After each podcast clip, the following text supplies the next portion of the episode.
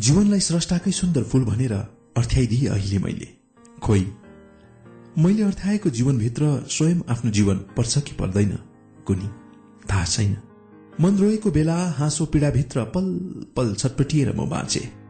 एउटा बेझिलो जीवन जसरी भए पनि बाँचे भन्दा अहिले बिरलै मान्छेले पत्याउलान्।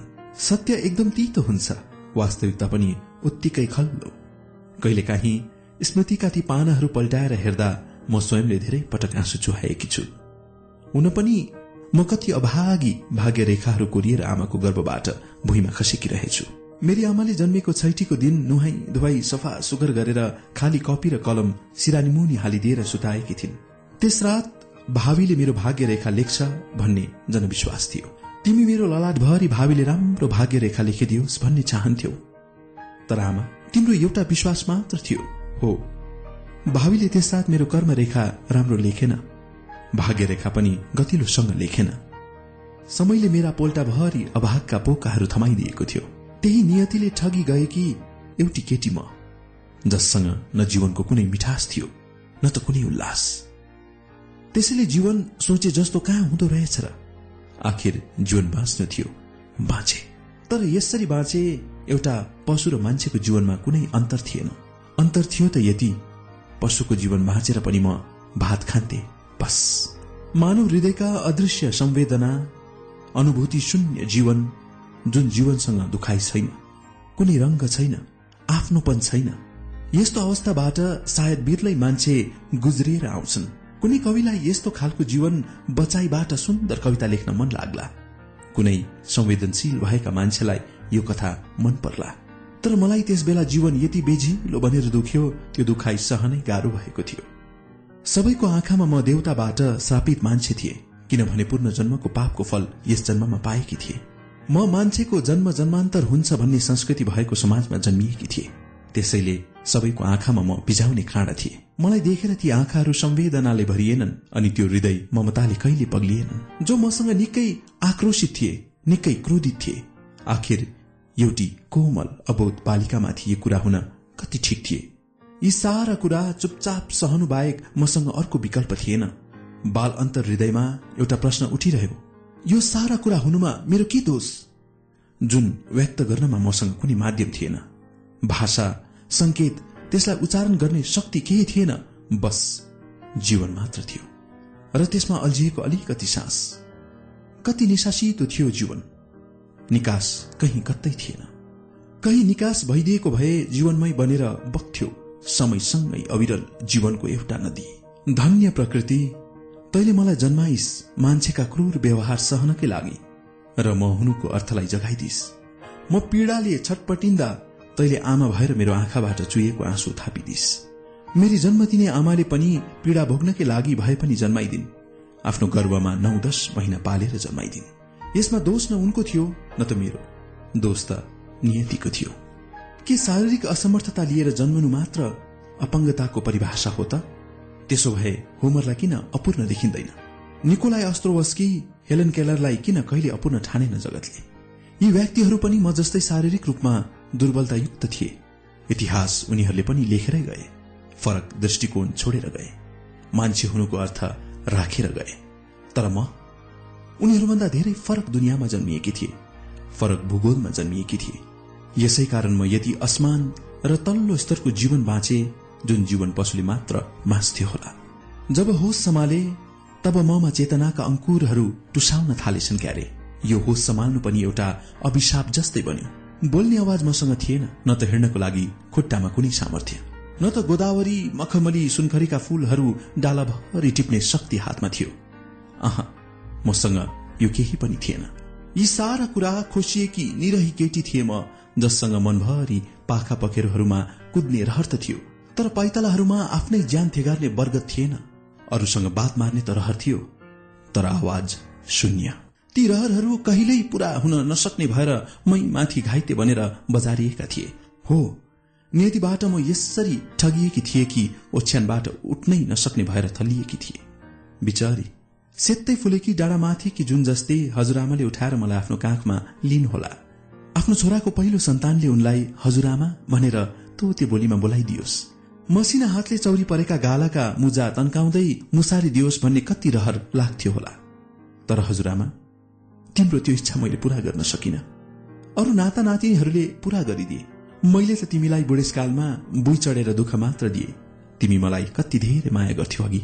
त्यति बेला हाम्रो घरको आर्थिक स्थिति त्यति राम्रो रहेनछ यहाँसम्म बिहान बेलुकीको दुई छाक टार्न पनि निकै गाह्रो। बाबुआमा त कति छाकसम्म बोकै बस्थे रे। हामी केटाकेटीलाई चाहिँ जे जस्तो गरेर पनि खाउँथे।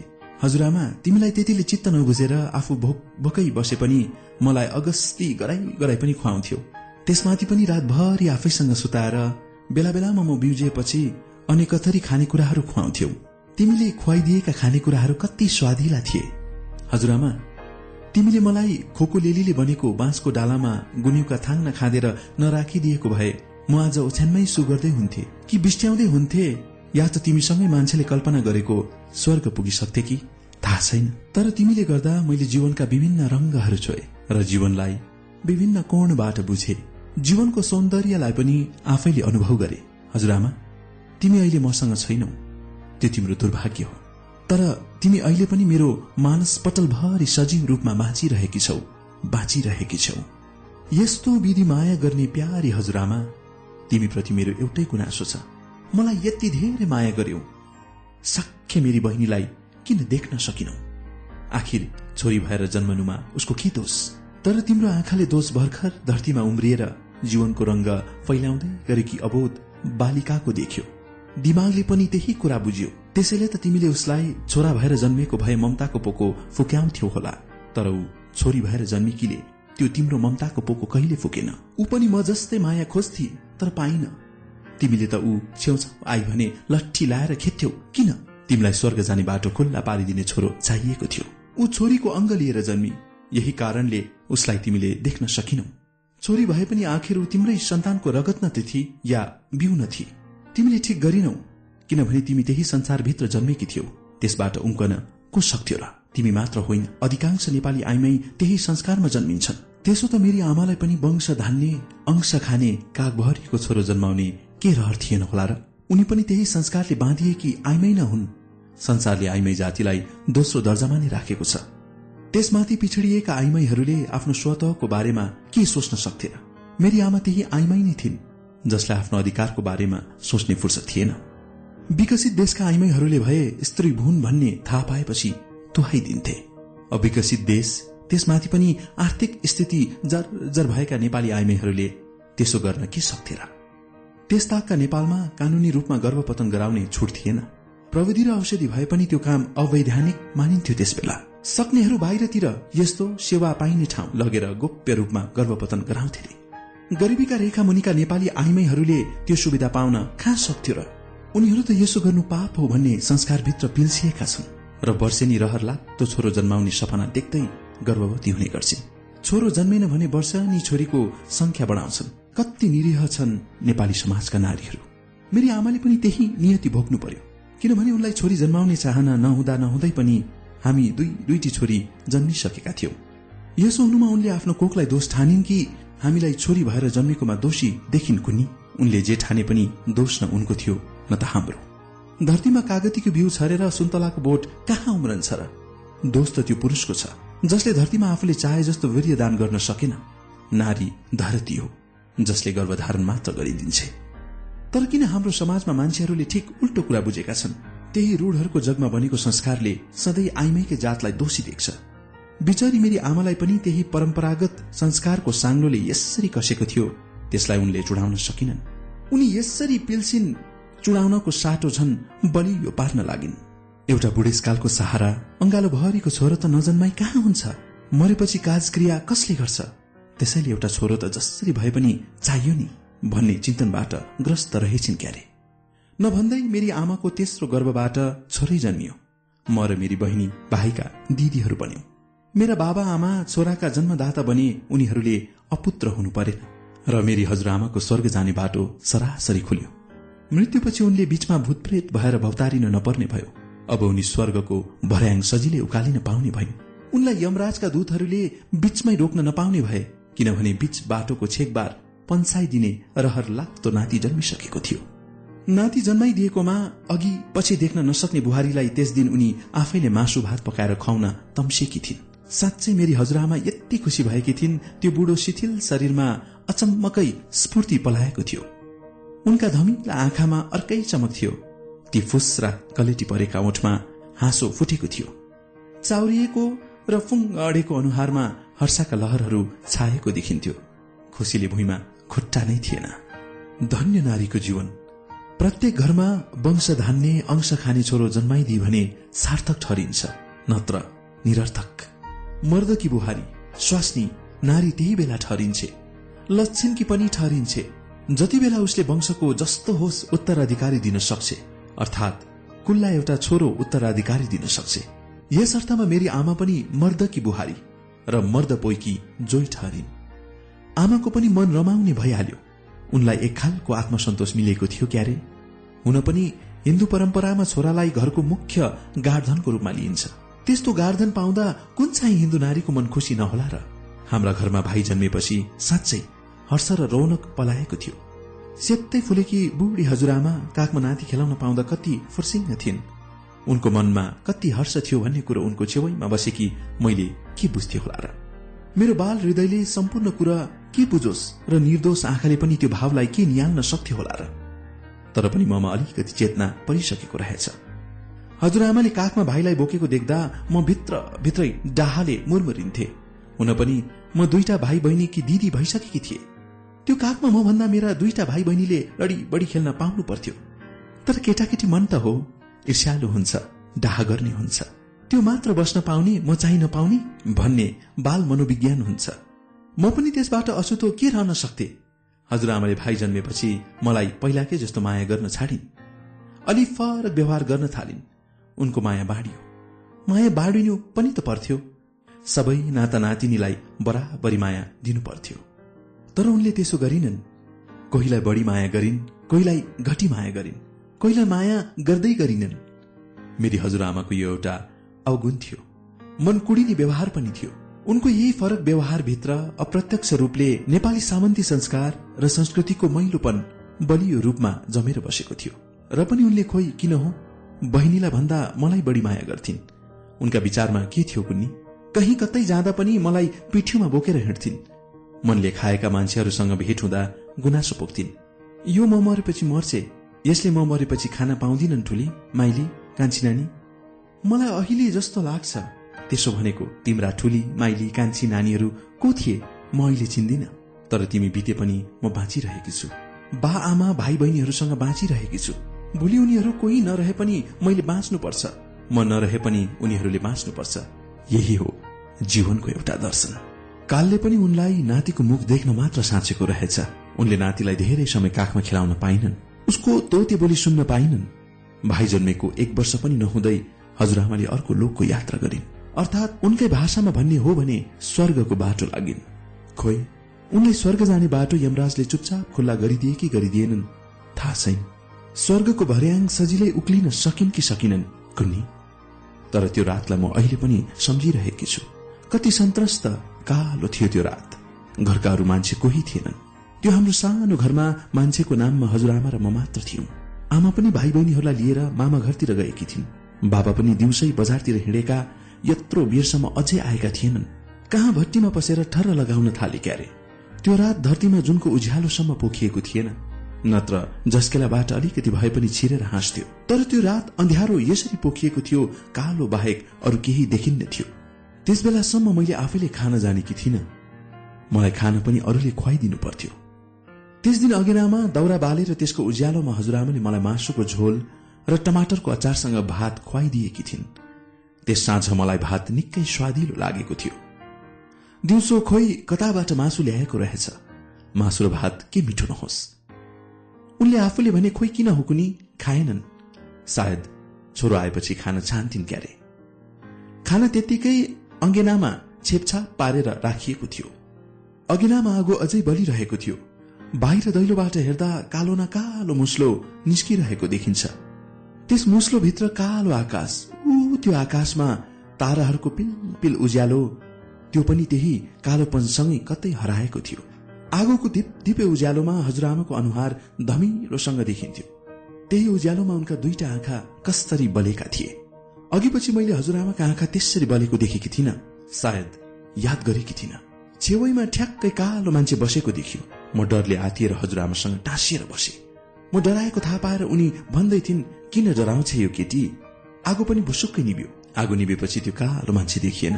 मनको डर पनि हट्यो। त्यो त मान्छेकै छाया पो रहेछ। त्यो कालो मुस्लो पनि धुवाको रहेछ। अनन्त त सुनसानमा एक खालको सन्नाटा छायो। उज्यालोको नाममा अगेनाको आगो त्यो पनि अब निभिसकेको थियो कोइला मात्र बाँकी थियो। कोइलाको उज्यालोमा मानव आकृति धमिलो रूपमा देखिन्थ्यो। ती दुई मानव आकृतिमा एउटा पुर्लुक्कै भूमिमा लड्यो। अर्थात् हजुरआमा अचानक सुतिन् लडिन्। मैले मनमा सोचे हजुरआमा यो चिसो भुइँमा किन सुतिन् होली? गर्मी पो भयो क्यारे। कोइलाको उज्यालो पनि अब त बिस्तारै निप्दै थियो। बाहिर आकाशमा ताराहरू पिल पिल चम्किरहेका देखिन्थे। म अघिनामै बसिरहे। यो सानो मनमा हजुरआमा कतिखेर उठलिन् र सँगै सुतौ भन्ने आतुरता थियो। तर हजुरआमा त उठ्दै उठिनन्। बाहिर के हुनहुनाउँदै थियो कुकुरहरू केही चपाउँदै रहेछन्। खस्याक्क खुरुक्कको आवाज पनि आउँदै थियो। मनले भन्थ्यो सायद बाबा आयो क्यारे। मन त्यसै फुरुङ्ग हुन्थ्यो कोही भित्र नपसेपछि त्यो त्यसै ओइलाउँथ्यो। अब भने मनमा हजुरआमा साँच्चै त्यही पो सुतिन् कि भन्ने चासो पस्यो। नजिकै घस्रिँदै गएर दुई खुट्टाले उठाउन खोजे तर मैले एउटा हात पनि मजाले थाम्न सकिन। उनलाई उठाउन त के सकु? उनको शरीर यति गह्रो थियो कि मैले चलाउन चटपटाउन सकिन। सकु पनि कसरी? भर्खर पाँच वर्ष टेकेकी थिए मैले। अह सकिन। त्यही बसेर रोए तर त्यो रुवाई सुनेर न हजुरआमा उठिन् न त अरू कसैले सुन्यो। मेरो रुवाई त्यो कालो रातको निशब्दताभित्र कथा हरायो। कथा। अब त भित्रभित्रै डरले काँडा पनि उम्रन थालिसकेका थिए। दैलो पनि खुल्ला थियो। जसबाट बाहिर चिहाउँदा एकदमै कालो बाहेक अरू केही देखिन्न थियो। मलाई अब बाहिर हेर्न पनि डर लाग्यो। हजुरआमाको शरीरसँगै टाँसिएर रुँदै सुते म। अँध्यारोमा छामछुम गर्दै उनकै पछ्यौरी भेटे मैले त्यसैलाई सिरान हाले र बस हजुरआमासँगै सुते। बाहिर हावा जस्तै के हुनहुनाउँदैछ अझै पनि। एकछिनपछि त भुइँको यति चिसो आयो कि त्यो खप्नै सकिन मैले। बाबा अझै आएका छैनन्। कहाँ कुन रमझममा भुलेका थिए कुन्नी? मान्छेमा संवेदना हराउँदो रहेछ कुनै बेला। त्यो रात मेरा बाबाले पनि संवेदना त्यही रमझममा हराएका थिए। नत्र डाँडा माथिको अस्ताउन लागेको जुन जस्ती आमा र बालक मलाई छोडेर दिउँसो हिँडे पनि साँझमा समयमा फर्कन्थे तर फर्किएन। उतै ठर्राको चुस्कीसँगै मस्त। कलिलो शरीर त्यसमाथि पनि निन्द्राले आलस तालस भइसक्यो।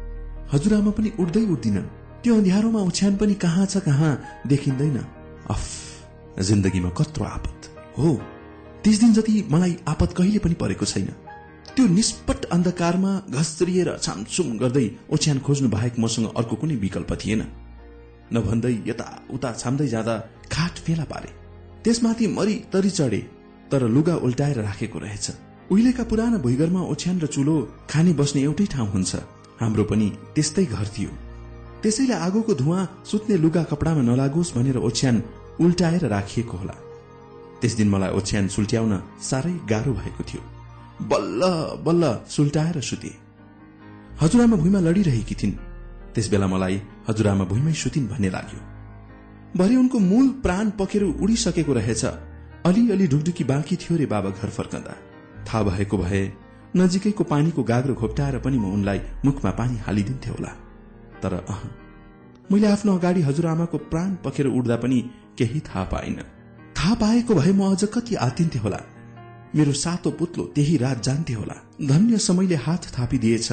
त्यसमाथि पनि मेरो अबोधपनाले पनि केही भूमिका खेल्यो होला। म त मजाले सुते र भुसुक्क कतिखेर निधाए कतिखेर। रात मौन थियो। त्यही मौतामा उभिएर मेरो कोमल शरीरले उन्मुक्त निन्द्रा निधाएछ। मलाई त्यही निन्द्रा मिठो थियो र त्यही अबोधपन पनि निकै राम्रो। निशब्द रात सानो आवाजले पनि कोलाहलग्रस्त हुन्छ। यी यतिका मान्छेहरू किन कराउँदैछन्? यो मान्छेहरू अघिसम्म थिएनन् कहाँबाट आएछन्? फेरि अहिले त बाबा पनि आएछन् त। हो मान्छेहरूको हल्लाले मेरो रातको निन्द्रा खलबलाइदियो र मनमा अकस्मात यस्ता तर्कनाहरू उम्रिएका थिए। बिउझिएपछि यसो टुकीको उज्यालोमा टाउको अडाएर भुइँतिर हेरे। हजुरआमालाई देखिन। मनमा नै सोचे हजुरआमा त अघि उठेर कहाँ गएछिन् अघि मैले उठाउन खोज्दा चाहिँ किन नउठेकी होलिन् यी बुढी? मान्छेहरू के के भनेर गफ गर्दै थिए? तर मैले त्यो पटक्कै बुझिन। कोही भन्दै थिए यत्रो सन्तान भएर पनि बुढीले मर्ने बेलामा धरी पानी खान पाइनन्। कोही भन्दै थिए कस्तो अप्पर लग्यो कालले पनि। कसैलाई केही अराउनसम्म पाइनन् कोही भन्दै थिए मर्ने बेलामा पनि यो सानी केटीलाई खुवाएर सुताएर मरिसिन् यस्तै यस्तै के के भन्थे? के के? मैले मरिगए। अह बुझिन। अहिले सोच्दा मैले त्यो रात यी कुराहरू नबुझेकै जाति रहेछ। बुझेकी भए म कहाँ यति मिठो निधाउन सक्थे र? अबोध थिए र नै त उन्मुक्त निन्द्रा पटक पटक निधाउन सकेथे। त्यो रातलाई जितेर धरतीमा उज्यालो पोखिँदा मैले हजुरआमालाई तुलसीको मठमा सुतिरहेकी देखे। उनी कस्तो मजाले निधाइरहेकी छिन्। यति बेलासम्म उनलाई कस्तो निन्द्रा लागेको? चारैतिर स्तब्धता थियो मौनता थियो। बाबा आँगनको एक छेउमा बसेर टोलाइरहेका थिए। राति त त्यत्रा मान्छे थिए त खोइ अहिले ती मान्छे? म हजुरआमा भएतिर घस्रेर जान खोजे। तर मान्छेहरूले हजुरआमालाई छुन हुँदैन भनेर जान दिएनन्। मान्छेहरूको क्रियाकलापलाई हेरिरहे बाँस काटे सेतो कात्र ओढाएर सुतिरहेकी हजुरआमालाई त्यो बाँसमाथि सुताएर टन टनी चोयोले बाँधे। मलाई लाग्यो उनलाई कति दुख्यो होला। यी मान्छेहरूलाई देखेर रिस उठ्यो। कस्ता निर्दयी मान्छे। अन्तमा त्यो सेतो कात्रोमाथि खोइ कताबाट फुल्याएर माला हुनेर लगाइदिए। रातो अबिर लगाइदिए। उनले अघि पछि रातो टिकासम्म लाउन सकिनन्। मृत शरीरमा रातो अबिर लगाइदिएर के गर्नु? यही विडम्बना हो नेपाली नारीको। श्रीमान मरेपछि उनीहरूले रातो सिन्दुर पोते चुरा रातो टिका लुगा कपडा केही लाउनु हुँदैन रे। उनीहरूले कुनी खुसी भोग्नु हुँदैन रे। मरेपछि सप्तोक लाउनु हुने यो कस्तो चलन हो? त्यस्तै मेरी हजुरआमाले पनि मरेपछि रातो अबिर लगाइन्। बाबाले त्यसपछि काँधमा हाले उनलाई। अरूले पनि साथ दिए। शङ्क फुकियो। त्यसको आवाजले वातावरण नै रोयो। फुपूहरू बलिन्द्र आँसु झारेर रोए। उनीहरू रोएको देखेर म पनि रोएछु। म खासमा हजुरआमासँग जान नपाएर बढी रोएकी थिए। किनभने मैले हजुरआमालाई कहिले छोडेकी थिइन। त्यो दिन भने उनी एक्लै बेहुली झै सिंगारिएर हिँडेकी थिइन्। मेरो कोलाहलग्रस्त रुवाईले मान्छेहरूको मुटु पनि चिरेछ। उनीहरू जसरी पनि मलाई फकाउन चाहन्थे। फुल्याउन चाहन्थे उनीहरू भन्दै थिए नानी त किन रोएकी तेरी हजुरआमालाई अस्पताल पो लगेको त। उनी निको भएर आइहाल्छिन् नि। केटाकेटीको जात नै त हो। एकैछनमा फुल्किहाल्छ। म पनि फकिहाले। त्यसपछि हजुरआमा कहिले निको हुन्छन् र मलाई बोलाउन आउँछिन् भनेर बाटो हेर्दै बसे। तर साँझ पर्यो। उनलाई लिएर गएका मान्छेहरू सबै फर्किए। बाबा पातलो सेतो खास्टो ओढेर कपाल खौरेर अर्कै रूपमा फर्किए। हजुरआमा भने फर्किनन्। बाबालाई देख्दा मलाई हजुरआमा खोइ भनेर सोध्न मन लाग्यो। तर मेरो भाषा वा संकेत बुझ्ने कसले? हो। मसँग त्यति बेलासम्म आफन्तहरूसँग पनि आफ्ना कुरा भन्न कुनै भाषा संकेत थिएन। यति चाहिँ थियो। कुनै कुरा खान्छु भन्दा खुट्टा अडाएर सहमति दिन्थे भने खान्न भन्दा खुट्टा हल्लाएर असहमति जनाउँथे। रात बित्यो दिन बित्यो महिना बित्यो तर हजुरआमा घर फर्किनन्। उनी कहिल्यै नफर्कने गरी बाटो गइसकेकी छन्। यो जीवनले त्यति सानो उमेरमा यी कुराहरू थाहा नपाई भोग्यो। हुन पनि उनको साथमा त्यो दिन म मात्र थिए। उनको सास पनि मेरै साथमा गएछ। हिन्दू संस्कृतिमा मृत्यु संस्कारका छुट्टै परम्परा छन्। हामी त्यही संस्कृतिमा जन्मियौं। हजुरआमाको परमधामपछि बाबा क्रिया पुत्रीको रूपमा कोरामा पसे। आमा पनि पसिन् बाह्र दिनको काम नसके उनीहरू कतै निस्कन पाएनन्। यहाँसम्म उनीहरूले कसैलाई छुन पनि भएन। उनीहरू कोराबाट बाहिर निस्किए भने भात खान कुनै नजिकैको कुवा धारामा जान्थे। उनीहरू भात पकाएर खाएर घर फर्कँदा यता फुपूहरूले भात पकाएर खाइसक्नु पर्थ्यो। फुपूहरूले पनि जुठो बस्नु पर्थ्यो। उनीहरू पनि जुठो बार्न बसिहाले। यता मैले आफैले खान जानेकी थिइन। मलाई कहिले हजुरआमाले खुवाइदिन्थिन् कहिले आमाले कोही नभएको बेला बाबाले पनि खुवाइदिन्थे। अब दुवैजना कोरामा बस्नु पर्यो। मलाई भात खुवाउन अरू कसैले जान्दैन थियो। सानीमा जो आमाकी बहिनीले पनि जान्दिनथिन् उनले आएको बेला खुवाइदिन्थिन्।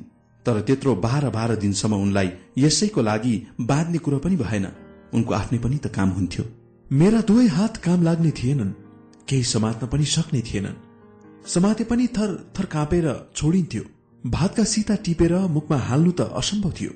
मलाई भात खुवाउन अरूलाई ठुलै समस्या पर्यो जसो तसो खुवाउने प्रयत्न पनि गर्थे। तर भातको स्वादै अर्कै लाग्थ्यो। अब म अरूले खाउँदा खाउँदैको थाल खुट्टाले भुइँमा झारेर झगडा गर्न थाले। त्यस बेला मलाई पिटेर तह लाउँछु भन्नेहरू पनि कोरामा पसिहालेका थिए। अरूले मलाई पिट्न सकेनन्। एक खालको उन्मुक्ति मिलेको थियो। मैले झगडा गरेर खान नमानेपछि यो केटीले आफै खान खोजेकी हो कि भनेर भात खेलाउन दिन थाले। म खुसी भएर भातका सिता आफ्ना खुट्टाका मसिना औलाहरूले टिप्न थाले। पहिलादेखि ढुङ्गामा मसिना टुक्रा टिपिरहेको र त्यसलाई बटुलेर खेलिरहेका मेरा खुट्टाका औलाले भातका सिता टिप्न कुनै गाह्रो थिएन। बरु गाह्रो कुरा थियो ती भातका सीतालाई कसरी मुखसम्म पुर्याउने? हुन पनि भातका ती सीताहरू एउटा खुट्टाले टिपेर मुखसम्म पुर्याउँदा दुई चार सीता मात्र मुखमा परे। अरू जम्मै भुइँमै पुग्यो। तरै पनि भात खेलाउन पाउँदा म निकै खुसी थिए। मलाई भात आफै खान त्यस दिनदेखि छोडिदिए। जुन दिन मैले खुवाउँदा खुवाउँदैको थाल झारिदिएर भात भुइँभरि पोखिदिए। जति खाए पनि आफ्नै स्वादमा खान थाले। सुरुमा त मैले एउटै खुट्टाले मात्र खाए तर गाँसै मजाले भएन। दुई चार सीता मात्र मुखमा पुग्थ्यो। उही मुख मात्र जिस्किन्थ्यो चित्त बुझ्दै बुझेन। अब मैले दुइटै खुट्टाले खाने प्रयत्न गर्न थाले। त्यो गर्दा पनि सुरुमा त के चित्त बुझ्थ्यो र बुझेन। साँच्चै त्यो समय मैले खानको लागि पनि निकै परिश्रम गर्नु पर्यो आखिर साससँगै लिएर आएको पेट भर्न जसरी भए पनि सिक्नै पर्दो रहेछ। मैले पनि सिके। जतिसुकै कष्ट होस्। दुइटै खुट्टा थालमा हालेर एउटाले उभाएर अर्को पैताला उभोतिर फर्काएर यसमा हालेर निहुरिएर भात मजाले खान थाले। म आफ्नै स्वादमा रमाउन थाले। अब मलाई कसैले खुवाइदिनु कहिले परेन। किनभने आफै खान सक्छु। हजुरआमाको अर्कै लोकको यात्राले मलाई सधैँ अर्काले खुवाइदिनु पर्ने एक खालको परिनिर्भरताबाट मुक्ति दियो। बाबा आमा कोराबाट बाहिर निस्कदा उनीहरू मलाई खाना खुवाइदिने झन्झटबाट सधैँको लागि मुक्त बनेका थिए। यो एउटा आवासनपछि गरिएको अभ्यास थियो। सायद हजुरआमाको आवासनसँगै यो अभ्यास मेरो जीवनमा लागू भएको थियो।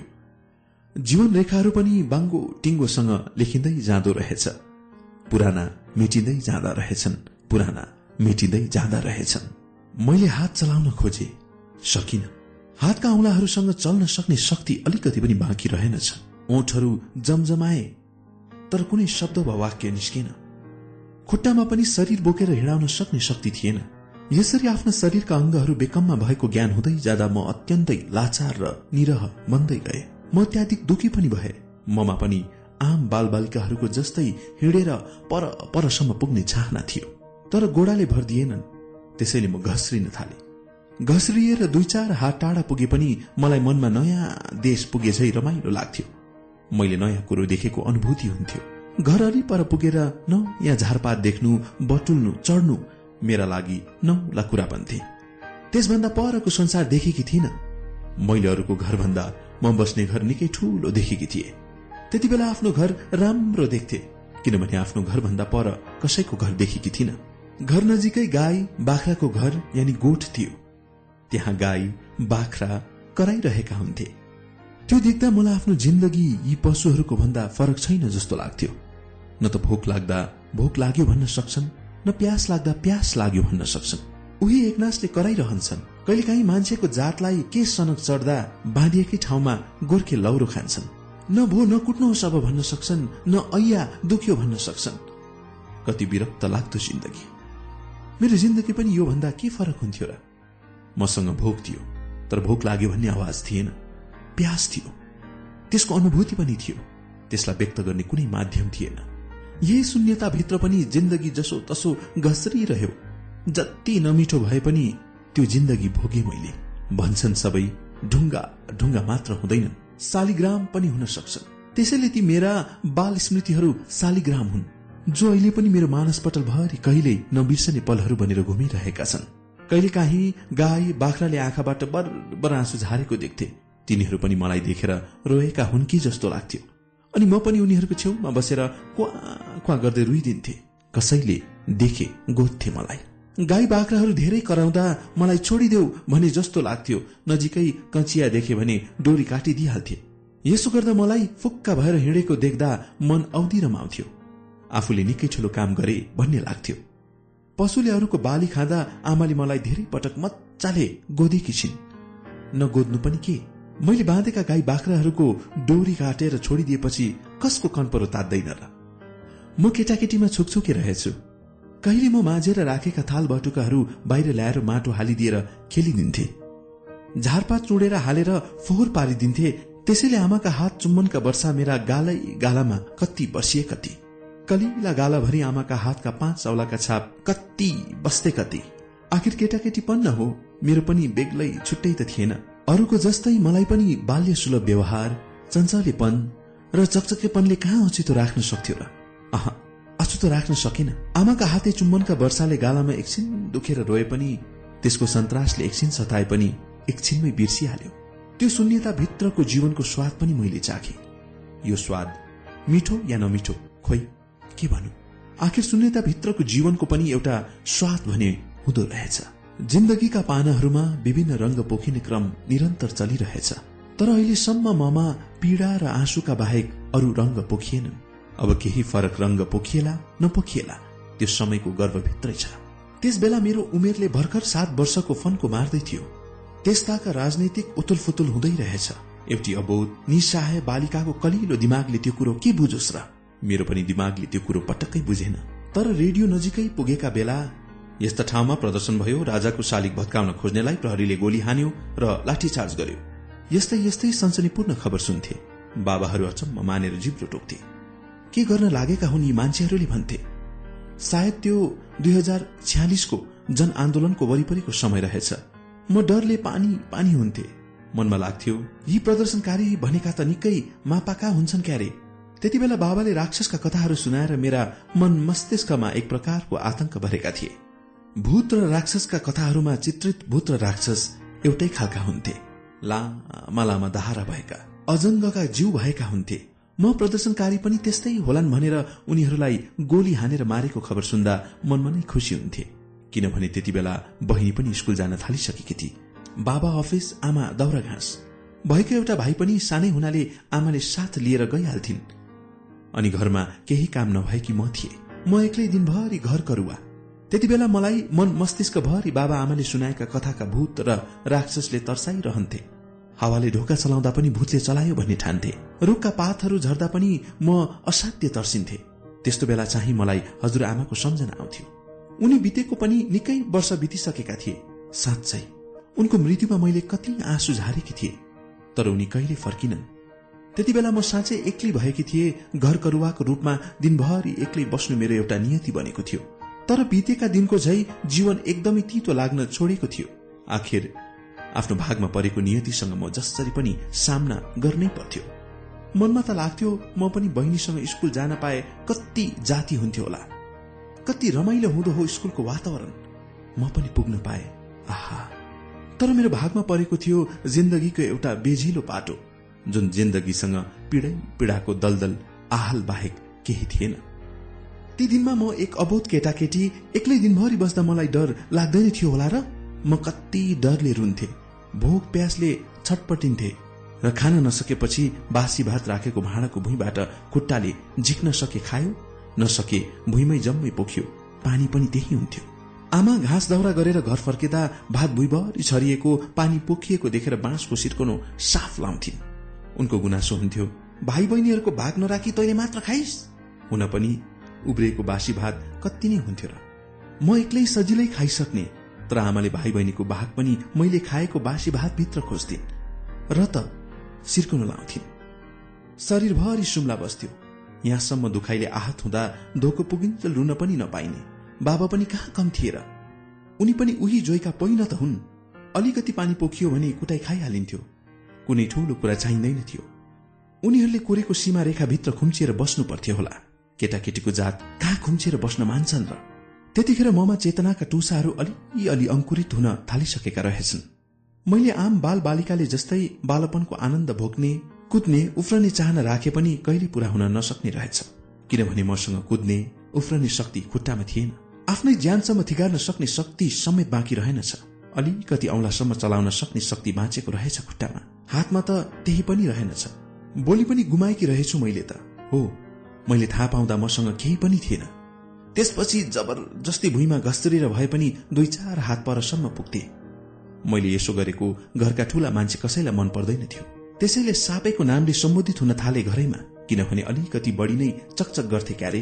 यता बाबाआमाको लागि पनि बेकममा सन्तान मनै थिए। त्यसैले मलाई जे भनेर गाली गरे पनि हुन्थ्यो। जे नामले सम्बोधन गरे पनि हुन्थ्यो। सापेकै नामले बढी सम्बोधित भएकी हुनाले मलाई अब सापे मेरै आफ्नै नाम रहेछ भन्ने भान पर्न थालिसकेको थियो। भाइ बहिनीले पनि खुस परेको बेला ठुली भन्थे नत्र सापे। कहिलेकाहीँ बाबा आमा खुसी भएको बेला म माया गरेर बोलाइने बाबा नानीको नामले सम्बोधित गरिन्थे। त्यति बेला साह्रै प्रफुल्लित हुन्थे। जिन्दगी रमाइलो लाग्थ्यो। किनभने मलाई पनि माया गर्ने कोही मान्छे रहेछ भन्ने अनुभूति हुन्थ्यो। माया त आफ्ना सन्तानहरूलाई जसले पनि गर्छ। मेरा बाबा आमाले पनि मलाई माया के गर्दैन थिए होला र? तर मैले त्यसको अलिकति पनि अनुभूति गर्न सकिन। परिवारले भनेको सुनेर हो या वर्षौंदेखि रूढीवादी संस्कारका जरा मान्छेमा गाडिएर हो मलाई अरू मान्छेले पनि सापे नै भन्थे। हाम्रो समाजमा अलिकति शारीरिक रूपले दुर्बल व्यक्तिलाई हेर्ने दृष्टिकोण अलि फरक खालको छ। म पनि त्यही संस्कार बोकेको समाजमा जन्मिएकी थिए। त्यही भित्रका मान्छेहरूको व्यवहार के फरक हुन्थ्यो र? एक त रूढीवादी मान्यताले वर्षौंदेखि जडा गाडेको समाज।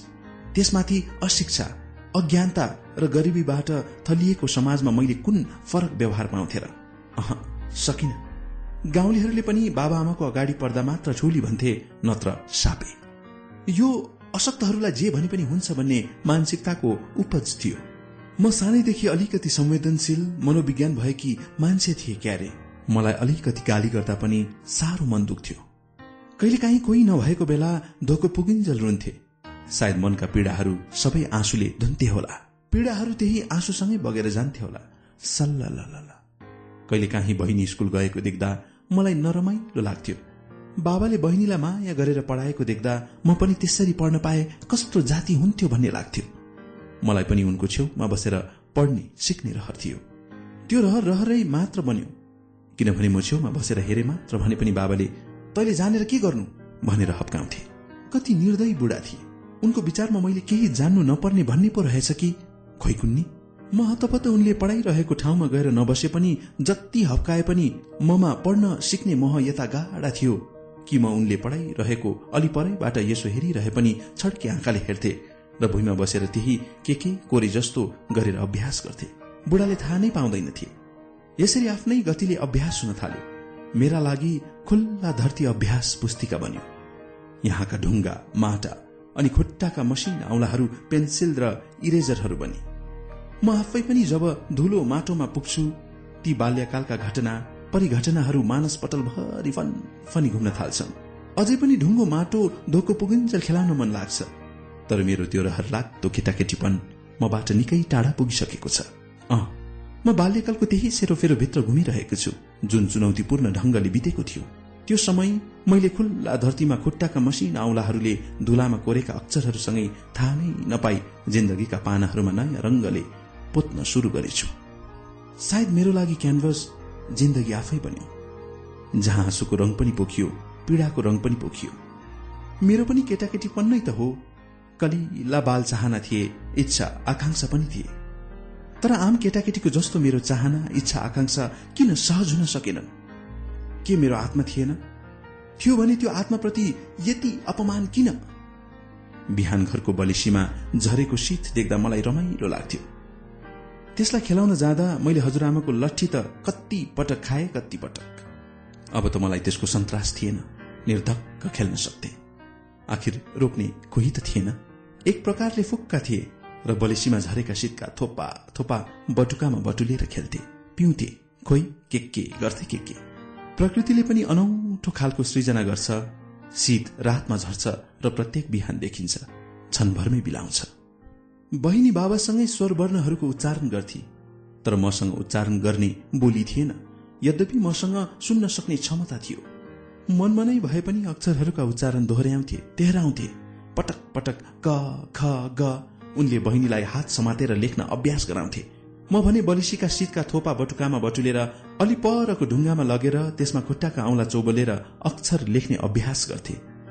शीत नझरेको बेला बाँसका सिन्का भाँचेर त्यसका पेन्सिल र भुइँलाई अभ्यास पुस्तिका बनाएर लेख्ने अभ्यास गर्थे।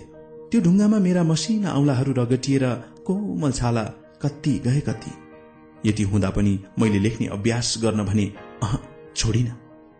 चाहे खुट्टाका मसिना औंलाबाट रगत चरी चरी किन नबगोस् चाहे मैले अक्षर लेख्न जानु या नजानु। शीत नहुँदा बाँसको सिन्काले भुइँमा लेख्नु पनि कहाँ सरल कुरा थियो र? त्यो सिन्कालाई खुट्टाका औंलाका कापमा राखेर लेख्न त हातले जस्तो खोजे तर हातका औंला जस्तै मेरा खुट्टाका औंला लामा थिएनन्। सिन्का समात्न साह्रो अप्ठ्यारो भयो। त्यसले भुइँमा अक्षर लेख्न त झनै अप्ठ्यारो। आखिर यो पनि नियतिको एउटा कठोर परीक्षा नै थियो। जति अप्ठ्यारो भए पनि मैले सिन्काले भुइँ कोर्न छोडिन। यसरी भुइँ कोर्दा घरमा अनावश्यक ऋण लाग्छ भन्ने एउटा अन्धविश्वास थियो। आमाले भुइँ कोरेको देख्दा कराउँथिन्। बाबाले पनि यहाँ फोहोर पारिस भनेर देखे भने कराउँथे।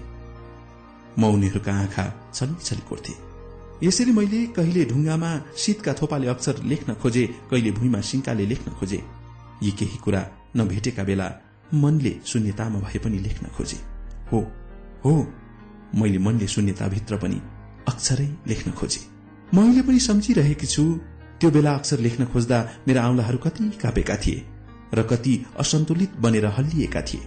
हो हातले कलम पेन्सिल समाते जस्तै मलाई खुट्टाका छोटा मसिना औंलाले सिंका समात्न पनि कति धेरै समय लागेको थियो। कतिपय अक्षरहरू शरीर या खुट्टाका औंला हल्लिएर बाङ्गा टिङ्गा हुन्थे।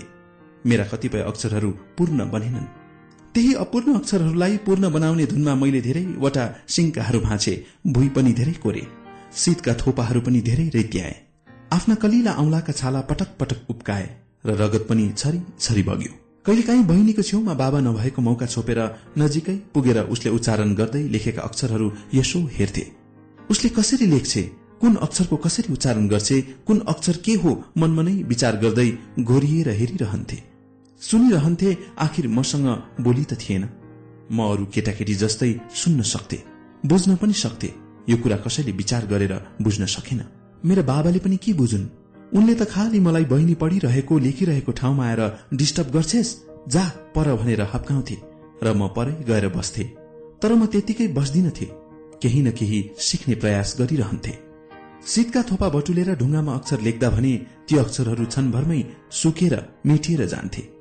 यसरी आफूले लेखेका अक्षरहरू नामै ठुँदा मन साह्रै रुन्थ्यो। अर्थात् म यस्ता खालके नमिठा अनुभूतिले पटक पटक चिरिरहन्थे। निचोरिरहन्थे भोलिपल्ट बलिसीमा झरेको शीत बटुल्थे। फेरि उही काम दोहोऱ्याउँथे तेह्राउँथे। मानिसहरू शीतलाई जुनको आँसु भन्छन्। मैले त्यही आँसुले अक्षर लेखेर जिन्दगीको नयाँ रंग भरेछु नयाँ खाखा कोरेछु। प्रत्येक वसन्त ऋतुले धरतीसँग संसर्ग गरेर जीवनको नयाँ रंग भर्छ। ममा आजसम्म उत्साहको रंग पोखिएको थिएन। उमङ्गका पखेटा पलाएका थिएनन्। संघर्षको नाम भने मेरो जिन्दगीको कहिले नमेट्ने नियति रहेछ। साँच्चै द्वन्द्वको सिद्धान्त जुनसुकै वस्तुमा पनि लागू हुन्छ त्यस्तै मेरो जिन्दगीमा पनि लागू नहुने कुरै थिएन। अचेतनसँग चेतनको संघर्ष रंगविहीन क्यानभसमा रंगहरूको संघर्ष साँच्चै अनौठो हुँदो रहेछ। यसै संघर्षको मैदानबाट अगाडि बढ़िरहेको छ जीवन यात्रा। जसमा आँसु पीड़ा चुनौती संघर्ष सबै थोक थियो। एक प्रकारले जिन्दगीका सबै रंग थिए। मसँग अभाव थियो भने हाँसो खुसीको थियो। त्यही खुसीको रंग मसँग थिएन। कहिले काहीँ ओठमा उम्रेको थोरै हाँसो पनि बाबाको धेरै नहाँसको आदेशले कता बिलाउँथ्यो कता। नबिलाए पनि जबरजस्ती निमोटिन्थ्यो। किनभने हाम्रो समाजले छोरी मान्छे हाँसेको मन पराउँदैनन्। म त त्यसमाथि पनि बेकममा लाटी छोरी। मेरो हाँसोमा लाटोपन मिसिएको हुन्थ्यो। त्यसैले बाबाले त्यो हाँसो के मन पराउन् र? बाबाको आदेश पालन नगरे बाटी हुन्छेस? अलक्षिना सापे। यस्तै उपशब्दहरू पोखिन्थे म माथि मेरा बाबा निकै बाठा थिए। उनले मात्र हाँस्न पाउनु पर्थ्यो। आखिर लाटो र बाटोको परिभाषा के? प्रश्न तिर्सियो। अदृश्य रूपमै बाबामाथि अर्थात् बाठाहरूमाथि जवाफ भने खोइ न मेरो बाबाले दिन सके न त बाठा भनिनेहरूले। युगलाई निरुत्तर पारिरहे किन? यिनीहरूलाई के थाहा हामीसँग पनि मानवीय संवेदना हुन्छ इच्छा आकांक्षा हुन्छ भन्ने कुरो। समाजका केही बुजुर्गहरू भन्थे बिचरा यस्तो अपहत्य भएर बाँच्नुभन्दा दुःख लुकाउनु बेस। हुन पनि हो मेरो जिन्दगी अपहत्य नै थियो। तर के मेरो अगाडि त्यसो भन्नु ठिक थियो र? कस्तो संवेदनहीन व्यवहार। यो समाजका बाठाहरूको दिमागले यो कुरा किन सोच्न सकेनन्? मान्छेको मृत्यु मात्र सबै थोकको समाधान हो त? बस। त्यसबेला हाम्रो घरमा आउने सबै मान्छे मेरो मृत्यु मान्थे। उनीहरू मबाट परिवार पीड़ित होस् भन्ने चाहँदैनथे मेरो जिन्दगी पनि दुःखमय भएर बितोस् भन्ने चाहँदैनथे यी दुवैको समाधान थियो मेरो मृत्यु। उनीहरूले चाहेर मात्र मलाई मृत्युले लान अह सकेन। अर्थात् नियतिले मलाई यति सजिलै मृत्यु कहाँ दिन सक्थ्यो र? यमराज तिमीले त्यो समयमा मृत्यु दिएको भए मैले जिन्दगीका विभिन्न रंगहरू चिन्न सक्ने थिइनँ। जिन्दगीको अर्थ यतिमै सीमित हुन्थ्यो। जन्मपछिको मृत्यु जुन पशुको सभ्यताले पनि भोगिरहेको कुरो हो। त्यो पशुवत मृत्यु नदिएर ठिक गर्यो यमराजी सायद तिमी पनि चाहन्थ्यौ क्यारे जिन्दगीका विविध रंगहरू पर गेल्न सकोस् मान्छेले। बिचरा बाठाहरूको जमातले यो कुरा पटक्कै बुझेन। दुर्बलहरूभित्र पनि मन हुन्छ। उनीहरूभित्र पनि उत्सुकता र जिज्ञासाहरू हुन्छन्। उनीहरूसँग पनि बाँच्ने इच्छा हुन्छ। त्यसमाथि धावा बोल्दै कसैले मृत्युको माग गर्छ भने त्यो भन्दा निर्दय मान्छे को एउटा निर्दोष बालिकाको अगाडि आएर उसको मृत्युको माग गर्दा त्यो बाल मस्तिष्कमा कस्तो आघात पर्थ्यो। बाठाहरूको जमातले पटक्कै सोचेन। संवेदनशीलता बाल मन मस्तिष्कलाई विचारै नगरी प्याच बोल्थ्यो। बोल्नेलाई थाहा हुँदैन थियो। त्यसको चोट एउटी निर्दोष बालिकामाथि कुन रूपमा पर्थ्यो? उसको कोमल मन मस्तिष्कमाथि कति आघात पर्थ्यो? म यस्ता कुराहरूले पनि कुपरिन्थे साह्रै निमुठोसँग पटक पटक। यस्ता कुराले मलाई चोट पुर्याएको। मनभित्र घाउ लागेको अनुभूति गर्ने मसँग केही थिएन। म आफै एक्लै थिए। किनभने मसँग शब्द संकेत अह केही थिएन। जसले जे भने जे गरे पनि सुनिरहनु पर्ने सही रहनुपर्ने त्यसको निकास थिएन। कस्तो नियति? मौनता र स्तब्धताभित्र अल्झिएको अलिकति सास त्यसमाथि पनि अपहत्य जिन्दगी। बस मान्छेहरूले मेरो बाहिरी आवरण त यति नै त देखे। ममा कुनै आशाको तान्द्रोसम्म देखेका थिएनन्। सबैले निराशाका काला बादलका धब्बाहरू मात्र देखेका थिए। त्यस्तो देख्नु पनि स्वाभाविक नै थियो किनभने मसँग आशाको तान्द्रो भेट्ने उनीहरूले ठाउँ नै खोजेका थिएनन् भने के भेट्नु? उनीहरूले त बाबा आमा हुन्जल मात्र मेरो भविष्य देखेका थिए र भगवानसँग कामना गर्थे यी केटीको प्राण पखेरु बाबा आमै हुँदै उडोस्। यसलाई म के ठानु? म प्रतिको सहानुभूति वा उपेक्षा? सहानुभूति ठानु भने मानवीय संवेदनालाई सल्काएर जिन्दगी भर्खर शुरू गर्दै गरेकी एउटी बालिकाको मृत्यु मागेको थियो। उपेक्षा ठानु भने मेरो भलो चिताएर दुःख चाँडै लुकोस् भन्ने भगवानसँग माग गरिएको थियो। उनीहरूको मागलाई भगवानले कहिले पूरा गरिदिएनन्। किनभने उनीहरूको माग अन्यायपूर्ण थियो। उनीहरूको भगवान ढुङ्गाले बनेको थियो। त्यो ढुङ्गाको भगवानले मलाई के मृत्यु दिन सक्थ्यो र? उनीहरूको भगवानले पनि चाहन्थ्यो होला। यो अब बालिकामाथि अन्यायपूर्ण मृत्यु नठम्याउ। अहिले सम्झिरहेछु मेरा लागि गरिएका मृत्युका कामनाहरू मसान घाटमा सल्किरहेछन्। त्यो भगवान सामु उभिएर भनिरहेछु सक्छस् भने दे मृत्यु। त्यस्तो महान मृत्यु जो मलाई स्वीकार्य छ। तर पशुवत मृत्यु कदापि स्वीकार्य छैन। अ म त्यस्तो समयभित्र छु जहाँ एउटा निर्दोष आत्मामाथि संसारको आगो जोसिएको छ डाहाले पोलेको छ। ती मान्छेलाई सुनाइरहेछु जसले मेरा स्मृतिका पानहरू पल्टाएर हेर्न चाहन्छन् जसलाई खुल्ला गरिदिँदैछु। ममा कसैले आशाको तान्द्रो नदेखे पनि म आफै भने अलि अलि उज्यालोपन देख्दै थिए। सायद कालो बादलभित्र पनि चाँदीको खेरा देख्न लागेकी थिए सायद कालो बादलभित्र पनि चाँदीको खेरा देख्न लागेकी थिए। कालो बादलका धब्बाहरू बिस्तारै बिस्तारै फाट्दै अनन्तत आकाश च्याङ्ग देखे झै मैले निराशामा पनि आशाका किरणहरू देख्न थालिसकेकी थिए। मलाई त्यही कञ्चन आकाश बन्न मन लाग्थ्यो तर पनि मनमा बादलका काला धब्बाहरू अझै मडारिरहेका थिए। म पनि बहिनीसँगै स्कूल गएर अँध्यारोपनलाई आफूबाट लखेट्न चाहन्थे उज्यालोको त्यो ज्योतिसम्म पुग्न चाहन्थे। ज्ञानले स्वप्रज्वलित हुने चाहना राख्थे। तर त्यो चाहना कहिले पूरा गर्न नसके पनि सानो भन्दा सानो कुरालाई पनि जीवनमा उपभोग गर्न खोज्थे। कहिलेकाहीँ मेरी बहिनीले आफ्ना किताबका पानाहरू खोलेर पढ्थी लेख्थी। कति राम्रा किताबका पानाहरू देख्दा मलाई पनि छुन पाए कस्तो हुन्थ्यो भन्ने लाग्थ्यो। त्यो भावना बुझ्ने को थियो र? छेउमा बसेर उसले थाहा नपाई छुन्थे। ती चिल्ला पानाका स्पर्श गर्दा कता कता आनन्दको आभास हुन्थ्यो। बहिनीले थाहा पाई भने मेरो किताब किन छोएर फोहोर पारिदिस्? भन्दै मसँग झगडा गरेर ठूला मान्छेहरूलाई भनिदिन्थे। मैले किताबका पानाहरू छोइदिँदा दाग बस्थे। त्यही डरले ती पानाहरू मजाले समातेर कहिले छोइन। मसिना खुट्टाका औंलाहरूमा धुलै धुलो टाँसिएको हुन्थ्यो। उसले लेखेर सकिएका कपीका पानाहरू रिस उठेको बेला च्यातेर अन्तै फालिदिन्थे।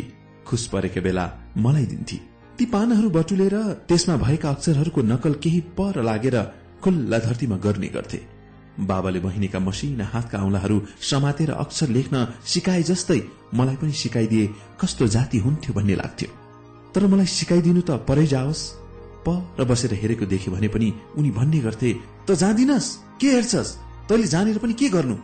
तर पनि अलि परै बसेर उनले बहिनीलाई लेख्न पढ्न सिकाएको हेरिरहनु मेरो निम्ति एउटा नियति जस्तै बनिसकेको थियो।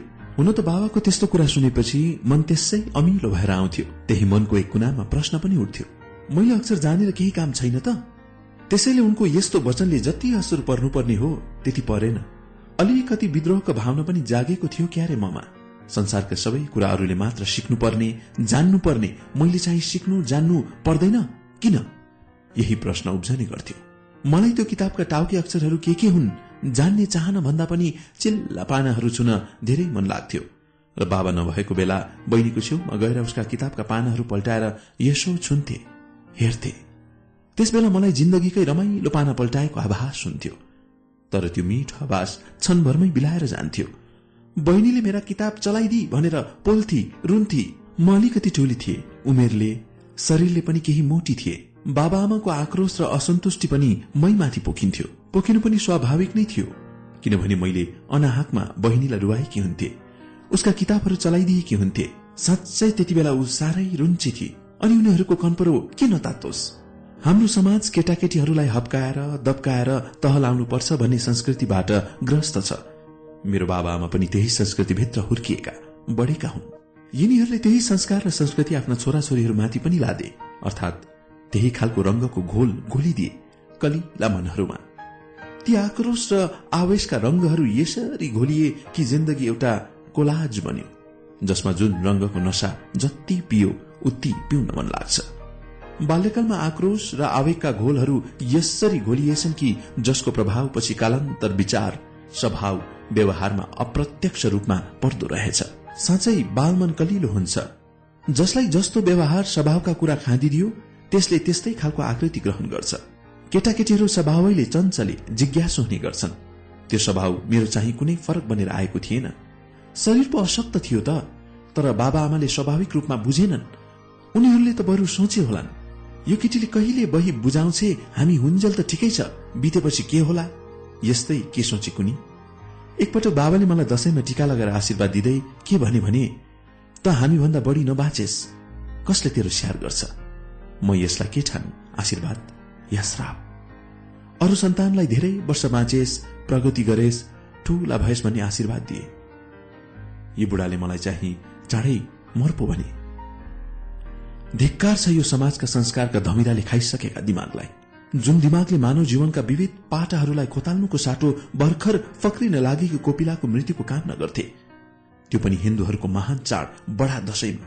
हुन पनि म कति अभागी केटी जसलाई महान चाडमा पनि आशीर्वाद होइन श्राप दिइन्थ्यो। कोमल बालमन मस्तिष्क साह्रो नराम्रोसँग कुपिरिन्थ्यो म किन धेरै वर्षसम्म बाँच्नु नहुने? अरूलाई जस्तो लोभलाग्दो आशीर्वादहरू मेरो भागमा किन नपर्ने? यो निरुत्तर प्रश्न थियो विगतलाई। तर विगतले जवाब दिन सकेन न त वर्तमानले दिन घृष्टता गरेको छ।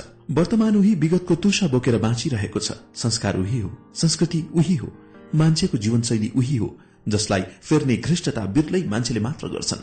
यही थोत्रा संस्कार र संस्कृति विरूद्ध संघर्ष गर्न नसक्नेहरू आज पनि पशुवत जिन्दगी बाँचिरहेका छन्। उनीहरूसँग पनि जिन्दगी त छ चाहना छ उत्साह छ तर बुझिदिने कसले? उनीहरू दुनियाँबाट अलगिएका छन् एक्लिएका छन्। त्यसो त उनीहरूको एउटै छुट्टै दुनियाँ छ जुन दुनियाँ एकदमै बेकममा छ निरह छ भन्ने पनि नलाग्ने होइन। अनि म यसै दुनियाँकै एउटी सदस्य जो घृणा अपमान तिरस्कार यी सबकी प्रत्यक्ष भोक्ता हुँ। यहाँ सबै मानिसलाई सम्मान अधिकार छ भन्ने यो दुनियाँको भागमा खोइ कति अधिकार पर्यो या दयाको घोल मात्र पर्यो? यहाँनिर सबै सचेत मनहरूले सोच्नुपर्ने बेला आएको छ। तर के सोच्लान् र यी कुबुद्धिका धमिराले खाइसकेका दिमागहरूले? यस दुनियाँमा पिछडिका स्वर बोक्नेहरूको जमात पनि बाँच्दैछ। खोइ त हाम्रा पक्षमा स्वर। समयको चक्रभित्र पिल्सिएर त्यसभित्र दबिएर बाँचेका आत्माहरूको उन्मुक्तिका आवाज खोइ कसले उठाउने? हाम्रो अगाडि पर्खालै पर्खाल ठिङ्ग उभिएका छन्। यी पर्खाल भत्काएर कहिले हामीले मान्छेको जिन्दगी बाँच्न पाउने? प्रश्न छ यो युगलाई र युगका मान्छेहरूलाई। हामी पनि यही युगका मान्छे हौ। जो मान्छेको जिन्दगी पाएर पनि त्यसलाई रहर लाग्दो गरी बाँच्न सकेका छैनौं। हामी दयाका भोका पटक्कै छैनौं। तर किन दयाका थुक्का छिटाहरू हामीमाथि परिन्छ? हाम्रो जिन्दगीहरू दयाका थुक थापेर बाँच्ने साधन किन बन्दै आएका छन्? अनि हामी? हामी कुनै फरक दुनियाँका मानव जिन्दगी भएका जन्तु कहाँ हौ र हाम्रो पनि दुनियाँ फरक छैन। तर यो दुनियाँ आम मान्छेको जस्तो सुन्दर किन बनेन? हामी पनि उही हाडछाला मासु उस्तै मान्छेको आकृति लिएर आयो। यति फरक हो हामीमा केही विकारहरू आएका छन्। मानव दुनियाँ हामीलाई किन अपूर्ण देख्छ? पूर्णताको परिभाषा के हो त? यो प्रश्न छ सम्पूर्णता खोज्ने मान्छेहरूलाई। जो आफूमा पूर्णता देख्छन्। यिनीहरूलाई त्यही अपूर्ण देखिएको दुनियाँको एउटा शाश्वत प्रश्न छ खोइ जवाफ? यस्ता थुप्रै निरुत्तर प्रश्नहरूको जवाब दिन किन कन्जुसाई गरिरहेको छ सभ्य भनेका मान्छेको जमातले? धर्म संस्कारका कुरा पनि किन हाम्रा पक्षमा क्रूर छन्? देउता भनिएको जमातले पनि हाम्रा पक्षमा किन विभेद गर्यो? एउटी निर्दोष बालिकालाई यस्तै यस्तै असन्तुष्टिहरू पोखिरहन्थे। मान्छे समाज धर्म संस्कार संस्कृतिहरूमाथि त्यसका रूपहरू कहिले बदलिने? जे होस् ममा यति नै भए पनि चेतना पलाइसकेको थियो। तर बाल अभूतपन भने हटेको थिएन। त्यसो त जीवन चक्रले कति नै फन्का लिएको थियो र। अहिले वर्तमानमा टक्क अडिएर म तिनै विगतका स्मृतिका पानाहरूलाई निहालेर हेरिरहेछु र सोच्दैछु कति विकराल थिए मेरा ती दिनहरू। समयले मलाई नजानी त्योसँग मान्छे समाज धर्म संस्कार र संस्कृति विरूद्ध मसाल बोक्न किन लाउँदै थियो? म जन्मिए हुर्किएको समाजमा मान्छेहरूको दिमाग कुसंस्कारका धमिराले भित्र भित्रै खाइसकेको थियो। अनि मान्छेको दिमागले के सकारात्मक दृष्टिकोण राख्थ्यो? त्यस्ता थुप्रै विकृतिहरूले घेरिएको हुन्छ जसलाई फाल्न समाजमा मिलेर बस्ने मान्छेहरूले सक्दैन। बरु ऊ त्यही विकृतिको शिकार बन्छ। आखिर बाबाआमाको सोचाइ पनि कुनै फरक वस्तुले बनेको थिएन। उनीहरू पनि समाजको चौघेरा नागेर के माथि उठ्न सक्थे र? अह सकेनन्। र उनीहरूको मस्तिष्क पनि त्यही विकृत र विसंगतिको भाइरसले ग्रस्त थियो। म त्यही समाजमा जन्मिएकी मान्छे जो यसबाट अछुतो हुन सकिन। समय आफ्नै गतिमा अगाडि बढ़िरह्यो। ममा पनि विभिन्न इच्छा आकांक्षाका पलहरू अंकुराउन थालेका थिए। किनभने ममा कुनै अर्को खालको मानव हृदय थिएन। अरू मान्छेको जस्तै मानव मन थियो। त्यहाँभित्र एउटा कोमल चञ्चलपन थियो। त्यसमाथि जिज्ञासु चकचके बाल हृदय थियो। तर यो सब हुनु मेरो लागि त्यति आम बाल बालिकाको जस्तो सहज हुन सकेन। जे होस् मैले जीवनका नयाँ रंग देख्न थालेकी थिए। म अक्षरहरूसँगै आशाका किरणहरू देख्दै थिए। अब अक्षर जसरी भए पनि चिन्नु नै एउटै मात्र देह बन्यो। त्यो बेला म बहिनीले लेखेर फालेका कपीका पानहरू बटुलेर त्यहाँ भएका अक्षरहरूको दिनभरि अभ्यास गर्थे। माटामा सिङ्कोले कोरेर। त्यसको उच्चारण पनि गर्थे मनमा नै दोहोऱ्याउँथे तेहराउँथे। समयले पनि अनौठो खेलको परीक्षा लिएको थियो मसँग। मैले सपनामा पनि आफू पढिरहेको खेलिरहेको कुरो मात्र देख्न थाले। बाबाले जति बहिनीलाई सिकाउँथे त्यति मैले पनि आफ्नै मेहनतले जानिसकेकी थिए। अब मैले शब्द बनाउने अभ्यास गर्न थाले। ती अक्षरलाई जोडेर शब्द बनाउनु आफैमा सहज कुरो थिएन। म आफै अक्षरहरू भुइँमा लेख्थे र बीचबीचबाट फरक फरक अक्षर निकालेर जोड्थे जस्तै कलम कल फल जल आदि आदि। मेरो जिन्दगीको पानाहरूमा पोखिएको उज्यालोको रंग थियो त्यो। जसलाई अहिले पनि हेर्दा रमाइलोपनको अनुभूति हुन्छ। सायद यही होला आँसुको अनुभूति नभई हाँसोको आनन्द अनुभूति पाउन सक्दैन भनेको। मैले पनि हाँसोभित्र हाँसो र अँध्यारोभित्र उज्यालोको अनुभूति सहज रूपमा गरे। आखिर जिन्दगी अनुभूति भित्र पनि पोखिँदो रहेछ। सरपष्ट रूपमा छरिदो पनि रहेछ। अब त मेरा खुट्टाका मसिना औलाहरू पहिला जस्तो पटक्कै कामदैन थिए ती अक्षर लेख्न अभ्यस्त भइसकेका थिए। अभ्यस्त नहुनु पनि कसरी? समयका रङसँगै मान्छेले आफूलाई ढाल्नुपर्छ। बाँच्न अभ्यस्त हुनुपर्छ। मेरा मसिना खुट्टाका औंलाहरू पनि मसँगै चल्न अभ्यस्त भइसकेका थिए। म हातका औंलाले कलम समाते झै खुट्टाका औंलाले सिंहका समातेर भुइँमा अक्षर लेख्थे। अहिले पनि कलम समात्दा त्यसरी नै समातेर लेख्छु। अधिकांश मान्छेलाई भ्रम के छ भने म खुट्टाका दुईटा औंलाको कापमा हालेर लेख्छु। उनीहरूले देख्दा पनि त्यस्तै देख्छन्। तर म कलम समात्दा तीनवटा औंलाको प्रयोग गर्ने गर्छु जसरी हातका प्रयोग हुन्छन्। साँच्चै भन्ने हो भने जिन्दगी एउटा प्रयोग नै पनि त रहेछ। बाँच्नु सँगसँगै खालखालका प्रयोगहरू पनि गर्दै जाँदो रहेछ मान्छेले। म पनि त्यही मान्छे न त थिए। यसबाट के अछुत हुन सक्थे र ती सामान्य भन्दा सामान्य प्रयोगले पनि मान्छेलाई नयाँ ढंगले सोच्न र केही सहज ढंगले बाँच्न मदत पुर्याउँदो रहेछ।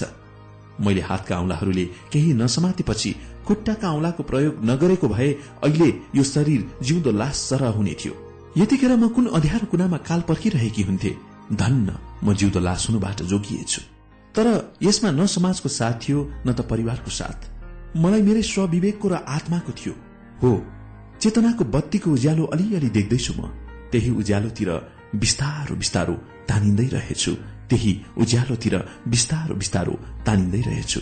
अहिले सम्झिरहेकी छु मैले त्यस पलको हर्ष कसैसँग बाँड्न सकिन। तर मैले जिन्दगीमा पहिलो अक्षर भुइँमै भए पनि लेख्न जानेकी थिए। मनमनै भए पनि उच्चारण गर्न जानेकी थिए।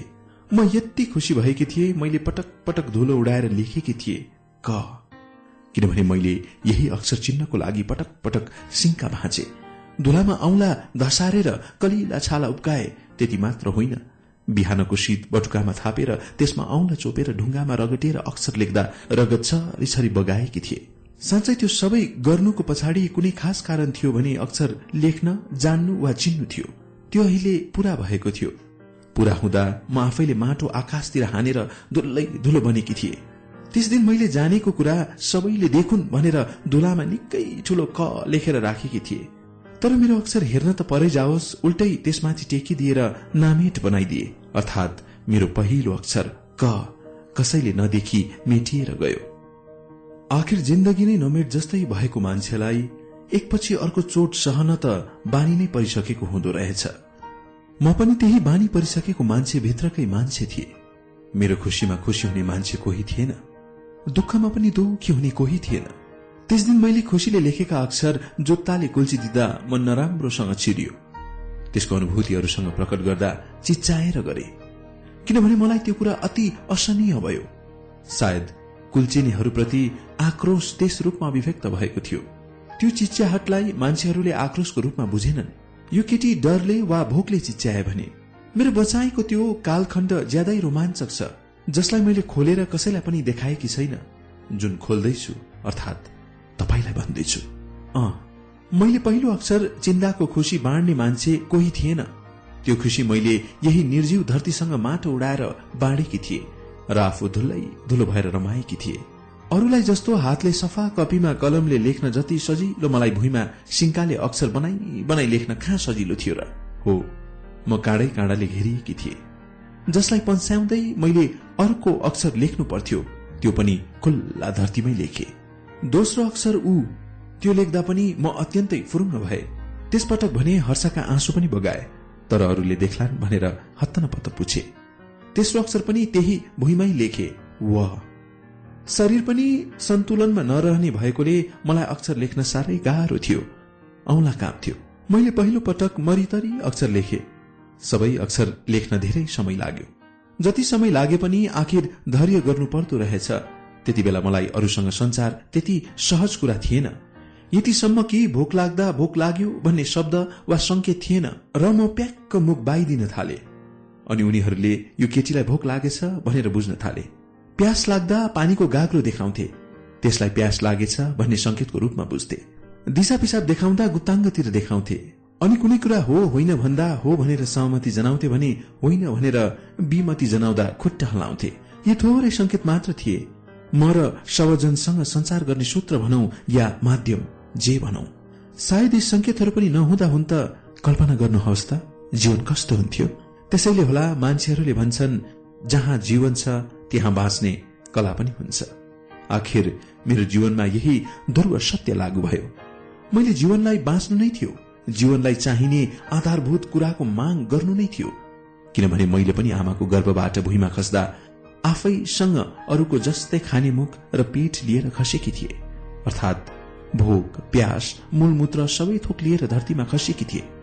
त्यो भोक प्यास मेट्ने र मेटाएपछि बेला बेला शरीरले उत्सर्जन गर्ने तरिका त मैले जान्नै पर्यो र जाने। यी सीमित संकेतले मलाई जीवनमा जसो तसो चलाउने काममा ठूलै मदत गर्यो। मलाई सधैँ रोगेर घरका मान्छेहरू बस्न भ्याउँदैनथे भएको बेला त उनीहरूले मलमूत्र त्याग गराउँथे। कोही नभएको बेला म पाइजामा तानेर खुट्टाले भए पनि फुकालेर गर्थे। घरभन्दा दुई चार हात पर पुगेर गर्थे त्यो बेला पाइखाना थिएन। हाम्रो घरमा मात्र होइन। गाउँमा प्राय घरमा पाइखाना थिएन। ठूला मान्छेहरू खोल्सा खोल्सी पसेर रुखपातले छेकेर गर्थे। हामी केटाकेटी भने बारीको भित्ता या डिल खोजेर बस्थ्यौं। त्यो पृष्ठ लागेको मेरो अंग घरका ठूला मान्छेहरू भएको बेला सफा गरिदिन्थे। नभएको बेला म आफै झारपात चुडेर त्यो बेसरी पुछेर सफा गर्थे। अर्थात मैले आँखा पुस्न पनि आफैले जाने तर मलाई घरका ठूला मान्छेले आफूले पुस्न कहिल्यै दिँदैनथे। जम्मै लुगामा लगाउँछे भन्थे र फेरि सफा गरिदिन्थे। म मनमा नै तर्काना गर्थे। तिमीहरू भएको बेला न त हो। अरू बेला मैले आफै पुछिहाल्नुपर्छ। म अहिले आठ नौ वर्षको सेरो फेरो भित्र घुमिरहेकी छु। र तपाईँहरूलाई ती कुरा भनिरहेछु जुन तपाईँको मनमा त्यो कुरा जान्ने उत्सुकता हुन सक्छ। साँच्चै जीवनमा विशेष खुशीका पलहरू बिर्लै आउँछन्। त्यस्तै मेरो जीवनमा पनि विशेष सुखद पल धेरै छैनन्। अ म आफूले अक्षर जान्दा चिन्दाको खुशीको बारेमा भन्दै थिए र बताउँदै थिए। मैले पहिलो अक्षर लेख्न जान्दाको हर्ष त भनिसके। मैले त्यसबेला कसैको स्याबासी र न्यानो डाडस पाइन।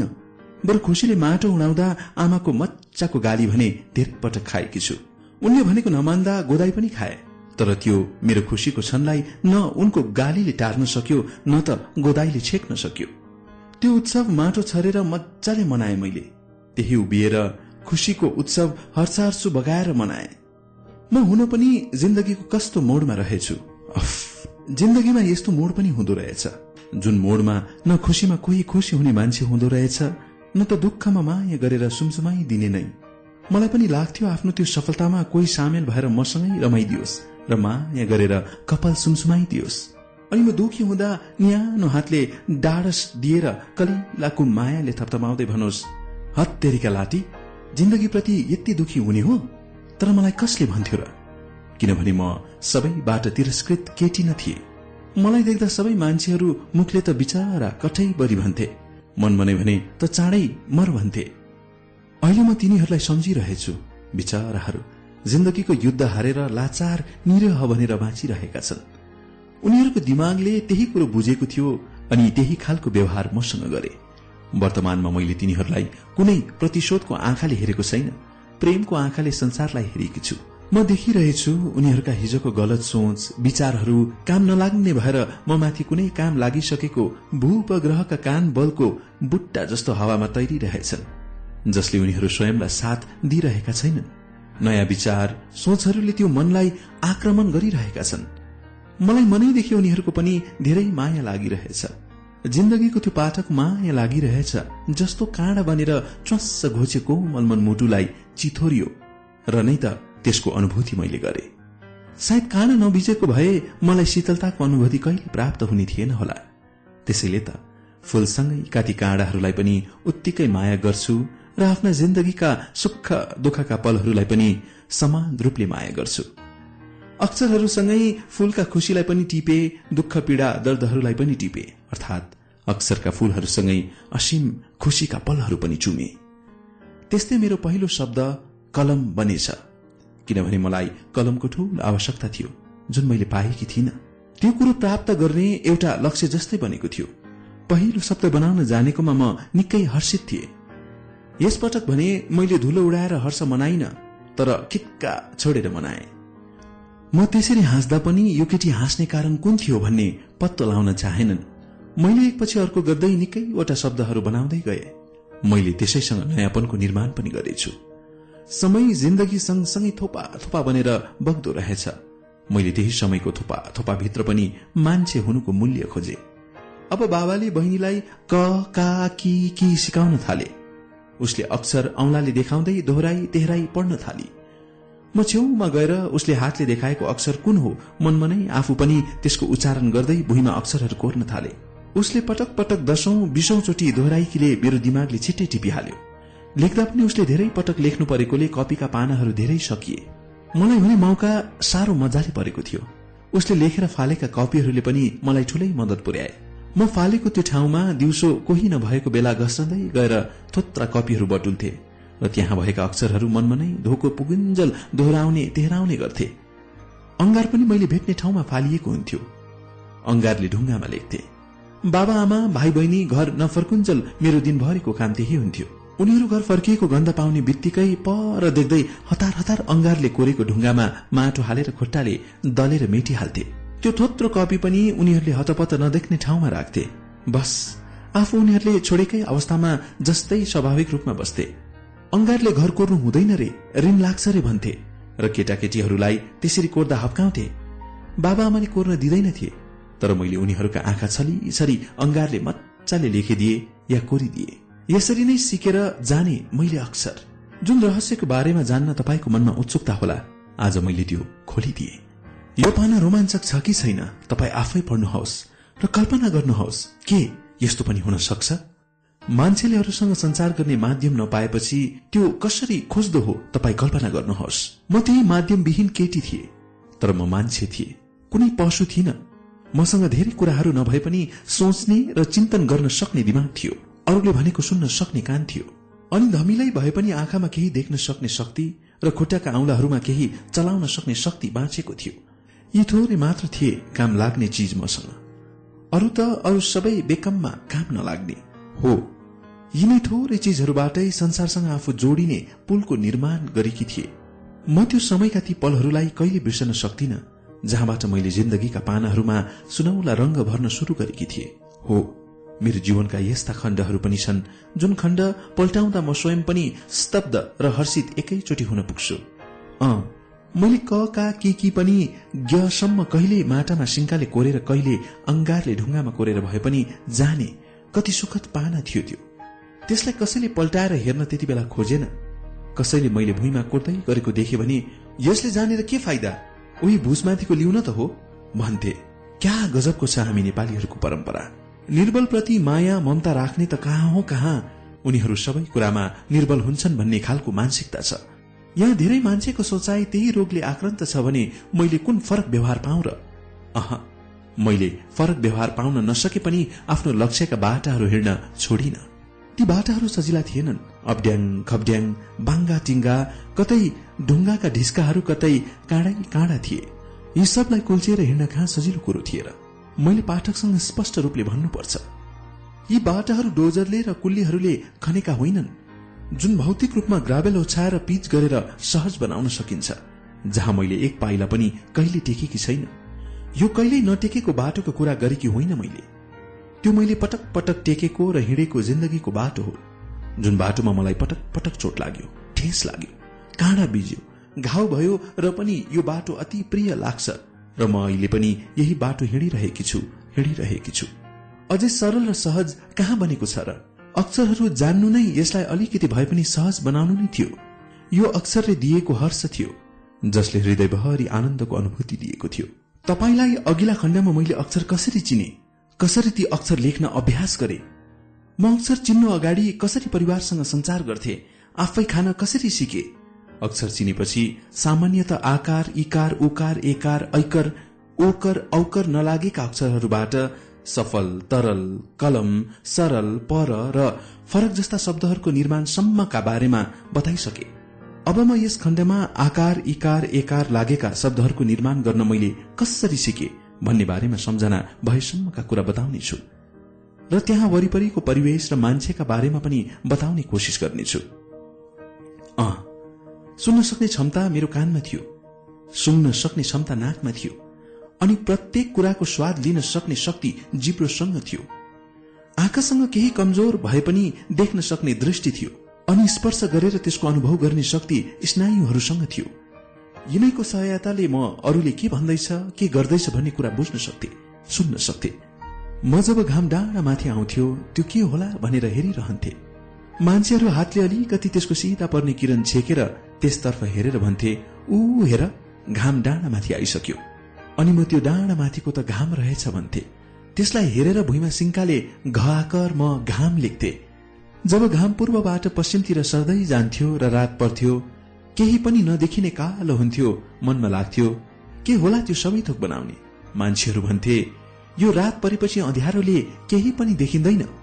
म यो रात रहेछ भनेर बाहिरतिर दृष्टि फाल्थे र छक्क परेर हेरिरहन्थे। मसँग त्यस बेला भने माटो अंगार सिङ्का ढुङ्गा केही पनि हुँदैन थियो। खालि गोबर र रातो माटोले लिपेको सिकुवा हुन्थ्यो।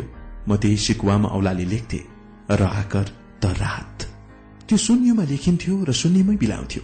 बाबा आमाले देख्दैनथे र भुइँमा कोरिस ऋण लाग्छ भनेर कराउँदैनथे। आमाले भात तरकारी दाल के के दिन्थिन् म बिस्तारै दुई खुट्टाले मुछेर टाउको भुइँतिर निहुराएर देब्रे खुट्टाले भातका सिता टिपेर दाइने खुट्टाले पाइतलामा हालेर त्यसलाई केही माथि उठाएर मुखमा हाल्थे। यसरी खाँदा पनि म के को स्वाद कस्तो छ भन्ने विचार गरी गरी खान्थे र भातको थालमै लेख्थे भाकर त भात द आकर ल दाल तर काकर र बडाइकर तरकारी र अ चाकर र अचार। आमा कराउँथिन् यो केटी कति खेलिरहन्छे भात खपा खपी नखाएर। कहिले अक्षर नपढेकी मेरी आमालाई के थाहा? छोरीले अक्षरबाट शब्द बनाउँदैछ भन्ने। अह अह थाहा पाउन सकिनन्। यो उनले थाहा नपाउनु पनि मेरो लागि भातको थाल पनि शब्द लेख्ने एउटा गतिलो अभ्यास पुस्तिका बन्न पुग्यो। आँगनको डिलमा पहेँला निला सेता राता विभिन्न बोट बिरुवाका फूलहरू लटरम्म फुल्थे। म तिनलाई देखेर एकदमै रमाउँथे। तर तिनका रंगहरू छुट्याउन सक्दिनथे। मान्छेहरू भन्थे यो टाँकीको रूखमा कति राम्रो सेतो फुलफुलेछ। बल्ल म यो रंग सेतो रहेछ भन्ने चाल पाउँथे। यो फूल निलो रातो रहेछ भन्थे। म बल्ल ती रंगहरूलाई मजाले निहाल्थे तिनका बारेमा जान्दथे र शब्द बनाउँथे। नबडाइकर लौक निलो दन्तेश एकर तौक सेतो र आकर रातो ह र सटाइकर यौकर हरियो ब ऐकर ज दन्ते नबडाइकर बैजनी। आकाश पनि निलो देखेँ मैले। मान्छेहरू कोही कालो वर्णको मान्छे देखेमा भन्ने गर्छन् त्यो मान्छे त अंगार भन्दा कालो रहेछ। मैले ढुङ्गामा अक्षर लेख्ने अंगारको रंग रातको अन्ध्यारोको रंग उस्तै थियो। फरक यति थियो। अंगारलाई म छुन खेलाउन सक्थे। अंगारले लेख्दा कैयौं पटक खुट्टामा लागेर कालै भएर आमाले धेरै पटक सोच लगाएकी थिइन्। तर रात आफ्नै सामु नजिकै देखे पनि त्यसलाई मैले खेलाउन र छुन कहिले सकिन। एक दिन आमालाई माथिल्लो घरकी केटीले बोलाई ए काकी बस मैले काकी शब्द पनि लेखे। बहिनीको मुखबाट निस्किएको आउनु जानु दिनु लिनु जस्ता शब्द मैले ती शब्दहरूलाई पनि सिके। आमा बजार गएको बेला पापा ल्याइदिन्छु भन्थिन्। म मान्छेका प्रत्येक बोलीचालीलाई सुनेर आफूले जानेका अक्षरहरूले शब्द बनाउन खोज्थे। उनीहरू बोल्दै जान्थे म प्रत्येक दिन एउटा दुईवटा नयाँ शब्द बनाउँथे। यस्ता शब्दहरू मैले सयवटा भन्दा बढी बनाइसकेकी थिए।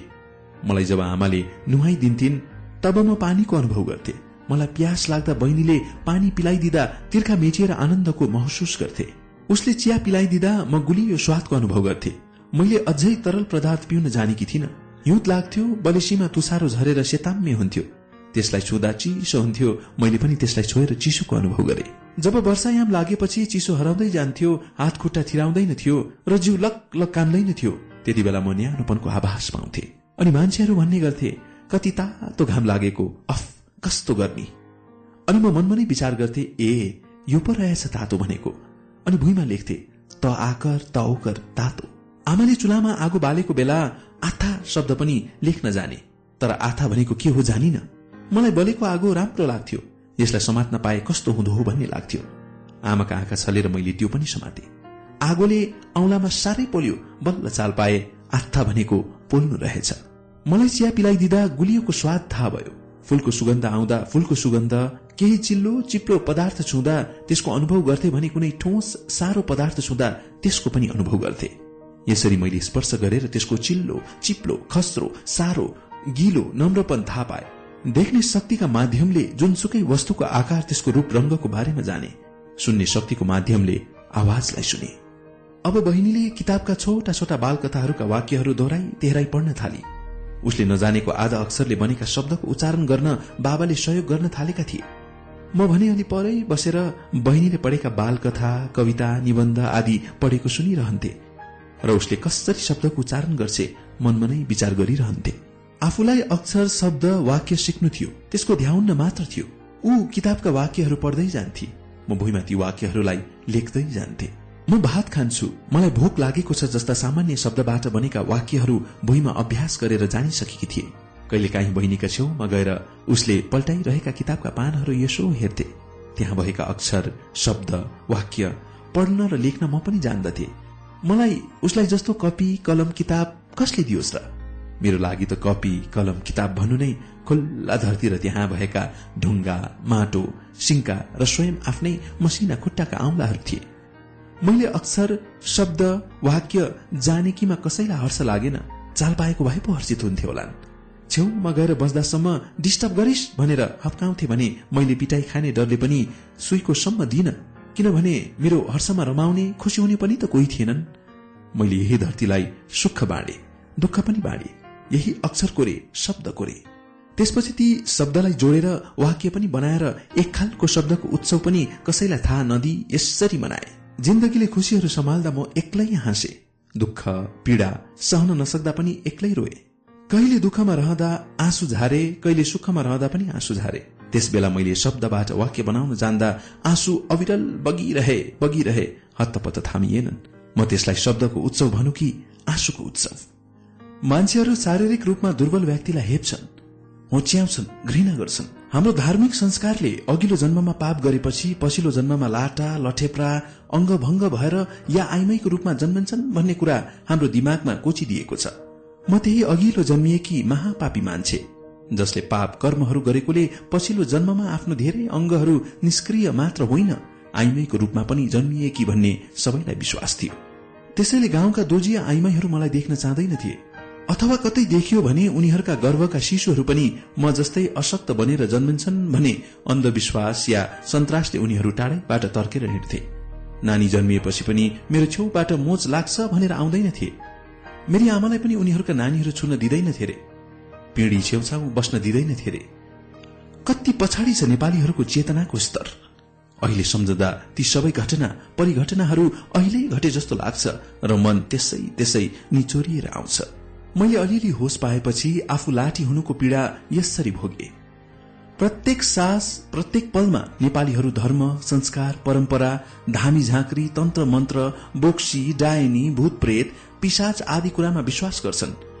यिनीहरूले दुःख दिन्छन् यिनीहरूलाई मनाउन नसके मैले जस्तै नियति भोग्नुपर्छ भन्ने विश्वास गर्दछन्।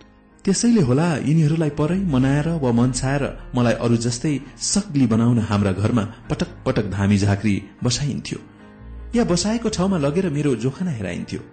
मलाई भने त्यसबेला धामी झाँक्रीहरू देखेर निकै डर लाग्थ्यो। उनीहरूले ढ्याङ्ग्रो ठोकेर बुरुक बुरुक उफ्रदै आकाशतिर हेरेर आँखा झिम पार्दै के के बरबराउँदै कामेको देख्दा मेरो सातो पुत्लो उठ्थ्यो। धामी बस्ने मान्छे खाउला झै गरेर ठूला ठूला आँखा पारेर हेरेर गाली गर्दै खोइ के के बरबराउँथ्यो के के? म भने आमाको जिउमा टाँसिएर बस्थे। धामी झाँक्रीहरूले मेरो जिउमा भूत प्रेत पिसाज के के चढेको देख्थे कुनी? उनीहरू नवरणदेखिको बल निकालेर यिनीहरूलाई मेरो जिउबाट खेद्ने र मलाई सत्य बनाउन भन्दै लागेका थिए। ममा त्यति बेलादेखि नै अलिकति बाल विद्रोही भावना सुसुप्त अवस्थामा रहेछ क्यारे। ती धामी झाँक्रीको आँखा कुनै अलौकिक वस्तुले बनेको छ कि जस्तो लाग्थ्यो र उनीहरूको आँखा फोरिदिएर आफ्ना आँखामा जडान गरेर हेर्न मन लाग्थ्यो। आफ्नो जिउमा के के चढेको रहेछ त्यो जान्न चाहन्थे म।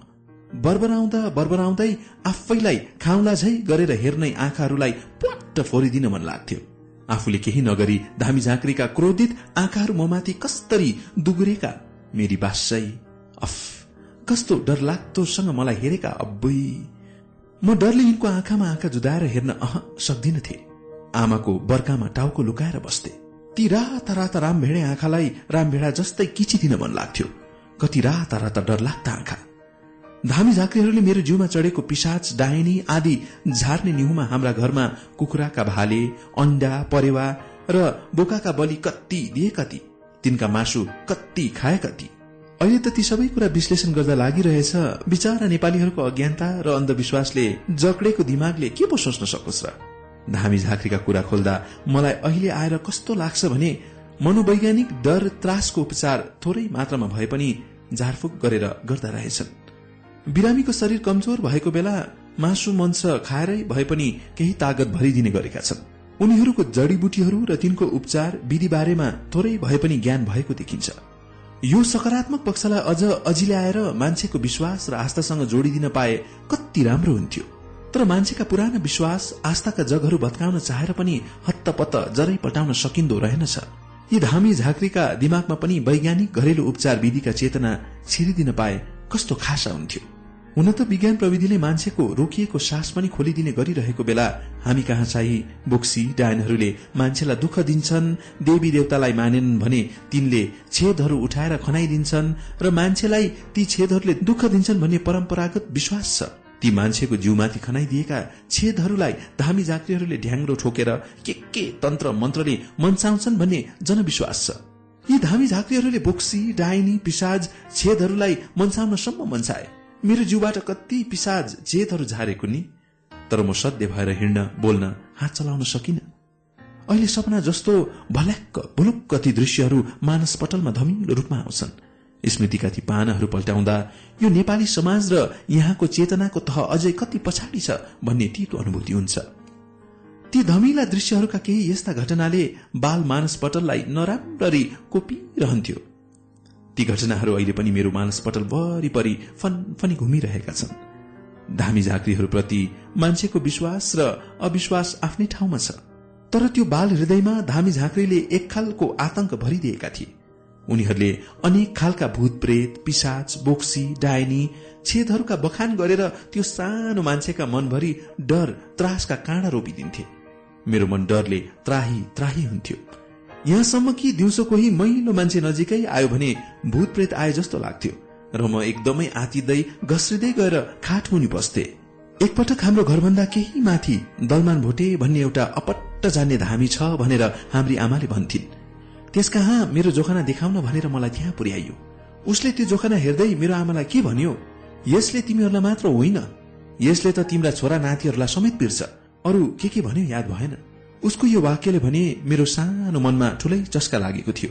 म निकै पटक यस्ता रमभेडे आँखा भएका धामी झाँक्रीहरूबाट कोप्रिएकी थिए। के म बाबा अनि उनका छोरा नातिलाई पिर्नकै लागि जन्मेकी हुँ त? सानो मान्छेको मस्तिष्कभरि यही प्रश्न उठ्थ्यो। उसलाई लाग्ने गर्थ्यो किन यी धामी झाँक्रीहरू यसो भन्छन्? यी धामी झाँक्रीलाई आफ्नो पनि जोखना हेरेर आफ्नै भाग्य र भविष्यको फैसला गर भन्न मन लाग्थ्यो। किन अरूकै मात्र जोखना हेर्छन् त यी धामी झाँक्रीहरू? प्रश्न उठ्थ्यो। त्यो सानो अबोध मनमा जवाब खोइ किन हो शून्य मात्र मिल्थ्यो। अन्धविश्वास र कुसंस्कारले उभिएको अचेतनाको पर्खाल र सानो मस्तिष्कमा उभ्याइएका आस्था विश्वासका खम्बाहरू बिस्तारै बिस्तारै त्यति बेलै भत्किने क्रममा पुग्दै रहेछन्। किनभने धामी झाँक्री बाहरूसँग न त सानो मस्तिष्कले गरेको प्रश्नको जवाब थियो न त उनीहरूसँग त्यो प्रश्न सोध्न सानो मान्छेसँग बोली। बोली भए पनि त्यो प्रश्न सोध्न सक्ने सामर्थ्य के हुन्थ्यो होला र? देख्दै कति डर लाग्दा अब्बै आँखा कति राता राता जिउभरि थाङ्नाका भुन्द्रा लाएका टाउकोमा पनि पहिलो कपडाका फेटा बाँधेका गत्तिन मतीका काम छन् कस्तरी ढ्याङ्ग्रो ठोक्दै मेरी आम्मै। त्यहाँ माथि मलाई ती राता न राता आँखा पिर्लिक्क पिर्लिक्क पटाउँदै हेर्थे अब्बै मेरो सातो पुत्लो के नहुडोस् उनीहरूको धमन्तरी तन्त्रभित्र एउटा अदृश्य शक्ति हुन्छ भन्ने जनविश्वास छ। मैले भने कुनै त्यस्तो शक्ति देखिन। उनीहरूका धमन्तरी गर्ने खरखजानाभित्र पनि कुनै विशेष खालको देवी शक्ति प्रकट हुन्छ भन्ने गरिन्थ्यो। तर मैले जति निध्याएर हेरे पनि त्यस्तो शक्ति प्रकट भएको ठ्याम्मै देखिन। त्यस्तो शक्ति नदेखिएपछि त्यही सतहमा उभिएर धामी झाँक्रीहरूप्रतिको आस्था विश्वासमाथि प्रश्न उठ्न थाल्नु स्वाभाविकै थियो। मेरो सानो मनमा पनि असन्तुष्टिका लहरहरू देखा पर्न थालेका थिए। के तिमी पनि हामी जस्तै मान्छे होइनौ? तिमीले त्यो दैवी शक्तिलाई देख्न पाउन सक्ने? हामीले किन नसक्ने? यस्ता कैयौं तर्कनाहरू मनमा उठ्थे। अगाडि उभिएका आस्था र विश्वासका पर्खाल भत्किएला कि भनेर दर्लो बनाउन लागेका मान्छेको हुललाई यस्ता तर्कना खनाएर पनि एकैछिनमा त्यो हुलले मेरा तर्कनाहरू किचकाच पारेर त्यसको अस्तित्व नामेट बनाइदिन्थ्यो। तर यी मान्छेका कुर्कुचाहरूले यो सानो मनका तर्कनाहरू पटक पटक कुच्याएर नामेट पारिदिए पनि त्यही नामेट भएको ठाउँबाट नयाँ पालुवा हालेर मेरो तर्कनाको बोट झाँगिन्थ्यो। जति पटक काटिन्थ्यो त्यही घाउबाट नयाँ पालुवा हालेर पलाउने गर्थ्यो। ती नयाँ पालुवासँगै मान्छेमा नयाँ चेतना विचार आस्था यी सबै थोकको निर्माण हुँदै जाँदो रहेछ। ममा पनि चेतनाका बीजहरू बिस्तारै बिस्तारै अंकुराउँदै थिए। धामी झाँक्री भूतप्रेत बोक्सी डायनी देउता आदिका कुराले मेरो मनमा त्रासै त्रास भरिदिएको थियो। बाबाले दलानमा बसेर बेलुका कथा यसरी हाल्थे भूतप्रेतका बारेमा। उहिले हाम्रा बारीका कान्लामा टाउको नभएको कुमकुममा आँखा भएको मान्छे सेतो घोडा लिएर कुवामा पानी खाउन जान्थ्यो र फर्किन्थ्यो रे। बाबाका यस्ता कथाहरूले बहिनी र म डरले पानी पानी हुन्थ्यो र उनीसँग टाँसिएर बस्थ्यौ। मनमा लाग्थ्यो अहिले आयो भने त्यस्तो मान्छे? हामीले के गर्ने? मेरी आम्मै कत्रो अजङ्गको हुँदो हो। वाफ रे वाफ। हामीलाई त स्वात्तै मिलिहाल्दो हो नि। यस्तै डरका काँडाहरू उम्रन्थे हाम्रा मनमा। समय बित्दै गयो। मलाई सत्य बनाउन धामी झाँक्रीहरूले पटक्कै सकेनन्। मेरो उपचार डाक्टरसम्म पुगेछ। तर डाक्टरी विज्ञानले पनि मेरो उपचार गर्न सकेनन्। फेल भयो। संसारमा केही यस्ता कुराहरूको उपचार हुन सक्दैन। र डाक्टर पनि हड्डी लुलो छ भने आफसे आफ ठिक हुन्छ भएन भने हुँदैन भनेर बहाना बनाएर पन्छिएछन्। उसको क्षमताले त्यही देख्यो होला र त्यही भन्यो यसमा दोष उसको पनि छैन। तर अहिले आएर मलाई एकजना विदेशी डाक्टरले जाँचेर भने शरीर सञ्चालन गर्ने दिमाग अवरुद्ध भएको छ अर्थात मस्तिष्क पक्षघात भएको छ जसको उपचार यो संसारमा छैन। उनको नाम रोइस रहेछ। उनी कुन देशका नागरिक थिए मैले त्यो सोध्न भुले। तर उनी बडो रमाइला मिजाजका मान्छे थिए। सन् दुई हजार चारतिर विश्वेश्वर प्रसाद कोइराला स्वास्थ्य विज्ञान प्रतिष्ठान धरानमा काम गर्थे। उनीसँग मेरो त्यही भेट भएको थियो। मेरो साथमा निकैजना साथीहरू पनि थिए। डाक्टरले हड्डी लुलो छ यसको उपचार छैन भनेपछि बाबा आमा निराश भएर मेरो उपचार गर्ने काम छोडिदिए। मैले भने एक खालको बन्धनबाट मुक्ति पाएकी थिए। किनभने मलाई मन लाग्यो खेल्न पनि छुट थिएन। यसले खुट्टा मात्र चलाउँछ भनेर मोजा लगाइदिन्थे। यसो गर्दा हात चलाउँछ कि भन्ने आशले पनि त्यसो गरेको होला। तर त्यसले केही परिवर्तन ल्याएन। मुटाउको निहुराएर दाँतले टोकेर मोजा दुलो पारेर औंला निकालेर मजाले खेलिहाल्थे। हजुरआमा जे ध्वन्जलसम्म त्यसो गरेको देखेमा गोद्नसम्म गोद्थिन् जति गोदे पनि के गर्नु? मैले औंला निकालेर खेल्न छोडिन। त्यसो नगरेको भए अहिले मेरा कुनै अंग सञ्चालनमा आउने थिएनन्। डाक्टर रुइस भन्छन् उनका खुट्टाका औंलाहरू कसरी चले जब दिमागै ड्यामेज भएको छ भन्ने प्रश्न मसँग गरे। म उनीहरूलाई हेरिरहे हाँसिरहे। अन्त्यमा उनले हाँस्दै टुटे फुटे नेपालीमै बोले मान्छे कस्तो कस्तो पनि हुँदो रहेछ। ब्रेन ड्यामेज भए पनि खुट्टा मजाले चलाएर लेखिरहेछ। Very good. मनोबल भएपछि जे पनि हुँदो रहेछ। तर उनलाई के थाहा मैले खुट्टाका औंला चलाउन कति संघर्ष गर्नु पर्यो। अह मोजा कप्न छोडेपछि मलाई जुत्ता लगाइदियो। सायद यो अन्तिम परीक्षा थियो ज्यादै कठिन परीक्षा।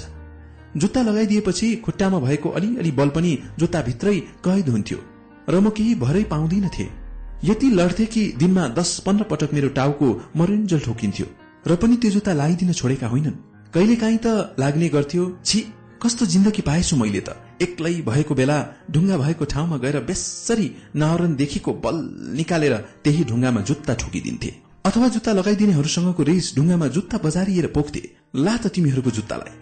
जुत्ता ढुङ्गामा बजारिदिएपछि चोट्टै चोट लाग्थ्यो। जुत्ता फुकाल्न नसकेर म एक्लै बेसरी रुन्थे।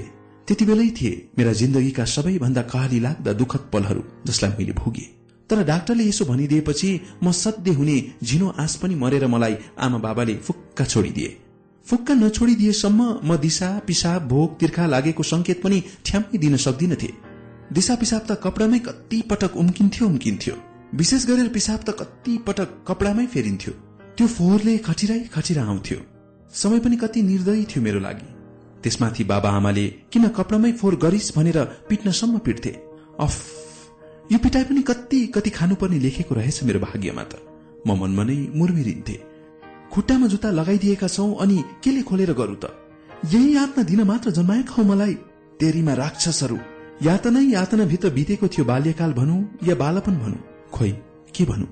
ममा पनि केटाकेटीमा हुने धेरै कुरा आएका थिए। तिनीहरूलाई निर्धक्क भोग्न पाइन अनुभूति गर्न सकिन। सबै बाल बालिकाहरूलाई जस्तो आफ्नो बालपन पनि रमाइलोसँग बितोस् भन्ने चाहना के मलाई थिएन होला र? धामी झाँक्री डाक्टरहरू मेरो उपचारमा सफल हुन सकेनन्। उनीहरू सफल हुन नसक्नुको अर्थ थियो मलाई सारा बन्धनबाट मुक्ति मिल्नु। जब खुट्टाबाट जुत्ता हटाइदिएर स्वतन्त्र छोडियो तब मेरो मनले साँच्चै स्वतन्त्रताको अनुभूति गर्न थाल्यो। त्यो समय मलाई जे देखे पनि छुन खेलाउन समात्न मन लाग्थ्यो। यहाँसम्म कि फिज उठेको खकार पनि सुन्दर फूल देखेर छुन्थे। त्यो मैले छोएको वस्तु फूल नभएर खकारको फिज पो हुन्थ्यो। खुट्टाभरि खकारको फिज पो लाग्थ्यो। पानी मागु भने पिठाई खाने डर। त्यसैले कहिले मागिन र माटोमै दलिदिन्थे। त्यो खकारको फिज पनि कता कता पुग्थ्यो कता। मेरो आफ्नो खुट्टा सफा देख्थे। र औधी रमाउँथे म त्यति बेलैदेखि समाजले बुझेको र मैले बुझेको सौन्दर्यमा एकदमै फरक थियो। समाजले मान्छेको सुन्दरतालाई बाहिरी सतही रूपमा मात्र हेरेर यो मान्छे त कति राम्रो यो मान्छे कति कुरूप भन्ने गर्थ्यो। तर मलाई कोही अनुहारले राम्रो र नराम्रो कहिल्यै लागेन। म अलिअलि भ्याला बुलुक्क थाहा पाउँछु। हाम्रा घर नजिकै एकजना बुढा बाबाको घर थियो। तिनलाई लाटे सार्की भन्थ्यो। तिनले मलाई अत्यन्तै माया गर्थे। उनले मलाई सानी मुखेनी भन्दै काखमा लिन्थे म पनि उनको काखमा लुसुक्क जान्थे। ती बुढा मलाई सुन्दर लागे जसले मलाई घृणा गरेर ती बाहिरी स्वरूप जतिसुकै सुन्दर देखिए पनि मैले तिनलाई कहिले सुन्दर देखिन। मान्छे तर्क गर्छन् बाहिरी स्वरूप सुन्दर भएन भने भित्री सुन्दरताको मात्र के काम? मेरै घर नजिकै त्यस्तै चरित्रहीन एउटी आइमै छे ऊ बाहिर झ्वाट्ट हेर्दा सुन्दर छे जवान छे उसलाई हेरेर म प्रश्न गर्छु आखिर के हो सौन्दर्य? बाहिरी झ्वाट्ट देखेर सुन्दरताको अर्थ लाउनेहरू चुपचाप लाग्छन् र टोलाइरहन्छन्। यिनीहरू पनि यही समाजका मान्छे न हुन्। यिनीहरूले पनि समाजले बुझेकै जस्तो त्यसको अर्थ लाउँछन्। हुन त प्रत्येक मान्छे आफ्ना विचारहरूसँग बाँच्न स्वतन्त्र हुन्छ। त्यस्तै म पनि स्वतन्त्र छु। सायद समाज र त्यहाँका मान्छेहरूले बुझे देखेको सुन्दरताको मापदण्डभित्र म परिन। म दुर्बल शरीर लिएर जन्मिएकी थिए। त्यसैले ममा आत्मा थिएन। चाहना भावना थिएन। मसँग कुनै सौन्दर्य पनि थिएन। मान्छेहरूले बाहिरबाट झ्वाट्ट हेर्दा मलाई अति नै कुरूप देख्थे होला। किनभने समाजले पटक पटक शरीर मात्र हेर्थ्यो अर्थात हाट छाला मासु मात्र हेर्थ्यो। अनि मान्छेहरू पनि रूप रंग बाहेक के हेरुन्? उनीहरूको लागि यही कुरो अनमोल थियो पर्याप्त थियो। हुन पनि हो मान्छे भौतिक रूपमा सबल हुनुपर्छ। तर यहाँनिर अलिकति बङ्गाएर भन्दा भौतिक रूपले मात्र सबल भएर के पुग्थ्यो? मान्छे मानसिक रूपले मात्र सबल हुनुपर्छ। समाजले यो कुरालाई काट्न सक्छ? यो समाज र यसभित्रका मान्छेहरूलाई राम्रो हाड छाला मासु भए पुग्थ्यो क्यारे? नपुग्ने भए किन म माथि त्यस्तो व्यवहार गर्थे होला र? एउटा उखानै छ नि। बलियोले निर्धालाई सधैँ दबाउँछन्। यही उखान पृथ्वीका हरेक प्राणी जीव जन्तुमा लागू भएको छ। हामीले भौतिकवादी दृष्टिकोणबाट हेर्ने हो भने यो सृष्टिको चक्र यसै आधारमा घुमिरहेको छ। अनि हामी यही सृष्टिका मान्छे नामक प्राणी। हामीमा पनि यही सृष्टिको नियम लागू हुन्छ। त्यसैले त म जिन्दगीलाई बढी भावुक अर्थमा बुझ्दिन किनभने भावुकतामा जिन्दगीको रथ हाँक्न सक्दिन। तर मान्छे त्यस्तो यन्त्र जस्तो वस्तु पनि हुन सक्दैन किनभने मान्छेसँग मन मुटु हृदय हुन्छ। उसँग अनुभूति संवेदना भावुकपन सबै थोक हुन्छ। एकजना लेखकले मसँग भनेका थिए म वस्तुवादी मान्छे। म मान्छेको संवेदनशीलतालाई त्यति महत्व दिदिन। मैले उनलाई जवाब फर्काइन तर मनले सोच्यो यस्ता संवेदनहीन मान्छे पनि यो संसारमा छन् जसले मान्छेभित्रको संवेदनशीलतालाई पटक्कै महत्व दिँदैनन्। आफूलाई पूर्ण यान्त्रिक दुनियाँका प्राणी ठान्छन्। तर म त्यस्तो यान्त्रिक मान्छे होइन जससँग मानवीय अनुभूति छैन हृदय छैन संवेदना भावुकता छैन अह केही पनि छैन। जससँग मानवीय गुण मरिसकेको छ त्यो जिन्दगी बाँच्न चाहन्न त्यसैले मसँग मान्छे हुनुको अर्थमा अनुभूति छ संवेदना छ। त्यससँग एउटा कोमल मान्छेको मन छ र त जिन्दगी छ। मान्छे छ र नै जिन्दगी पनि सुन्दर छ। मान्छेहरूको व्यवहार र विचारहरू कस्ता छन्? मान्छेसँग कोमल मन मस्तिष्क भएरै त्यसको अनुभूति गर्न सक्छ। यी अनुभूतिका रंगहरू कहिले तितो रूपमा पोखिए कहिले मिठो रूपमा पोखिए।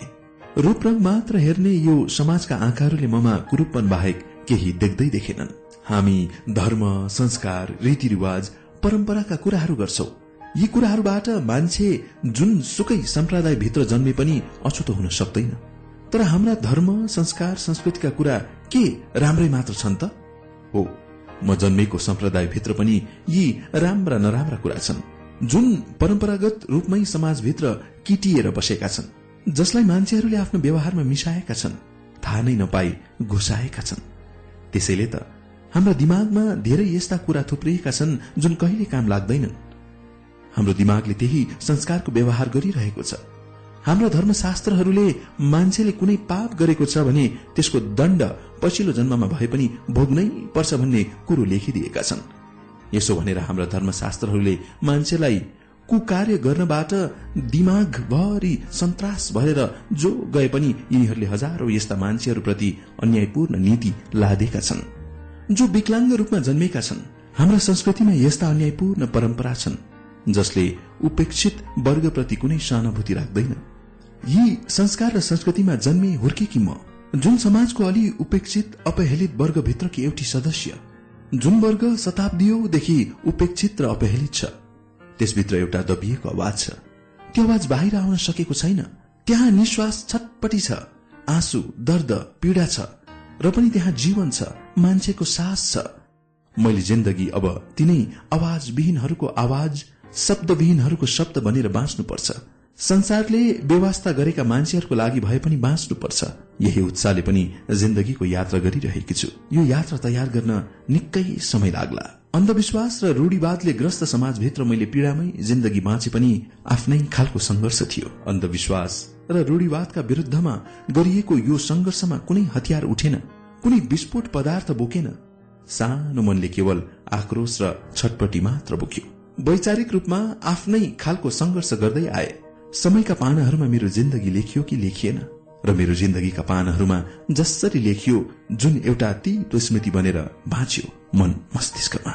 तर कालान्तरमा त्यो संघर्ष एउटा प्राप्तिमा परिणत भयो। त्यो प्राप्ति साँच्चै सुन्दर छ। त्यो संघर्षले समाजलाई विकलाङ्गहरूसँग पनि मान्छेको मन हुन्छ चाहना हुन्छ। आफ्नै खालका सुन्दर सपनाहरू हुन्छन् भन्ने तथ्य उद्घाटित गर्यो। मैले आफू हुर्किएको संस्कार र संस्कृति प्रति विद्रोह गरेर आफ्नै खालको संस्कार र संस्कृतिको निर्माण गर्न थालिसकेकी थिए क्यारे। संस्कार र संस्कृतिको निर्माणको कुरा भनेको आफैमा जटिल कुरा हो। यही जटिल परिस्थिति बीचमै मेरो जिन्दगीले पनि फड्को मार्दै थियो। मैले सानैदेखि अष्टावकको बारेमा थोरधेर सुन्दै आएकी थिए। त्यो कथाले म थोर बहुत प्रभावित भएकी थिए। उनको जीवनलाई भौतिक रूपमा मात्र होइन जीवनको भित्री सौन्दर्य पक्ष पनि हेर्नुपर्छ भन्ने दर्शन मलाई मन पर्दै आयो। पूर्वीय दर्शनमा उभ्याएका कतिपय पात्रहरू यस्ता छन् जसले मान्छेलाई कुनै न कुनै रूपमा बाँच्न प्रेरित गरिरहेका हुन्छ त्यसो त म जीवनलाई अत्यन्तै माया गर्ने मान्छे जीवनलाई भागेर होइन जे जस्तो परिस्थिति आउँछ त्यससँग सामना गरेर बाँच्नु पर्छ भन्छु। पश्चिमी दर्शन पनि मलाई अत्यन्तै मनपर्छ। भन्छु त्यहाँ पनि जीवनका हरेक पक्ष सकारात्मक रूपले नै प्रस्तुत गरिएका हुन्छन्। अष्टावक पनि शारीरिक रूपमा अत्यन्तै कुरूप व्यक्ति थिए रे। तर उनीलाई किन पुज्यो त तत्कालीन समाजले? त्यो समाज पनि अष्टावकको शारीरिक रूप रंग देखेर नहाँसेको त कहाँ हो र? बाहिरी आवरण सुन्दर देख्नेहरू मात्र मान्छे हुन् अरू होइनन्। मान्छेको सुन्दरता बाहिरी रूपमा हुन्छ क्यारे त्यसैले अहिले वर्षै पिच्छे सुन्दरताको ताज पहिरिने होडमा कुच्छन् सुन्दरीहरू। उनीहरूको सुन्दरता वर्षै पछि बिलाउँछ झर्छ अन्त्यमा कामै नलाग्ने भएर र रद्दीको टोकरीमा हालिन्छ। यस्ता सुन्दरी भन्दा अष्टावक सुन्दर छन्। उनीसँग पनि जिन्दगीको सुन्दर पक्ष त छ जुन सुन्दर पक्ष सबै मान्छेलाई काम लाग्छ। मान्छेले मान्छेको हाडछाला मात्र राम्रो देखेर उसको समग्रतालाई अर्थ्याउने परम्परालाई अष्टावकले त्यति बेलै चुनौती दिएका थिए। हो सांस्कृतिक रूपमा उभ्याएका अष्टावक यस्ता पात्र हुन् जसले भौतिक रूपमा मात्र होइन आन्तरिक रूपमा पनि मान्छे सुन्दर हुनुपर्छ भन्ने कुरो सिकाएका थिए। त्यही दर्शन टेकेर त्यसैमा उभिएर खोज्दै जाँदा यस्ता पात्र पात्रहरू धेरै भेटिन्छन् पाइन्छन्। त्यसो त अंग्रेजी साहित्यका श्रृंगारिक धाराका कवि लर्ड वाइरन पनि शारीरिक रूपमा अशक्त थिए। सुन्दर पक्ष उनीसँग पनि थिएन।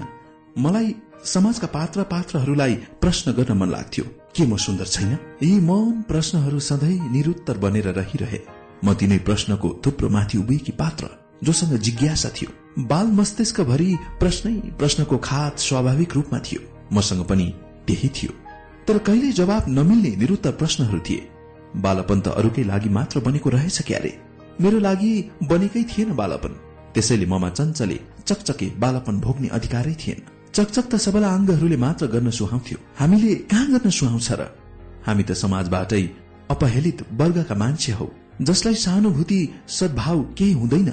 आफूलाई पूर्ण ठान्नेहरू पूर्ण जन्मको पापको फल यस जन्ममा मिलेको भन्दै घृणा अपमान तिरस्कारका शब्दहरू खनियाउँछन् र जसमाथि घृणाका थुकहरू पर्छन्। म तिनै घृणाका थोकहरू थापेर जिन्दगीको सुन्दर चित्र कोर्दै थिए। जिन्दगीको सबैभन्दा राम्रो चित्र सायद त्यति बेलै कोरेकी थिए मैले। मेरा लागि सबैभन्दा प्यारा वस्तु ढुङ्गा र माटो थिए जसलाई म धोको पुगिन्जेल खेलाउन सक्थे। बाबामाको लागि म बेकारी सन्तान थिए। उनीहरूले मेरो हेरचाह गर्न भनेको बेकारै कुरा ठाने। त्यसैले म मन लागुन्जेल ढुङ्गा माटो खेलाउन पाउँथे। ढुङ्गाका टुक्रा बटुल्ने क्रममा म घरभन्दा अलि पर पनि पुग्थे। खेल्दा खेल्दै कहिलेकाहीँ मान्छेको बिष्टा लुगाभरि लाग्थ्यो। मेरो लागि पानीको काम माटाले गर्थ्यो। पटक पटक टालेका लुगाहरूमा लागेको त्यो बिष्ठा माटो दलेर पन्छ्याउँथे। अहिले सम्झन्छु त्यो जीवन कस्तो नारकीय अवस्थाको थियो। बाबाले निलो रंगका बोराका पाइजामाहरू मेरो लागि सिलाइदिन्थे। बलियो खप्छ भनेर। नयाँ खालका बोराका चिटिक्क पारेका पाइजामा देखेर मन साह्रै रमाउँथ्यो केटाकेटीको जात न हो। आफूलाई माया गरेर नयाँ पाइजामाहरू सिलाइदिँदा कसको मन खुसी नहोला र? आहा म यो लाएपछि कति राम्री देखिनु होला भनेर फुरुङ्ग हुन्थे। त्यो पाइजामा नयाँ हुन्जेल मैलो नहुन्जेल एक दुई दिन त ठिकै हुन्थ्यो। मैलो भएपछि त्यो मेरो तौल भन्दा गरम हुन्थ्यो। आमाले भ्याउँदा त सफा गरिदिन्थिन् तर नभ्याएको बेला कसले सफा गरिदिने? धुलामा लटपटिँदा त्यो पाइजामा मैलै हेरिन सक्नुहुन्थ्यो। जाडोको याममा त्यो कहिले तातिएन। गर्मीमा त्यसैले पोलेर कति रुन्थे कति यसरी रुनु पनि छुट कहाँ थियो र? घामले कलिलो छालामाथि जति ताप र राप छोडे पनि त्यो पाइजामा मैले लाउनै पर्थ्यो। बाबाको इज्जत धान्नकै लागि भए पनि त्यो मैलै मैल थोत्रै टालेको वस्त्र लाउनै पर्थ्यो। सबैभन्दा पहिलो कुरो मैले आफ्नै लाज छोप्न पनि लाउनै पर्थ्यो। जब रात पर्दै जान्थ्यो म मनमा नै रमाउँथे। अब मैले लाज कसैको लागि छोप्नु पर्दैन थियो। किनभने रातमा कसैले पनि लाज हुने अङ्ग देख्दैनथे र नाङ्गै बस्थे। यसरी नाङ्गै बस्दा मलाई हलुकापनको आभास हुन्थ्यो। अरूलाई तीन चार वर्षको उमेरदेखि लाज शरमको चेत हुन्छ। बच्चाहरू यो उमेरदेखि अरू मान्छेले देखेर दिशा पिसाब गर्न नमान्ने गर्छन्। तर मेरो लागि त लाज शरमका कुराहरू दस एघार वर्षसम्म लागू भएनन्। किनभने मलाई त्यस बेलासम्म च्यातिएका फाटेका पाइजामाहरू लाउँदा पनि कसैले केही भनेनन्। अर्थात् त्यो समयसम्म लाज शरमको चेतै थिएन। फाट्नु च्यातिनु र भुइँमा त्यो एउटै पाइजामा लाएर लगातार दिन दिनै घस्रिएपछि त्यो कतिन्जेल खपोस र खप्दैन थियो। मलाई त्यति बेला एउटै धुन कसरी मेरो कलिलो छाला ढुङ्गाले भेट्दैनन् र घाउ हुँदैन भन्ने मात्र हुन्थ्यो। लाज नछोपिए पनि मलाई केही मतलब थिएन किनभने म अरू सन्तान जस्तो सग्लो थिइन। त्यसैले लाज अरूले जस्तो छोप्नु पर्दैन थियो। अरूका अगाडि शरम पनि मान्नु पर्दैन थियो। म नाङ्गै रहन मन पराउँथे नाङ्गै खेल्न मन पराउँथे। र नाङ्गै खेलिसकेपछि मेरो पाइजामा कहिले फाट्दैन थियो अनि बाबा आमाका ती त उपशब्दहरू म माथि वर्षिने त थिएनन् भन्ने लागिरहन्थ्यो। तर नलाएर पनि धरै थिएन। मैले बाबा आमाको लाज छोप्नु पर्थ्यो। अरूलाई मैले लुगा लगाएको कुरा अर्थात शरीरमा लुगा भएको समाजका मान्छेहरूलाई देखाइदिनु पर्थ्यो। यो देखाउँदा देखाउँदै त्यो पाइजामा कति छिटो च्यातिन्थ्यो कति छिटो। बाबाले हप्ता दिन पछाडि नयाँ टालो खोजेर टालिदिन्थे च्यातिएको पाइजामा पनि नयाँ सम्झेर फुरुङ्ग पर्दै लाउँथे। मेरो नयाँ टालेको पाइजामा दुई चार दिनपछि छेड परिहाल्थे। बिचरा बाबा आमाले पनि के गरून्? उनीहरूले टालोमाथि टालो थपिदिनु मात्र जाने। त्यसभन्दा अर्को विकल्प पनि त खोजेनन्। मैले त्यही समयमा हुने र नहुने बीच खाडल देखे पर्खाल देखे अनि थुप्रै असमानताका कुराहरू देखे। थपिएको टालोभित्र मैले आर्थिक खडाल मात्र देखिन। त्यसमाथि लामा लामा वर्गीय खाडल पनि देखे। बाबा आमाले लुगा यति छिट्टै च्यातिएको देखेर उपशब्दहरू प्रकट गर्थे। उनीहरूको आक्रोश र आवेग ममाथि नमिठो गरेर पोखिन्थ्यो। नहुनुको पीड़ा मैले यी आक्रोश र आवेग भित्र पनि देखे र मजाले भोगे। मेरा रहर लाग्दा बालापनहरू आँसु नै आँसुको दहमा चोबलिएर बिते। कहीँ कतै हाँसोको अलिकति टुक्रासम्म अनुभूति गर्न पाइन मैले। मेरो बालापन आँसु र डर त्रास भित्र बित्यो। एकजना भरत अधिकारी नाम गरेका मित्रले मसँग भेटमा भनेका थिए साना प्रधानको सन्दर्भमा यसरी। बर्माको युद्धताका साहना प्रधानले आठवटा फ्रक लगाएर लास माथिबाट ओढेर ज्यान जोगाएर नेपाल आएकी रे? साँच्चै उनको जीवन कथा सबैको लागि प्रेरक छ मेरो मनले तर्खना गर्यो साहनाको जीवन कथामा धेरै मानिसको लागि संघर्ष त्याग समर्पण आँसु एक ठाउँमा छ साह्रै प्रेरणादायी कथा पनि होला। तर उनी स्वस्थ थिइन्। र पो भागेरै भए पनि आफ्नो ज्यान जोगाइन्। उनीसँग त आठ आठवटा फ्रक थिए र लाइन। तर नहुनेहरू अशक्तहरूको व्यथा के छ? त्यसको बारेमा अनुमान गरेको छ कसैले? यहाँ तपाईँलाई साहना प्रधान र उनको संघर्षलाई मैले अर्को अर्थमा बुझ्न खोजे कि भन्ने नलागोस्। समयले गर्न लागेको संघर्षलाई उनले इमान्दारीपूर्वक पूरा गरिन्। त्यो पाटो सबैको लागि प्रेरणादायी बन्यो। तिनीहरूको बीचमा साहनाको जिन्दगी कहाँ पर्छ? तर जुन जिन्दगीले आठवटा फ्रक देखेकै छैन जसले बाँच्ने चाहना हुँदाहुँदै पनि अकालमै मृत्युवरण गर्नुपर्छ। उनीहरूले अभाव भन्दा केही भोगेकै छैनन्। त्यही वर्गभित्रकी एउटी पात्र म जसले नटालेका लुगाहरू कमै लाउन पाउँथ्यो। उँभोका लुगा पनि बाबाका थोत्रे पुराना भेस्टहरूले काम चलाउनु पर्थ्यो। जाडोको याममा पनि बाबा आमाका पुराना फाटा स्वेटरहरू लगाउनु पर्थ्यो। आफ्नो त एक दुई जोरदेखि कहिले हुँदैन थियो लुगा। त्यो बेला बाबा आमाका थोत्रा स्वेटरहरू मलाई निकै न्याना लाग्थे। कट्टुसम्म लाउन नपर्ने लामा हुन्थे। कति पटक त सुगरिन्थ्यो कति पटक। कहिले काहीँ त पाइजामाको काम धरी बाबाको थोत्रो स्वेटरले गर्थे। बाहुला बाहुलामा खुट्टा धसाएर म पाइजामाको रूपमा लाउँथे। त्यो समय म केही फोहोरी थिए। आमाले सफा गरेर पनि त भ्याउँदिनथिन् भ्याए पनि एकै छिनमा एकदमै फोहोरी हुन्थे। धुलो खेलेर शरीरभरि दल्थे। खोइ के के गर्थे के के? मेरा बाल्यकालका प्रिय खेलाउन भनेका ढुङ्गा माटो अंगेरीका पातहरू नै थिए। जे होस् अबोध हुनाले एक खालको आनन्द थियो। उमेर पनि बढ्दै गइरहेको थियो। अभिभावकहरूले निराश भएर फुक्का छोडिदिएका थिए मलाई। यही स्वतन्त्रतासँगै मैले बिस्तारै बिस्तारै आफ्नै खालका विचार भावना आस्था र विश्वास बनाउँदै थिए। अर्थात मेरो सानो मनले एउटा फरक बाटोको निर्माण गर्दै थियो। त्यही समयले मलाई आफ्नो छुट्टै अस्तित्वको निर्माण गर्न अप्रत्यक्ष रूपले अराउँदै थियो। अब मेरो सानो मनले सोच्न थालिसकेको थियो। सबै मान्छे भने म चाहिँ के? के म मान्छे होइन? सबै मान्छे भने किन अरू र ममा भेद? यी भेद संस्कृतिका पर्खालहरू भत्काएर समताको संस्कृति निर्माण गर्न चाहन्थे। सानो मन भएको सानो मान्छे। सानो मान्छेलाई स्वतन्त्रता दियो भने उसले धेरै कुरो सोच्न गर्न सक्छ।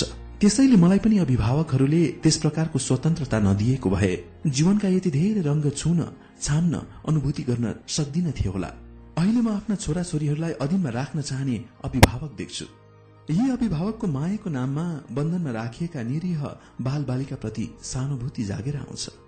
यिनीहरूलाई स्वतन्त्रता दिँदा बिग्रिन्छन् रे। यी अभिभावकहरूप्रति पनि मलाई दया लागेर आउँछ। उनीहरूको कमजोर मानसिकतालाई चिरफार गर्न र त्यसमा नयाँ चेतनाको बिउ छरिदिन मन लाग्थ्यो। त्यही भीड़मा उभिएर भन्न मन लाग्छ बालपनमा सबैभन्दा बढी स्वतन्त्रता भोग्नेहरूमध्ये म पनि हुँ। शारीरिक अशक्तताले नसक्नु त बेग्लै कुरा हो। तर अन्य सबै स्वतन्त्रता मलाई प्राप्त भयो। किनभने म समाजको लागि बेकममा सदस्य जसलाई बेपरवाहसँग फालिएको थियो मैले केही गर्दा पनि वास्ता गरिँदैन थियो। यति मात्र गरिन्थ्यो कि बिहान बेलुकीको दुई छाक भात र जस्ता भए पनि लुगा दिइन्थ्यो। त्यसभन्दा पर वास्ता गरिएन। व्यवस्थासँगै फालिनु पनि मेरो लागि कुनै दुर्भाग्य थिएन बरु दुर्भाग्यलाई सौभाग्यको रूपमा बदलने माध्यम बन्न पुग्यो। आखिर जिन्दगी मेरो थियो र कसैको थिएन। त्यसलाई कसरी जिउने भन्ने निर्णय पनि स्वयंले बनाउँदै जानु पर्थ्यो त्यसैले अभिभावकले जे गरे ठिक गरे। उनीहरूले काम नलाग्ने सन्तान सम्झेर फुक्का छोडिदिए पनि म न त उनीहरूको बेकममा सन्तान थिए न त समाजकी बेकममा सदस्य। अनि त्यो फुक्कापन मेरो एउटा सौभाग्य। समय आफ्नै गतिमा होत्तिँदै थियो। अविरल अविरल त्यो समयको प्रवाहसँगै उमेरले पनि आज भन्दै भोलि भन्दै फन्का लाउँदै थियो अर्थात छिपिँदै गइरहेको थियो। अब त म पनि नौ दस वर्षकी भइसकेकी थिएँ क्यारे। हाम्रो नयाँ घर बन्दै थियो। मन नयाँ घरमा बस्न पाउने आशामा फुरुङ्ग थियो। काम गर्न आउने सकर्मी डकर्मी निकै छिल्लिएका थिए। हुन त उन्मुक्त वयस भरिएका त्यसमाथि मातिएका तरुणी तन्नेरीहरू नछिल्लिए को पछि लिन्छन् र? वयसमा स्याल पनि घोर्ले हुन्छ भन्छन्। त्यसमाथि मान्छेको जात वयसमा स्याल भन्दा अलि राम्रै हुन्छ। घरमा ठूलो मान्छे भएको बेला नछिल्ली पनि काम गर्थे र अरू बेला छिलिँदै काम गर्थे। हाम्रो पुरानो घर भत्काइसकेको थियो। हामी गोठमा बस्थ्यौं। त्यही पकाउने खाने सुत्ने गर्थ्यौं। म त्यही गोठ वरिपरि खेल्थे दिनभरि। बाबा आमा आफ्ना काममा हिँडिहाल्थे। भाइ बहिनीहरू स्कूल गइहाल्थे। घरमा एक्लै हुन्थे म। सकर्मी र डकर्मीहरू मलाई हेरेर भन्थे बयस भरिँदा यो केटी कस्ती हुन्छ होला। यसको रूप रंग कस्तो हुन्छ होला? अर्कोले थप्थ्यो बाबामा हुन्जल यसलाई त छ आनन्द। अर्कोले थप्थ्यो के यार बयस भरिँदा यो राम्रै हुन्छ? मैले त्यति बेलासम्म वयस यौवनका कुराहरू ठ्याम्मै बुझेकी थिइन। तर म जस्ती भए पनि यिनीहरूलाई के को चासो? मनमा नै लाग्थ्यो। बाबाले निला बोराका पाइजामाहरू सिलाइदिए पनि फाटेर जम्मै गुत्ताङ्गहरू देखिन्थ्यो। कहिलेकाहीँ तिनीहरू त्यसैलाई ताकी ताकी सासाना ढुङ्गा टुक्रा या माटाका मसिना डल्लाले हान्थे। मेरो उनीहरूको जस्तो छिप्पिएको छाला थिएन। उनीहरूको पो ढुङ्गा माटो काठका काम गरेर बानी परिसकेका हुनाले उनीहरूलाई खासै असर पर्दैन थियो। तर मेरो कलिलो छालामा लाग्दा निकै दुख्थ्यो ताकि ताकि हान्नेहरूलाई म पनि के कम जे भेट्थे त्यही खुट्टाले टिपेर हान्थे झटारो। तिरी मिरी झ्याई देख्ने गरी दनक्क सबै डकर्मी सकर्मीहरू छिलिएका मात्र थिएनन्। बुढा खाडाहरूले भने मलाई माया गरेर जिस्काउँथे। कुरी कुरी कुरी कुरी मैले यसरी ताजन दिएपछि यसलाई चलाउन नहुने पो रहेछ भन्दै दुई चारजनाले मलाई कहिले चलाएनन्। बुढापाकाहरूले मेरो स्वभाव बुझेरै होला यो केटीलाई कसैले नचलाएसम्म यसले कसैलाई केही गर्दैन। चलाएपछि यसले जेलले पायो त्यसलै दिन्छे दनक्क। यसलाई कसैले पनि नचलाउनु भनेर आदेश दिन्थे। तर छिल्लिएका केटाकेटीहरू के मान्थे र? अह मानेनन्। हो स्वभाव अलिकति अदण्ड खालको भनौँ कि खोइ के भनौं अलिकति आक्रामक भइसकेको रहेछ क्यारे आफूले बिना सित्ते गोदाई खाइन्छ भने त्यो पीड़ालाई अलिकति भए पनि चोट लाउनै पर्छ पीड़ा दिनै पर्छ भन्ने लाग्थ्यो। मलाई कसैले सानी कमजोर केटी ठानेर हान्थ्यो या जिस्काउँथ्यो भने त्यसलाई मैले जे भेटे त्यसैले हाने छटारो लागोस् या नलागोस्। यो मेरो बाबा आमाले फुक्का छोडिदिएको एउटा परिणाम थियो। कसैलाई राम्रो नराम्रो जे लागे पनि अन्यायको विरोध गर्ने प्रवृत्तिको विकास हुँदै गइरहेको रहेछ। ममा अन्याय अत्याचार सहने सीमा नागिसकेको रहेछ। आम मान्छेहरूको जस्तो ममा प्राकृतिक रूपमा नै गुप्ताङ्गहरू विकसित भएका थिए। त्यसलाई छोप्न नसक्नु स्वयंको कमजोरी थियो या छोपिदिनु नसक्नु कमजोरी या बाध्यता खोइ के थियो कुन्नी? जसको जे भए पनि मेरो गुप्ताङ्गले कसैलाई के गरेको थियो र? त्यसमाथि बारम्बार अन्याय प्रहार किन गर्थे मान्छेहरू? उनीहरूले जसलाई हानेर कुन खालको आनन्द प्राप्त गर्थे? सानो मन मस्तिष्कले कहिल्यै त्यो कुरा बुझेन तर दुखाइको सहज रूपमा अनुभूति गर्यो अनि मान्छेका दुष्ट चरित्र भने थोरै रूपमा भए पनि बुझियो। मैले अगाडि नै भनिसकेकी छु मलाई दस एघार वर्षको उमेर हुँदासम्म लाज शरम के हो? थाहा थिएन। अहिले पनि मलाई अरूलाई जस्तो लाज शरम लाग्दैन। यो कारणले पनि मेरो सम्पूर्ण लुगा कपडाहरू अरूले नै लगाइदिनु फुकालिदिनु पर्ने र नुहाइदिनु पर्ने भएको हुनाले लाज शरम मानेर साध्य पनि छैन। त्यो गरिदिने आमा बहिनीहरू जो कोही मान्छेलाई साह्रै कष्ट हुन्छ।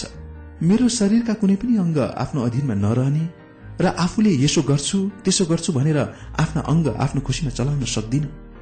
सन्तुलनमा नरहेका अङ्गहरू सम्हालेर मलाई लुगा कपडा लाइदिनु फुकालिदिनु उनीहरूलाई कहाँ सजिलो छ र?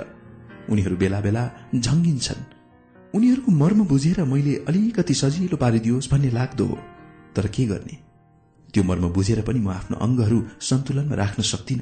नेपाली समाजमा केटीहरूले यो उमेरसम्म गुप्ताङ्ग छोपेनन् भने अथवा लाज शरमको कुराप्रति चासो देखाएनन् भने उनीहरूलाई यो आइमैको जात सानैदेखि उत्ताउलो हुन्छ छिल्लिने जात हो आदि कुरा काटिन्छ।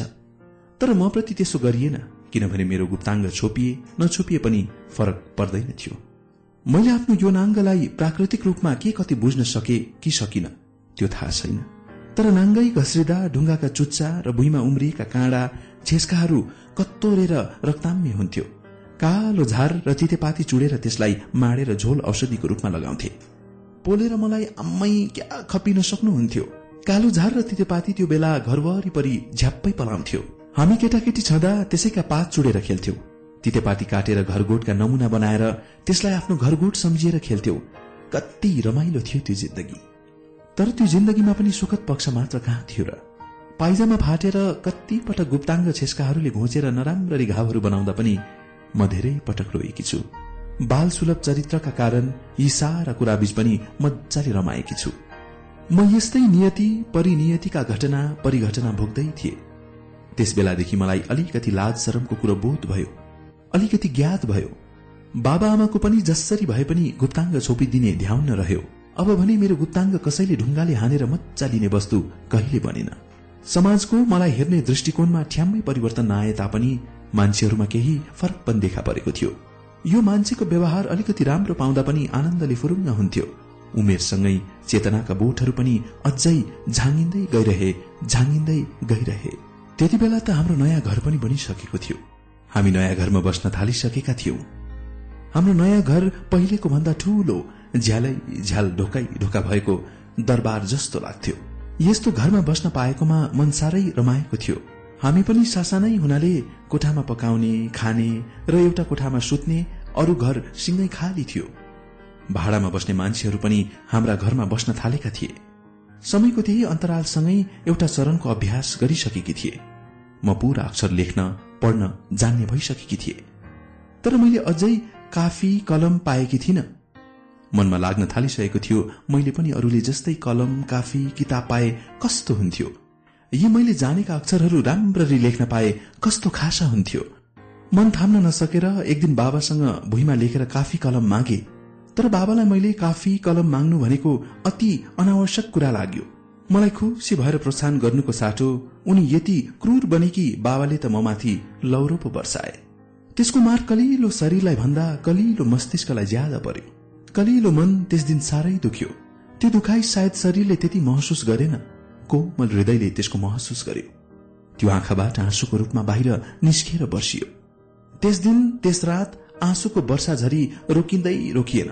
अर्थात मेरो रुवाई रोकिएन। यी बुढाको मन पत्थरको थियो।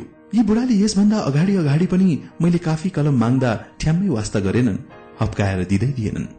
त्यस दिन पनि म धेरै बेर रुँदा उनलाई झर्को लागेछ क्यारे। आफ्नी जोईलाई आदेश दिए यो सापे रुन्छे यसलाई झटारो फालिदे।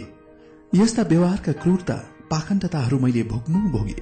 स्वयं आफ्ना भनिनेहरूको लागि पनि यस्तो दयाको पात्र भए म जसले बिहान बेलुकाको भात सित्तैमा खुवाइदिन्थ्यो। जसले जस्ता भए पनि एक सरो लुगा लगाइदिन्थ्यो।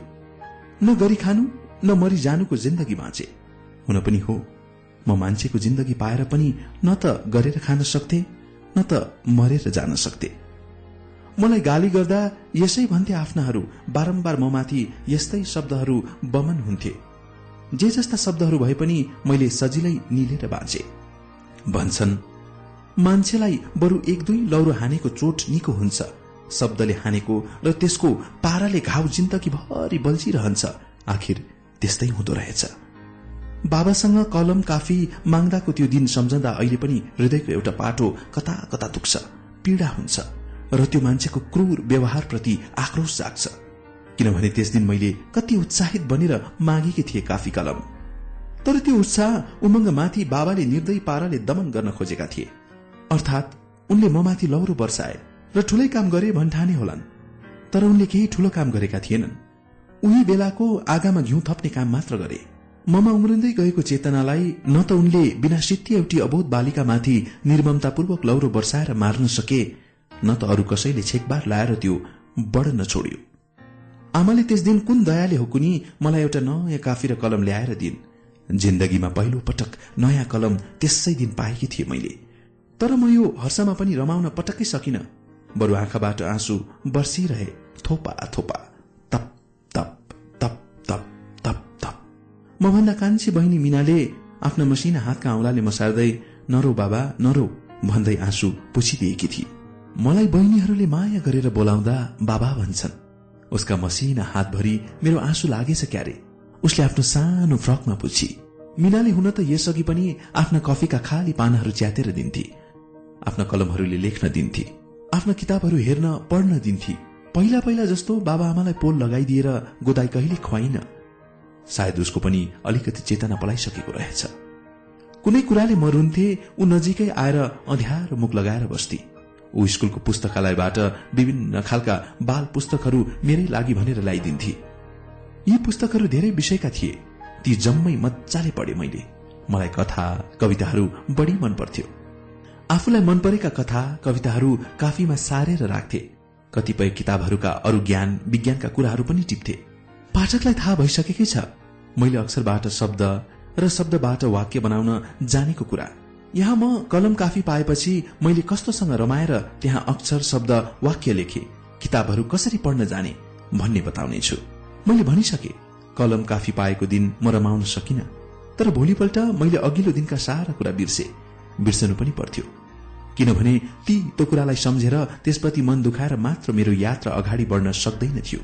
बिहानको कलिलो घामले मेरो शरीरभरि न्यानो स्पर्श गरे झै ममा दमन गर्न खोजिएका ती बाल उत्साह उमङ्गका बोटहरू नयाँ जरा हालेर तङ्ग्रिए। हो भोलिपल्ट मैले आफ्नै अगाडि सेतो कफीका सेता पानाहरू पल्टिरहेका त्यही नजिकै कलम लडिरहेको देखे। त्यसैले मलाई उठाएर यी सेता पानाहरूमाथि मसी भर या अक्षरहरूले भर भने जस्तो लाग्यो। नभन्दै मैले लडिरहेको कलम उठाएर ती सेता कागजका पानाहरूमाथि कुदाए। पहिलोपटक दर त्रासबाट मुक्त भएर अक्षर शब्द वाक्य अझ भनौ किताबका अनुच्छेदहरू लेख्न सार्न पाउँदाको त्यो खुशी म कसरी व्यक्त गरू? तपाईँ आफै महसुस गर्न सक्नुहुन्छ। यही प्राप्तिको लागि यति धेरै पीड़ा भोगेकी केटीले आफूले चाहेको कुरा पाउँदा कति धेरै प्रसन्न भई होला। शब्द र वाक्य बनाउन जानिसकेकी मैले किताबका अक्षरहरू पनि पढ्न लेख्न जान्नु कुनै अनौठो कुरा थिएन। अह म भन्दै थिए मेरी बहिनी मिनाले मलाई यति धेरै माया गरी जुन सायद बिर्लै दिदी बहिनीहरूले गर्छन् उसले प्रत्येक दिन स्कूलबाट घर फर्किँदा मेरो लागि नयाँ पुस्तकहरू लिएर नआएको दिन हुँदैन थियो। म एक्लै भएको बेला तिनलाई साथी बनाएर समय बिताउँथे। हो ती पुस्तकहरू एक एक गर्दै पढे। अब म किताबहरू पनि पढ्न जान्ने भए ती किताबहरूमा मलाई साहित्य विज्ञान र सामाजिक विषयका बढ़ी मन पर्थे। त्यति बेला मैले मान्छेलाई कसरी दया प्रेम करूणा र क्षमा देखाउनु पर्दो रहेछ? कसरी व्यवहार गर्नु पर्दो रहेछ? कसरी मान्छेलाई सहयोग गर्नुपर्ने रहेछ भन्ने मानव स्वभावका कुरा अलिकति भए पनि चाल पाए। ती पुस्तकहरूबाट मैले अलिकति अक्षरकै माध्यमले भए पनि मानव दुनियाँलाई बुझे। किताबका कथा कविताहरूमा चित्रण गरिएका पात्र पात्रहरूलाई पढ्दा मनमा कुनै पात्र पात्रहरूप्रति करूणा दया माया कुनै पात्र पात्रहरूप्रति घिन जाग्थ्यो। तिनीहरूप्रति रिस उठ्थ्यो। ती पात्र पात्रहरूलाई पढ्दा म पनि त्यस्तै सुखी दयालु परिश्रमी हुन पाए कस्तो जाति हुन्थ्यो भन्ने लाग्थ्यो। एक्लै भएको बेला ती पात्र पात्रहरूको ठाउँमा आफूलाई राखेर हेर्थे। कहिले राजकुमार दिगपाल कहिले स्वर्गकी परी हुन्थे कहिले राजकुमारी सुनकेसरा हुन्थे। त्यो सपनाको संसार साँच्चै सुन्दर थियो। म यथार्थ संसारमा भन्दा रंगीन संसारमा रमाउँथे। घरमा भएका पत्र पत्रिकाहरू पनि बाबाका आँखा छली छली हेर्थे र पढ्थे। कहिलेकाहीँ बाबाले रामायणका श्लोक भाका हाली हाली पढ्थे गाउँथे। म छेउमा गएर सुन्थे र मनमा लाग्थ्यो यो रामायण भन्ने किताब पढ्न जान्ने हुन पाए म कत्रो मान्छे हुन्थे होला। तर उनले छुन पनि दिँदैनथे। बुढोले लुकाएर कहाँ राख्थे कहाँ खोजी कार्य हुन थाल्यो। यी बुढाले कता राख्छन्? नभन्दै ओछान मुनि भेटाए। त्यसै दिन मैले सबैले पढेको रामायण किताब पहिलो पटक छोएर पढे। त्यो किताबका पानाहरूमा देउता भनिएका पात्र पात्रहरूका निकै आकर्षक वा चित्रहरू रहेछन्। त्यो किताबमा पनि अरू किताबहरूका जस्तै अक्षर रहेछन्। मजाले पढ्न जान्ने हाम्रा बाबाले पढेको रामायण मैले पनि पढे। मलाई रामायणका फरक अक्षर हुन्छन् भन्ने लागेको थियो। तर रामायण पल्टाएर हेरेपछि त्यो भ्रम स्वत हट्यो र आफूलाई निकै ठूली मान्छे भएको अनुभूति गरे। ती संघर्षका दिनहरूलाई सम्झिए त्यसै त्यसै आह्लादित बने। नेपाली साहित्यका आदिकवि भानुभक्तको आफैले नजिकैबाट पढ्न र उनको रामायणलाई छुन पाएकी थिए। देवता भनिएका राम राक्षस भनिएका रावण नामक दुई पात्रहरूलाई नजिकैबाट बुझे। त्यति बेला मेरो सानो बाल मस्तिष्कले रामलाई असल ठान्यो रावणलाई खराब। खोइ किन यस्तो दृष्टिकोण राखे मैले? मैले भन्न सक्दिन। तर अन्तमा रामले आफ्नो श्रीमतीको सतीत्वमाथि अविश्वास गरेर त्यो अपमानले सीता धरतीमै विलय भएको प्रसंगले मलाई साह्रै मर्माहात बनायो। अन्तमा रामलाई पनि सज्जन ठानिन। पहिला पहिला बाबा म प्रति त्यति सकारात्मक थिएनन्। बुढा म प्रति किन आक्रमक थिए? त्यो मैले कहिले बुझिन। अब त बिस्तारै बिस्तारै सकारात्मक हुँदै गएका थिए। उनले मलाई नयाँ कलम काफी नदिए पनि उनले काम चलाएर उब्रिएका खाली कागजका पानाहरू र थोत्रा कलमहरू दिन थालेका थिए। समयले ढुङ्गा त पगाल्छ भने मेरो बाबा त मान्छे। उनको मन ढुङ्गाले बनेको थिएन। समयसँगै क्रमशः पग्लिँदै गए। कहिलेकाहीँ अफिसमा काम नलाग्ने प्याडहरू ल्याएर दिन्थे। मलाई त्यही भए पनि अभ्यास गर्न काम लागिहाल्थ्यो। फुरुङ्ग हुन्थे। उमेरले अलिकति माथिल्लो खुड्किलो उक्लिए पनि ममा अझै बाल अबोध बन्न सकिएको थिएन। चेतनाका अंकुरहरू अलि टुसाउन थाले पनि ती पूर्ण वयस्क हुन अझै धेरै समय लाग्थ्यो। त्यति बेला हाम्रो घर वरिपरि नजिक पानीको स्रोत थिएन। निकै पर एउटा कुवा थियो। त्यहाँबाट बोकेर आमाहरूले ल्याउँथे पानी। म भने घरमा काम चलाइसकेको फोहोर पानी खेल्थे। कहिलेकाहीँ आमाले माया गरेर अलिकति सफा पानी खेल्न दिन्थिन्। पानी पाएर खुसीले सानो चुलो बनाउँथे। बाँसका मसिना सिन्का गाडेर फालेका प्लास्टिकको छानो लाएर गोठ पनि बनाउँथे। अलि पर घिस्रिँदै बारीका कान्लामा पुगेर कचिया दुईटा खुट्टाले समातेर टुप्पाले खोतलेर ससाना चारकुना भएका खोपाहरू बनाउँथे। मैलो फोहोर पानीले भए पनि माटो मुछेर माटाका भाँडाहरू बनाउँथे र तिनलाई त्यही खोपामा राख्थे। पानी परे पनि हतपत भिज्दैनथे मेरा भाँडाहरू। चुलो पनि सानो गोठमा हुन्थ्यो। त्यो पनि भिजेको हुँदैन थियो। सुरक्षित हुन्थ्यो र भोलिपल्ट पनि आनन्दले खेल्थे। मैले त्यही कचियाको टुप्पले भुइँ खनेर डन्डी बियो खेल्ने दुलो बनाउँथे। त्यसैले रेटेर डन्डी बियो बनाएर बसी बसी बियोलाई उफारेर खुट्टाले भए पनि डन्डीले हानेर गजबले खेल्थे। एक्लै डन्डी बियो। गुच्चा र खोपी पनि खुट्टाले नै हानेर खेल्थे। पाठकहरूको मनमा प्रश्न उब्जियो होला के यो सम्भव छ? सम्भव छ। तपाईँको हात जति क्रियाशील हुन्छ मेरो खुट्टा पनि त्यति नै क्रियाशील हुन्छन् भने कल्पना गर्नुहोस् सम्भव छ कि छैन? मलाई याद छ। यो केटीले त छोरा मान्छेले खेल्ने खेलहरू खेल्दैछ। यो कलयुगमा के के देख्नु परेको? भन्दै हाम्रो घरको बाटो घरको भारी बोकेर उकालो लाग्थे। हो मैले बच्चापनमै गोठ बनाउने खोपा बनाउने गुच्छा डन्डी बियो खोपी खेल्ने जस्ता खेलहरू केटाहरूले मात्र खेल्नुपर्छ भन्ने मान्यता बोकेकाहरूको मानसिकता विरूद्ध पाइलाहरू चालिसकेकी रहेछु। त्यति बेला मैले पुतली बनाउने चुलो बनाउने पनि नखेलेकी होइन। तर बालपनमा मान्छेको जति बढी स्वतन्त्रता पायो त्यहाँ त्यो समाजको केटाले जस्तो खेल्नुपर्छ केटीले उस्तो खेल्नुपर्छ भन्ने मान्यताका पर्खालहरू भत्काएर नवीन खालका समताका मान्यता आफै निर्माण हुन जान्छन्। देख्नेहरू मध्ये कोही खरका भारी बिसाएर मैले खेलेको रमिता हेर्थे। कसैले त मुख चुवा चुवा गर्दै कठैबरी साथी कोही नभए पनि खेलिरहँदो रहेछ भन्थे। खर र दाउराका भारी बोकेर उकालो लाग्ने ती भरिया को हुन्? अहिले मलाई याद छैन।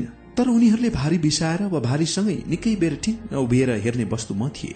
निकै बेर उभिएर एकटकले हेरिसकेपछि च्वा च्वा गर्दै अघिल्लो जन्मेको कर्मको फल भन्दै लस्का र उकालो लाग्थे।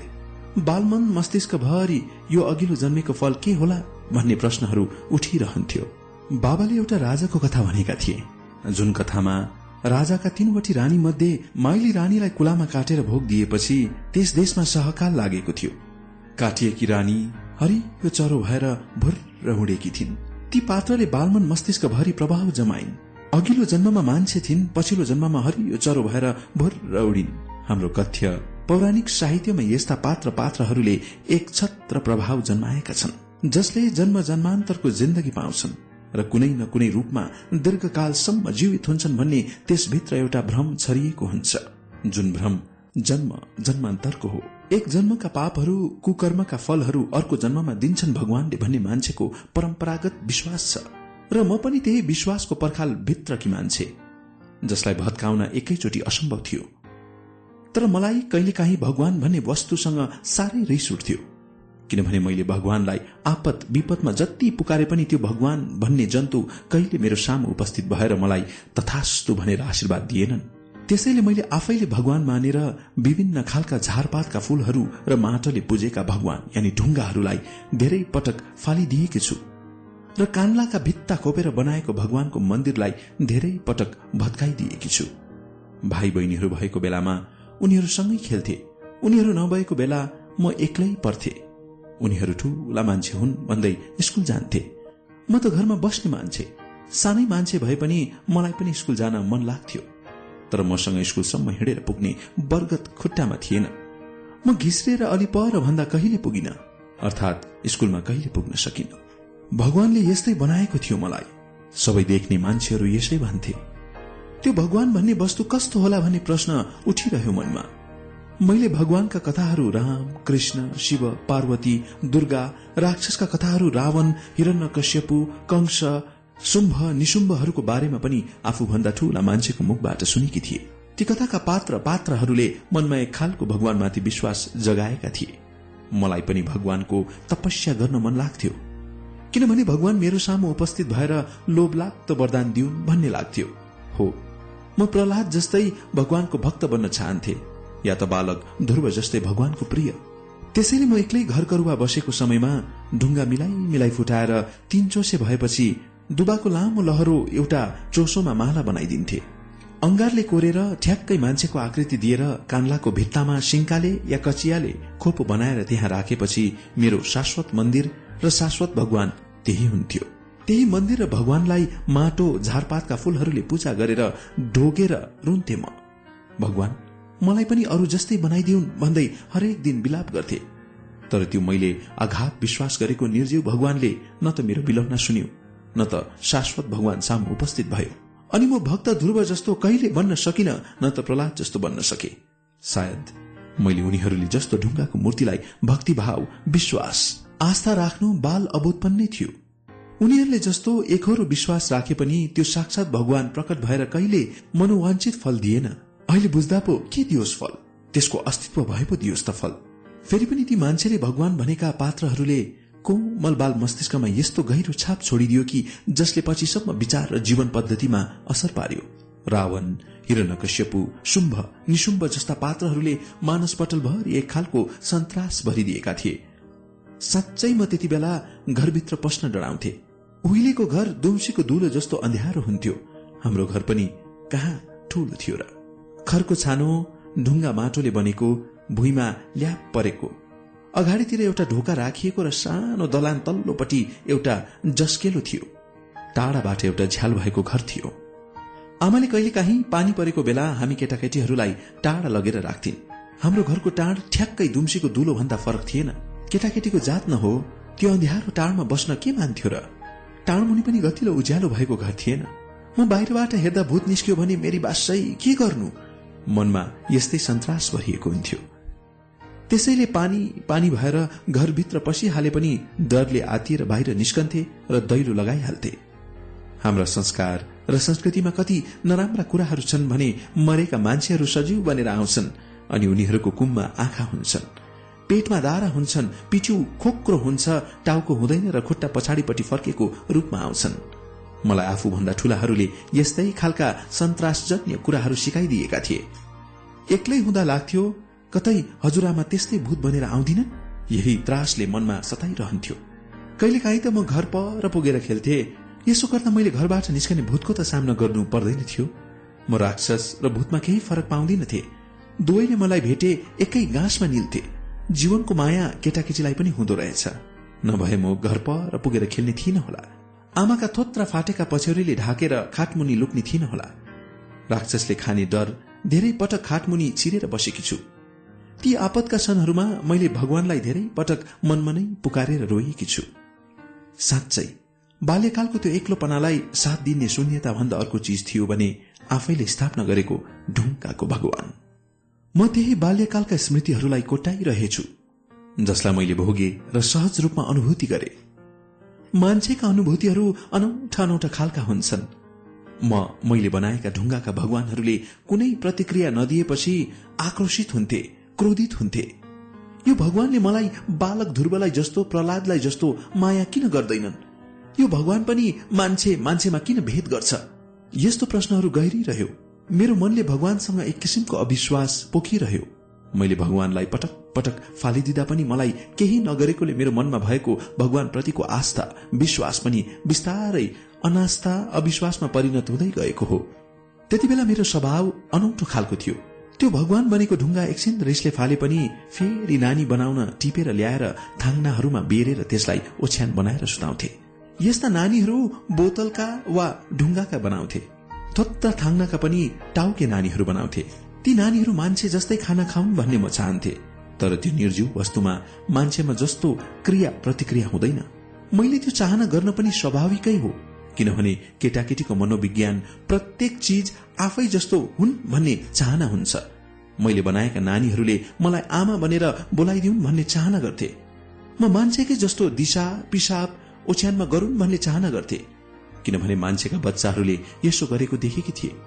तर मेरा नानीहरूले कहिले यसो गरेनन्? उनीहरू त निर्जीव बोतल ढुङ्गा र थाङ्नाका थिए। विकसित देशमा जन्मिएकी भए मसँग रुने हाँस्ने यान्त्रिक गुडियाहरू खेलाउन पाउँथे होला। म अल्प विकसित देशमा जन्मिएकी थिए। त्यसमाथि मसँग जोडिएको शारीरिक दुर्बलतालाई मान्छेले हरेक क्रियाकलापलाई त्यससँग जोडेर हेर्थे। र पनि मैले उनीहरूको सोच चिन्तनलाई व्यवस्था गर्दै खेले निर्धक्क। सिसाका बोतल ढुङ्गा र थाङ्नाका टाउके नानीहरू। मैले खेलेको देख्दा यो लाठीको खेल यस्तै हुन्छ। हेर नानी सुताएकी भन्थे मान्छेहरू। त्यही ठाउँमा अरू बच्चाहरूले खेल्दा सामान्य मानिन्थ्यो। तर म प्रति त्यो दृष्टिकोण राखिएन जसले जुन खालको सोच चिन्तन राखे पनि त्यो समय मेरो बालापन साँच्चै सुन्दर थियो जसलाई मैले भोगे। अलिकति चेतनाका अंकुर प्रस्फुटित हुन थालेपछि मान्छेलाई पीड़ा हुन थाल्दो रहेछ। बरु अबोध हुँदै रमाइलो हुन्छ। मलाई जिन्दगीको पीड़ा बोधको महसुस अप्रत्यक्ष रूपमा हुन थालेको थियो। किनभने मेरा हरेक कुरा शारीरिक दुर्बलतासँग जोडेर हेरिन्थे। यहाँसम्म कि भोक लागेर बासी भात आफै निकालेर खाँदा पनि लाटोपनको परिचय दिएको भन्दै हप्काइन्थ्यो। यो लाटालाटीको जात न हो जात हाल्छन्। यिनीहरूको बेहोरै हुँदैन। स्वभावै कस्तो सकिएको भन्दै कराउँथे बाबा आमा। म कति लाचार बनेर इच्छ परेर बस्थे। या त बर बर आँसुका ढिका झार्दै बस्थे। बाठाहरूले जस्तो छल कपटको कुरा गर्न मैले जानेकी थिइन। लाटो जमातले बाटाहरूले जस्तो अन्याय कुरा गर्न जान्दैनन्। भोकले औडाहा हुँदा बासी भात खाएकी थिए। अरू कुनै ठूलो कुरा खाएकी हुन्न थे तर मलाई गाली किन दिन्थ्यो? अरू सन्तानलाई आफैले झिकेर खाँदा पनि केही भनिँदैन थियो। हुन त शारीरिक रूपमा फरक थिए। अरूले हातले झिक्थे म खुट्टाले झिकेर खान्थे। त्यही फरक थियो। मैले जति सफा गरेर झिकु देख्नेहरूको लागि त फोहोरै हुन्थ्यो। त्यही ठाउँमा अरूले हात नधोई झिक्दा पनि सफा हुन्थ्यो। भात खाँदैमा मेरो जात लाटो बनेको थियो। मान्छेको जातहरूको बीचमा पनि मेरो जात छुट्टै बनेको थियो। सायद अपहेलितहरूको माझ पनि अपहेलित जात लाटो।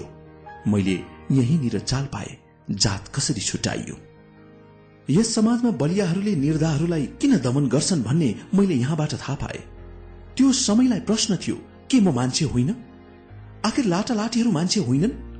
मान्छे हुन् भने उनीहरूमाथि किन यस्तो विभेद? हो। यही निर्बलहरूको जमातमा पर्ने हुनाले मैले पनि यस्ता खालका विभेदहरूको सामना गर्नु पर्यो। बाटाहरूको जमातमा हामी लाटा मान्छेको लाटो जात। यी जात कि म? त्यसैले त बासी भात खाँदा पनि पटक पटक जात काटेर हप्काइन्थ्यो। बाठा मान्छेहरूको जमातलाई प्रश्न छ मेरो जातले के गर्यो तिमीलाई? यहाँ अपहेलित जातमा पनि एउटा जात छ त्यो हो लाटो जात। लाटो जातका मान्छेहरूसँग मानवीय व्यवहार गरिँदैन। किनभने उनीहरू मान्छे होइनन्। हो यो समाजको पछौटेपनको एउटा सक्कली रूप यसलाई बदलनै पर्छ। यही समाजको संरचना नबदलिएको कारण मान्छेले मान्छेको व्यवहार पाएन र मैले पनि पाइन। यही मानवीय व्यवहार नपाएकै कारण मेरो सानो मन दुख्यो। मैले अगाडि नै भनिसके नि मेरो जात छुट्टै थियो। जुन जातका मान्छेहरूलाई देख्न आम मान्छेहरू चाहँदैनथे मेरो जात लाटो थियो। त्यसमाथि पनि म आइमै स्त्रीलिङ जनाउने शब्द प्रयोग गरेर भन्दा म लाठी आइमै थिए। पहिलो शब्द लाठी त्यसपछि मात्र आइमै। हुन त म त्यति बेला पनि पूर्ण रूपले आइमै बनिसकेकी थिइन तर ममा स्त्रीमा हुनुपर्ने सबै लक्षण प्राकृतिक रूपमा आएका थिए। हामी स्त्री जातिलाई ठूलाहरूले गाली गर्दा भन्छन् यो आइमैको जातलाई जति भन्दा पनि लाग्दैन जात जनाइहाल्छन्। चाहे हामी पूर्ण रूपले आइमैको स्वरूप लिएका हौ या नहौ हामी थाङ्ने जातको रूपमा पुकारिन्छौ। आखिर हामी नै हौ। किनभने हामीले नानीलाई गर्वमा बोकेर उसको दिशा पिसाब स्याहारेर हुर्काउँछौ। त्यसैले हाम्रो जात थाङ्ने आइमैको जात भयो। त्यसमाथि म त लाटी आइमै बस। जो सभ्य बाठा भनिनेहरूबाट धेरै पटक प्रताड़ित भएकी थिए उनीहरूको मजा लिने एउटा गतिलो साधन बनेकी थिए। उनीहरूको लागि म गजबको खेलौना थिए जसमा मान्छेको अलिकति गुण थियो। मलाई कहिले नामले सम्बोधन गरिँदैन थियो। सबैका सामु लाठीको नामले सम्बोधित हुन्थे म। हाम्रो सानो छाप्रो घरमा कोही पाहुना आयो भने जिस्काउने साधन चाहिँ बाबाले मलाई बनाउँथे। आफूलाई सानैदेखि नचाहिँदो कुरो गरेको मन पर्दैन थियो तर मन नपरेर के गर्नु? मैले मैले के पो गर्न सक्थे र? हुन त जीवन एउटा युद्ध मञ्च रहेछ। जहाँ जहिले सांस्कृतिक धार्मिक युद्ध कहिले जातीय भेद विरूद्ध युद्ध अनि कहिले समानताको युद्ध चलिरहेछ। र मान्छे मानवताको मसाल लिएर युद्धमा हुमिरहन्छ। एक मुठी सास रहन्जेसम्म ऊ जित्ने आशामा लडिरहन्छ कठैबर मान्छे। यही कठैबर मान्छेकै हुलमा मिसिएर मैले पनि जिन्दगीको युद्ध लडेकी थिए। मैले धार्मिक सांस्कृतिक सामाजिक पर्खालहरूसँग युद्ध गर्न परेको थियो। मेरा जिन्दगीका पानाहरूमा संघर्षका रंगहरू विभिन्न कोणबाट पोखिए। निर्बल र कमजोरहरूलाई हेप्ने दबाउने संसार नै छ हाम्रो समाजमा। त्यही संसारले ममाथि दमनको नीति लाद्नसम्म लाद्यो। यहाँसम्म कि आफ्नै बाबा आमाले पनि मलाई सन्तानको रूपमा हेरेनन्। यो दुई दिनको पाहुना मात्र भनेर बुझे। तर मृत्युले मलाई त्यति सजिलैसँग लान मानेन। सबैले कामना गरेको मृत्यु पर पर भाग्दै थियो। आखिर दुई दिनकी पाहुना किन म मात्र? पृथ्वीमा जन्मेका सबै मान्छेहरू के अमर छन्? अजर छन्? बाँच्ने चाहना जिउने चाहना के अरूको मात्रै थियो? मेरो चाहना थिएन? तर मेरो बाँच्ने चाहना कसैले बुझेन र पटक पटक प्रहार गरिन्थ्यो। मलाई जिन्दगीसँग जुधेर बाँच्न कहिले सिकाइएन। जिन्दगीसँग भागेर पलायन हुने कुराहरू मात्र सिकाइयो। कहिले काहीँ त लाग्ने गर्थ्यो सबैको लागि धेरै बढी भएकी वस्तु म गर्वमै तुहिन किन सकिन? आमाले जन्मन साथ घाँटी किचेर मारिदिएको भए कति सुन्दर हुन्थ्यो। कहिले काहीँ आफ्ना भनिएकाहरूका नै भन्ने गर्थे किन पृथ्वीको भार बनेर बाँचे कि यस्तो भएर जन्मनुभन्दा गर्वमै तुएको भए बेस। यस्तो गालीहरूले कस्तो असर पार्थ्यो भन्ने? अह कसैले यसो चासो गरेन। गरोस् पनि कसरी? केटाकेटी मान्छे होइन। यिनीहरूलाई जे गर्दा पनि हुन्छ जे भन्दा पनि हुन्छ भन्ने खालका कुराहरू दिमागमा घुसारेर बसेका छन् यहाँका मान्छेहरू। त्यसमाथि पनि म त बेकममा केटी परे। त्यसैले पनि मलाई त्यस्तो खालको दृष्टिकोणले हेरिन्थ्यो क्यारे। तर मसँग पनि एउटा कोमल मन थियो जसले मिठो तितो कुरोको अनुभूति गर्न सक्थ्यो पीड़ामा रुन सक्थ्यो। केही कुरामा खुसी हुँदा मजाले रमाउन सक्थ्यो। केटाकेटी न हो? एकछिनमा रोए पनि एकै क्षणमा खुसी हुन्छ सानो मन। तर ठूलाहरूले सानाहरूलाई बेतालसँग गर्ने गालीहरूले कहिलेकाहीँ साना मान्छेहरूको मन मस्तिष्कमा साह्रो आघात पुर्याउँछ। त्यो सानो हृदय यस्ता अपशब्दले पारेको चोटको दर्दले साह्रो रुन्थ्यो। ठूला मान्छेहरूको अगाडि साना मान्छेले धितमरिन्जल रुन पनि कहाँ पाइन्छ र? म बाँचे कसैको लागि पृथ्वीको भार भएर। कसैको लागि जिन्दगीको बिझाइरहने काँडा बनेर अनि सबैको लागि बोझ बनेर। लाग्थ्यो कहिले काहीँ त कालले अहिले अठाएर लगिदिए पनि कस्तो आनन्द हुन्थ्यो। एक्लै हुँदा म सधैँ यमराजीसँग मृत्युको कामना गर्थे। मलाई कालले उठाओस् र सबैलाई पीड़ाबाट मुक्ति मिलोस्। तर यमराजीले पनि त्यति सजिलैसँग कहाँ लान सक्थे र? अनि के सबैलाई मुक्ति दिन सक्थे र? आफ्नो जिन्दगी आफैलाई बोझ लाग्थ्यो। गाह्रो लाग्ने गाह्रो लाग्ने गर्थ्यो। कहिले काहीँ त दारासिंगे भूत आएर सलक्कै मिले पनि हुन्थ्यो भन्ने लाग्थ्यो। हो जिन्दगीप्रति अत्यन्तै वितृष्णा पलायो एकताका। ममा पनि केटाकेटीपन थियो चञ्चले स्वभाव थियो। तर त्यसलाई कसैले सहज र सरल रूपमा लिएन किनभने मेरो फरक जात भएकोले क्यारे। मलाई खालि मर्न मन मात्र लाग्थ्यो। जिन्दगी यस्तै घात प्रतिघातहरूका बीचबाटै बगिरहने क्रम जारी रह्यो। खोइ पल पल मरेर पनि म कसरी बाँचे? सम्झिँदा अहिले आङ जिरिङ्ग हुन्छ। खोइ यो जिन्दगीलाई म रमाइलो वा खोइ यो जिन्दगीलाई म रमाइलो या नरमाइलो के ठानु? जिन्दगी अब्ड्याङ खब्ड्याङ भएर बित्यो। बित्नका लागि त जिन्दगीले एउटा अनौठो खालको परिस्थितिसँग संघर्ष गर्दै अगाडि बढ्दै बित्यो। अर्थात् बाल्यकाल बिस्तारै छिपिँदै गइरह्यो। जिन्दगी कुन गीत लिएर हुत्तिँदै थियो कुनी थाहा थिएन मलाई। तैपनि जिन्दगीको चक्र एक नासले आफ्नै गतिमा घुमिरह्यो।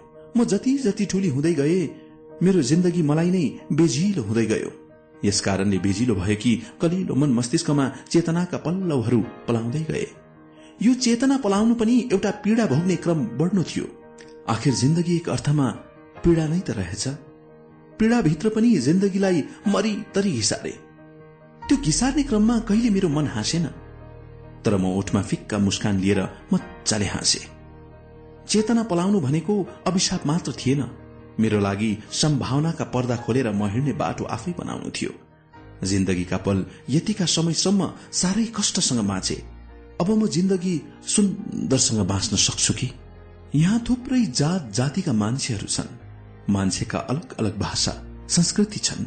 त्यसमाथि छुत र अछुतमा विभाजित छन्। मान्छेहरू जतिसुकै पढे लेखेका हुन्। सभ्य र सुसंस्कृत नै किन नहुन्? छुवाछुत प्रथाभित्र उनीहरूको चिन्तन पसिसकेकै छ। मान्छेलाई मान्छे नठान्ने समाजको संरचनाभित्र जन्मिएकी म। ठूला जातको कुल घरानामा जन्मिएकी भए तापनि मैले कहिले जातपातको कुरा मानिन। छुवाछुतलाई पनि मैले मानिन किनभने मैले सानैदेखि सबै मान्छेहरूलाई उही हाड छाला मासु भएका देख्थे। त्यसो त मलाई माया गर्नेहरू जातले साना भनिनेहरू थिए। उनीहरूले मलाई आफ्ना घरमा पाकेका खानेकुराहरू दिन्थे। म स्वादिलो मानेर खाने गर्थे। बाबामा भने मान्छे मान्छेमा भेद देख्थे। तिनका हाड छाला मासुलाई अलि फरक ठान्थे र अहिले पनि उनीहरूले छोएको बनाएको खानेकुरा खाँदैनन्। यो खानु र नखानु त उनीहरूको आफ्नो इच्छा र स्वतन्त्रताको भित्रको कुरा हो। तर मान्छेले मान्छेलाई कुनै कुरामा पनि विभेद गर्न पाइँदैन। बाबा आमा साना जातका कुरा ठूला जातका कुरा गर्थे। उनीहरू भन्ने गर्थे छोरी मान्छेले मुखमा दाँत भरिएपछि छोरा मान्छेले कर्मकाण्ड चलेपछि साना जातले छोएको पानी पनि खायो भने जात जान्छ। आयु घट्छ। त्यसैले उनीहरूले छोएको बनाएको खानेकुरा खानुहुन्न। उनीहरूलाई घरभित्र पनि पस्न दिनु हुँदैन भन्ने हामी छोराछोरीहरूलाई पनि सिकाउँथे। मलाई केटाकेटी न हो यिनीहरूको घरभित्र त्यस्तो के छ र पस्न दिनु हुँदैन भन्ने लाग्थ्यो। त्यसो त हाम्रो हजुरआमा जीवित छौन्जेल अछुत जातका भनिने मान्छेहरूलाई यो फोहोर जात घरमा आयो भन्दै उति परै लखेट्थिन्। केटाकेटीहरूलाई ढुङ्गा हान्दै घर छेउछाउ आउन दिन्नथिन्। उनलाई घमण्ड थियो। म ठकुरीकी छोरी चेली पो त। मलाई सबैले मैया साहेब भनेर मान्नुपर्छ। हो मेरो हजुर आमामा पनि राणा खलकको रगत मिसिएको थियो क्यारे। उनी अत्याचारी अन्याय संसारमा हुर्किएकीले होला। उनको स्वभावै पनि अन्याय र अत्याचारी थियो। जुन अन्याय अत्याचार निर्बलहरूमाथि लादिन्थ्यो त्यो कुरा मेरो मनले कहिले समर्थन गरेन। त्यति बेला आफूले पनि केही भन्यो भने स्वाट खाइने डरले केही नभने पनि मनले प्रश्न गरिरहन्थ्यो। हजुरआमा के तिमी मात्र मान्छे हौ? होइन भने अरूप्रति यस्तो अन्याय अत्याचार किन गर्छौ? तर मौन बस्नु बाहेक अरू विकल्प पनि थिएन। हजुरआमाको दिमागमा निर्बलहरूमाथि अन्याय अत्याचार गर्नै पर्छ भन्ने संस्कार बेसरी कोचिएको थियो। जुन दिमागले मानव सभ्यताका कुरा कहिले सोच्न बुझ्न सकेन यसमा दोष हाम्रो समाजभित्रको अवैज्ञानिक ढाँचाको छ। समाजमा यस्ता खालका पर्खालहरू उभिएका छन् जसले मान्छेका दिमागमा नयाँ चेतनाका पल्लोहरू पलाउन दिएका छैनन्। हजुरआमा हाट बजार भरेर आएपछि सधैँ फोहरी जातले छोए कि भन्ने शंका लाग्यो भन्दै लोहोटा बोकेर पँधेरीतिर दुबिर्थिन् यो प्रसंग त मैले कुनै सन्दर्भमा यस अगाडि पनि धेरै पटक अठ्याएकी हुँ। तर मेरी हजुरआमाले पँधेरोको पानीले फोहोर जातले छोएको शरीर पखाल्थिन्। बाहिरको मैल त पखाल्थिन्। तर उनको विचारमा लागेको महिलालाई पखाल्न सकिनन्। संस्कार र परम्पराले थुप्रैको अन्यायी व्यवहारलाई फाल्न सकिनन्। हजुरआमा बितेपछि यही परम्पराको बिडो थाम्ने मेरा बाबा आमा त्यति कठोर बन्न सकेका थिएनन्। उनीहरूको व्यवहार। अलि सुकुल भए पनि उनीहरूको चिन्तन उस्तै थियो। यति फरक थियो हजुरआमा हुँदा घर छेउछाउ देखा नपर्ने मान्छेहरू हाम्रो घरको आँगन सिकुवासम्म आउन थालेका थिए। उनका बाल बालिकाहरू हाम्रा सङ्गी बनेर खेल्न थालेका थिए। तर हाम्रा घरमा छिर्न भने उनीहरूलाई अझै बन्देश थियो।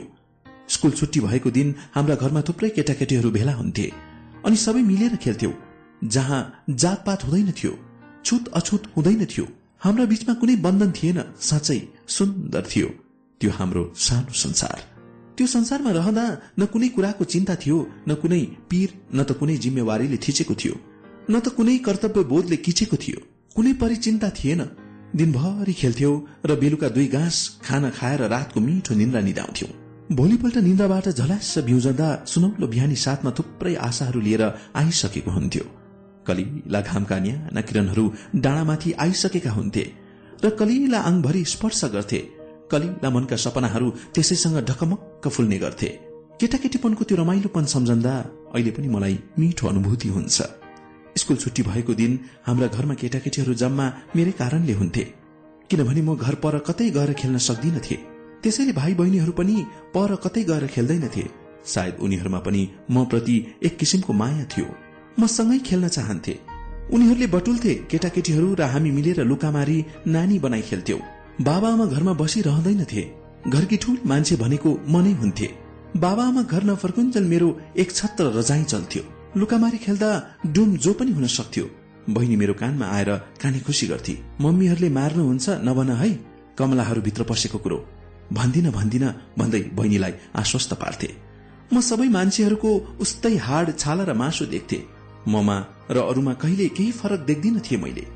त्यति बेलै विचार गरेकै थिए हाम्रो घरमा पस्न नहुने त्यस्तो केही रहेनछ साना फोहोरी सिगाने जातका मान्छेहरू पसेको दिन मनमनै भन्ने गर्थे बाबाआमा तिम्रो घर अपवित्र भएन त? खोइ चिम्री काली मिनीहरू आज पसे त? के तिनीहरू पनि मान्छे होइनन्? म जस्तै सानो मान्छे आमा घर फर्किएर मलाई सोध्ने गर्थिन्। यिनीहरू घर पसेर केही चकचक गरे कि गरिनन् ठुली? मैले आमाका अगाडि घरभित्र नपसेको र केही चकचक पनि नगरेको कुरा सफाई दिनु पर्थ्यो। अनि आमा ढुक्क भएर घरभित्र पसेर ताना माना के के गर्थिन्। म भने मनमा हाँस्दै भन्ने गर्थे खुब आज पवित्र घरमा बसेर भात खायो। मान्छे मान्छेमा के भेद छ मेरी आमा? तर बाहिर भनौँ भने बाँसको सिर्कना खाइने सन्तास थियो। त्यसैले मैले त्यो कुरा फुत्काउने गल्ती कहिले गरिन। त्यो कुरैबाट मैले मान्छे मान्छेमा भेद छ भन्ने कुरा जाँचेकी थिए। मेरो प्रयोग सही भए पनि बाबा आमाको सधैँ सन्तास रहन्थ्यो। त्यसमा यी संस्कृति संस्कारमा बाँधिएका मान्छेहरूको सन्तास त्यसैले चुहाइने यस्ता कुरा। त्यति बेला चुहाएको भए नयाँ चेतनाको बिउ राम्ररी उम्रन सक्दैन थियो। मेरो बाबा आमा साना जातका मान्छेहरूप्रति सकारात्मक बन्न सक्ने थिएनन्। हुन पनि हो। आफूले मानिरहेको कुरा एकैचोटि कसले पो बदलन सक्छ र? मैले घरमा सार्की कामी दमाई पसेको कुरा आमा बाबासँग कहिले भनिन। म जातले छुत भए तापनि व्यवहारले अछुत रहे। किनभने म अछुतमा पनि महा अछुत जातकी थिए। त्यो लाटो जात थियो। जुन जातलाई एउटा सानो कोठाभित्र थुनेर राखिन्थ्यो जसलाई बाहिरी दुनियाँसँग धुलमिल हुने अधिकारै थिएन जसलाई देख्दा दुनियाँका मान्छेहरूको शुभ साइद पर्दैन थियो। तर मेरो परिवारले यस सन्दर्भमा चाहिँ अलिकति उदारता नै राख्यो। मलाई कहिले पनि थुनेनन् बाहिर निस्कन नदिने काम गरेनन्। त्यसैले त मैले दुनियाँसँग अलिकति भए पनि धुलमिल हुने मौका पाए। समयले पोल्टाभरि अभाग्यका पोकाहरू थमाएको थियो जसलाई मैले फाल्न चाहेर पनि फाल्न सक्दिनथे उच्चो र निचो व्यवहारलाई म जरैदेखि उखल्न चाहन्थे। मैले जरा त उखल्न सकिन तर आफ्नो व्यवहारमा भने कहिल्यै यस्ता कुराहरूलाई आदर्श ठानेर लागू गरिन। मैले एक दिन एउटा सानो जात मानिने मान्छेको काम गर्दा बसिलाले हातका औंला काटेर रातो रगत बगेको देखे। त्यस्तै अर्को दिन मेरी आमाको कचियाले घाँस काट्दा हातका औंला काटेर उस्तै रगत बगेको देखे। आखिर हाड छाला मासु उस्तै रातै र पनि मान्छेहरू मान्छे मान्छेमा नै फरक किन देख्छन्? हामी मध्ये कोही चुच्चा होलाउ कोही थेप्चा कोही होचा कोही अग्ला फरक जात। भाषा संस्कृतिका होलाउ। सबै मानव जाति हौ। धरती साझा आकाश साझा पानी साझा वायु साझा भन्ने किन बुझिरहेका छैनौ हामीले? मान्छे मान्छेमा कुनै भेद कुनै दोष ईर्ष्या नभइदिएको भए यो संसार कति सुन्दर हुन्थ्यो होला। म अहिले मनमा नै कल्पना गरिरहेको छु। आहा! त्यस्तो दुनियाँ भए कति जाति हुँदो हो। अब मनले छुट्टै खालको शारीरिक मानसिक रूपमा अप्ठ्यारोपनको महसुस गर्न थालेको थियो। किनभने बाल्य अवस्था सकिएर किशोर अवस्थामा भर्खर प्रवेश गर्दै गरेका केटाकेटीहरूमा विभिन्न खालका जिज्ञासाहरू पलाउनु स्वाभाविकै थियो। ममा पनि त्यस्ता कतिपय कुराप्रति उत्सुकता जाग्नु स्वाभाविकै थियो। अब मैले आफूलाई पनि निकै ठूली देख्न थालेकी थिए। कहिलेकाहीँ ऐना हेर्दा आफू निकै राम्री लाग्थ्यो। आफ्ना अंग प्रत्यङ्ग निहालेर हेर्थे र आफै छक्क पर्थे। चेतना पनि अलिअलि गर्दै छिपिँदै गएको थियो। घरमा पाएसम्मका पुस्तक पत्र पत्रिकाहरू हेर्ने र पढ्ने बानीले पनि मेरो ज्ञानको भोकलाई अझ बढाएको थियो। त्यो भोक मेट्ने हरदम कोसिस गरिरहन्थे म। यही ज्ञानको भोक भनौं कि प्यास भनौं? त्यो मेट्न खोज्दा खोज्दै ममा चेतनाका बोटहरू लहलहाउँदो बनेर बिस्तारै बिस्तारै हुर्किँदै गए। अब मलाई पहिला जस्तो अरूसँग संचार गर्न अप्ठ्यारो थिएन। म कापीमा लेखेर अक्षरका माध्यमले जे पनि भन्न सक्थे। जोसँग जे कुरा पनि गर्न सक्थे। म सब कुरा बुझ्न सोच्न सक्ने भइसकेकी थिए। मलाई अब त अरू ठूलो मान्छेसँग बस्न पनि मन लाग्दैन थियो। बस्दा मेरै बारेमा अनेकर्थी कुरा काटिन्थ्यो। त्यसैले मान्छेहरू जम्मा भएको ठाउँमा बस्नै मन लाग्दैन थियो। हो किशोर अवस्थामा पुगेपछि मान्छे निकै शर्माउँछ र लजाउँछ। मान्छेहरू भएको बेला मलाई तारो बनाएर अनि कथरी चाहिँदा नचाहिँदा कुरा काटेर छिल्लिन्थे। त्यसमा आफ्नाहरू पनि सामेल हुन्थे। अर्थात् उनीहरूको जिस्किने वा छिल्लिने भाँडो म हुन्थे। ती छन् सम्झेर ल्याउँदा अहिले पनि कता कता पीड़ाले छुन्छ काउकुती पनि लागेर आउँछ। साँच्चै। कुकुरे वयसमा मान्छे अनौठो स्वभावको हुँदो रहेछ। ऊ आफैलाई मात्र बलियो र सुरवीर देख्छ।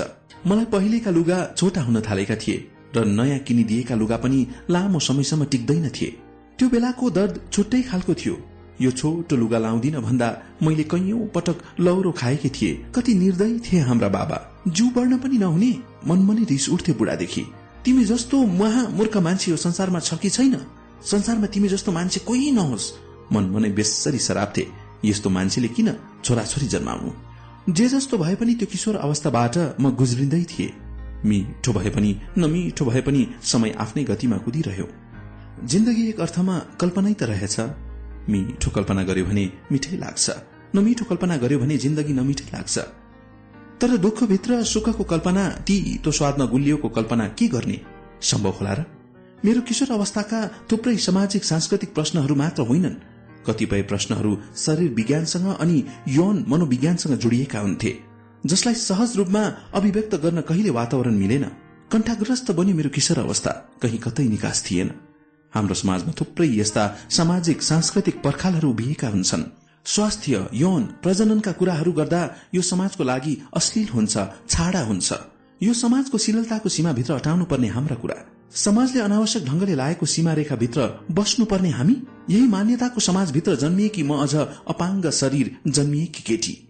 जसलाई विज्ञान मनोविज्ञानसँग जोडिएका प्रश्न गर्दा लाठी छिल्ली लाटो जात यसले जनाइहाली सायद यस्तै के भनेर हप्काइन्थ्यो डप्काइन्थ्यो। त्यसैले मैले यस्ता कुरा कहिले कसैको सामु अभिव्यक्त गर्न सकिन। आखिर के हो शिष्टताको परिचय? कुनै कुरा बाहिर आउन नदिएर गुम्साएर राख्नु मात्र के शिष्टता र सभ्यताको परिचय हो? ममा जिन्दगीको उन्माद भनौँ कि उत्सुकता यसरी जागेको थियो। जुन कुरा नगर्न भनिएको हुन्थ्यो त्यही गर्न मन लाग्थ्यो। हाम्रो समाजमा आइमैको जातले कुनै मारकाट गर्न हुँदैन भन्ने परम्परागत मान्यता छ। किन होला जस्तो लाग्थ्यो? जान्ने उत्सुकता थियो। त्यसैले म एक्लै भएको बेला कुखुराका मसिना चल्ला ढुङ्गाले हानेर मारेकी छु। त्यो ढुङ्गाले हान्दा त मलाई मजा लाग्थ्यो। तर लागेपछि चल्लो छटपटिएर भुइँमा पछारिएर पिर्लिक पिर्लिक आँखा पल्टाएर मर्थ्यो। त्यति बेला चाहिँ मलाई साँच्चै अपराध बोधले सताउँथ्यो। आफैदेखि घिन लागेर आउँथ्यो। जे भए पनि त्यो निर्दोष चल्लाको ज्यान गइहाल्थ्यो। म हत्तपत्त खाल्डो खनेर पुरा पुर पारिदिन्थे। घरमा थाहा पाएको भए मेरै खैलो उतार्थे। कसले थाहा दियोस् र? मनमा नै भन्थे ल कसरी हुँदैन आमैले मारकाट गर्न? कसले के गर्दो रहेछ त? म एक किसिमले आत्मगर्वले फुल्लिन्थे।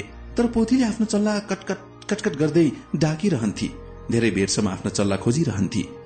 त्यो मातृ वात्सल्य देखेर म झन पश्चातापले जल्थे। आफ्नो अपराधले खिचेर मनमा नै आफूले कहिले यस्तो कुकर्म नगर्ने क्रिया खान्थे। एक मनमा साह्रो डर पनि लाग्थ्यो। केही भइहाल्यो भने के गर्नु? दिन बित्थ्यो रात बित्थ्यो। भोलिपल्ट म जस्ताको त्यस्तै उठ्थे र सोच्थे ए यो गर्नु हुँदैन भन्ने कुरा त सब बेकारको रहेछ। आफै विश्वस्त हुन्थे। त्यो उत्सुकताले गर्दा निर्दोष कलिलो चल्लाको ज्यान लिए पनि त्यसपछि मैले कुनै जीव जन्तुको ज्यान आफूले जानेर लिएकी छैन भन्दा दुई चारवटा झिङ्गा मच्छर कमिलाहरू मारेकी होला। तर अरू जीव जन्तुहरूको प्राण कहिले लिन यति बेलासम्म म पूर्ण रूपले साक्षर बनिरहेकी थिए। म साक्षर हुनुमा बहिनी मिनाको ठूलो देन छ। उसले होस सम्हालेपछि उसमा अलिकति चेतना पलाएपछि आफूले सक्ने जति मेरो लागि के पो गरिन होला र। सायद उसले सहयोग र साथ नदिएको भए म साक्षर हुने थिइन। उसको त्यो गुण जिन्दगी भरि बिर्सन सक्दिन साँच्चै हामी कुटाकुट गर्दा पनि त कहिले केही भनिन सकिमिन मेरै लागि बसिरहन्थिस्। मैले जति पटक कुटे पनि तैले साथीको लहलैमा लागेर कहिले हात फर्काइनस्। ममा उमेरको कारणले पनि चेतना छिपिँदै थियो। त्यति बेला बाबा आमाका पैसा सफाचट गर्न पनि पाइन। दुई चार रुपियाँ माग्दासम्म दिँदैन थिए। उल्टो कुट्थे भने यसो गर्नु कुन आपत्ति? मलाई पनि त राम्रा कापी कलमहरू चलाउन मन लाग्थ्यो। सफाचट गरेका पैसाले मैले बहिनीलाई फकाएर कपी कलमहरू ल्याउन लगाउँथे। उसले पनि कसैले नदेखि मलाई ल्याएर दिन्थे। जसरी उसले किनेर लुकाएर ल्याइदिएका कापी कलमहरू मैले निकै लामो समयसम्म चलाए र मैले पटक पटक सफाचट गरे। त्यो पनि नपाउनुको एउटा विद्रोह नै थियो क्यारे। र त उपद्रव हो भन्ने जान्दा जान्दै पनि गरे। त्यतिले मात्र नपुगेर म डेरामा बसेका विद्यार्थीहरूको कोठामा पसेर उनीहरूको कपीका खाली पानहरू चलाइदिन्थे। उनीहरूले थाहा पाएर पनि किन हाम्रो कपीहरू च्यातिस भनेर भन्न सकेनन्? त्यहाँनिर उनीहरूले पनि म प्रति अलिकति सद्भावै राखे। कति लाचार र निरह जिन्दगी। कहिलेकाहीँ आफूले गरेका कामप्रति आत्मग्लानी हुन्थ्यो तर लामो समयसम्म कहिले पनि हुँदैन थियो। किनभने यो काम मैले त्यसै गरेकी थिइनँ केही जान्न सिक्न गरेकी थिए। यही कुराले मन बुझाउँथे। मान्छेको जिन्दगी अब्ड्याङ खब्ड्याङ भएर बित्दो रहेछ। सरल र सहजसँग कहाँ बित्दो रहेछ? मेरो पनि के हुन सक्थ्यो? मेरा भाइ बहिनीहरू डेरामा बसेका मान्छेहरूसँग बिहानभरि ट्युसन पढ्थे। म छेउमा बसेर ठुलो ठुलो हेरिरहन्थे। अहिले कतै भेट हुँदा तँलाई हामीले पढाएका थियौं भन्ने मिथ्या दावी गर्छन्। मलाई उनीहरूको झुटो दावी देखेर मन मनै हाँस उठ्छ। किनभने उनीहरूलाई मसँग संचार कसरी गर्ने भन्ने थाहा थिएन। मैले लेखेर संचार नगरुन्जेलसम्म उनीहरू र मेरो बीचमा दोहोरो संवाद हुँदैन थियो। यो मिथ्या दावीभित्र कतै सत्यता छ भने मैले उनीहरूको भाइ बहिनीलाई पढ़ाएको हेर्दै कपीमा नक्कल गर्दै गरेको कुरो चाहिँ सत्य हो। ती दिनहरू अहिले पनि सम्झिरहेकी छु। साँच्चै ती पलहरू कसरी बिर्सन सक्छु र जुन समय जिन्दगीले अलिकति आशाका किरणहरू मरी तरी भए पनि पछ्याउँदै थियो। आफ्नोहरूले त्यो कलिलो हृदयको संवेदलाई कहिले बुझेनन्। उनीहरूले त मेरा प्रत्येक कदममाथि आक्रोश र आवेगका रागहरू फालिरहे। तिनले मन मस्तिष्कलाई निमोटसँग कोपिरह्यो। नियति पनि कति निष्ठुरी उसले पनि दमन गर्न सम्म गर्यो। सासाना कुरामा पनि मलाई मायाले कहिले फकाइएन सम्झाइएन खालि आक्रोश र आवेग मात्र पुग्यो। सहनुको पनि एउटा सीमा हुँदो रहेछ। म बिस्तारै बाल्यकालबाट किशोर अवस्थामा प्रवेश गर्दै गए। स्वाभाविक रूपमा किशोर अवस्था आवेग र आवेशमय हुन्छ। म प्रति आक्रोश र आवेशका रंगहरू पोखिन्थ्यो भने मैले फरक रंग पोख्ने त कुरै थिएन। भावनात्मक रूपमा माया ममताको कमीको आभास त्यति बेला भएको थियो। मलाई एक्लोपनले सताउन थालेको थियो। यो संसारमा आफूलाई माया गर्ने मान्छे आफ्नो विचार र भावना बुझ्ने मान्छे कोही छैन जस्तो लाग्थ्यो। हो त्यति बेला म प्रति सद्भाव सहानुभूति राख्ने मान्छे म पाउँदिनथे अत्याचार भएपछि कसैले पनि सहँदो रहेनछ। मैले पनि त्यसको समर्थन नगर्नु स्वाभाविकै थियो। तर किन ससाना कुरामा मैले प्रतिक्रिया दिँदा हाम्रा घरमा उत्पात मचिन्थ्यो? कुन्नी त्यो कहिले थाहा भएन मलाई। म आफ्नोहरूको माझ भएर पनि एक्ली भएकी थिए। कारण म किशोर अवस्थामा पुगेपछि बढ़ी स्वतन्त्रताको चाहना गर्थे। सबै कुरामा आफ्नो स्थान सुरक्षित होस् भन्ने चाहन्थे। तर त्यो चाहना कहिले पूरा हुन सकेन। किनभने म छोरीको यौनाङ्ग लिएर जन्मिएकी थिए। प्रत्येक कुरामा दोस्रो हकदार।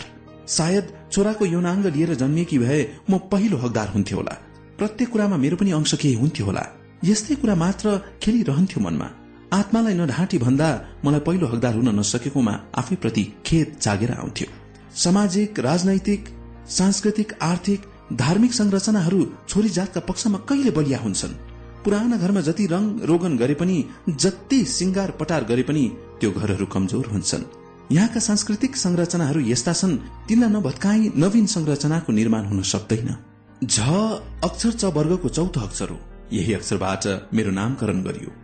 झमक। हिन्दू संस्कृति अनुसार जन्मेको एघारौं दिन पुगेपछि पुरोहितले ठूलो स्वरमा आएर कानमा चिच्याए। श्री श्री श्री झमक। म स्त्रीलिङ लिएर जन्मिएकीले त्यसलाई जनाउने शब्द पछि थपियो कुमारी। अर्थात म झमक बने। अलिकति बुझ्ने भएपछि मलाई यो नामले कहिले बोलाइएन। घरमा बोलाइँदा ठुली भनेर बोलाइने गरिन्थ्यो। बाबासँग सोद्धा मलाई सधैँ बालिका भन्थे। जब पछि जनमानसमा खुट्टाले साहित्य लेख्ने किशोरीको रूपमा चिनिन थाले तब मलाई त झमक रहेछु भन्ने थाहा भयो। यो नाम त मैले दस एघार वर्षदेखि कहिले काहीँ बाबा आमाको मुखबाट यसको नौरनको नाम हो भन्ने सुनेकी थिए। मलाई त्यति बेला लाग्ने गर्थ्यो मेरो यति राम्रो नाम हुँदा हुँदै किन अरू नामले बोलाएको होला? मलाई नाम पछाडि जोडिएको लिङ जनाउने शब्दहरू कुमारी देवी माया जस्ता शब्दहरू किन किन मन परेन? यदि लिङ नै जनाउनु पर्छ भने एकै शब्दमा जनाउँदा राम्रो हुन्छ। मैले सोह्र वर्ष पूरा नपुग्दै नेपाली नागरिकताको प्रमाण पत्र लिए। मैले बाबासँग त्यति बेलै आग्रह गरेकी थिए। म नागरिकताको प्रमाण पत्र झमक घिमिरेको नामले लिन्छु तर बुढाले मान्दै मानेनन्। उनलाई पनि नाम पछाडि कुमारी नलेखी भएन। अनन्त मैले सीडीओ कार्यालयमा पुगेर पनि आफ्नो इच्छा राखे। तर सिडिओ साहबले पनि स्त्री र पुरुष लिङ स्पष्ट छुटिनु पर्छ भन्ने कुरा गरे। मैले भने त्यसो भए अगाडि सुश्री लेखेर दिनुहोस् न त। उनले मेरो आग्रहलाई मानेनन्। अन्तत दुई हजार त्रिपन्न सालमा झमक घिमिरेको नामले नेपाली नागरिकताको प्रमाण पत्र लिए। तर म सानैदेखि अलिकति विद्रोही स्वभाव लिएर आएकी मान्छे। यो नामले पनि केटा र केटी छुट्याउने परम्परा मन परेन।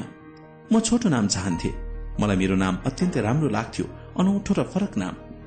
कुनै अर्थ नलाग्ने शब्द झमक। यो शब्द मलाई प्रिय लाग्ने थियो जुन शब्दले मेरो पहिचान र परिचय बोकेको थियो। म साहित्यकाशमा झमक घिमिरेको नामले फुल्न चाहन्थे फक्रिन चाहन्थे। आफूलाई मन परेको नामले सबै सामु परिचित हुन चाहन्थे। सिर्जनाको फाटमा मैले कहिले झमक पछाडि कुमारी थपिन। मान्छेहरूले प्रश्न गरे तिमी नारी कि पुरुष? मैले सहज र सरल रूपमा जवाब दिए म मान्छे हुँ। पाठकहरूले सोध्छन् तिमी नारी भएर पनि झमक नलेखेको? तिनीहरूलाई जवाब छ बाबा आमाकी छोरी र नेपाली नागरिक झमक घिमिरे थिए। सृजनाको फाँटमा ऊ झमक घिमिरे बनेर जन्मिएकी छे? उसको जन्मलाई तपाईँ कुन रूपमा स्वीकार्नुहुन्छ कुनी? जे होस् मेरो प्रिय नाम झमक घिमिरे हो। यही नाम साहित्य र सृजनाको फाँटमा फक्रिरहेछ। फलिरहेछ। झमक शब्दको खास त केही अर्थ हुँदैन। तर यो बेअर्थको शब्दले जिन्दगीको अर्थ खोज्यो। आफ्नो पहिचान र अस्तित्वको अर्थ खोज्यो। दुनियाँको फरकपन खोज्यो। हो। मैले आफ्नै बाबा आमासँग विद्रोह मात्र गरिन। पुरोहितले दिएको नामले मात्र मैले चित्त बुझाउन सकिन। बाबा आमा जसले निरह सन्तानलाई जन्माएका थिए पुरोहितले पनि त्यही निरह बालिकाको नाम राखे। समयले झमकसँग धेरै कुरो खोज्यो। उसँगको स्वाभिमान खोज्न सकेन। आफै जिन्दगीसँग विद्रोह प्रत्येक समयसँग विद्रोह गर्दा गर्दै आफ्नै नामसँग पनि विद्रोह गरिसकेकी छे। झमकलाई जन्माउन आमाले जति पीड़ा बेहोर्नु पर्यो त्योभन्दा दोब्बर पीड़ा उसले स्वयंलाई जन्माउन बेहोरिसकेकी छे। तपाईँ मलाई जे भनेर सम्बोधन गर्नुहोस् या चिन्नुहोस् त्यो स्वतन्त्रता तपाईँलाई छ। आफूले चिनाउनु पर्दा म झमक घिमिरे मात्र भन्छु है त ल। किनभने यही नाम प्रिय लाग्छ। मान्छेलाई आफूले रोजेको नाम प्रिय लाग्छ जुन मैले मागेर पाइन चाहेर पाइन खोजेर पनि पाइन अब खोसेर लिए। जसरी अहिले रत्नकार वाल्मिकी बने विष्णु कुमारी वैवा पारिजात बनिन् म पनि झमकबाट झमक बने। म पनि छोरी मान्छे थिए। छोरी मान्छेमा हुनुपर्ने सम्पूर्ण अवयवहरू आएका थिए। स्तन नितम्भ गुप्ताङ्ग बिस्तारै बिस्तारै विकसित हुँदै थिए। ती कुराहरूसँगै वयस पनि फक्रिँदै थियो। आयमै हुनुको अर्थ राजस्वला हुनु पनि हो। यो प्रकृतिको एउटा अनमोल वरदान हो। हाम्रो समाजमा यो हुनुलाई अपवित्र ठानिन्छ। प्रत्येक मासिक श्राव देखा पर्दा पाँच दिनसम्म बार्नुपर्छ। खानेकुराहरू उनीहरूले छोएको बनाएकोहरूले खानु हुँदैन। त्यो अपवित्र अछुतो हुन्छ रे तर मैले जब चेतना सम्हाले अलिकति साक्षार बने अलिकति आत्मचेतना र अलिकति किताबी ज्ञानले अचेतन र अज्ञानताका काला बादलका धब्बाहरू फाट्दै थिए। अचेतनाको धमिलो आकाश छ्याङ्ग थियो कञ्चन सफा हुँदै थियो। जसरी आरू बखडा नास्पति अम्बाका बोटहरू वैशालो यौवन भरिएपछि फुल्छन् उनीहरू फुलै फुलले चोपिएर हाँस्छन्।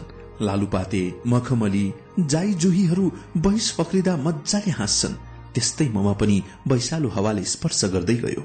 वैशालु रूपरङ भरिँदै गयो। गालामा वैशालु लाली चढ्दै गयो। अङ्ग अङ्गमा त्यसको प्रभाव देखिँदै गयो। यही वयस पूर्ण फक्रिनु थियो रजस्वला हुनु। पश्चिमा मुलुकहरूमा यो पहिलो पटक केटीहरूमा देखिँदा हर्ष उल्लासपूर्वक लिन्छन् रे। तर यहाँ यस्तो चलन छैन। यहाँको संस्कृति परम्परा अनुसार केटीहरूले पहिलो पटक देखा पर्दा घर छोडेर भाग्नुपर्छ। उनीहरूले आफ्नो दाजुभाइको मुख हेर्नु हुँदैन बाबुको मुख हेर्नु हुँदैन भन्ने मान्यता छ। हेर्यो भने दाजुभाइ स्वात्तै आयु घटेर मरिहाल्छन् भन्ने जनविश्वास छ र मान्छेहरू विश्वास गर्छन्। हो आमाले पहिलो पटक रजस्वला देखा पर्दा मलाई एउटा कोठामा भाइलाई हेर्न हुँदैन उसलाई छुनु हुँदैन भन्दै थुनेर या के भन्नु? त्यो आदेश दिएर राखेकी थिइन्। सधैँ सुत्ने ओछ्यानमा पनि सुत्न दिएकी थिइनन्। बाबा घरमा थिएनन्। उनी जागिर खान परदेशतिर लागेका थिए। म र बहिनी मिना छुट्टै कोठामा भुइँमा ओछ्यान लाएर सुतेका थियौं। सधैँ सुत्ने ओछ्यान फेरिँदा मलाई निन्द्रा परेन। म राति अबेरसम्म छटपटी रहे साँच्चै। म पहिलो पटक रजस्वला देखा पर्दा आत्तिएर कति रोएकी थिए। क्वा क्वा। मलाई रजस्वला हुँदा रगत बक्स भन्ने त अलिअलि थाहा थियो किनभने कहिले काहीँ आमाको लुगाभरि रगत लागेको देखेकी थिए। तर आमाले अरूले देख्छन् भनेर चोपछाप पार्थिन्। त्यो रगत कहाँबाट बक्स भन्ने चाहिँ पटक्कै थाहा थिएन। म पिसाब गर्दा रगत देखा पर्दा साह्रै आत्तिएकी थिए। त्यसमाथि आमाले कोठामा थुनेर राख्दा कस्तो भयो होला मलाई? पाठक मित्र तपाईँ आफै कल्पना गर्नुहोस्। उमेर अलिकति छिपिए चेतना अलिकति छिपिए पनि ममा केटाकेटीपन र केटाकेटी बुद्धि अझै थियो। मैले अगाडि नै भनिसके। जे कुरो नगर्नु भनिन्थ्यो त्यही कुरा गर्न मन लाग्थ्यो। आमाले मलाई कोठाभित्र थुनेर राखे पनि बेला बेला बहिनी भने म भए ठाउँमा आउने जाने मसँग गफ गर्ने गर्थे। आमा पनि यसो टाढाबाट चिहाउने गर्थिन्। उनले मलाई एउटा कोठामा राखे पनि निगरानी राख्न सकिनन्। त्यति बेला भाइ पनि निकै सानो थियो। ऊ फकिहाल्थ्यो। मैले आइज भनेर इसारा गर्दा छेउमा आइहाल्थ्यो। मेरो पालो आमा कतै काममा अल्मलिएको बेला बिस्तारै ढोका खोलेर भाइलाई इसाराले ढाके र हेरे उसैसँग खेले। मैले आफूलाई दिएका खानेकुराहरू उसलाई दिए मजाले खायो। मैले कसरी मर्दो रहेछ त भन्ने उत्सुकता र अलिकति पहिला भगवानलाई फाल्दा पनि उसले केही नगरेकोले त्यो कुरा पनि बेकारको लागेको थियो। र त्यसो गरे भाइ पूर्ण रूपले मर्छ भन्ने विश्वास भएको भए गर्दै गर्दिनथे अविश्वास र अनास्थाले त्यो गरेकी थिए।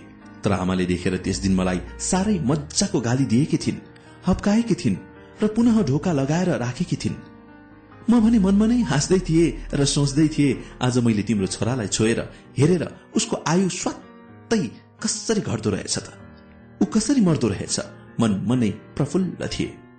मेरो कामप्रति कोही खुसी हुन नसके पनि मेरो आत्मा निकै मजाले रमाएको थियो। अर्थात् म निकै आनन्दित र खुसी थिए। भोलिपल्ट बिहान कलिला घामका किरणहरूले धरतीलाई न्यानो स्पर्श गरेपछि निन्द्राबाट झ्यालस बिउजिए र बाहिर दृष्टि फालेर यसो निहाले। त्यहाँ भर्खर घाम अन्डाजै फुटेर पहेलपुर भएर सुन्तला जुनारका बोटहरूमा सेताम्य फुलेको देखे। ती किरण फूलहरूमाथि परेर चम्किलोसँग टर्किँदा कति सुन्दर दृश्य देखिन्छ। घाम पनि हेर्नु हुँदैन रे। पहिलो पटक राजस्वला भएकी किशोरीले यो कस्तो चलन? जब प्रत्येक मान्छेलाई घामको न्यानोपन चाहिन्छ अझ त्यस्तो बेला बढी सरसफाई र घामको न्यानोपन चाहिन्छ। र विभिन्न किटाणुहरूले आक्रमण नगरोस् किटाणुहरू नष्ट हुन् भन्ने चाहना गर्ने हो भने घामको तातोपन चाहिन्छ। यहाँ भने केटीहरूलाई राजस्वला हुँदा घाम हेर्न दिइँदैन। आमाले घाम नहेर्नु भनेकी थिइन्। तर मैले त किन हेर्न हुँदैन भनेर मजाले हेरिदिए। घामको न्यानोपनमा बसिदिए। आमाले कराउँथिन् यो केटीलाई भनेर लागेन? साँच्चै मलाई कसैले भनेर लागेन। वा कसैले भनेका कुरा मैले टेरिन। कुनै पनि कुरा मैले आफैले अनुभूति गर्नु पर्थ्यो। यो कुरा ठिक हो या होइन भन्ने अनि मात्र मान्थे म। भोलिपल्ट बिहानको त्यो सुन्दर वातावरण देखेर मेरो कोमल मनले एउटा जितको उत्सव मनाएको थियो। हिजका विश्वासमा बाँचेका पात्र पात्रहरूप्रति किल्ली उडाएको थियो। त्यस दिन मनले सोधेको थियो प्रकृतिको एउटा वरदानलाई मान्छेले किन अपवित्र ठान्यो? जुन कुरो बिना यो सृष्टिको कल्पना गर्न असम्भव छ। आमाका हिजका गालीहरू छोरोको आयु स्वात्तै घटेर मरिहाल्छ कि भन्ने सन्तासका कारण खनिएका थिए म माथि। अफ मेरी आमा के थाहा? जुन छोरोको जीवन चक्र यही रगतले विकसित भएको हो उनी यसैको अपमान गर्दैछिन् भन्ने स्वयंलाई थाहा थिएन। उनलाई थाहा थियो रजस्वला हुनु भनेको नारी अपवित्र हुनु हो। विचारलाई संस्कारले सिकाएको कुरो थियो यो। सामाजिक धार्मिक परम्परागत संस्कृतिले उनलाई यही कुरो सिकाएको थियो जसबाट बाहिर निस्कन सकिनन्। आस्था र विश्वासका पर्खालहरू पनि यही जगमा टेकेर उभिएका थिए उनका। तर म स्वभावले मनभरि उत्सुकता र जिज्ञासा बोकेकी केटी। प्रत्येक कुराको विश्लेषणात्मक जवाब पाउनै पर्थ्यो। अब त अरूसँग संसार गर्न पनि त्यति अप्ठ्यारो थिएन। चाहेका आफूले नजानेका कुरा लेखेरै भए पनि सोध्न सक्थे। त्यति बेला डेरामा बस्ने विद्यार्थी दाजुहरूलाई प्रश्न प्रतिप्रश्नहरू सोधेर हैरान पार्थे। उनीहरू भन्थे यो ढुलीलाई जवाब दिँदा सोचेर मात्र दिनुपर्छ। उसलाई चित्त बुझ्दो जवाब भएन भने सोधेरै हैरान पार्छ जसको जवाफै हामी जान्दैनौ। उनीहरूलाई पनि आफूले नजानेका कुराहरू जान्दिन भन्न सक लाग्थ्यो क्यारे। यता मैले उनीहरूको मर्क बुझिन म त आफूले नजानेका कुरा उनीहरूलाई सोध्ने गर्थे। जे होस् उनीहरूलाई झर्को लागेर भए पनि अलिकति ज्ञान विज्ञानका कुरा सिके र जाने। ममा थोरै भए पनि परम्परागत गलत मान्यताका विरूद्ध चेतनाको बीजारोपण भइसकेको रहेछ। त्यसैले होला मेरी आमाका अन्ध आस्था र अन्धविश्वासका पर्खालहरू भत्काउन खोजेकी वर्षौदेखि उभिएका यी सांस्कृतिक पर्खालहरू भत्काउन एउटी किशोरीले मात्र के सक्थ्यो र? यी अन्ध आस्थाका पर्खालहरू भत्काउन नसके पनि अलिकति भए पनि चोटसम्म लाए। बिहान बेलुका राति सुत्दाकी साथी बहिनी मिना थिए मैले चिया पानीहरू आफै पिउन जानेकी थिइन? खाना खाएर आफै चुट्न जानेकी थिइन?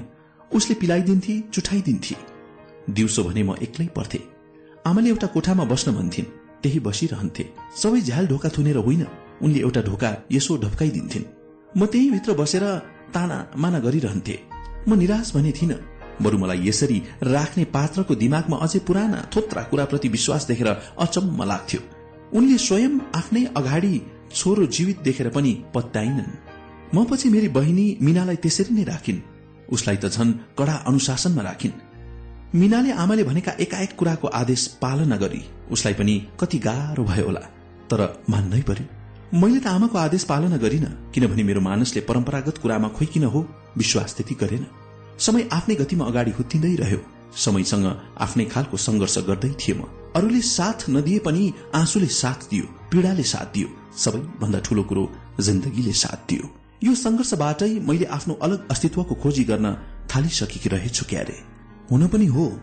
मान्छेले किशोर अवस्थादेखि प्रत्येक कुरामा आफ्नो स्थान खोज्छ। म मान्छे हुँ भने अरू र ममा के फरक छ भन्ने उसले निहाल्न थाल्छ केलाउन थाल्छ। ऊ आफै हुनुको अर्थ खोज्न थाल्छ। त्यस्तै मैले पनि आफू मान्छे हुनुसँगको अर्थ खोज्नु कुनै बेग्ली कुरा थिएन। म आफूलाई निकै राम्री देख्थे। हुन पनि म हलक्क बढेकी।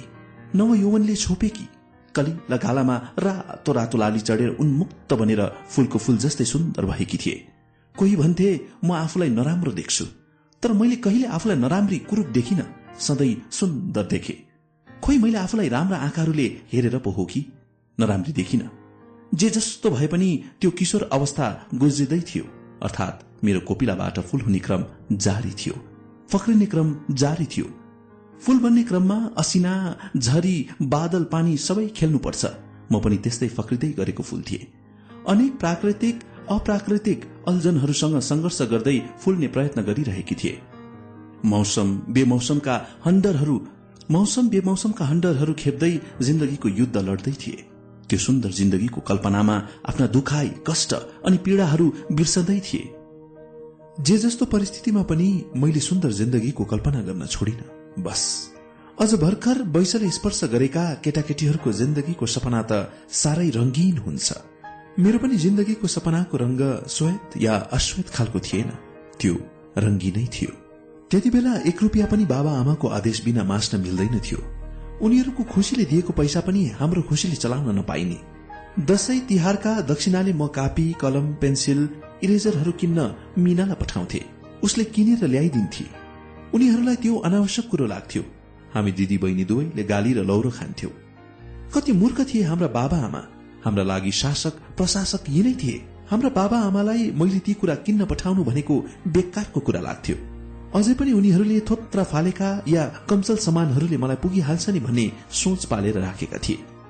उनीहरूले सधैँ भन्ने गर्थे तैले जानेर पढेर के गर्नु? घरको पिँढी भन्दा कहीँ बाहिर निस्कने होइनस् तेरो जिन्दगी यही हो। यस्तै यस्तै शब्दहरूले मेरो हृदयलाई कोपिरहन्थे। कहिले काहीँ किशोर मनमस्तिष्क साह्रै दुखित हुन्थ्यो। आफ्नै बचाई व्यर्थ लाग्थ्यो। तरै पनि जिन्दगी अनुभूतिहरूको संगालो रहेछ।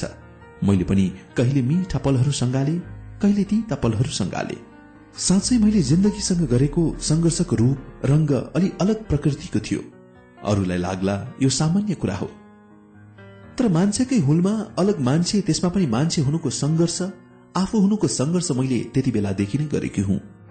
अब त थोरै भए पनि बाबा आमाले पनि कापी कलम पेन्सिल इरेजर जस्ता सामानहरू मेरा लागि पनि छुट्याउन थालेका थिए। विद्यार्थी दाईहरूले पनि क्याम्पसका पुस्तकालयहरूबाट नयाँ नयाँ पुस्तकहरू झिकेर ल्याए भने म पढ्न दुई चार दिन माग्थे।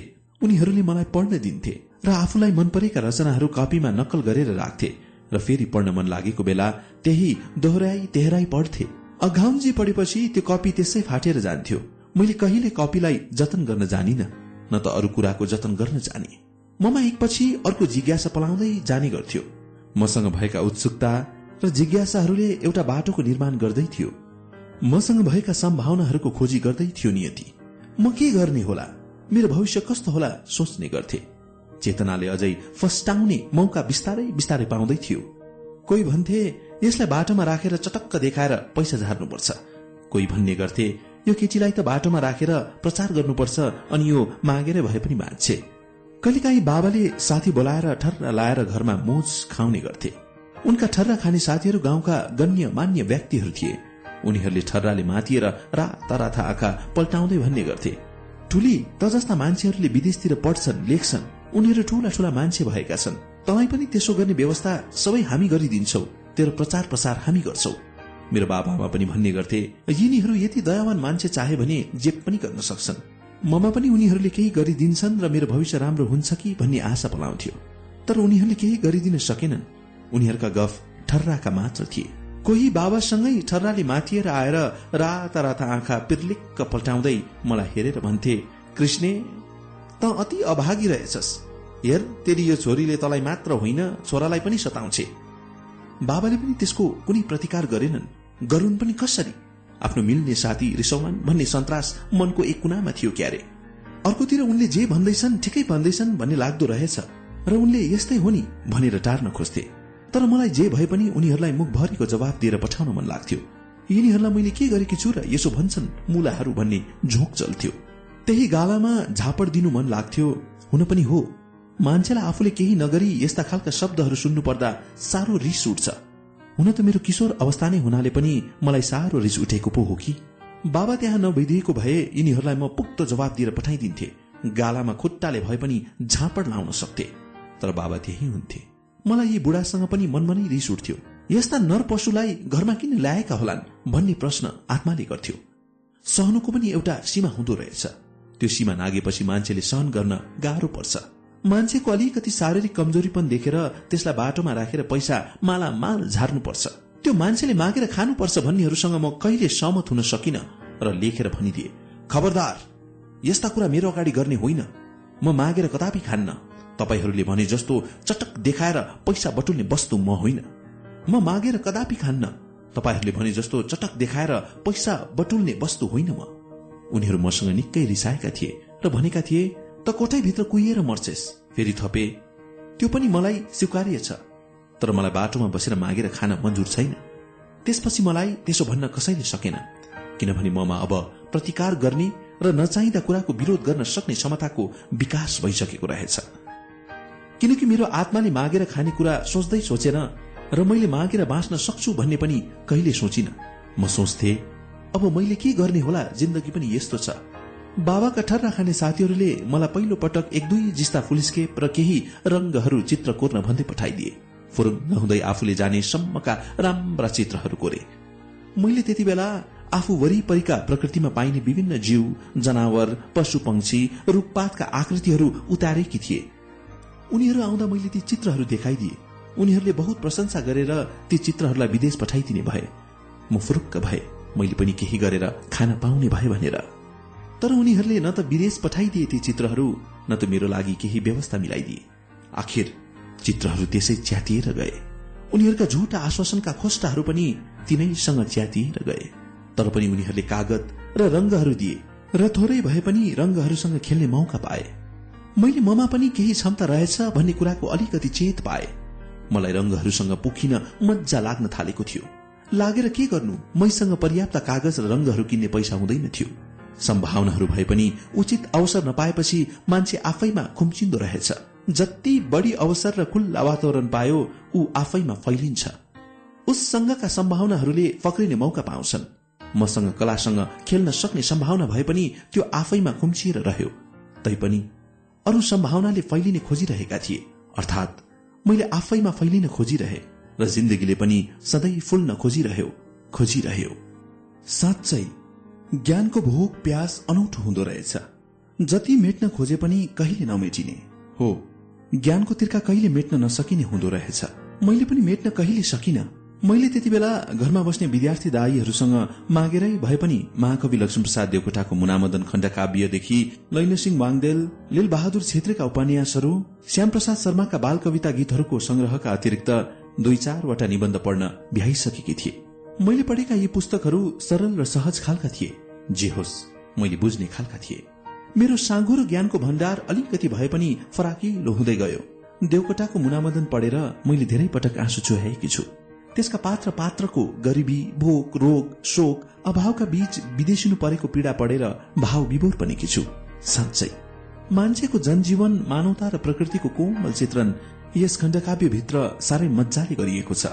म जातका आधारमा बनेको ठूलो र सानो छुत र अछुतको पर्खाल जरैदेखि भत्काउन चाहन्थे। महाकवि देवकोटाको मुनामदन ठूलो दिलले हुन्छ जातले हुँदैन भन्ने विचार पनि पोखिएको रहेछ। त्यो खण्डकाव्यको मलाई त्यही मानवतावादी स्वर मन पर्यो र त्यो पुस्तक अति मन पर्यो। मैले दुई चार दिन पढ्न मागेकी थिए पढिसकेपछि मैले फिर्ता दिनु पर्थ्यो तर त्यो पुस्तक म सधैँ आफूसँगै राख्न चाहन्थे। त्यसैले मैले त्यो पुस्तक पहिलेका सारा दर्द पीड़ाहरू सबै बिर्सिएर बाबासँग किनिदिने आग्रह गरेकी थिए। यसपालि भने बुढालाई खोइ कुन सनक चढेर हो? किनिदिए। त्यही पुस्तक थियो मेरो लागि भनेर किनिदिएको पहिलो पुस्तक। अहिले पनि त्यो कुरो सम्झिँदा आफैमा गर्वको मिठो आभास हुन्छ। किनभने मेरै लागि भनेर किनिदिएको पहिलो पटक मुनामदन खण्डकाव्य थियो। त्यो पनि नेपाली भाषामा महाकवि देवकोटाको चर्चित खण्डकाव्य पाएकी थिए। त्यस दिन म साह्रै खुसी थिए। आफूलाई मन परेको खण्डकाव्यको नयाँ पुस्तक पाएकी थिए जसलाई मैले सयौं पटक अल्टाई पल्टाई हेरेकी थिए पढेकी थिए। एकपछि अर्को गर्दै पुस्तकहरू पढ्ने बानी यस्तोसँग बस्यो कि केही न केही नपढी त बस्नै नसक्ने अवस्थामा पुगे। केही नपढेको दिन त मलाई आफ्नै जिन्दगीदेखि हैरान लाग्थ्यो। अब त जिन्दगीको बारेमा सोच्ने पनि बेला भइसकेको थियो।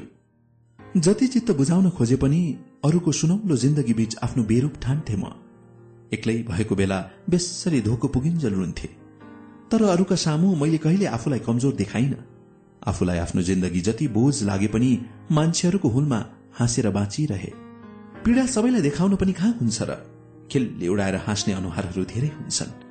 त्यसैले अह पीड़ा कसैलाई देखाइन चोट पनि कसैलाई देखाइन।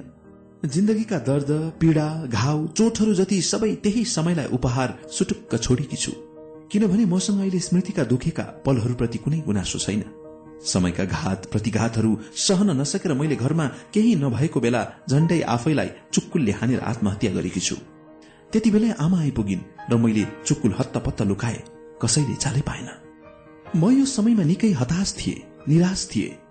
अहिले सम्झदा लाग्छ छि कस्तो कायर काम गर्न खोजेछु। हो किशोरकाल मान्छेको संवेदनशील हुँदो रहेछ। मान्छेले उचित मार्गदर्शन माया ममता पाएन भने जे पनि गर्न सक्दो रहेछ। मैले पनि यसको अनुभूति गर्न सकिन र त आफूलाई एक्लो पाए हताश निराश भए। त्यति बेला मैले जिन्दगीको सौन्दर्य पक्ष बुझ्न सकिन चिन्न सकिन अध्यारो नै अध्यारो मात्र देखे। जसमा कहीँ कतै उज्याला पक्षहरू रोजेकी थिए। यस्तै आशा निराशाहरू बीच पनि जिन्दगी गुज्रिँदै गयो। समयका पानहरूमा जिन्दगीको रंग जे जस्तो भए पनि पोखिँदै गयो। बाबा आमाले पहिलेको भन्दा अलिकति सद्भाव देखाए पनि व्यवहार पहिलेको जस्तै कठोर थियो। उनीहरूको आदेश बिना सानोभन्दा सानो कुरा पनि नपाइने। बाबा आमाको अनावश्यक कुरामा पनि आदेश जारी गर्ने प्रवृत्ति पटक्कै मन पर्दैन थियो। उनीहरूको आदेश घाँटीमा जबरजस्ती झुन्ड्याएको पासो झै लाग्थ्यो। के हाम्रो आफ्नो इच्छा आकांक्षाहरू हुन सक्दैनथे आफ्नो लागि आफै केही गर्ने स्वतन्त्रता हुँदैन?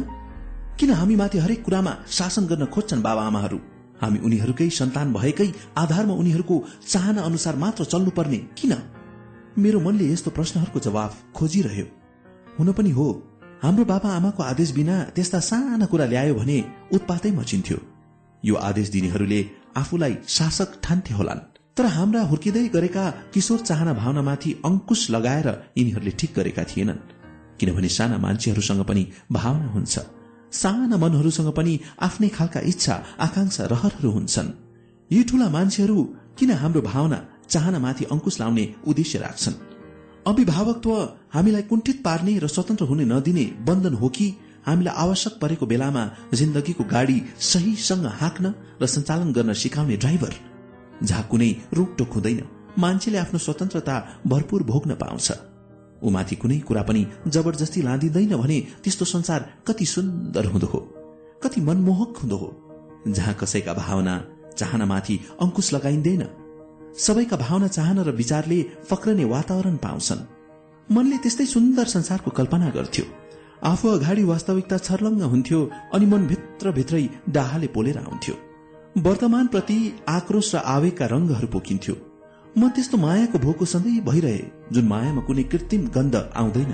अ म स्वयं आफ्नै आमा बाबाको आदेशले यति प्रताडित भएको थिए कि उनीहरूले नै दिएको पैसा जम्मा पारेर आफूलाई चाहिने सामान वा किताबहरू किन्न पनि पठाउन नहुने। एक दिन मैले आफैलाई दिएका पैसा जम्मा पारेर मिनालाई किताब ल्याइदिए भने उसले पुस्तक पसलमा गएर मेरो लागि बालकृष्ण समको स्वास्नी मान्छे भन्ने नाटकको किताब ल्याइदिएछ। म खुसी भए। नयाँ किताब पढ्न पाउँदा कसको मन खुसी हुँदैन होला र? त्यो स्वास्नी मान्छे भन्ने नाटक मैले पढे हेरे त्यो नाटकको किताब राम्रो थियो। उसलाई कसको आदेशले ल्याइदिस् भनेर तमास गरे। मलाई तैले यसलाई किन बिना आदेश पठाइस तँलाई किन चाहियो जति जाने पनि तैले के गर्नु? घरको पिँढी भन्दा कहिले पर जान सक्ने होइनस् भनेर गाली गरे। त्यो घटना सम्झिँदा अझै पनि मेरो मनमा एक खालको चिसो पसेर आउँछ। त्यस बेलासम्म मैले साहित्य र अरू विषयका विविध किताबहरू पढे। र जहाँबाट आफ्नो ज्ञानको भण्डार केही भए पनि फराकिलो पारे। साहित्यका पात्र पात्रहरूलाई पढेर उनीहरूसँग हराउने गर्थे। उनीहरूका दुःख पीड़ाहरूसँग रुन्थे। मन व्यक्तिगत जिन्दगीमा भन्दा किताबी दुनियाँका पात्र पात्रहरूसँगै रमाउँथ्यो। कल्पनामै फुक्क भएर रमाउँथ्यो चञ्चले मन। त्यो किशोरकाल साह्रै चञ्चले हुँदो रहेछ। कहिले हाँसिरहन मन लाग्ने कहिले रोइरहन मन लाग्ने खोइ के गरू? के गरू लाग्ने बा? आफैलाई हेरिरहन मन लाग्ने कसैले राम्ररी भनिदिए मक्ख पर्ने यस्ता प्रवृत्ति थिए ममा पनि। यी कुराहरू स्वाभाविक रूपले देखिए। मान्छेहरूले मेरो जात वर्ग छुट्याए पनि प्रकृतिले मलाई कुनै भेद गरेन। अरूलाई जस्तै रूप रङ वयस सबै दियो। म आफूलाई निकै राम्री भएको ठान्थे। अरू जस्तै आकर्षक देख्थे। म आफैलाई खोइ किन हो विचिट्टै राम्री लाग्थ्यो। किताबका आकर्षक नारी पात्रहरू जस्तो ठान्थे। कल्पनामा सजीव रूपमा उभिएका पात्रहरूसँग मनमा नै प्रश्न गर्थे के म तिमीहरू जस्तो राम्री छैन? कल्पनामै इच्छा आकांक्षाले पखेटा हाल्न थालिसकेका थिए। चाहना र रहरहरू कसैले दमन गरेर पनि दमित हुन सकेनन्। तिनका बोटहरू लहलाउँदो बन्दै गए। अब त मलाई कल्पनामै हराउने बानी बसिसकेको छ क्यारे। दिनभरि म मिठा मिठा कल्पनाका मालाहरू बुन्थे। कल्पनामै आफ्नै छुट्टै सुन्दर घर बनाउँथे जहाँ म भरपूर स्वतन्त्र हुन्थे। मलाई घृणा गर्ने पात्र पात्रहरू हुँदैन थिए। धेरै अपमानहरू सहनु परेकोले पनि होला छुट्टै एउटा नयाँ घरको कल्पना गरेकी। साँच्चै थोत्रा पुराना विचारका घरहरू भत्काएर नयाँ विचार नयाँ चेतनाका सुन्दर घरहरूको निर्माण गर्न उति बेलै चाहेकी हुँ। तर त्यो चाहनाले मूर्त रूप लिन सकेन। थोत्रा पुराना विचारका घरहरू भत्काउन कहाँ सजिलो हुन्छ र? जिन्दगीको यो मोडसम्म आइपुग्दा मैले पढेर पढेर निकै कुरो सिकिसकेकी थिए। जे होस् ज्ञानको भोक भनौँ कि प्यास भनौँ त्यसलाई मेट्न किताबी दुनियाँमा भड्किरह्यो किशोर अवस्थाको चञ्चले मन। म सुनौलो आगतको कल्पनामा डुब्दै थिए र विगतमा चुहेका आँसु भ्याउने क्रममा थिए। आँसु देखिए नदेखिए पनि कलिलो मनका चोट घाउ दर्द पीड़ाहरू उस्तै थिए जसको कहीँ कतै निकास थिएन। यसको कतै निकास थियो भने आँसुको रूपमा बाहिर निकाल्नु हो। कहिले काहीँ त रुदा पनि मन हलुका हुँदो रहेछ। त्यो समयमा म आँसुको जिन्दगीबाट निकास खोजिरहेकी थिए। किताबहरू पढ्दा मैले पनि यी कथा कविताहरूका पात्र पात्र जस्तै अलग पात्रहरू खोजेर तिनका बारेमा लेख्न पाए कस्तो हुन्थ्यो? यस्तै कथा कविताहरू लेख्न जान्न पाए कस्तो हुन्थ्यो? ती चाहनाहरू मात्र सलबलाएर के गर्नु? जान्नु छैन घोत्लिएर घण्टौसम्म भए पनि हेरिरह्यो र त्यसलाई दशौं पटकसम्म पढ्यो। चञ्चली दिमागले आफू अगाडि पुतली देखिए पुतलीकै बारेमा सोच्थ्यो। रुप्पी भङ्गेरा काग गौथली देखिए तिनकै बारेमा सोच्थ्यो। त्यस्तै मान्छे देखिए तिनकै बारेमा सोच्थ्यो। मनले तिनका बारेमा विभिन्न कुराहरू कल्पना गर्थ्यो। यही कल्पना कल्पनामै बने तिनका बारेमा कैयौं कथाहरू तर लेख्न चाहिँ लेखिएनन्। लेख्ने चाहनाहरू पनि साँच्चै उत्कण्ठसम्म पुगिसकेका रहेछन् क्यारे। पहिला मैले आफूले देखेका पशु पंक्षीहरूको बारेमा लेखे। त्यो कसैलाई नदेखाई च्यातेर फाले। कविताहरू पनि भुइँमा दुई चार लाइन यसो लेखी हेर्थे। राम्रो हुँदैन थियो र मिटिदिन्थे। यसो गर्दै निकै समय बित्यो। त्यति बेला कसैले राम्रो गाएको सुन्यो भने पनि आफूलाई पनि गाउन मन लाग्ने। कसैले राम्रो नाचेको देख्यो भने नाच्न मन लाग्ने। कसैले राम्रो चित्र कोरेको कसैले राम्रो लेखेको देख्यो भने आफूलाई पनि त्यही गर्न मन लाग्ने कस्तो अस्थिर मन। यही अस्थिर मनभित्र जानेर होस् वा नजानेर होस् मैले सृजनाका बिहाहरू छर्न थालेकी थिए। ती अंकुराउन थालेका रहेछन्। मेरो अगाडिदेखि नै साहित्यका पुस्तकहरू पढ्ने आफूलाई मन परेका सिर्जनाहरू कापीमा सारेर राख्ने बानी थियो। त्यसैले कलिलो मनमा साहित्यका बीजहरू छरिएछन्। कुनै संघर्षशील व्यक्तिहरूका जीवनी लेख रचनाहरू पढ्दा आफू पनि त्यस्तै संघर्षशील हुन मन लाग्थ्यो। मैले त्यही समयमा साहित्य सिर्जना गर्न पुगेकी थिए। ती सिर्जनाहरू राम्रा थिएनन् तर सुरुका सिर्जना भन्दा थोरै राम्रा सिर्जनाहरू भएकोले उत्साहित हुँदै डेरामा बस्ने एकजना दाईलाई देखाए। उनको नाम अहिले मैले सम्झन सकिन। उनले मलाई निकै माया गर्थे। कुनै नयाँ पुस्तक ल्याए भने यो पुस्तक तिमीले पढ्नै पर्छ भनेर पढ्न दिन्थे। अहिले मलाई यति माया गर्ने मान्छेको नाम के हो? घर कहाँ? यो सम्झना छैन। यसमा आफै प्रति अफसोस छ। चाहे तिमी जो हौ जुन ठाउँका हौ मलाई माफ गर ल दाई। मैले तिमीलाई चिन्न सकिन। उनले खुसी भएर राम्रो छ अझै राम्रो लेख भनिदिएपछि मेरो मन साह्रै फुरुङ्ग भएको थियो। जिन्दगीमा त्यस्ता खुसीका पलहरू बिर्लै भोगेकी थिए मैले। त्यो पल कहिले बिर्सन सक्दिन किनभने मान्छेले जिन्दगीका सुनौला पलहरू कहिले बिर्सन सक्दैनन्। मैले पनि जिन्दगीकै सुन्दर पलहरूलाई के बिर्सन सक्थे र जे जस्ता भए पनि सृजनाका बिहाहरू अंकुराउन पटपट फुट्दै थिए टुसाउन थालेका थिए र जिन्दगीमा अब भने उत्साह उमङ्गका रंगहरू पनि बिस्तारै पोखिन थालेका थिए। त्यसका छिर्काहरू अलिअलि देखिन थालेका थिए। जुन रंगसँग आशाका पल्लवहरू अंकुरित हुन थालेका थिए। लेख्ने र पढ्ने क्रम निरन्तर रूपमा चलिरह्यो। हाम्रा घरमा कामकाजले आउने जाने थोरै मान्छेहरू मेरो क्रियाकलाप देखेर छक्क परेर जान्थे। उनीहरू विशेष गरेर मलाई अक्षर लेखेकै हेरिरहन्थे र भन्थे यो केटीले अक्षर लेखेको देख्दा छक्क लाग्यो। खुट्टाले कस्तो मजाले कलम पक्रिएर लेख्दी रहेछ भगवानको लीला पनि अपरम्पार छ उनीहरूको विचारमा मलाई भगवानले लीला गर्न धरतीमा पठाएको थियो जसलाई उनीहरू हाम्रो सानो दिमागले भगवानको लीला बुझ्दैन भन्थे। सायद उनीहरूले नै बाहिर जगतसम्म यस्ती केटी रहेछ भन्ने समाचार पुर्याए होलान्। डेरामा बस्नेहरूले पनि हामी बसेको घरकी केटी यस्तो छे भनेर कतै कुरा गरे होलान्। मेरो बाबाआमाले पनि मेरी छोरी यस्ती छे भनेर के गर्नु? आफ्नो जन्मदिनको सायद भनेर कि कतै? खोइ कुन माध्यमले हो? कसरी मान्छेको हुलमा ऊ खुट्टाले लेख्छे भनेर खबर पुग्यो कुनी त्यो मलाई थाहा भएन। जे होस् हाम्रा घरमा फाटफुट मलाई हेर्न भन्दै मान्छे आउन थाले। उनीहरू मैले लेखेको देखेर छक्क परेर जान्थे। समय आफ्नै गतिमा कुदिरह्यो। बिस्तारै बिस्तारै सिर्जनाका बिहाहरू उम्रिन थालेका थिए। अलि पछिको समयमा यो खबर यति सनसनी रूपमा फैलियो कि जसको मुख्य पात्र म थिए। यस अगाडिसम्म सुनसान मुर्दाघर जस्तो लाग्ने हाम्रो घर चहल पहल हुन थालेको थियो। मान्छेहरूको आवत जावतले घरको रौनकै अर्कै बनेको थियो। यही समयदेखि हाम्रा घरमा जातीय पर्खाल भत्कियो। अछुत जातका मान्छेहरूलाई घरभित्र पस्न दिनु हुँदैन भन्ने परम्परागत धारणा भत्कियो। यो वर्षौंदेखि उभिएको भेदभावको पर्खाल भत्किँदा मेरो मन साह्रै रमाएको थियो। किनभने म वर्षौं अगाडिदेखि समताको चिन्तन बोक्दै आइरहेकी थिए। अहिले त्यही चिन्तनले जितेको थियो साँच्चै। आफूले जितेको अनुभूति भइरहेको थियो। हाम्रो घर मान्छेहरूको साझा आस्था र विश्वासको स्थल बन्दै थियो जहाँ जुनसुकै मान्छेहरू आउन जान सक्थे। जहाँ सबै जात भाषा वर्ग लिङ्गका मान्छेहरू सबैलाई सम्मान व्यवहार गर्नु पर्थ्यो। कहिलेकाहीँ बाबा आमाको असन्तुष्टि भनौँ कि गुनासोहरू भनौँ पोखिन्थे म माथि। म आखिर मान्छेको जात मान्छे हो भनिदिन्थे। सिर्जनाका बिहाहरू उम्रिएर सासाना बोटहरू रूपमा परिणत हुन थालेका थिए। सिर्जनाका बगैँचामा ती बोटहरू लहलाउँदा हुँदै गए। अन्तत ती वयस्क बनेर कोपिलाहरू लाग्न थाले। अर्थात् मेरा सिर्जनाहरू सार्थक हुँदै गए। मैले सिर्जनाका कोपिलाहरू निकै पोटिला देख्न थाले।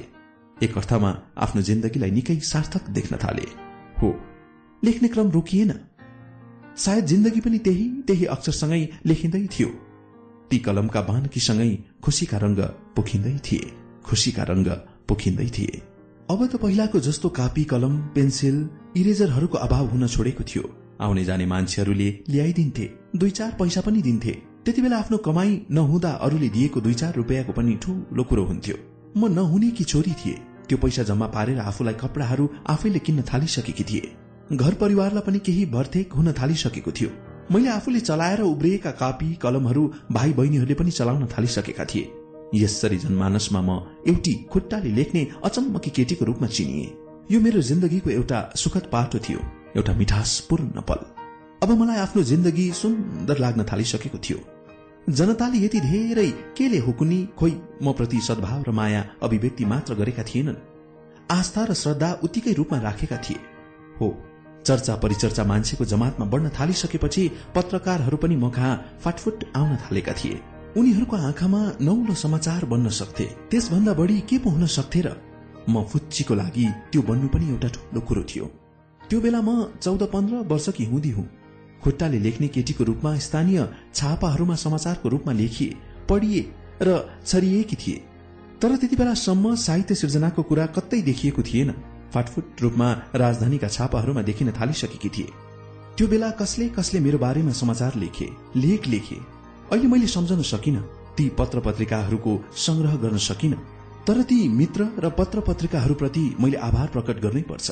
अ जिन्दगीको यात्रा फराकिलो हुँदै गयो। त्यसमाथि रंगीन हुँदै गयो। म यही रंगीन जिन्दगीमा रमाउन थाले।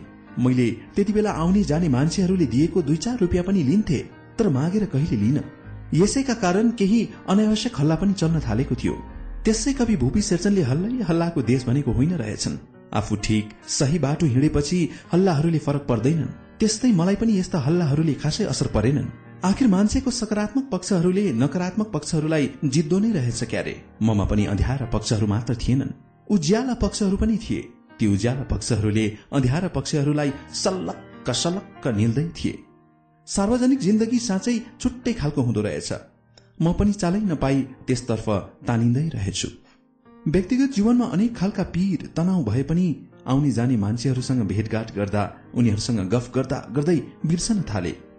त्यसबेलै गीता अधिकारी रमेश चन्द्र अधिकारी अल्का अधिकारी उमेश चन्द्र अधिकारी तनुजा पोखरेल सुमन पोखरेल गिरिचन्द्र पोखरेल पुष्कर जोशी सञ्जय सन्तोषी राई विदुर सुवेदी जस्ता स्थानीय पत्र पत्रिकामा काम गर्ने भनौँ कि साहित्यप्रेमी व्यक्तिहरू भनौँ। जे भनौँ ती व्यक्तिहरूसँग भेट भयो। उनीहरूसँगको भेटले एक किसिमको यात्रामा सहज परिवेश निर्माण गर्यो।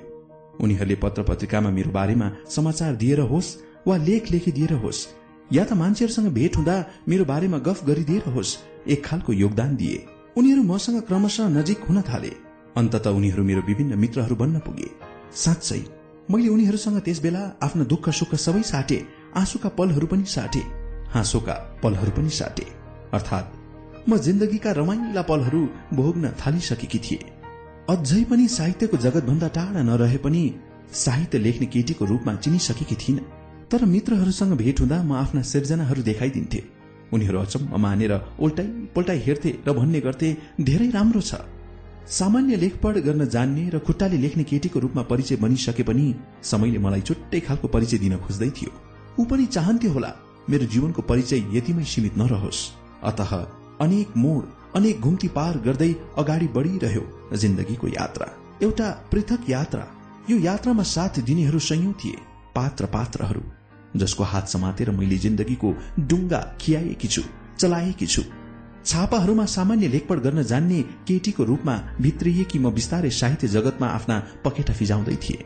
उमेरले पनि आफ्नै गतिमा नेटो काट्दै थियो। म त्यति बेलासम्म सोह्र वर्षकी किशोरी भइसकेकी थिए।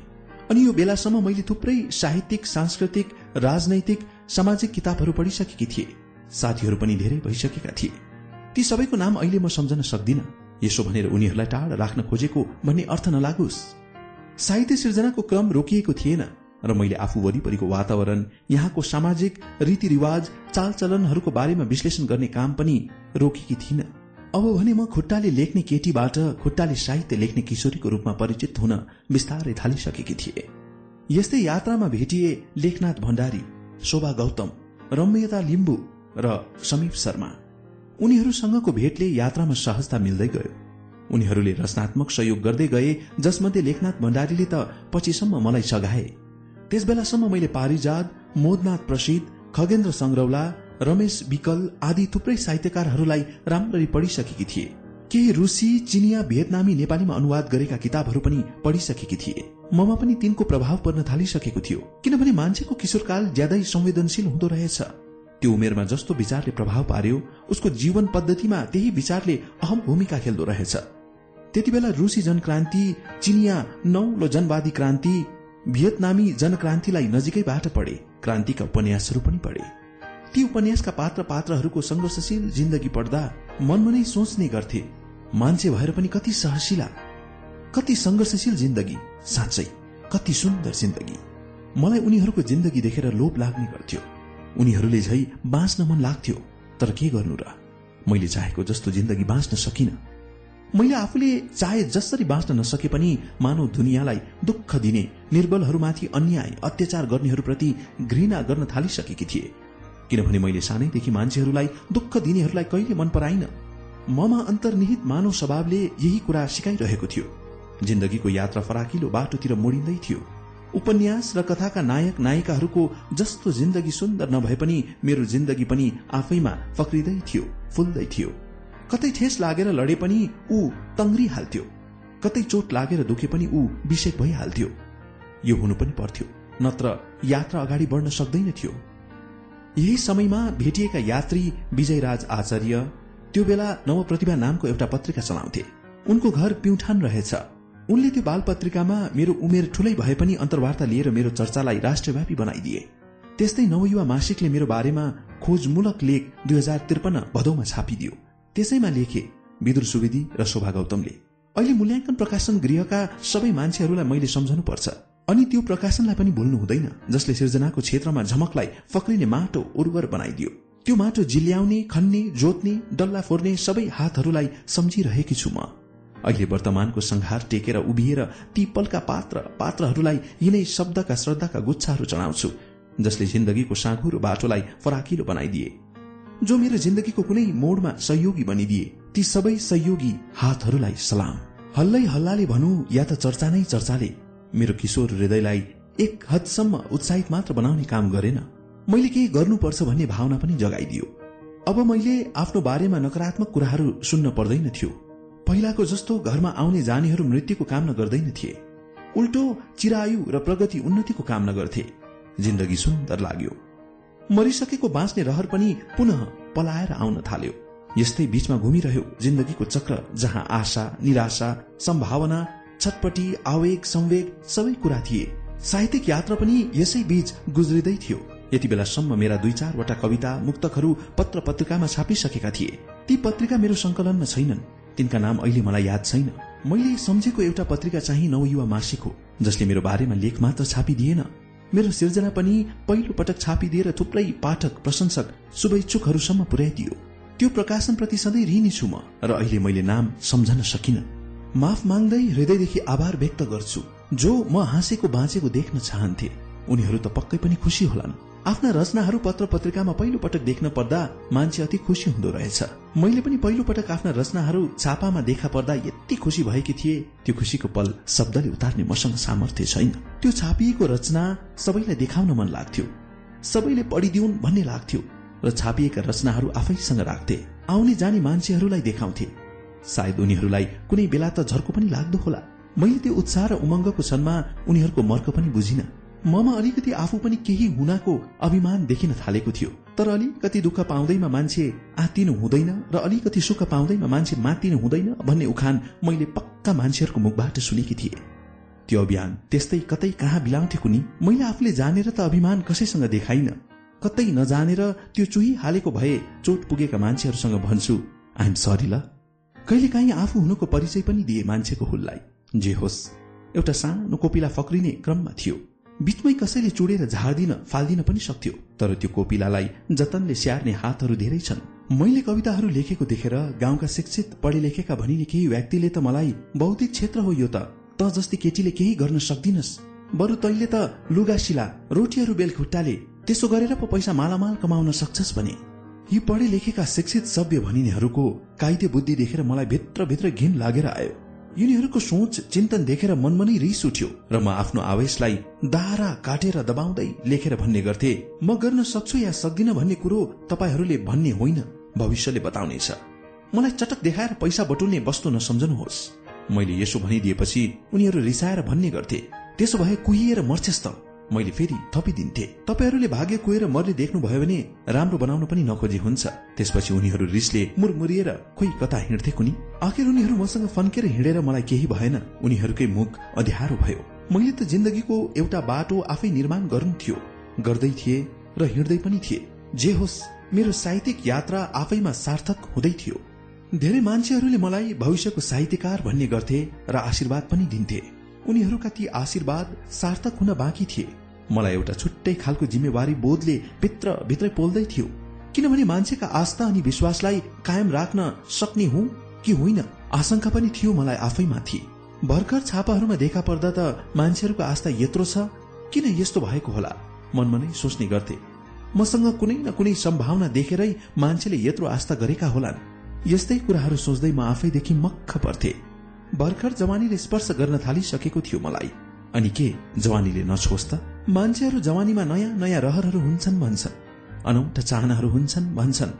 तर ममा न त त्यस्ता नयाँ नयाँ रहरहरू पलाए न त अनौठा चाहनाहरू जागे। अह त्यस्तो केही भएन। ममा एउटै चाहना पलाएको थियो आफूले केही काम गरेर आफै बाँच्ने। हो मलाई त्यति बेलैदेखि अर्काको कमाईमा बाँच्न गाह्रो हुन थालिसकेको थियो। अब त केटाकेटी पनि थिइन। म सबै कुरा बुझ्न सक्थे अनुभूति गर्न सक्थे। आफ्नाहरूको लागि आफू बोझ र भार हुँदै गइरहेको जस्तो लाग्थ्यो। व्यवहारले मलाई यस्तै पनि गरिन्थ्यो।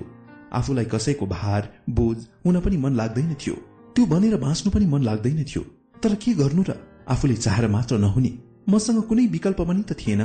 कति लाचार विवश जिन्दगी।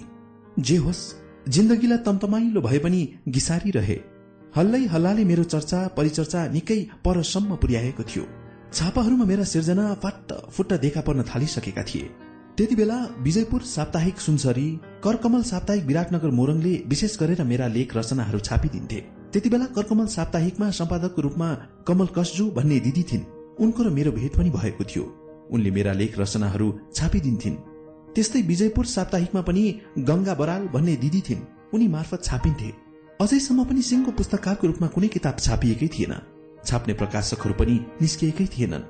मैले लेख्न भने छोडेकी थिइनँ। आफ्ना साहित्यिक समकालीन साथीहरू तनुजा पोखरेल अल्का अधिकारी गीता अधिकारी आदि धेरै साथीहरूको माझ एक परिचित अनुहारको रूपमा स्थापित हुँदै थिए। उनीहरूसँगको भेटघाटमा कविताहरू सुन्ने सुनाउने काम हुन्थ्यो। उनीहरू म भन्दा उमेर र लेखन दुवैले जेठा थिए। म उनीहरू भन्दा सानी भए पनि मेरा सिर्जनाको प्रशंसा गर्थे। यसरी आफ्नो पुस्तकमा बिस्तारै प्रभाव जमाएकी थिए। मेरो जिन्दगी पनि कवितामय भएर बगिरह्यो। के खोज्छौ संकल्प? के खोज्छौ जिन्दगीको परिभाषा मसँग? जिन्दगी आफैमा सुसज्जित छ विचार गरी हेर न। हर पल जिन्दगीका निश्चल डुकडुकीहरूमा खोज तिमी आफ्नो जीवन यथार्थ। जहाँ भेट्छौ जिन्दगीको एक अस्तित्व त्यहाँ बुझ्छौ जिन्दगीका परिभाषाहरू। जिन्दगी आफू स्वयंमा कति सुन्दर छ कति मधुर छ अनि तिमी आफै थाहा पाउँछौ। आहा! यो जिन्दगीको पथमा मलाई हिँडिरहु जस्तो लाग्छ। मलाई जिन्दगीमा एक संकल्प बोकी बाँचिरहु जस्तो लाग्छ।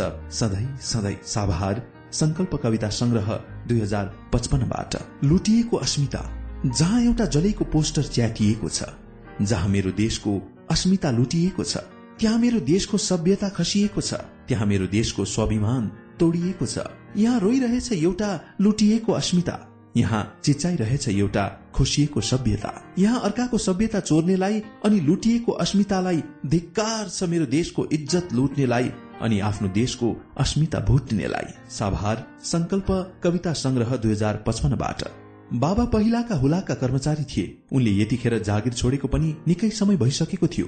म उनै भूतपूर्व कर्मचारीकी छोरी भएकीले मेरो पहिलो कृति हुलाक कर्मचारी कल्याण कोष विराटनगरले छापिदियो। त्यसको संयोजन गरिदिए भीम कोइरालाले उनी पनि त्यही काम गर्थे होलान्। उनको घर कहाँ हो खोइ मलाई थाहा छैन जे होस्। त्यति बेला मलाई सहयोगी हात दिए। उनी अहिले कहाँ छन्? के गर्दैछन्? अत्तो पत्तो छैन। तर म सम्झिरहेकी छु उनलाई। म दुई हजार पचपन्न सालमा आफ्नो पहिलो कृति संकल्प कविता संग्रह लिएर पाठकहरू सामु देखा परे। मेरो केही भए पनि पाठकहरू बढेका थिए। मैले त्यो किताबबाट पारिश्रमिक स्वरूप एक हजार पाएकी थिए। त्यो नै आफ्नो पहिलो कमाई थियो। हुन त यस अगाडि मलाई त्यति बेलाका सांसद रकम चेमजाङले साहित्यबाट प्रतिभा देखायो भनेर प्रोत्साहन पुरस्कार स्वरूप बाह्र सय दिएका थिए। उनले त्यति बेला मलाई मात्र होइनन् जिल्लाका चारजना महिलालाई त्यो पुरस्कार दिएका थिए। उनी एकीकृत मार्क्सवादी लेनिनवादी एमाले पार्टीसँग सम्बन्ध थिए। गाउँका ठूला भन्नेहरूले एमाले बाह्र सयमा किन्यो गरिबकी छोरी केही नदेखे कि त्यति पैसामा फकिहाली भने मलाई। यस्ता नचाहिँदा कुरा सुन्दा साह्रो कन्परो तात्यो। यी पढे लेखेका शिक्षित भनिनेहरूको बुद्धि देखेर घिन लागेर आयो र भनिदिए मलाई एमाले बाह्र सयमा किन्यो भने तिमी चौबिस सयमा किन? मान्छेको मूल्यको किनबेच गर्न सक्छौ भने गर। मैले यसो भनिदिएपछि यसलाई चलाउन नहुने रहेछ भनेर सोचे क्यारे त्यसपछि त्यस्ता कुरा कहिले सुनिन। म किशोर अवस्थादेखि नै अलिकति विचारका दृष्टिकोणबाट थोरै भए पनि सचेत रहेछु भन्नु पर्यो किनभने मैले आफैले जानेर चाहिँ कसैको कुभलो चिताइन कसैको अहित पनि सोचिन। त्यस्तो कुभलो अहित गर्ने सोच्ने मान्छेलाई मैले कहिले मन पराइन। त्यसैले होला म आफ्नै बाटो हिँडिरहे जिन्दगीको रथ आफ्नै तालमा हाँकिरहे। अह मैले आफ्नो परिश्रमबाट आर्जेको यति धेरै पैसा जिन्दगीमा कहिले देखेकी थिइनँ। त्यो पनि आफूले कमाएर देख्नु भनेको अलि परेको कुरो थियो। तर मैले यही परेको कुरालाई आफ्नै आँखाले देखे। छोए त्यति मात्र होइन। मैले आफैलाई निकै भाग्यमानी ठाने। त्यस बेला म मक्ख परेकी थिए। किनभने जिन्दगीमा यति खुसीका पलहरू भोग्न पाउला भन्ने आशा गरेकी थिइन। ओराट लाग्दो जिन्दगीमा खुसी फुल्न थालेका थिए। अब मैले आफ्ना पीड़ा दुःखहरू अक्षरहरूमा मात्र पोख्न पाउन थालेकी थिए। पीड़ै पीड़ामा बाँचेको मान्छे पीड़ाबाट के कहिले पो अलग हुन सक्थे र तर पनि जिन्दगीका पानाहरूमा खुसीका रंगहरू पनि पोकिन थालेका थिए। हो जिन्दगी पीड़ा पनि रहेछ खुसी पनि रहेछ। मान्छेहरूले मेरो पहिलो कृति निस्किसकेपछि त्यो पढेर मन पराएर चिठी पत्र लेख्थे। मैले अशक्त भएर पनि सिर्जना गर्न सकेकोमा स्याबासी दिन्थे। कतिले त पुनः प्रकाशन गर्न आग्रह गर्थे। नहुनुको पीड़ा मैले यहाँनिर पनि भोगे। पाठकहरूको माग अनुसार समयमा कृतिहरू प्रकाशन गर्न नसक्नु पनि नहुनुको कारण थियो। राजधानीका ठूला पत्रिकाहरूले मेरो सिर्जनालाई स्थान दिँदैन थिए। मलाई लाग्ने गर्थ्यो ठूला र सानाको यो भेद किन? यस्तै ती अनुभूतिहरू संघाल्दै म एउटा पृथक यात्रामा हिँडिरहेकी थिए। दुई हजार पचपन्न सालको सर्वश्रेष्ठ बाल प्रतिभाको रूपमा मलाई छानेछ। बाल मञ्च नेपालले कविता राम बाल साहित्य प्रतिभा पुरस्कार दियो। यात्रा पहिलाको भन्दा सहज र सरल हुँदै गयो। अर्को वर्ष अस्वीकृत विचार साहित्य पुरस्कार पनि मलाई नै दिने घोषणा गरियो। त्यति बेला प्रस्तावकलाई पनि निकै गाह्रो भएको थियो रे। किनभने बजारमा मेरो कुनै पुस्तक गएको थिएन। खोइ कसरी मिलाएको नि पुरस्कार त मलाई नै दियो। त्यो समयमा मेरो नव आगमनलाई स्थापित गराउने डाक्टर कविताराम श्रेष्ठ लेखनाथ भण्डारी विजयराज आचार्य हरिगोविन्द लुइटेल जस्ता थुप्रै व्यक्तिहरू लागि परेका थिए जसको हात समातेर जिन्दगीको जागर तरेकी थिए। जिन्दगीले मलाई यो मोडसम्म ल्याएर उभ्यायो ए जिन्दगी तलाई म के ठानु? अभिशाप ठानु कि पीड़ा? या त प्रकृतिको सुन्दर वरदान ठानु? आफै जिन्दगीसँग बल्ल प्रश्न गर्न थालेकी थिए म पाठकहरूले भन्न थालेका थिए हाम्रो आशा कतै निराशामा त बदलिने होइन। उनीहरूले शंका गर्नु पनि स्वाभाविकै थियो। किनभने सृजनाकारसँग सृजनाको माग गर्नु स्वाभाविकै हो। यति बेलासम्म मैले किताबहरू छाप्न सकेकी थिइनँ। मसँग स्वयंलाई चलाउने खर्च त थिएन। किताब छाप्ने खर्च कहाँबाट होस्? साहित्यिक जिन्दगी पनि यस्तै अभाव र पीड़ाग्रस्त बनेर गुज्रिँदै थियो। घरमा आउने जाने मान्छेहरूको घुइँचो लाग्थ्यो। कहिले काहीँ त भात खाने सम्म फुर्सद पनि हुँदैन थियो। म पनि त मान्छे न हो अल्छी लाग्नु दिक्क लाग्नु स्वाभाविकै थियो। मैले सबै मान्छेको चित्त बुझाउन कहाँ सक्थे र? सकिन। उनीहरूले गुनासो मात्र गर्थे।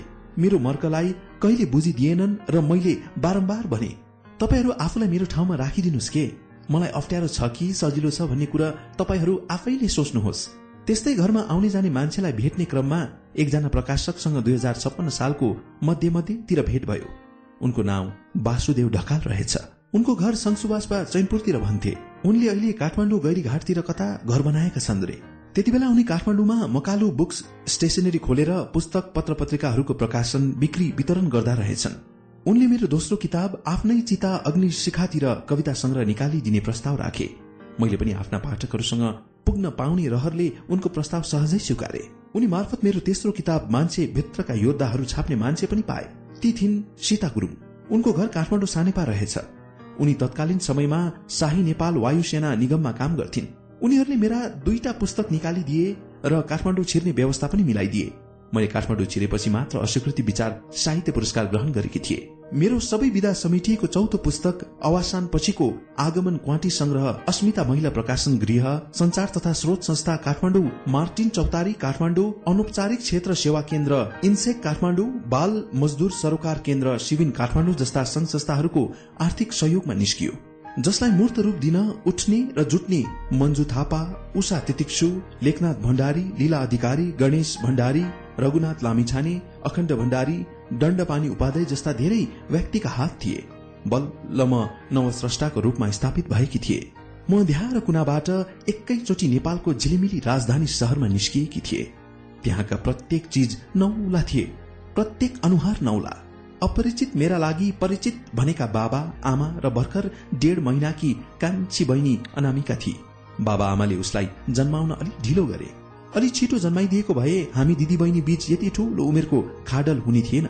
हाम्रो बाबा आमालाई चार पाँचजना सन्तान जन्माउनु सामान्य कुरा लाग्यो र त उनीहरूले पाँच पाँचवटा सन्तान जन्माए। अफ। यो हो नेपालीहरूको कुबुद्धि र नेपाली आइमाईको स्वास्थ्य बर्बाद हुने एउटा कारण। भनौ भने आफ्नै जन्मदातालाई के भनौ? नभनौ भने यो के गरेको हो? बुझ्दा बुझ्दै जान्दा जान्दै पनि हाम्रा बाबा आमाहरूदेखि छक्क पर्छु म। अनामिका भन्दा माथिकी पनि मौसमी बहिनी छे। ऊ पनि फूल जस्तै राम्री थिए कति कोमल र प्यारी बच्ची थिए त्यति बेला उमेरले पनि भर्खर सत्र अठार वसन्त पार गरेको थियो। त्यो उमेरमा म पनि आफ्ना भावना विचारका रंगहरू कसैसँग पोख्न चाहन्थे। बिस्तारै बिस्तारै मेरो परिचय खुट्टाले साहित्य लेख्ने किशोरीको रूपमा आम जनमानसमा बन्दै थियो। ती मित्रहरू जसले मेरा भावना र विचारका रंगहरू अझ गाढ बनाउन मदत गरे। तिनीहरूको गुण म जिन्दगीभरि तिर्न सक्दिन हो मान्छेलाई भावनात्मक रूपमा पनि साथ दिनेको आवश्यकता हुँदो रहेछ। त्यो आवश्यकता मलाई पनि थियो। त्यो उमेरमा मलाई धेरैजना मित्रहरूले पत्र लेख्ने गर्थे। उनीहरूले खालि पत्र मात्र लेख्दैनथे जीवनमा केही गर भन्ने उत्साह पनि दिन्थे। मलाई लेखनको शुरूआत गरेदेखि उदयपुरका एकजना दाईले चोखो माया दिएर पत्र लेखे। उनी पेसाले शिक्षक हुन्। उनको घर लेखानी गाविस छ चनौटे भन्ने गाउँमा छ रे। उनको नाम दिलचन्द्र नन्दन हो। उनको वास्तविक नाम त विष्णुमुरी मगर हो। उनलाई मैले अहिलेसम्म देखेको छैन। तर उनले दाजुको माया ममता दिएको मात्र होइन। म भावनाको दुनियाँमा एक्लो हुँदा तिमी एक्लै छैनौ भनेर सधैँ पत्र लेखे। म रिसाउँदा मलाई मायाले सम्झाए। तिमी जस्तो मान्छे त्यसरी रिसाउनु हुँदैन भनेर पत्र लेख्थे। मलाई धेरै माया गर्ने मान्छे उनी पनि हुन्। जो मेरो सफलतामा हृदयदेखि रमाउँछन्। मेरो दुःखमा दुखी हुन्छन् जसले मलाई जीवनसँग सधैँ संघर्ष गर भन्यो। मेरो भावना विचारको तहमा उभिएर मनप्रति ठूलो आशा राखिरह्यो। साह्रै राम्रा अक्षरमा कोमल भावना लेखिरहे। साह्रै सरल र सहज शब्दमा मलाई भनिरहे मेरी बहिनी झमक कमजोर बन्नु हुँदैन। म अहिले पनि सम्झिरहेछु ती दादाका भावना कति पवित्र थिए। कहिले काहीँ म जिन्दगीदेखि थाक्थे र भन्थे दादा म थाके जिन्दगीसँग। भो संघर्ष गर्नु छैन। बस त्यति बेला उनी शब्दको सहारा लिएर भन्ने गर्थे त्यति कातर नबन बाबा। हो उनले मलाई यति धेरै माया दिए कि म जिन्दगीका हरेक सफलतामा उनलाई सम्झने गर्छु। अहिले पनि उनीसँगको सम्बन्ध यत्तिकै पवित्र र आत्मीय छ। त्यस्तै अर्का व्यक्ति थिए पाँच थरका लिङ्गदेन थरका मित्र अङ्किन्छन् भन्ने एकजना राम्रा लेखक। उनले पनि त्यसै बेला मसँग पत्र व्यवहार गरे। उनलाई पनि मैले दाजु नै ठानेर आफ्ना भावना लेख्ने गरे। उनले पनि आफ्ना भावनाहरू लेख्थे। त्यस्तै गुल्मीका एकजना मित्र सागरमणि ग्यावालीलाई म सम्झने गर्छु। उनीसँग पनि मैले भावनामा भेटेकी थिए। उनी पनि राम्रो भावना भएका मान्छे थिए। यसरी मैले भावना र विचारका माध्यमबाट धेरैजनासँग भेट गरिसकेकी थिए। हामी बीच धेरै विषयमा कुराकानीहरू पत्रकै माध्यमबाट हुने गर्थे। हामी पत्रमा भावनाको मात्र कुरा गर्दैनथ्यौ बहस र वाद विवाद पनि गर्थ्यौ। यसरी तर्क वितर्क गर्दा लामो समयसम्म रिसाएर पत्र नलेख्ने काम कसैले गरेनौ। एउटा पत्रमा कुनै कुरामा चर्काचर्की पर्यो भने अर्को पत्रमा यो कुराको उल्लेख गर्दैनथ्यौ विवाद त्यही टुङ्गिने गर्थ्यौ। यसरी धेरै मित्रहरूसँग भावना र विचारको सहयात्रा पनि गरे मैले। मेरो सहयात्रामा सङ्लो कञ्चन भावना विचारका रंगहरू पोखियो। बडो मजाको अनुभूति हुने गर्थ्यो। त्यो उमेरमा कहिलेकाहीँ आक्रोश आवेशका रंगहरू पनि पत्रमा पोखिने गर्थे। कहिलेकाहीँ छटपटी र मानव मनका विभिन्न कण्ठाका कुराहरू पनि त्यसैमा मिसिने गर्थे। समय आफ्नै गतिमा कुदिरह्यो। अलिकति पछाडि भावनाका साथीहरूमा निकै थपिएका थिए। ती सबैको नाम त अहिले मैले सम्झन सकिन तर उनीहरूको भावनात्मक साथलाई कहिले भुल्न सक्दिन। मसँग पत्रचार गर्ने महिला मित्रहरू पनि नभएका होइनन् तर उनीहरूसँग मेरो भावना विचार खोइ के कारणले मिलेन? मैले उनीहरूका जस्ता कस्तो खाने कस्तो लाउने सिंगार्ने कसरी आदि कुरा गर्न जानिन। म उनीहरू जस्तो सुन्दर थिइन। त्यसैले मसँग उनीहरूको कुरा मिलेन। भावनाको रंग मिलेन। विचारको रंग पनि मिलेन।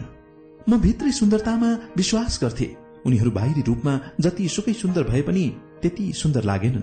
सुन्दर महिला र संसारको हितको लागि काम गर्ने Mother Teresa Madam Curie Florence Nightingale जस्ता हुन्छन्। के उनीहरू सुन्दर थिएनन्? हो मेरो भर्खर सत्र अठार वर्षको जवानीले उन्मुक्त उमेरमा पनि कहिले उश्रृङ्खल विचार पलाएन। पलाओस् पनि कसरी?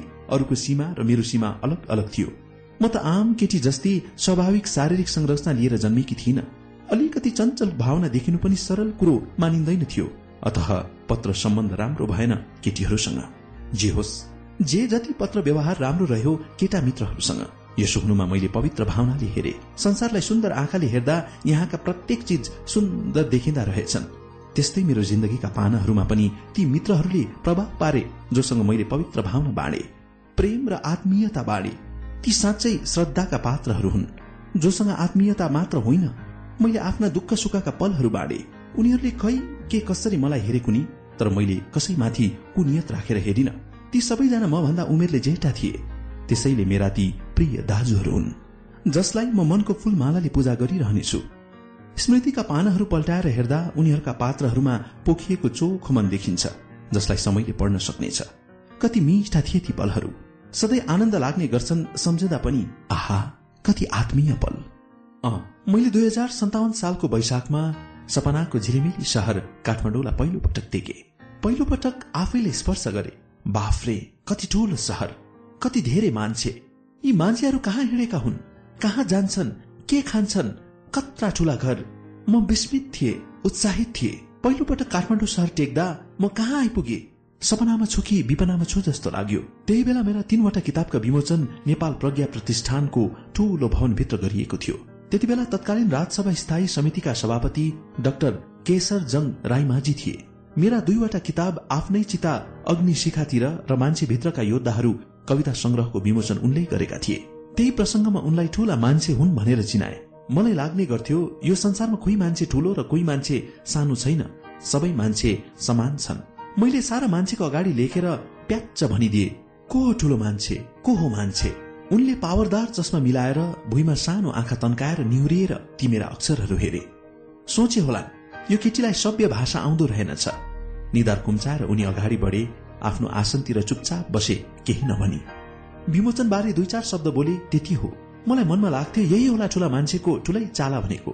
भरे डाक्टर केशरजङ राई माझीलाई मैले अरूले चाहे जति सम्मान गर्न सकिनछु। प्रकाशकहरूले म प्रति असन्तुष्टि जाहेर गरे। उनीहरू चाहन्थे होला हजुर मेरो हालत यस्तो छ केही कृपा गरिदिनुहोस् भनिदिनुहोस्। तर मैले त्यसो गर्न जानिन किनभने म भित्र अलिकति भए पनि स्वाभिमान थियो। त्यसैले त म झुकिन। राजदरबार निकट पत्रकारहरूले म प्रति तीव्र असन्तुष्टि व्यक्त गरे रे। एकजनाले त कोठैमा आएर सोधे के तिमीलाई राजा मन पर्दैन अह पटक्कै मन पर्दैन राजा र राजतन्त्र मनले भन्यो। तर उनलाई यस्तो जवाब दिनुभन्दा मन रहे हाँसिरहे म किनभने म घुमाउरो बाटो हिँड्न चाहन्थे। अहिले नै राजा र राजतन्त्र विरोधी भनेर चिनिन चाहन्नथे बेला न कुबेला आफूलाई चिनाइन। भेट्न आउनेहरू विभिन्न लोभ प्रलोभहरू देखाउँथे। यसलाई निवेदन गर उसलाई आफ्नो बिलाउनाहरू बिसाउ। उनीहरूको मन पग्लियो भने त तिमी मालामाल हुन्छौ भन्थे। अफ यो मान्छेहरूको चिन्तन कस्तो हो? मनले यिनीहरूलाई भन्थ्यो भो तिम्रा यस्ता घिनलाग्दा कुराहरू मलाई नसुनाऊ तैपनि मैले बाहिर भने यी मान्छेका कुराहरू चुपचाप सुनिरहे। त्यसो गर्नु मेरा लागि एउटा बाध्यता थियो। तर मैले आफ्ना कुरा कसैलाई बताइन न त कसैलाई निवेदन गरे। बाबा आमा भने तैले राजनीति गरिस् भनेर हप्काउँथे विचार मेरा बाबा आमालाई के थाहा? म माथि राजनीति गरिँदैछ कि मैले उनीहरूमाथि राजनीति गरे। म गरिब किसानकी छोरी त्यही वर्गप्रति म कसरी बैमानी गरू? अह मैले आफ्नो स्वाभिमान बन्धक राख्न सकिन विचारलाई बन्धक बनाउन सकिन। त्यस दिन यस्तै विचारको युद्ध चलिरह्यो। यो युद्ध पनि म हार्ने पक्षमा थिइन। किनभने म विचारको स्वतन्त्रता खोज्दै गरेकी केटी थिए। यति ठूलो दुनियाँमा मेरो विचार सबै मान्छेलाई मन पर्न पर्छ र सबैको विचार मलाई मन पर्नु पर्छ भन्ने पनि त थिएन। मेरो अर्को किताब अवसान पछिको आगमन क्वाटी संग्रहको विमोचन अर्को दिन त्यही हलभित्र भयो। साहित्यकार श्याम प्रसाद शर्माको हातबाट गरिएको थियो। यसपालिको किताबको विमोचन। हुन त श्याम प्रसाद शर्मासँग मेरो अप्रत्यक्ष रूपमा विचार साहित्य सामाजिक समसामयिक विषयहरूमा छलफल बहस चिठी पत्र मार्फत अगाडिदेखि नै हुने गरेको थियो। हामी बीच एक प्रकारको आत्मीयता सामिप्य पनि त्यही रूपमा बढ्दै थियो। साँच्चै सरल मान्छे हुन् श्याम प्रसाद शर्मा। मलाई अत्यन्तै माया गर्थे। त्यसले त मैले ठुलो बाबा भने उनलाई। उनले पनि मलाई छोरी नै भने र भन्छन्। तर हाम्रो औपचारिक रूपमा भेटघाट देखादेख भने भएको थिएन। औपचारिक रूपमा भेटघाट देखादेख त्यही कार्यक्रममा भयो। मैले अत्यन्तै श्रद्धा गरेका व्यक्तिसँग यसरी औपचारिक रूपमा भेट हुँदा र उनकै हातबाट आफ्नो कृतिको विमोचन गरिँदा म आह्लादित बन्न पुगेकी थिए। मैले जिन्दगीमा यति धेरै मान्छे देखेकी थिइन। मेरो दुइटै कार्यक्रम प्रज्ञा भवनको हलभित्र भएका थिए। जिन्दगीमा यति धेरै मान्छेहरूलाई देख्न पाउनु एउटा सुखद पक्ष थियो। म पहिलो कार्यक्रममा त केही आतिएकी थिए तर दोस्रो कार्यक्रममा भने म कति पनि डराइन। मैले दोस्रो कार्यक्रममा भने केही कुरो चुहाएकी थिए। लेखक कवि कलाकारहरूलाई जनताका सामु जान र उनीहरूका स्वतन्त्रताका कुरा उनीहरूसँग बसेर लेख्न मैले त्यही मञ्चबाट आह्वान गरेकी थिए। यसोभन्दा त्यहाँ ताली निकै पड्किएको थियो। ताली पड्काउनेहरूले जनताप्रति आफ्नो जिम्मेवारी कति बहुत गरे गरेनन् इतिहासले बताउने नै छ। तर त्यस दिन त्यस हलमा ताली बजिरह्यो बजिरह्यो। नयाँ भावको मनलाई नेपाली साहित्यकाशले एक थुङ्गा विश्वासको रात फूल दिएर स्वागत गर्यो। यसरी सपनाको झिलिमिली सहर काठमाडौँले नयाँ आगतको स्वागत ताली पड्काएर गर्यो। अब त नेपाली साहित्यकाशमा नवस्थापित अनुहारको रूपमा भित्रिए। जिम्मेवारी थुप्रै चुनौती बोध गर्दै साहित्य जगतमा भित्रिए। ममा खुशीका पलहरू पोल्टाभरि सम्हालिसक्नु थियो। त्यसमाथि उत्साह उमङ्ग पनि ओखाइ पोखाइ नै थियो। यति मात्र होइन जिम्मेवारी र चुनौतीका पहाड़हरू म सामु उभिएका थिए। जिन्दगीको यस मोडसम्म आइपुग्दा बल्ल मलाई जिन्दगी सुन्दर लाग्न थालेको थियो। आखिर म पनि मान्छे नै थिए। खुसीमा हाँस्न सक्थे दुःखमा रुन सक्थे। मैले यस अघिसम्म सानो चौकाबाट छिडीभरिको आकाश मात्र देखेकी थिए। सूर्य पनि सानै देखेकी थिए। अब मैले आकाशलाई भीमकाई देख्न थालेकी थिए। सूर्य पनि ठूलो देख्न थालिसकेकी थिए। अब मैले घर सानो देखेकी थिए। आफ्नो संसार भन्दा पनि अरूकै संसार ठूलो देखेकी थिए। जुन संसार मैले यसभन्दा अगाडि कहिले देखेकी थिइन। हो कलमले जोडिएको पुलबाट यो संसारमा आइपुगेकी म। यो झिलिमिली सहरले मलाई निकै लोभ्यायो। सहरमा हरेक वस्तु मेरा लागि नौला थिए। हेरिरहु जस्तो लाग्ने छोइरहु जस्तो लाग्ने। यी मोटर गाडीहरू पनि कति गुडेका। सहर भनेको सहरै त हुने। त्यसैले होला गाउँका मान्छे सहर पसेपछि गाउँ नफर्किएका। फर्किन् पनि कसरी? यो निर्जन गाउँमा सहरको जस्तो झिलिमिली हुँदैन। मैले पनि रमझम काठमाडौँ सहर पसेर आफ्नो गाउँ फर्किँदा आँसु नचुहाएकी होइन। तर यो झिलिमिली सहरको कटु वास्तविकतालाई पनि मैले नजिकैबाट निहाल्न सके। किनभने काठमाडौँका सड़क पेटीहरूमा फिजिएका नाङ्ले पसल फुटपाथे पसलका व्यापारीहरूको अनुहारमा सन्तासका रेखाहरू प्रशस्त कोरिएका थिए। उनीहरूलाई पुलिसको सन्तास थियो। नजिकै छेउमा फोहोरका थुप्राहरूमा केही खोजिरहेका सड़क बाल बालिकाहरूलाई यो सुन्दर झिलिमिली सहरले के दियो? रातको मिठो निन्द्रा पनि दिँदैन यो सहरले। बस नामले दाईलाई यो सहरले के दियो? यो सहर जति सुकै सुन्दर भए तापनि नहुनेहरूलाई सलक्कै निल्दो रहेछ। यति कुरूप क्रूर सहर किन सबैलाई सुन्दर लाग्छ? नेपालको सिंहको आकृति यही सहरको कुरूप क्रूरपनबाट देखिन्छ।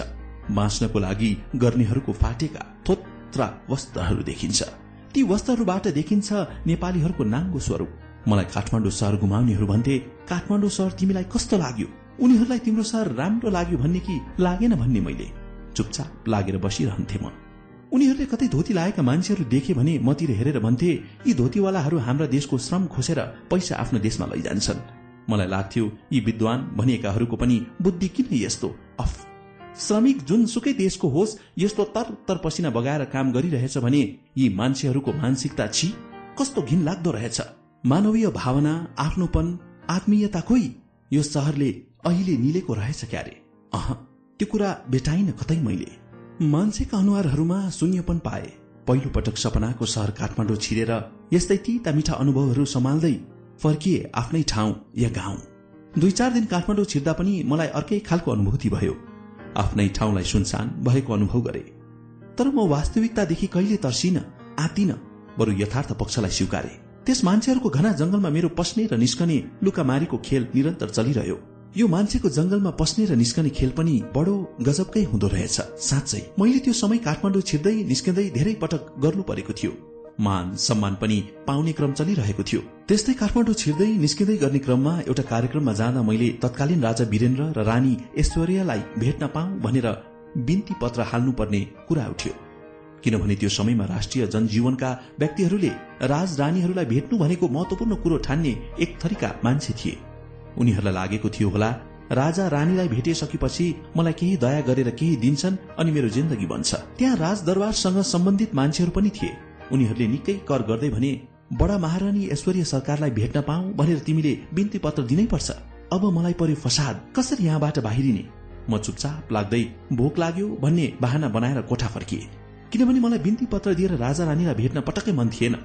त्यहाँ सार्वजनिक स्थल त्यसमाथि धेरै मान्छेहरूको सामु बिन्ती पत्र दिनु भन्नु ठिक थिएन र कोठामा आएर भनिदिए महारानीलाई मैले किन भेट्नु? कवियत्री चाँदनी शाहलाई भने मलाई उहाँले भेट्न चाहनु भएमा भेट्छु। त्यसपछि मसँग केही मान्छेहरू रिसाए।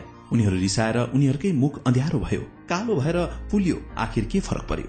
मलाई केही फरक परेन। किनभने विचारको स्वतन्त्रता प्रत्येक मान्छेलाई हुन्छ। मैले यही स्वतन्त्रताको उपभोग गर्दा मान्छेलाई किन रिस उठेको थियो? कुनी? खोइ मैले जानिन। सायद त्यही समयले जानला। अथ केही मान्छेले मलाई राजा विरोधीहरूले फकाएर त्यसो भन्न लाए भने तर त्यो आफ्नो विचार थियो। कसैले फकाएर बनेको विचार थिएन। भन्नेहरूले जे जे भनिरहे पनि मेरो यात्रा रोकिएन अगाडि बढिरह्यो। यात्रासँगै म भने भित्र भित्रै समयले ठमाएको जिम्मेवारी पूरा गर्नु सक्ने हुँ कि होइन भनेर आतिएकी थिए। त्यही साल साहित्य सेवा सदन काठमाडौँले मेरो पाँचौं कृति सम्झनाका बासिटाहरू लेखहरूको संग्रह निकालिदियो। म हेर्दा हेर्दै पाँचवटा कृतिकी स्रष्टा बनिसकेकी थिए। मेरा मानस गर्भबाट पाँचवटा सन्तान जन्मिसकेका थिए। सन्तान जन्माउनु मात्र ठूलो कुरो पटक्कै होइन। स्वास्थ्य सबल सन्तान जन्माउन सक्नु आमाको लागि एउटा सुखद पक्ष हो। मैले आफ्नो मानस गर्भबाट स्वस्थ सबल सन्तान जन्माउन सके कि सकिन भन्ने कुरा इतिहासलाई जिम्मा लाएर म यति चाहिँ भन्न सक्छु। म पनि आमा बनेकी छु। साँच्चै आमा बन्नु भनेको कति सुखद कुरा हो। एउटी बेकममा ठानिएकी समाजबाट पछाडि पारिएकी केटी सृजनाका बस्तीहरूमा पसेकी छे। सृजनाको फूलबारी गोड्न। ती फूलहरू देखेर मान्छेहरू कति खुसी होलान्। त्यो त समयले अवश्य बताउला। मैले गोडेका लाएका फूलका बोटहरू आङभरि फुलै फूल बोकेर फुल्नेछन्। यी फूलका बोटहरू गोड्न मलाई निकै जनाले सघाएका छन्। ममा उत्साह भरिदिए तिनलाई वर्तमानको संहारमा टेकेर भनिरहेछु धन्य हुनुहुन्छ तपाईँहरू। सायद कुनै पनि मान्छेले दुनियाँका सबै मान्छेलाई खुसी पार्न सक्दैन। यो मानवीय व्यवहारको एउटा कठोर यथार्थ हो।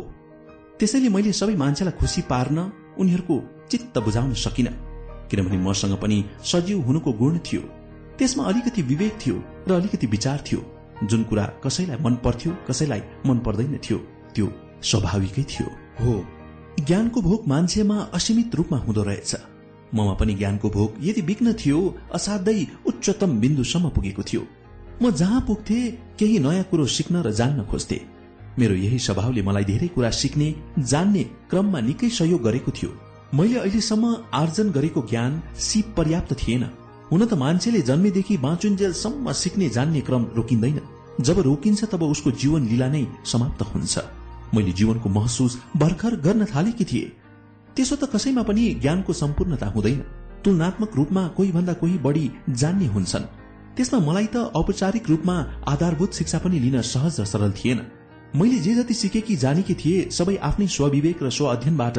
तर ज्ञानको पनि सन्तुलन खोज्नेहरूले ममा थुप्रै कमी कमजोरी देखे। निश्चितै रूपमा मान्छेका कमजोरीहरू हुन्छन्। मेरा पनि थुप्रै कमी कमजोरीहरू थिए। तर कसैले मलाई दुई कक्षादेखि दस कक्षासम्मका किताबहरू पढ्न भने अरूलाई भए यसो गर्न लाज हुन्थ्यो होला। मलाई यसो गर्न पटक्कै लाज भएन। मैले पढे र हेरे। तर मैले उनीहरूले भने विपरीत पाराले हेरे र पढे किनभने म बालका थिइन। उनीहरूले जे भने त्यही मान्नेवाला थिइन। मलाई जति आवश्यकता थियो मैले त्यति मात्र जाने। मलाई न त विज्ञानका सूत्रहरू रेटेर त्यसैमा जिन्दगी अल्झ्याइरहनु थियो। न त गणितका सूत्रहरूले बताउने गोप्य कुरा खोल्नु थियो न त ज्यामितिका कोणहरू खिच्नु नै थियो। कतिपय विज्ञानका कुराहरू मैले खुल्ला धरतीमै देखेकी थिए अनुभूति गरेकी थिए। हिसाबका सूत्रहरू नजाने पनि म कसैबाट छलिने ढाँटिने सक्दिनथे किनभने जनजीवनमा काम लाग्ने हिसाब जान्दथे जुन मेरो लागि पर्याप्त थियो। आवश्यकता थियो त मैले साँगुरो चेतनाबाट फराकिलो चेतनासम्म पुग्ने। कोही भन्थे तिमीलाई अंग्रेजी भाषा पनि आउँछ? म भन्थे जान्दिन। उनीहरू मलाई हेरेर खोइ के के भन्थे अंग्रेजीबाट लाग्थ्यो मलाई खिल्याएका होलान्। नत्र त नेपाली अथवा कुनै अरू मातृभाषाबाट बोले हुने। उनीहरूले योग्यताको पोज पो देखाएका हुन् कि सभ्य हुनुको पोज देखाएका हुन्। अह मैले जान्न सकिन। तर मलाई पनि अंग्रेजी भाषा सिक्ने रहर चाहिँ थियो। कसैले मलाई अंग्रेजी भाषा सिक्नुपर्छ भने कसैले यी नानीलाई लाइब्रेरी पुऱ्याइदिए यिनले छिटो सिक्छिन् जान्दैछिन् हामी यिनलाई खान बस्न व्यवस्था मिलाइदिन्छौ भनेर बाबा आमासँग मलाई काठमाडौँ राख्न प्रस्ताव राखे। तर मेरा बाबा आमा घरको व्यवहार लथालिङ्ग हुन्छ बच्चाहरूको भविष्य बर्बाद हुन्छ भन्दै पन्सिए ममा भने संसारलाई अझ फराकिलो ढंगले बुझ्ने धेरै भन्दा धेरै ज्ञान विज्ञानका कुराहरू सिक्ने जान्ने चाहना थियो। अर्थात् ज्ञान प्राप्तिको लागि काठमाडौँ बस्ने चाहना थियो। तर एक्लै बस्ने अवस्था थिएन किनभने म केही पनि गर्न सक्दिनथे। यहाँसम्म कि मलाई पाइखाना पनि अरूले लगिदिनुपर्छ र कपडाहरू पनि अरूले फुकालिदिनुपर्छ लाइदिनुपर्छ। काठमाडौँ बस्नु त्यति राम्रो प्रस्ताव र आफ्नो ज्ञान प्राप्तिको चाहना पूरा हुन नसक्दा म बाबासँग पनि रिसाए। मनमा नै सोचे यिनीहरूको कत्रो नै व्यवहार हो लथालिङ्ग हुने गरेको। अरू छोराछोरीहरूलाई एकजनाले हेर्न नहुने? दुवैजना सँगै बस्न मन लागे। बहिनी मिनालाई त मसँग बस्न भन्न सक्थे। ऊ मसँग बसेर के बिग्रिन्थ्यो? तर मेरा बाबा आमाले यस्तो तरिकाले कहिले सोच्न सकेनन्। उनीहरूको लागि अरू छोराछोरीहरूको मात्र भविष्य राम्रो भए हुन्थ्यो। मैले चाहिँ केही कुरा सिकेर जानेर आफ्नो जीवन सहजसँग बाँच्ने परिस्थितिको निर्माण गर्नु पर्दैन थियो। मेरो भविष्य राम्रो नभए पनि हुन्थ्यो। यसैले मेरो काठमाडौँ बसेर केही कुरा सिक्ने जान्ने चाहना पूरा हुन सकेन। म भारी मन लिएर आफ्नो गाउँ फर्किए। गाउँ फर्किएपछि पनि मैले लेख्न छोडिन। भेटेसम्मका किताबहरू पनि पढ्न छोडिन। बिस्तारै मलाई अंग्रेजी पढाउने मान्छेको आवश्यकता छ भन्ने अप्रत्यक्ष रूपमा मैले साथीहरूलाई भनेकी थिए। उनीहरू मार्फत हल्ला सुनेर एकजना मास्टर मेरो घरमै आए। उनको नाम रहेछ मिलन दाहाल। हाम्रो बीचमा पढ्ने र पढाउने सहमति भयो। उनको स्थायी घर झापातिर कता भन्थे त्यस्ताका उनी हाम्रो घरभन्दा केही तल घर बनाएर परिवार सहित बस्थे। अहिले उनी त्यो घर बेचेर काठमाडौँतिर कहाँ छन् कुनी जिन्दगीमा पहिलो गुरु उनी हुन्। बेला बेला उनले मसँग तितो स्वभाव पनि देखाए। बेला बेला सहज स्वभाव पनि देखाए। मान्छेको स्वभावै हो तितो टर्रो अमिलो गुलियो जे जस्तो भए पनि अलिकति सानै पर्दो रहेछ। मैले पनि सहे। उनले मलाई बुझाएर पढाए पनि म भने कति चाँडो बिर्सिदिन्थे। बेला बेला त हैरान हुनुहुँदो रहेछन् र भन्थे तिमीलाई जति सिकाए पनि हुँदैन। उनले यसो भन्नु स्वाभाविकै थियो। मेरो दिमागले उनले चाहे भने जति टिप्न सकेन किनभने म मान्छे थिए कुनै यान्त्रिक मिसिन थिइन। उनले मलाई दुई महिना पनि राम्ररी पढाउन पाएनन्। दुई महिनाको समयमा मैले के सिके होला र? अलिकति सिक्दा सिक्दै उनी सरुवा भएर हिँडिहाले। म भने यता आफ्नै काममा व्यस्त हुन थाले। यसरी निकै समय पनि बित्यो। निकै समयपछि अर्का एकजना मास्टर भेटिए। उनको नाम माधव मिश्र हो। उनको घर धनकुटा हो। हाम्रो भन्दा केही टाढा तल छ। उनले पनि मलाई तीन महिना भन्दा बढी पढाउन सकेनन् अथवा पढाउन भ्याएनन्। मेरो अंग्रेजी भाषाको पढाइ त्यतिकै सकियो खोइ के भन्नु रोकियो। मैले उमेर छिप्पिसकेपछि एबीसीडी लेख्न र पढ्न थालेको देखेर मान्छेहरू भन्थे अब पढ्न थाले कि? उमेर गएन? बुढी भएर पढ्न थाले कि? उनीहरू जिस्काउने पाराले खिसी गर्थे नाक खुम्च्याउँथे। तर पढ्ने लेख्ने कुरामा मान्छेले उमेरको कारणले रोकिनुपर्छ भन्ने धारणा एकदमै गलत छ। शिक्षा भनेको यतिखेरै लिनुपर्छ भन्ने मानसिकताबाट ग्रस्त थिए उनीहरू। म भने त्यसको ठिक विपरीत सोचाइ राख्थे किनभने मैले अलिकति भए पनि फराकिलो दृष्टिकोण राखे। मेरो सोचाइमा कुनै कुरा पनि सिक्न जान्नलाई कसैलाई उमेरले छेक्न सक्दैन। मान्छेले आफ्नो अनुकूल हुँदा जहिले पनि सिक्न जान्न सक्छ। जेसुकै कुरा त्यसैले ना खुम्च्याउनेहरूलाई सहज रूपमा भनिदिए मेरो साइत यति बेलै जुर्यो। उमेर छिपिए पनि सिक्ने जान्ने कुरा अझै बच्चै। त्यसपछि उनीहरूको मुखमा बुझो लाग्यो क्यारे। उनीहरूले फेरि दोहोऱ्याएर खिल्याउने हिम्मत गर्न सकेनन्। हुन त म पछाडि परेको नेपाली समाजभित्र जन्मिएकी केटी। यहाँको संस्कृतिमा हुर्के बढेकी तर अब मैले संस्कृतिका नाममा नराम्रा मान्यतालाई काँधमा हालेर थाम्नुपर्छ भन्ने थिएन। जब मैले केही कुरा सिक्दा समाजका मान्छेले गिल्ला गर्छन् भने यो समाज संस्कृति कस्तो हो? अनि यहाँका मान्छे कस्तो मानसिकताबाट ग्रस्त छन् भन्ने प्रश्न उठ्यो जसले जे जे भन्दै गरे पनि मेरो उत्साह कहिले मरेन। किनभने भन्नेहरूले जे जे भने पनि मैले गरेको कुरो शत प्रतिशत ठिकै थियो। स्वयंको दृष्टिकोण र विचारमा अरूलाई बेठिक लागेर के हुन्थ्यो र? जे होस् काठमाडौँमा भए मैले अंग्रेजी भाषाको सिकाइमा पाँचै महिनामा रोकिनु पर्दैन थियो कि? हुन त त्यहाँ पनि मूल्यकै मान्छे छन्। काठमाडौँ जहाँ पैसा भए सबै थोक पाइन्छ। नभए केही पनि पाइँदैन। मसँग त पैसा हुने कुरै थिएन। त्यसमाथि कमजोर शारीरिक अवस्था जर जर आर्थिक स्थिति अर्काको आशामा बस्नु पनि त ठिक थिएन। आफ्नो बाबा आमाको कमाईमा बाँच्न त गाह्रो हुँदै थियो। मलाई त्यहाँ त झन् अर्काको दयामा बस्नु पर्थ्यो। त्यो कुरो मलाई अलिकति मान्य भएन। ममा पनि अलिकति स्वाभिमान पनि थियो। त्यसैले पनि फर्किए म काठमाडौँबाट आफ्नै गाउँ। मलाई आफ्नो गाउँ पनि कुरूप कहिले लागेन। जुन ठाउँमा मेरो जीवनले पहिलो पटक जरा हालेको थियो। जुन ठाउँको हावापानी माटो आदिले मेरो जीवन चक्र बनेको थियो त्यो ठाउँलाई म नराम्रो भन्न सक्दिन। गाउँ फर्किएर मैले अंग्रेजी भाषा सिकाउने मास्टर पाइन। मास्टरहरू नभएका त होइनन्। मलाई पढाउन हिचकिचाउँथे किनभने म सार्वजनिक व्यक्ति भएकीले उनीहरू आफ्ना कमी कमजोरीहरू बाहिर आउलाउन र बेज्जत होला भन्ने डर त्रासले मलाई पढाउन हिचकिचाए। घर पनि अलिकति भित्र भएकोले उनीहरूलाई आउन जान पनि टाढा भयो। अनि सबैभन्दा ठूलो कुरो त कम पारिश्रमिक। हुन त मलाई पढाउने पहिलो सरले पनि महिनाको पारिश्रमिक पाँच हजार मागेका थिए। त्यति बेला मलाई दिनको एक एक घण्टा पढाएर महिनाको पाँच हजार माग्नु उनको कस्तो नियत थियो कुन्नी? मलाई थाहा भएन। तर म उनको माग सुन्दा छाँगाबाट झरे जस्तो भए साँच्चै स्तब्ध भए। जब मेरा सिंगो परिवारको आमदमी पाँच हजार पनि थिएन उनलाई महिनाको पाँच हजार दिएर के गर्ने? उनलाई मैले केही भनिन सोचे। होइन मान्छेले पैसा कति सजिलै आउँछ भन्ने ठान्छन् र मान्छेलाई पैसा भए हुने रहेछ। अफ यस्तै छ दुनियाँ। तर उनको माग पूरा नहुने बुझेपछि उनी सहमतिमा आएका थिए। त्यसमा चाहिँ उनले म प्रति उदारता नै राखे। पछि सुने उनले सेकी झार्न मात्र त्यत्रो पारिश्रमिक मागेका थिए। मलाई नराम्रो लाग्यो। मैले उनीसँग न त पैसाको पोज देखाएकी थिए न त कुनै कुराको घमण्ड। मेरो खै कस्तो सेकी झारेको नि थाहा छैन। तर सेकी झार्ने कुनै कुरा थिएन। सेकी झरेन पनि। अलि फराकिलो दृष्टिकोणले हेर्दा मैले सधैँ सम्मान गरेकी थिए। मैले केही बिराएकी थिइनँ। उनीसँग मेरो छोटो पढाइको समय यस्तै थियो। जे जस्तो भए पनि यसलाई सहजै रूपमा लिए मैले। समय आफ्नै गतिमा कुदिरह्यो। जिन्दगीमा त्यो अनुभूति पनि गरे। मैले आफू शिष्य बनेर पढ्दाको क्षण कस्तो हुँदो रहेछ अलिकति भए पनि अनुभूति गरे मैले।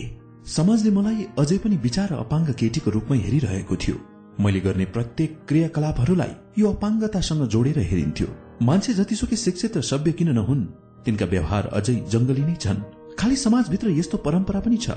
कोही अपाङ्ग भयो भने उसले पूर्व जन्मको पापले यस्तो भएको हो? यसलाई समाजले देख्यो भने लाज हुन्छ। यसलाई कोठाभित्र कसैले नदेख्ने गरेर थोनेर राख्नुपर्छ भन्ने चलन छ। यसैले उनीहरूको मलाई हेर्ने दृष्टिकोणमा परिवर्तन भएको थिएन।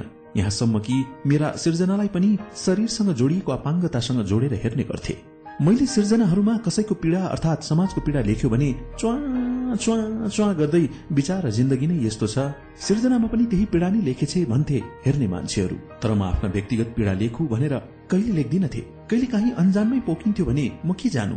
मैले कुनै कुरा जानिन भने विचार शरीर नै यस्तो छ के जान्नु भन्थे मान्छेहरू। तर ती मान्छेहरूको भन्दा ठिक विपरीत सोच थियो मेरो। शरीर अपाङ्ग हुँदैमा विचार विवेक भावना अपाङ्ग थिएन। जुन कुरा अझै मान्छेहरूले बुझेनन् आफूलाई मात्र सबै अर्थमा पूर्ण ठाने र आफूलाई मात्र सग्लो देखे। मलाई निरह निर्बल देखे। म उनीहरूले देखे सोचे जति निर्बल निरह भने थिइन। मैले कुनै कुरा जानिन भने शरीरको सम्बन्ध थिएन। दिमाग त्यससँग जोडिएको बुद्धि तत्वको सम्बन्ध थियो। समाज संस्कार संस्कृति मान्छेहरूले ठिक उल्टो बुझे। मलाई प्रत्येक कुरा मेरो शरीरसँग जोडेर हेरेको पटक्कै मन पर्दैन थियो। विचराको दृष्टिकोणले हेरेको दयाको भाव राखेको मन पर्दैन थियो। म पनि मान्छे नै थिएँ। ममा पनि विचार भावना स्वाभिमान सबै थोक थियो। मैले पाएका पुरस्कार सम्मान मान पदकहरूलाई पनि उनीहरू अपाङ्ग शरीर हेरेर दिए जस्तो कुरो गर्थे। र कतिले त मुखै फोरेर भन्थे तिमी अपाङ्ग नभएको भए यत्र मान सम्मान पदक पुरस्कारले सम्मानित तथा पुरस्कृत मरे हुन सक्ने थिएनौ। कसैले त रिस सम्हाल्नै नसकेर भने रे अपाङ्ग केटी नातिले लेख्थे के? बढाई चढाई गरिदिए बस। त्यतिले मात्र नपुगेर कसैले त लेखिदिए। के अर्को अपाङ्गले निबन्ध अर्कोले महाकाव्य खण्डकाव्य काव्य लेख्यो भने कुनै सपाङ्गले पुरस्कार नपाउने? यसो भन्नेहरू सबै अशिक्षित अनपढ थिएनन्। सबै शिक्षित सभ्य भनिनेहरू नै थिए। उनीहरूको विचारमा मसँग कुनै कुरा थिएन। केवल अपाङ्गता र निरह लाचारपन मात्र थियो। हुन पनि मलाई देख्नेहरूले यस्तै देख्थे। केही गर्न नसक्ने तर उनीहरूले जे देख्थे त्यो म थिइनँ। जे भने पनि म थिइनँ। तर पनि ममै थिए। उनीहरूको नजरमा म बेकारी मान्छे काम न काजकी मान्छे थिए भने मेरो नजरमा उनीहरू शिक्षित सभ्य भएका महामूर्ख थिए। किनभने मैले उनीहरूको केही बिगारी दिएकी थिइनँ किन म प्रति नकारात्मक दृष्टिकोण राखे? आखिर म पनि मान्छे थिए। मैले पाएको पुरस्कार मान सम्मान पदक जे पाएमा पनि किन दया मिसिएको देख्थे उनीहरू? हुन त यो संसारमा सबै मान्छे राम्रा हुँदैनन्। सबै मान्छे नराम्रा पनि हुँदैनन्। संसारमा नराम्रोको अस्तित्व छ भने राम्रोको पनि अस्तित्व छ। गाउँका बडा भनिने मान्छेहरू पनि अगाडि व्यक्त गर्न नसके पनि घरले मलाई हेर्नै पाराले हेर्थे। त्यति बेला लाग्थ्यो यो संसार त बलिया सुरवीरहरूको लागि मात्र रहेछ। निर्बल अशक्तहरूलाई त मान्छे नै नगर्ने मान्छे थिए म जसको खुसीमा कसैको अनुहारमा मुस्कान देखिएन जसको उत्साहमा कसैको आङमा घाम लागेन। रिसका ज्वाला ईर्ष्या र डाहाका रापहरू फाल्थे मान्छे म माथि। खोइ किन हो उनीहरूलाई म राम्रो लागिन कुरूप लागे? तर मलाई माया गर्ने मलाई सुन्दर देख्ने मान्छेहरू पनि थिए। मेरो हाँसोमा रमाउने पनि कोही त थियो जो म हाँस्दा हाँस्थ्यो म रमाउँदा रमाउँथ्यो म दुखी हुँदा ऊ दुखी हुन्थ्यो। त्यसैले त जीवन जस्तो भए पनि सुन्दर थियो। मान्छेको जातै ईर्षालु हुँदो रहेछ। त्यसले मात्र गर्ने मैले चाहिँ नगर्ने भन्ने भावना हुँदो रहेछ। मैले अलिकति प्रगति गरेको देख्दा दुनियाँ रिसाउनु पनि यही कारण हो। त्यसै भनेका होइनन् रहेछन् कवि शिरोमणि लेखनाथ पौडेलले। म खाऊ मै लाऊ सुख शैल वा मौजमा गरू मै बाँचु मै नाचु अरू सब मरुन् दुर्बलहरू। साँच्चै उनले कति मजाले भनिदिएछन्। अविवेकी स्वार्थी मान्छेहरूलाई मलाई साह्रै घत पर्यो। मैले पनि अलिकति माथि चढ्दैमा मातिनु पनि थिएन। अलिकति तल झर्दैमा आतिनु पनि थिएन।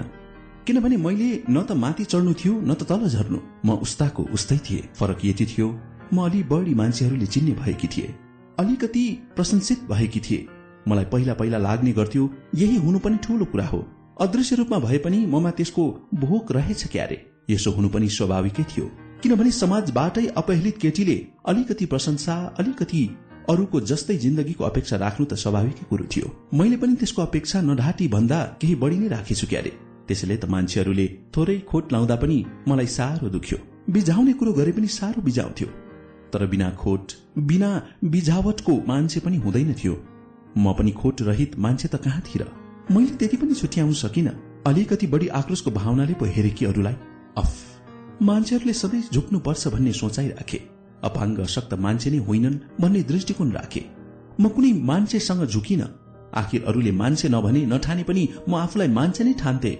जति अरूले कुरूप देखे मैले आफूलाई कहिले कुरूप देखिन। अन्धविश्वासी समाजले मलाई कहिले सकारात्मक दृष्टिले नहेरे पनि मैले आफूलाई सधैँ सकारात्मक दृष्टिले हेरे। किनभने मैले आफ्नो आत्माप्रति अपमान अन्याय गरेर अरूमाथि न्याय गर्न सक्दिनथे। मान्छेले आफैमाथि न्याय गर्न सक्दैन भने उसले कसैमाथि पनि न्याय गर्न सक्दैन। मान्छेले जुनसुकै काम कुरा गर्दा सबैभन्दा पहिला आफूलाई चित्त बुझाउनु पर्छ अनि मात्र अरूको चित्त बुझ्न सक्छ। त्यसैले त मैले जुनसुकै काम गर्दा पनि आत्मालाई चित्त नबुझ्ने कहिले गरिन। समयले एकपछि अर्को पाठ सिकाउँदै जान्छ मान्छेको जीवनलाई। मलाई पनि आफ्नै जीवनले एउटा परीक्षा लिँदै थियो भने अर्को नियतिले आखिर कविवर माधव घिमिरेले भनेको एकदमै ठिक रहेछ। ढुङ्गाको काप फोरेर पनि उफ्रन्छ पिपल सिर्जना शक्ति संसारका कहिले हुँदैन विफल। साँच्चै म ढुङ्गाको काप फोरेर उम्रिएको पिपल त थिइन तर यही धरतीमा उम्रिएकी स्वयं उनैकी सिर्जना थिए। अनि उनको सिर्जना के विफल हुन सक्थ्यो र? यसो भनेर मैले स्वयंलाई धरतीको सफल सिर्जना भन्ने आत्मरित गर्न मिल्दैन। यति चाहिँ भन्न सक्छु। कि म पनि अरू जस्तै धरतीकै सिर्जना थिए। सायद मसँग पनि उनले केही अपेक्षा गरेकी थिइन् जसलाई मान्छेको एउटा जमातले पटक्कै बुझ्न सकेन। उनको कोख र सिर्जना प्रति बारम्बार अपमान गरिरहे। धरती चुपचाप लागेर सही रहिन् कुनै गुनासो गरिनन्। सायद उनी पनि चाहन्थिन् क्यारे मैले आफैले नै उनको कोक र सिर्जना त्यति निकम्मा हुन सक्दैन भन्ने प्रमाणित गर्न सकु। अनि त्यति बेलासम्म पर्खिरहन् पर्खिरहन् जति बेलासम्म उनको सिर्जना निकम्मा नभएको प्रमाणित भएन। वर्तमानमा उभिएर प्रश्न गर्छु म जो आफूलाई पूर्ण देख्छन् अपूर्ण म कि तिमीहरू? अनि समाजको दृष्टि अपाङ्ग कि म? ममा अलिकति स्वाभिमान त्यति बेलादेखि नै बिउजिसकेको रहेछ जब मैले जीवनको रंग अलिकति चिन्न थाले। त्यसको रंग पनि पोखिएको रहेछ। ममा केटाकेटी पनदेखि अरूलाई केही दिएर मलाई चाहिँ दिएनन् भने ए मलाई चाहिँ नदिने त्यसलाई मात्र दिने? त्यसले पाउने मैले किन नपाउने? भन्ने लाग्थ्यो र रिस पनि उठ्थ्यो।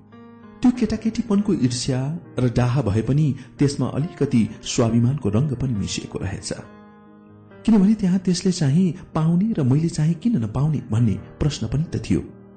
खेल जितेको बेला त्यो सानो संसारको मै हुँ मालिक भन्ने लाग्थ्यो।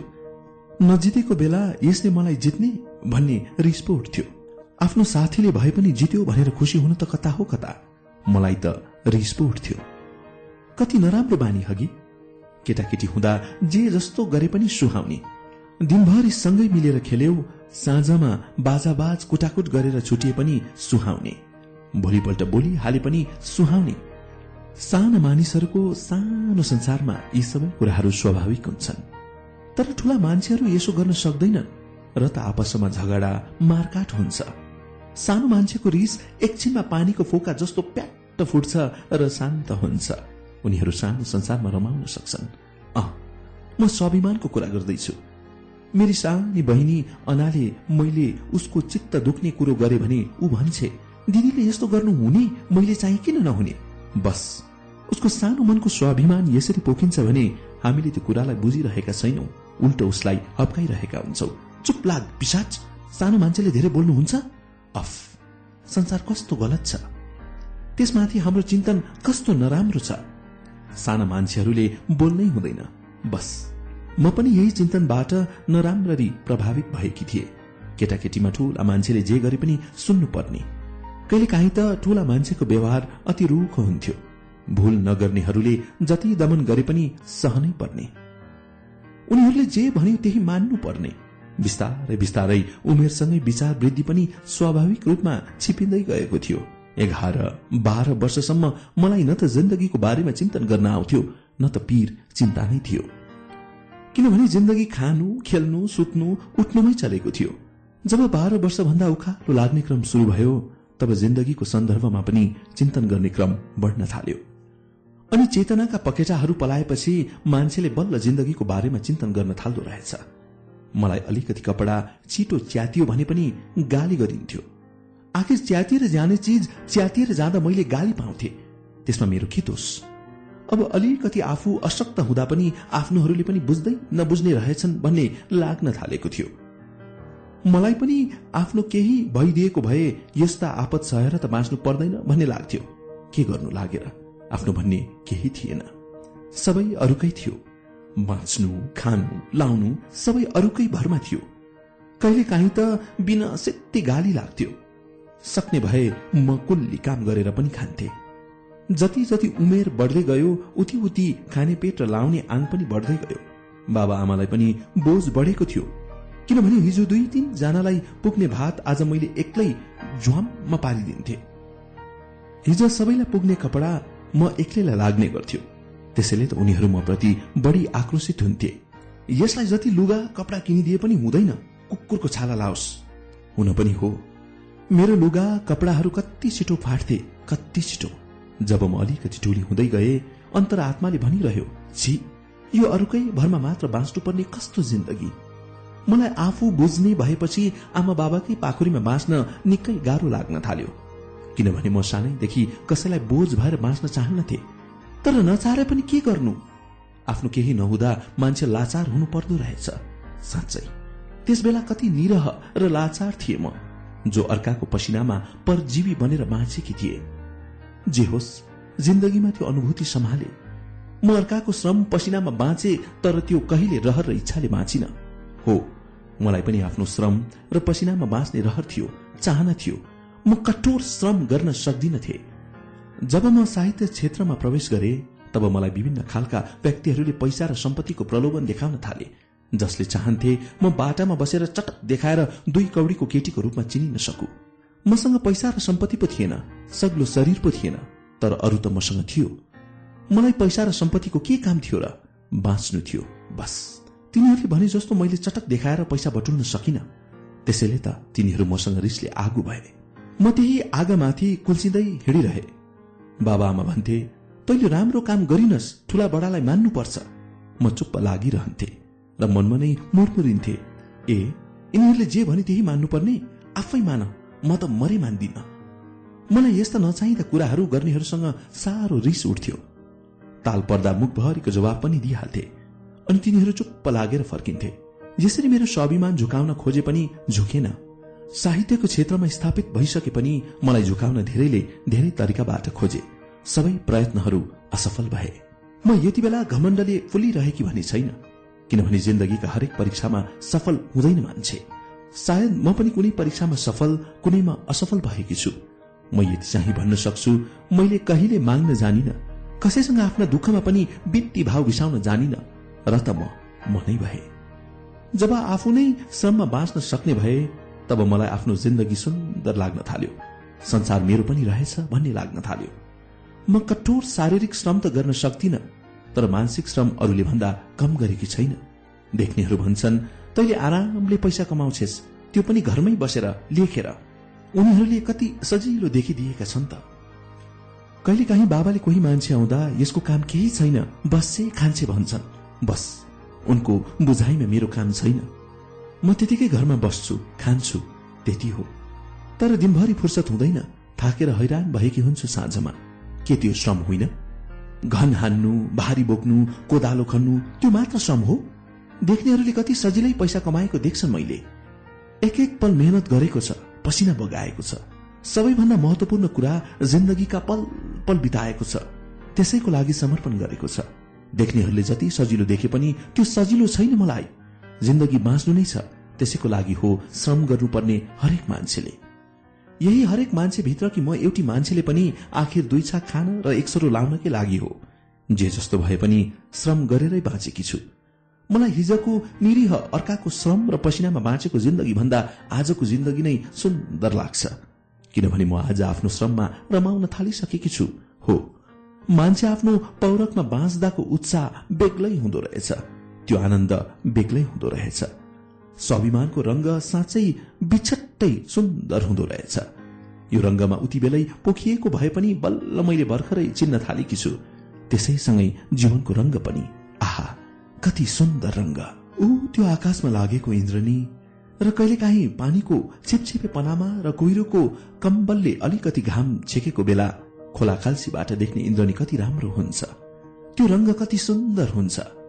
मैले कुनै देवताको पूजा नगरे त्यसप्रति आस्था नगरे पनि गर्नेहरूलाई भेट्दा तिनीहरूप्रति अपमान कहिले गरिन। मान्छेको धार्मिक आस्था विश्वास आफ्नै हुन्छन्। त्यसलाई आफ्नो संस्कार र संस्कृति अनुसार मान्न संसारका प्रत्येक मान्छेहरू स्वतन्त्र छन् नमान्न पनि स्वतन्त्र छन्। मेरा केही साथीहरू भन्छन् भगवानले यस्तो गरे उस्तो गरे। बस उनीहरूले यो गुनासो गर्न पाउनु पनि उनीहरूको स्वतन्त्रता भित्रको हकको कुरा हो। उनीहरूले भनेका देवताप्रति मान्छेहरूले आस्था अनास्था गुनासोहरू गर्न पाउनुपर्छ। हुन त भौतिकतावादीहरूलाई यो कुरा वाहियात लाग्न सक्छ। तर मान्छेहरूको सबै खालका स्वतन्त्रताको कुरो गर्ने हो भने यो पनि त पर्छ। मान्छेको विश्वास र आस्थाका रंग पनि इन्द्रनी जस्तै सुन्दर छ। त्यसमा पनि खाल खालका देवताहरू पनि सुन्दर छन्। ध्यानमग्न भएर बसेका मोहम्मद भनौ क्रुसमा झुन्डिएका यशुख्रिष्ट भनौ। आफ्ना शिशुहरूलाई शिक्षा दिइरहेका बुद्ध या त गोपिनीहरूको साथमा नाचिरहेका कृष्ण भनौ। जुन धर्म समुदायका देवताहरू हुन् कम सुन्दर छन् र कहिलेकाहीँ मेरो मनमा प्रश्न उठ्ने गर्छ। देवताहरू किन कुरूप हुन नसकेका होलान्। हुन त मान्छेले देवताको रूप रंगको कहिले नराम्रो कल्पनै गर्न सकेन। सकोस् पनि कसरी? उसलाई देवताले सृष्टि गरेको भन्ने सानैदेखि सिकाइएको छ। तर एउटा देवता मान्नेले अर्को देवता मान्नेसँग किन यसरी झगडा गर्छ? धार्मिक जातीय दंगा किन मचाउँछ मान्छे? के देवताहरूले झगडा गर भनेर भनेका छन्? त्यसो भए मान्छेले देवताको नाममा किन झगडा गर्छ? म प्रश्न गर्छु धार्मिक मनहरूलाई। तिनीहरू चुप्प लाग्छन्। तिनीहरूको मौनताले तिनीहरू अन्यल छन् कि आत्मग्लानीले भिजेका छन्? त्यो त थाहा हुँदैन। मैले जीवनमा त्यो पाटालाई पनि छोए छामे जोसँग धार्मिक आस्था थियो धार्मिक मन थियो। त्यो धार्मिक आस्था र धार्मिक मनलाई मैले कहिले जानेर विरोध गरिन। उनीहरू चाहन्थे म उनीहरूको पक्षमा रहु। उनीहरूको बारेमा राम्रो भनिदिउ उनीहरूको धर्म लिऊ तर मैले र उनीहरूले मान्ने धर्म फरक थियो। मेरो र उनीहरूका देवतामा फरक भयो। म मान्छेको धर्म मान्थे। कुनै वर्ग समुदाय सम्प्रदायको धर्म मान्दिनथे। म मान्छेहरूको सुन्दर व्यवहार र मनमा देवताहरू देख्थे। कुनै अलौकिक लोकका देवताहरूलाई मानिन। क्रिस्चियनहरू भन्ने गर्थे हाम्रा परमेश्वरप्रति विश्वास गर्नुभयो भने तपाईँको अशक्तपन ठिक हुन्छ। बौद्ध धर्मीहरू पनि त्यसै भन्थे। हिन्दूहरू पनि त्यसै भन्छन्।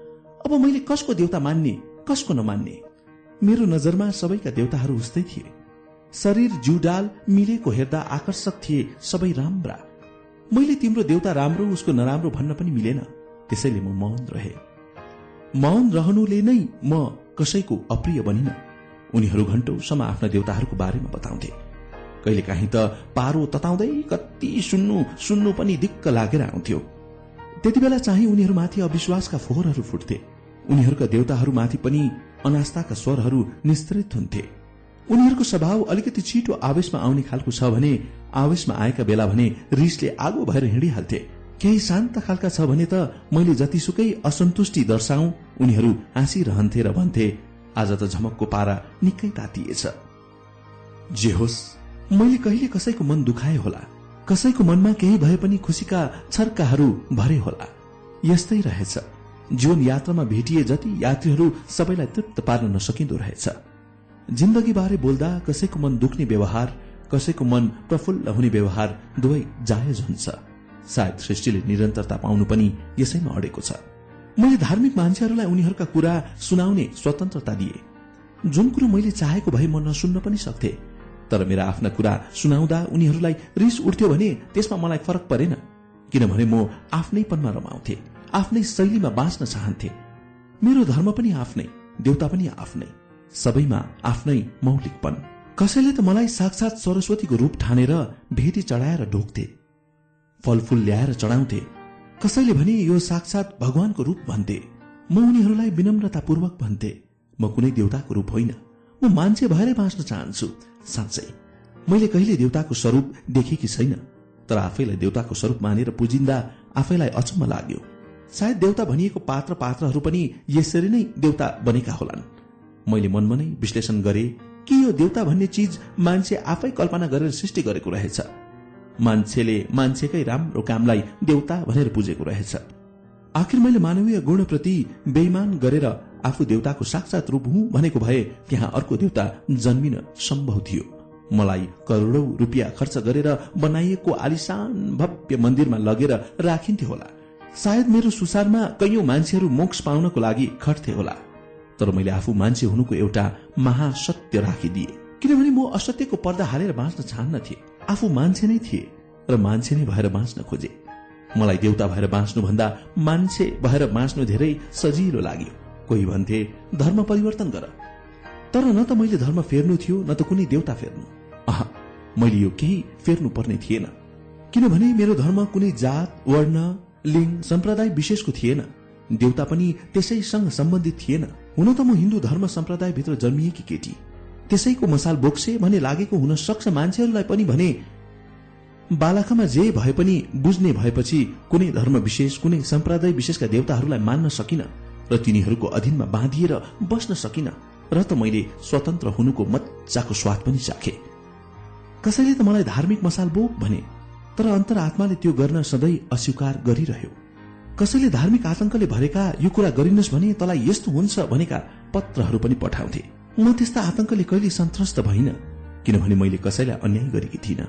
सानोभन्दा सानो अपराध पनि केही गरेकी थिइनँ। त्यसै कसरी घटना दुर्घटनाको भागीदार हुनु पर्दो रहेछ त? भनेर ती पत्र पत्रिकाहरू मजाले खोलेर पढ्थे र रद्दीको टोकरीमा हालिदिन्थे। पढ्दा पढ्दै मनमा नै हाँस्थे। हन मान्छेले यस्ता नचाहिँदा बकवास लेखेर पठाउने समय पाउँछन्? त्यो समय राम्रो काममा लगाएको भए कति जाति हुन्थ्यो। मान्छेको कुबुद्धि हेर कस्तो? आखिर अत्यास लाग्दो जिन्दगीका मोडमा त आतिन तर्सिन भने यस्तो नाते कुरासँग के आतिन्थे के तर्सिन्थे र?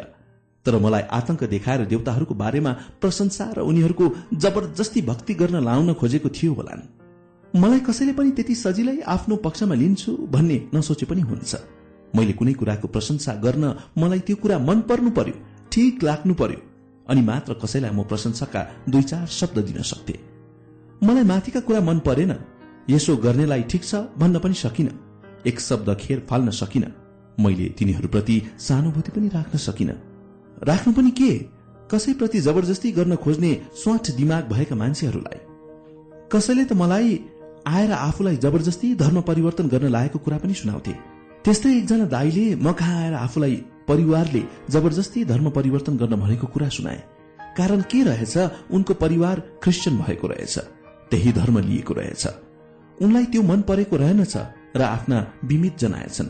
उनलाई आफू जन्मदेखि मान्दै आएको बौद्ध धर्म संस्कृति परम्परा रीतिरिवाजहरू नै मन पर्दो रहेछ। तर परिवारले त्यसमा विभिन्न खालको शारीरिक मानसिक यातना दिँदा रहेछन्। अफ! यो कस्तो अन्याय? कसैले क्रिस्चियन धर्म मान्छ कसैले इस्लाम कसैले बौद्ध कसैले जैन कसैले हिन्दू मान्छ? यो व्यक्तिको धार्मिक स्वतन्त्रताको कुरा हो। यो सबैले एउटै खालको धर्म मान्नुपर्छ भन्ने कस्तो मान्यता हो? अचम्म। आफ्नो हक प्रयोग गर्दा अरूको हकको सम्मान गर्न किन भुलिरहेका छन् त मान्छे? ती दाईको कुरा बुझ्न गाह्रो थियो। उनको आवाज या बोली थिएन। लेख्न पनि अलिकति मात्र जान्दथे इसारा मात्र गर्थे। त्यो म अलिकति मात्र बुझ्ने। अब के गर्ने के?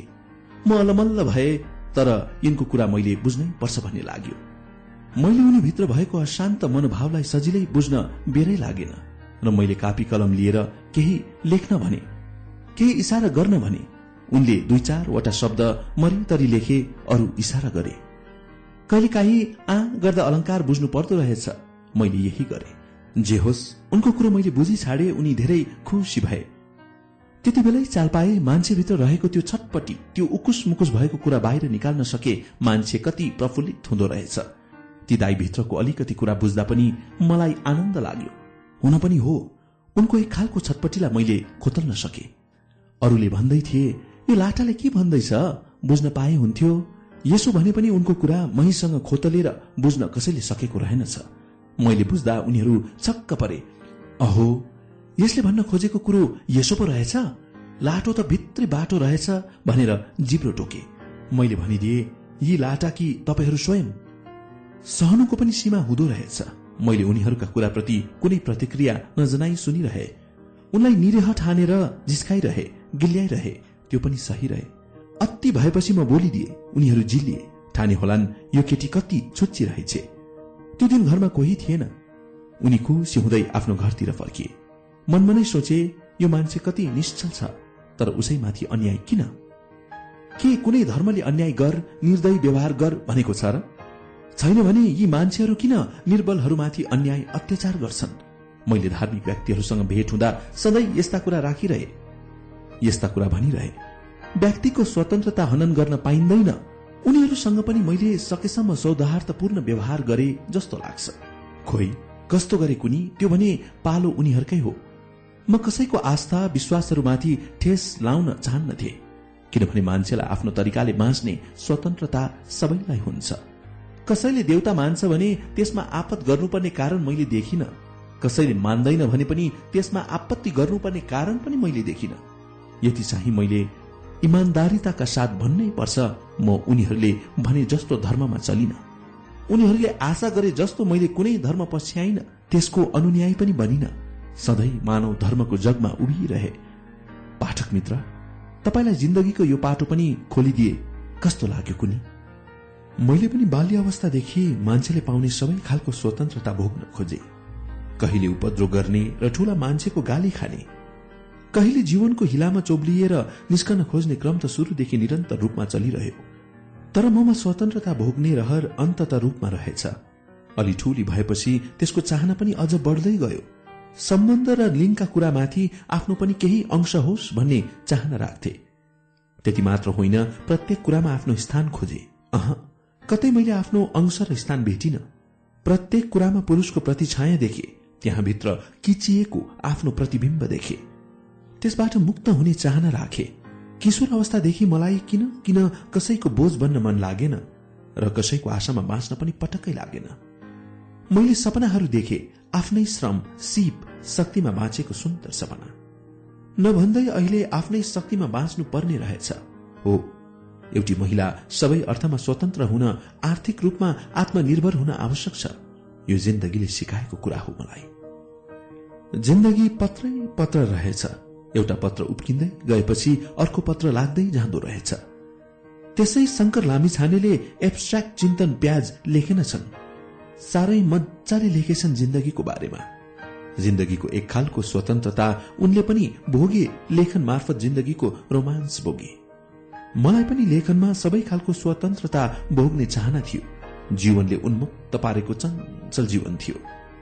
जिन्दगीमा सबै खालका स्वतन्त्रता भोग्न चाहन्थे। म ती वैशालु रहरहरू ती वैशालु उमङ्ग र उत्साहहरू भरपूर भोग्न चाहन्थे। कलम बोक्दा पनि मलाई कोही यताबाट चलाउनु पर्छ भन्थे कोही उताबाट चलाउनु पर्छ भन्थे। ओहो मान्छेहरूको यो तानातान चलिरह्यो। म बाटामा एकछिन एकपटक उभिएर हेरिरहे उनीहरूको तानातानको खेललाई। त्यो खेल पनि मजाकै थियो। मान्छेहरूले सोचेका थिए होलान् यो केटीलाई सजिलै आफ्नो बसमा पार्न सकिन्छ। उनीहरूको सोच एकदमै गलत थियो। म प्रत्येक कुरा बुझ्न सक्थे त्यसलाई कति ठिक कति बेठिक भनेर छुट्याउन सक्थे। म आफ्नो कलमको मार्ग आफै बनाउन सक्थे। कसैले मलाई मार्ग बनाइदिनु जरुरी थिएन। मैले लेख्दा मान्छेहरू यस्तो कुरा मात्र लेख्नुपर्छ भन्थे। मलाई यस्तो कुरा लेख्नु हुँदैन त्यस्तो कुरा मात्र लेख्नुपर्छ भन्थे। मलाई यस्तो खालको बार हालेको मन पर्दैन थियो किनभने म लेखनमा पुरापुर स्वतन्त्र थिए।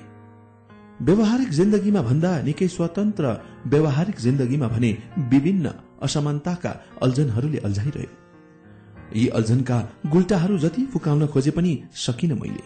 हरे मान्छेका मन मस्तिष्कमा वर्षौदेखि किचिएर बसेको विसंगत कुराहरूको काई फाल्न हतपत सकिन्दो रहेनछ तर प्रयास नगर्नु पनि त भएन। नेपाली समाजमा असमानताहरूको असर ममा पनि नपर्ने कुरो भएन। सामाजिक व्यवहारका थुप्रै खालका असमान खाडलहरूलाई मैले भोगेकै कारण नजिकबाट जति बुझे त्यति मैले देखेर या सुनेर बुझ्न सक्ने थिइन। यहाँ लैंगिक वर्गीय जातीय थुप्रै खालका भेदहरू छन्। म भने प्रत्येक कुरामा समानता र समानताको व्यवहार खोज्थे।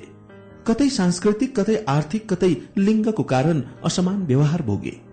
त्यही असमानता र अव्यवस्थाका स्वरहरूलाई मैले साहित्यको सागरमा ल्याएर मिसाइदिए। यसो गर्दा मलाई निकै आनन्द लाग्थ्यो किनभने यो व्यक्तिगत कुरा मात्र थिएन। मैले कहिले आफ्नो व्यक्तिगत कुरा नाङ्गो तरिकाले लेखिन। अरूको पीड़ा लेख्दा मेरो पीड़ा पनि कतै पर्थ्यो। भन्छन् दुःख बाँडे आधा हुन्छ सुख बाँडे दोब्बर। त्यसैले होला साहित्यकार जगदीश घिमिरेले अन्तर मनको यात्रामा लेखिदिए। मनको बह सबैलाई कह। उनले कति आफ्नो मनको यात्रा गरे अन्तर आत्माको यात्रामा। हो म पनि यही मनकै यात्रा गर्दैछु अनि मनले चाहेका सोच चिन्तनहरूको कुरा गर्दैछु। मैले गर्ने कुरा र अरूले गर्ने कुरामा फरक छ। अलग छ भन्न सकिँदैन किनभने पीड़ा उही हो समस्या पनि उही हो। त्यसमा भाषा शैली मात्र फरक हो। विभिन्न असमानताका खाडलहरू देखेर त्यस विरूद्ध कलमले प्रहार गरे। त्यो प्रहारले सहन नसकेर कसैले त मलाई उग्र नहौ भने कसैले धेरै राजनैतिक कुरा नलेख भने। कसैले त मेरो लेखनको सीमारेखा लाइदिए ताकि म उनीहरूले लेखेको सीमारेखाभित्र रहँ। त्यसभन्दा बाहिर निस्केर स्वतन्त्र ढंगले चल्न नसकु। बस। यी मान्छेको कुबुद्धि देख्दा मलाई मनमा नै हाँस उठ्थ्यो। विचाराहरूले कोरेको सीमारेखालाई मैले उतिखेरै मेट्दै गए। म कसैले कोरेको सीमारेखामा बस्न सकिन न त कुनै बातको अनुयायी बन्न सके। मेरो विचारहरूमा कुनै बातको सीमारेखा शब्दहरूमा कुनै बातका छाया रेखा कोर्न सक्छन् त्यो कोर्नेलाई स्वतन्त्रता छ। तर म कसैले लागेको बारले छेक्न सक्दिन कसैले कोरेको सीमा रेखामा पनि अडिन सक्दिन। कसैले यस्तो लेख कसैले त्यस्तो लेख भनेर पनि त्यसलाई मात्र मान्न सक्दिन। कलम आफैमा स्वतन्त्र हुन्छ स्रष्टा आफैमा स्वतन्त्र हुन्छ। के लेख्दा हुन्छ के लेख्दा हुँदैन भन्ने छान्ने काम स्रष्टा स्वयंको हो।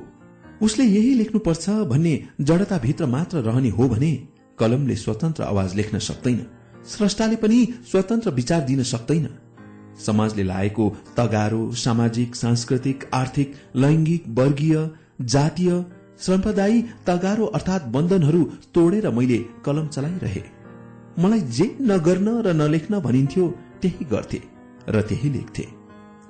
यसो गर्दा स्वयं स्वतन्त्र भएको मिठो आवाज हुन्थ्यो मैले स्वतन्त्रता र स्वच्छन्दताको चाहना सधैँ गरिरहे तर नाङ्गो र अराजक पाराको स्वतन्त्रता र स्वच्छन्दताको चाहना कहिले गरिन। मैले कलमको स्वतन्त्रता पूरापूर रूपमा भोगे र भोग्न चाहिरहे र त कलमले सबै स्वरहरू उक्लिरह्यो। त्यसले कहिले असमानताका विरूद्ध समानता स्वरहरू कहिले अन्याय अत्याचार अव्यवस्थाका विरूद्ध न्याय सदाचार सुव्यवस्थाका स्वरहरू ओकलिरह्यो जे होस् आफ्नै स्वतन्त्र परिधिमा कुदिरह्यो कलम। बस। म सानैदेखि अलिकति हटी स्वभावकी थिए। लेखनमा पनि मेरो त्यही स्वभाव देखा पर्यो। आक्रोश र आवेशको रंग पनि त्यसमा पोखियो। अव्यवस्था विकृत र विसंगतिका विरूद्ध विद्रोहका स्वरहरू देखा परे। समाजका सबै खालका विभेदहरूका स्वरहरू देखा परे। समाजका सबै खालका विभेदहरूका विरूद्ध समता र मुक्तिका स्वरहरू मेरो कलमले बोक्यो। त्यो समयमा जंगलबाट एक खालको विद्रोहको आँधी आउँदै थियो। त्यो आँधीले कैयौं मान्छेहरूलाई आफैतिर तानिरहेको थियो। विद्रोही हावाले न्याय मुक्ति र संघर्षका स्वरहरू गुन्जाउँदै थियो। गाउँ गाउँ बस्ती बस्ती त्यो आँधीमा फस्दै थियो। फस्नु पनि स्वाभाविकै थियो। यहाँ थुप्रै खालका विभेदहरू थिए। असमानता अन्याय र अत्याचारहरू थिए। तिनीहरूलाई निमिट्यान्न पार्ने सपनाहरू देख्दै थुप्रै युवा युवतीहरू जंगलतिर पसे जवान भएका छोराछोरीहरू परिवर्तनको सपना बोकेर जंगल पस्थे।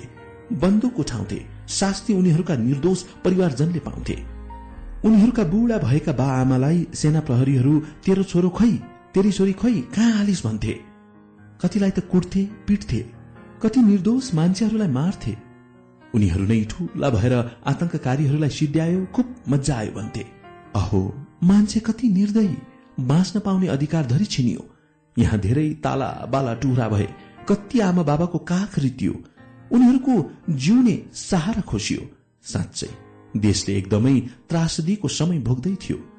जुन समय घरका भित्ताहरूले पनि केही सुन्लान् र कतै अनावश्यक पोल्पो लगाइदेलान् कि भन्ने सन्तास मान्छेहरूलाई थियो। मान्छेहरू खुलेर बोल्न पनि डराउँथे। कोही साँझ पाहुन आयो भने पनि बस खाऊ भन्न डराउनु पर्थ्यो। उता जंगल पसेकाहरूले पनि उस्तै खालको त्रास देखाउने काम गर्थे। मान्छेहरूलाई मार्ने यातना दिने चन्दा आतंकको काम उनीहरूबाट पनि बढ्दै जाँदै थियो। मान्छेहरू आतंकले त्राही त्राही थिए। जब रात पर्दै जान्थ्यो उनीहरूको स्वर दब्दै जाने गर्थ्यो।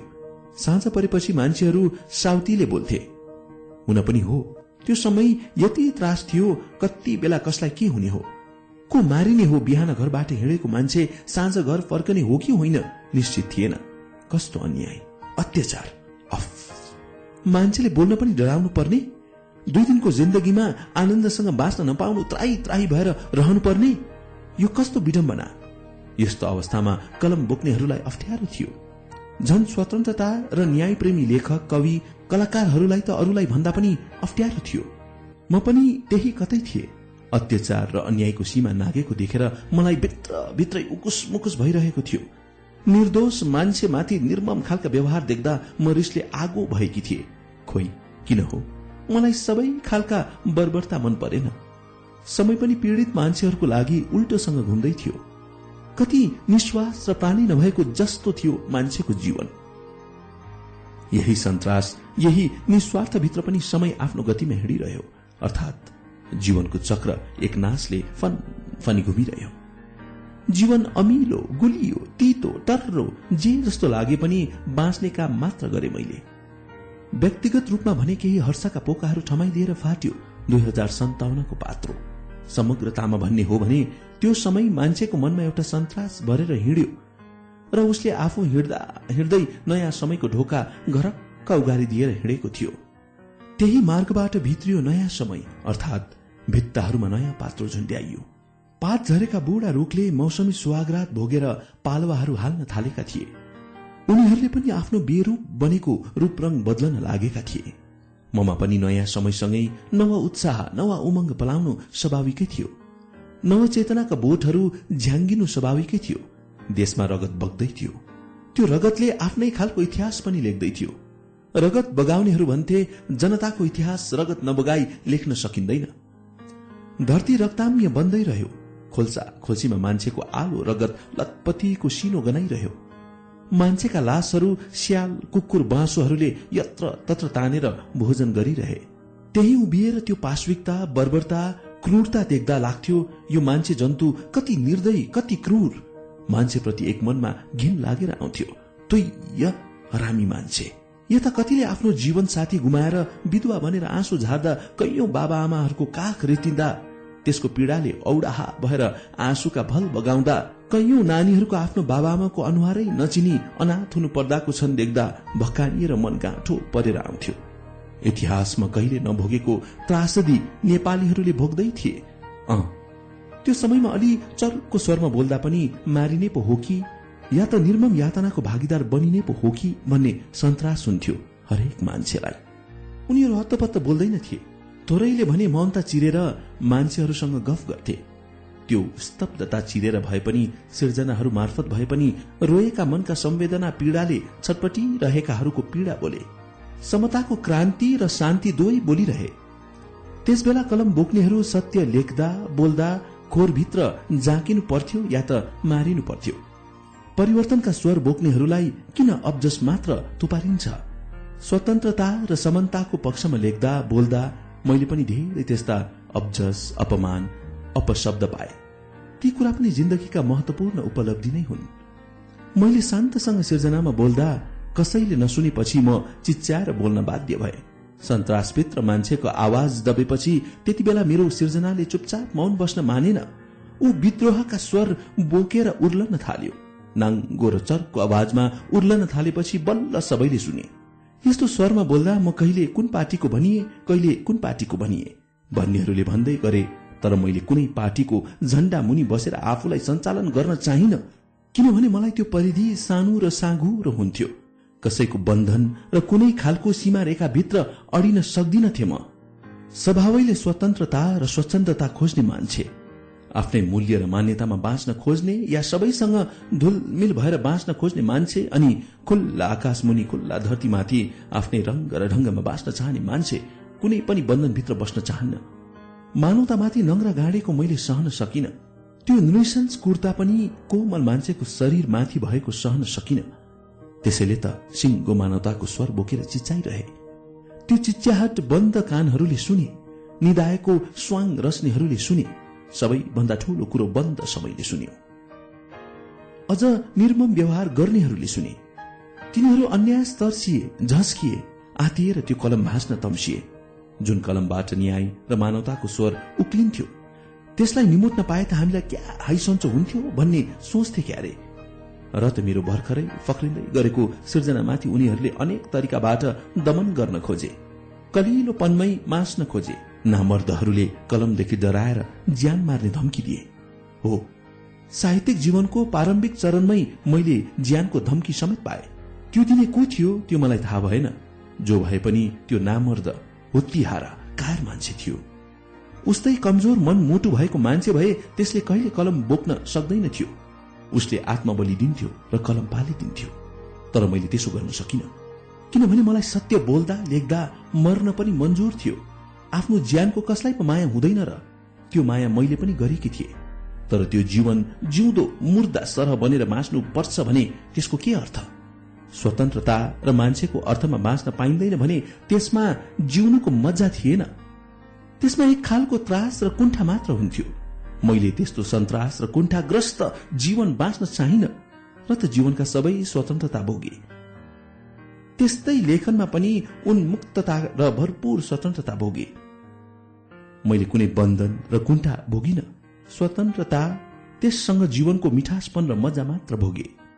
त्यो धम्की दिनेलाई के थाहा? म उसका कायर नामर्द धम्कीदेखि आतिन्न डराउँदिन भन्ने कुरा।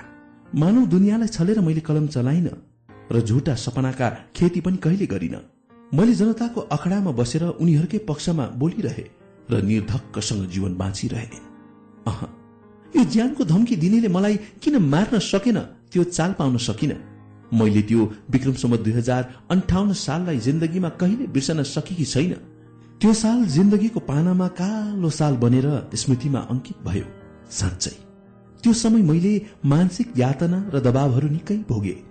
त्यो पनि सत्य बोल्दा लेख्दा पाएको एउटा महत्वपूर्ण उपलब्धि नै थियो। एउटा विद्रोही आवाजको परिणाम थियो त्यो। अनि विद्रोही कलमको स्वर विरुद्ध उठेको एउटा असफल क्रूर समयको हुंकार मात्र थियो। दुई हजार अन्ठाउन्न साल साँच्चै मेरो जिन्दगीमा मात्र कालो वर्ष बितेको कहाँ हो र? नेपाली इतिहासमै कहिले बिर्सन नसकिने घटना परिघटनाहरूका साथ बित्यो। इतिहासका पानाहरू मान्छेका रगतका छिर्काहरूले रंगिने क्रम चल्दै थियो अर्थात् धरती रगतले भिज्ने क्रम जारी रह्यो। धरतीको माटो मान्छेको रगतले भिज्दा साह्रै विभत्स हुँदो रहेछ। मान्छेको मन साह्रो आँसुले भिज्दो रहेछ। इतिहासमा यता धेरै रगत बगेको सायद बिर्लै थियो होला। त्यही साल राजदरबार हत्याकाण्ड भयो। राजा वीरेन्द्रको वंश विनाश गरियो। हुन त कहिलेदेखि राजदरबारमा कैयौंको हत्या बलात्कार राजनीतिक दौपेज र जालझेलका खेलहरू खेलिँदै आएको हो। अहो कति निशंस हत्या। साँच्चै सामूहिक हत्या विभत्स नै थियो।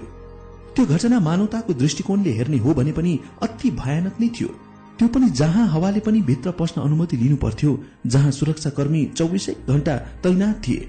सैनिकहरूको त्यो सुरक्षा घेराबाट मान्छे त परै जाओस् चरा मुसाहरू पनि छिर्न सक्दैन थिए। भरे त्यही ठाउँ पो सबैभन्दा असुरक्षित ठाउँ रहेछ। त्यो हत्याकाण्ड घटेपछि मान्छेमा एक खालको स्तब्धता छायो। उनीहरू भन्थे आखिर सुरक्षित ठाउँ त कहीँ रहेनछ त्यत्रो सुरक्षाको घेराभित्र बसेका मान्छेको वंश विनाश भयो। हामी त कुकुर बिरालो जस्तो मर्नुपर्छ। पुर्लुक्क पुर्लुक्क बस।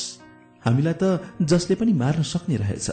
मान्छेहरूमा देशको सुरक्षा संयन्त्रप्रति आशंका त्यति बेलादेखि नै उठ्न थालेको हो। बोलेको भए अप्ठ्यारो थियो जे पनि हुन सक्थ्यो।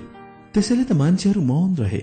अलिकति कोमल हृदय हुनेहरूका आँखा कैयौं दिनसम्म ओभ्याएनन् र आँसु बगिरहे। अलिकति बुढापाकाहरू त भन्ने गर्थे देशका बाबाआमा त गइहाले अब के हुने हो खै? अलिकति चेतना स्तर माथि नउठेका मान्छेहरू भन्ने गर्थे उफ मौरीको रानु त मारिहाल्यो अरू मौरीहरू आपसमा टोकाटोक गर्दै मर्छन्। त्यस समयमा यस्ता तर्क वितर्कहरू खुब सुनिन्थ्यो। यो पनि मान्छेको एक खालको विशेषता थियो। त्यस समयमा केही कवि लेखकहरूले आलाप र विलापका सिर्जनाहरू गरे। छ्या मलाई त पढ्न दिक्क लागेर आउँथ्यो। किनभने सिर्जनाले रोएको बेला हाँस्न सिकाउनु पर्छ निराश बनेको मान्छेलाई आशा दिएर जिउन सिकाउनु पर्छ तर हाम्रा सर्जकहरूले कोही कुरा बुझेका? यिनीहरूले त पीडामाथि पीडाका सिर्जना दिएर मान्छेहरूलाई रुवाएका छन्। त्यसैले त मैले त्यो बेला आलाप र विलापका सिर्जना पढ्दै पढिन। किनभने म व्यक्तिगत रूपमा त्यस्ता सिर्जना पढेर पीडा बाहेक केही पाउँदिनथे। त्यस्ता कुराहरू पढेर जिन्दगीमा दुखी हुन चाहन्नथे। जिन्दगी पीडा मात्र थिएन आनन्द पनि थियो। रोमान्स र उल्लास पनि थियो जसलाई म भोग्न चाहन्थे। ममा भने एक खालको जिज्ञासाले डेरा जमाइरह्यो। यो राजदरबारका मान्छेहरू आफूलाई जनताका रक्षक ठान्छन्। तर आफ्नो रक्षा किन गर्न सकेनन्? जब हत्याकाण्डको झुटा तथ्य बाहिर जनता सामु ल्याइयो उनीहरूले यो झुटा कुरालाई एक रत्ती पत्याएनन्। जनताको आँखामा कति सजिलै छारो हाल्न खोजियो। राजदरबारले जनतालाई कति निरह र लाटो ठान्यो। दरबारको कुरालाई सात आठ वर्षको बच्चाले पनि खिज्यायो। उसले भन्यो बाबा आमासँग बाबा यस्तो भए परिवारका सबै मान्छे कसरी मर्छन्? उसका बाबा आमा मौन रहनु उचित ठान्थे र भन्थे खोइ कसरी मर्छन् थाहा छैन। त्यस बखत मौन रहनु उसका बाबा आमाको रहर थिएन। बाध्यता थियो। बोलेको भए जे पनि हुन सक्थ्यो। यो मौनता र यो स्तब्धता धेरै समयसम्म टिक्न कहाँ सक्छ र? मान्छे पो त कहाँ पशु जस्तो बन्धनमा अल्झिएर बस्न सक्छ र? ऊ दुई चार दिन जिन्दगीको मोहले चुप्प लाग्यो। त्यसपछि मौन रहन सकेन। ऊ साउतीले बोल्न थाल्यो। त्यसपछि सानो स्वरमा बोल्न थाल्यो। त्यसले उसलाई आनन्द प्राप्त भएन। ऊ ठूलो स्वरमा बोल्यो तब उसले जिन्दगीको मोह डर त्रास सबै कुरा बिर्सियो। त्यसपछि मान्छे मजासँग बाँच्यो। हुन पनि हो। त्यो हत्याकाण्डले मान्छेमा अनौठो खालको सन्तास भरेको थियो। मेरा मित्रहरू मसँग भेट हुँदा त्यही वेदनाका सिर्जनाहरू सुनाउँथे। कति सुन्नु र पढ्नु यो वेदनाका कुरा पनि मित्रहरूले सुनाउँदा म सुन्दिन भन्न पनि अप्ठ्यारो। मलाई क्या पर्थ्यो फसाद? सुनु भने कति सुन्नु? नसुनु भने रिसाउलान् भन्ने डर? जे होस्। राजदरबारको नौटङ्कीलाई मान्छेहरूले नाङ्गो रूपमा देखे र बुझे। मान्छेहरूमा राजतन्त्रको भयानक विभत्स रूप पनि यति मजाले उदाङ्गियो जसलाई कसैले चाहेर पनि छोप्न सकेन। म भने मनमा नै सोच्थे मान्छेहरू किन यति साह्रो दुखी भएका होलान्? चुपचाप मान्छेहरूका कुरा सुनिरहे।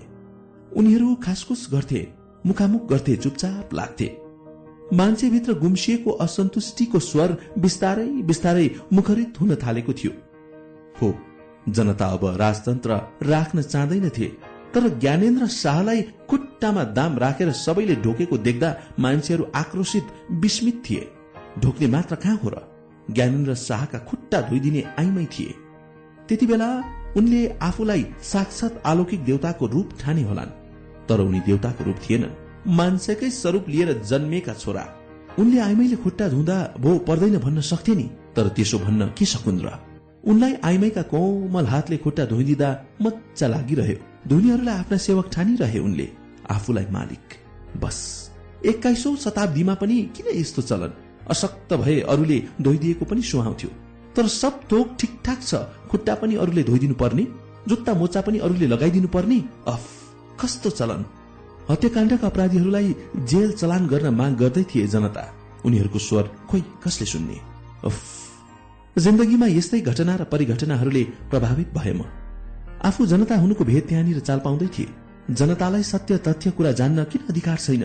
यस्तै यस्तै कुराहरूले कोपिरह्यो मेरो युवा हृदयलाई। देश रक्ताम्य बनेको देखेर स्तब्ध हुन्थ्यो मन। मान्छेका लासहरू यत्र तत्र सर्वत्र छरिएको देखेर दुख्थ्यो मुटु। मान्छे कति निर्दय जात। हत्या पनि यति क्रूर पाश्विक। मान्छेको मनमुटु हुनेहरू जोसुकै पनि स्तब्ध बन्थे। यस्तो समयमा सिर्जनाको यात्रा आफैमा कठिन छँदै थियो। त्यसमाथि स्वतन्त्रता प्रजातन्त्र मानव अधिकार परिवर्तनको मार्ग रोजेर कलम चलाउनेहरूलाई त झनै अप्ठ्यारो थियो। उनीहरूलाई तत्कालीन समयमा टेढो आँखाले हेर्थे। म यस्तै मूल्य मान्यता बोकेर कलम बोक्ने मान्छे। सिर्जनामा पनि जनताको परिवर्तनका स्वरहरू आएका हुन्थे। किनभने म जनताकै छोरी चेली थिए। उनीहरूकै छत्र छाया पाएर उनीहरूकै माझमा हुर्के बढेकी उनीहरूको दुःख सुख हर्ष विस्मात सबै कुरासँग परिचित। उनीहरूको नुनको बेमानी म कसरी गरू? मेरो कलमले न्यायका स्वरहरू बोके। क्रान्तिका सकारात्मक र उज्याला पक्ष पछ्याइरहे। देशमा निरङ्कुशताका जराहरू झन झन फैलिँदै थिए। देशलाई तिनले अझ अन्ध्यारोतिर लाँदै थिए। न्याय प्रेमी लेखक कवि कलाकारहरू जनतन्त्रका आवाजहरू उठाउँदै थिए। मैले पनि सिर्जनामा न्यायका आवाजहरू उठाइरहे। निरङ्कुशताका बीस वृक्षहरूको लागि यो पाच्य कुरो थिएन। तिनीहरू त संसारभरि विष फैलाएर संसारलाई नै विषाक्त बनाउन चाहन्थे। तर उनीहरूको त्यो चाहना कहिले पूरा हुन सक्दैन थियो। किनभने उनीहरू संसारलाई आफ्नो मुठीमा लिन चाहन्थे र संसारलाई उल्टो गतिमा घुमाउन चाहन्थे। जो संसारको अहित र आफ्नो हित सोच्छ त्यसको चाहना कहिले पूरा हुँदैन। नवयुगको सपना देख्नेहरूको लागि भने समताको कुरा सुपाच्य थियो। गाली दिनेहरूले गाली दिइरहे त्यही ठाउँमा उभिएर मलाई लाखौं दबिएका मनहरूले स्याबासी दिइरहे। गाली दिनेहरू ताली दिनेहरूको माझ खोइ कता बिलाउँदै थिए कता। नवयुग जन्माउन चाहनेहरूले मेरो डोबहरू मेट्न काम गरेनन्। प्रत्यक्ष अप्रत्यक्ष रूपमा म हिँड्ने बाटो बनाइदिए। यस्तै यस्तै तिता मिठा अनुभूतिसँगै समय कट्यो। पात्रो फाट्यो अनि सिङ्गो जिन्दगी पनि त्यही किस्ता किस्तामा बिस्तारै फाट्दै रह्यो फाट्दै रह्यो। त्यो सन्त्रस्त समयको संकटकाल त्यसमाथि संकटग्रस्त जनजीवन साँच्चै भयानक थियो। दुई हजार उनासाठीको एक दुई महिना पनि नबित्दै देशभरि संकटकालको घोषणा गरियो। हत्या आतंक बलात्कारका घटनाका श्रृङ्खलाहरू बढ्दै थिए। द्वन्द साँच्चै भयानकै हुँदो रहेछ जसलाई जतिखेर पनि मृत्यु दण्डतिर तानेर लैजान सक्दो रहेछ। अलिकति चर्को आवाजले बोल्न पनि नहुने। सेनाहरू फुक्का छोडिए। उनीहरूले पाएको स्वतन्त्रता न हो। जनताहरूलाई सताउने काममा तल्लीन भए। उनीहरूले युद्ध गर्नेहरूलाई त सताए सताए सर्वसाधारण मान्छेहरूलाई पनि सताए। उनीहरूले मात्र होइन। त्यति बेला जंगल पसेकाहरूले पनि सताए। सताइनेहरू कोही भन्थे भात खुवाउन पर्यो यति चन्दा दिनु पर्यो या त एकजना छोरा छोरी हामीलाई दिनुपर्छ भन्दै आउँछन्। कोही उनीहरूको डरले सेना प्रहरीमा भर्ती भयो भने उनीहरूका बाबा आमा श्रीमती दाजुभाइ दिदी बहिनीलाई दुःख दिन्थे। कतिलाई नृशंससँग मार्थे बेपत्ता पार्थे। अफ कति निर्दयता कति नृशंसता। मान्छेहरूसँग मान्छेको मन मुटु झिकिएपछि उसले जे पनि गर्न सक्दो रहेछ। जनता आतंकबाट त्राही त्राही बन्दै थिए। घर घरमा आतंककारीहरूलाई खोज्ने नाममा खोज तलास गर्थे। सर्वसाधारणलाई आतंकित पार्ने काम गर्थे। सेनाहरूले कतिजना निर्दोष मान्छेहरूलाई मारपिट गर्थे। कतिजनालाई अनावश्यक ढंगले सताउने काम गर्थे। त्यति मात्र होइन गाउँघरतिर सेना हत्या बलात्कार अनि क्रूर काममा संलग्न भएरे। गाउँमा गएर सर्वसाधारण मान्छेलाई हलो कमरेड लाल सलाम भनेर अभिवादन गर्थे सेनाहरू र उनीहरूलाई सर्वसाधारण मान्छेहरूले त्यही शब्दमा अभिवादन फर्काए भने त्यसलाई तेरो नेता खोइ भन्दै पिट्थे मार्थे जे मन लाग्यो त्यही गर्थे। अलिकति जवानीले भरिएका युवतीहरूलाई सामूहिक बलात्कारसम्म गर्थे भन्ने खबरहरू प्रशस्तै सुनिन्थ्यो। मानवता भन्ने तत्व सबैमा रितिसकेको थियो। सबैका सन्त्रस्त आँखाले समयसँग जीवनको गुहार गरिरहेको जस्तो लाग्थ्यो। हुन पनि हो मान्छेलाई आफ्नो जीवन भन्दा प्यारो वस्तु केही पनि नहुँदो रहेछ। त्यति बेला गाउँमा सनसनीपूर्ण अत्याचारका श्रृङ्खलाहरू बढ्न थालेपछि मान्छेहरू गाउँबाट सदरमुकाममा सरे। सदरमुकामबाट देशका ठूला ठूला शहरतिर सरे। त्यहाँबाट पनि राजधानीतिर सरे त्यहाँ पनि अलिकति पुँजी भएकाहरूले त जीवनको सुरक्षा देखेनन् र विदेशतिर सरे। गाउँमा बढेका युवा युवतीहरू थिएनन्।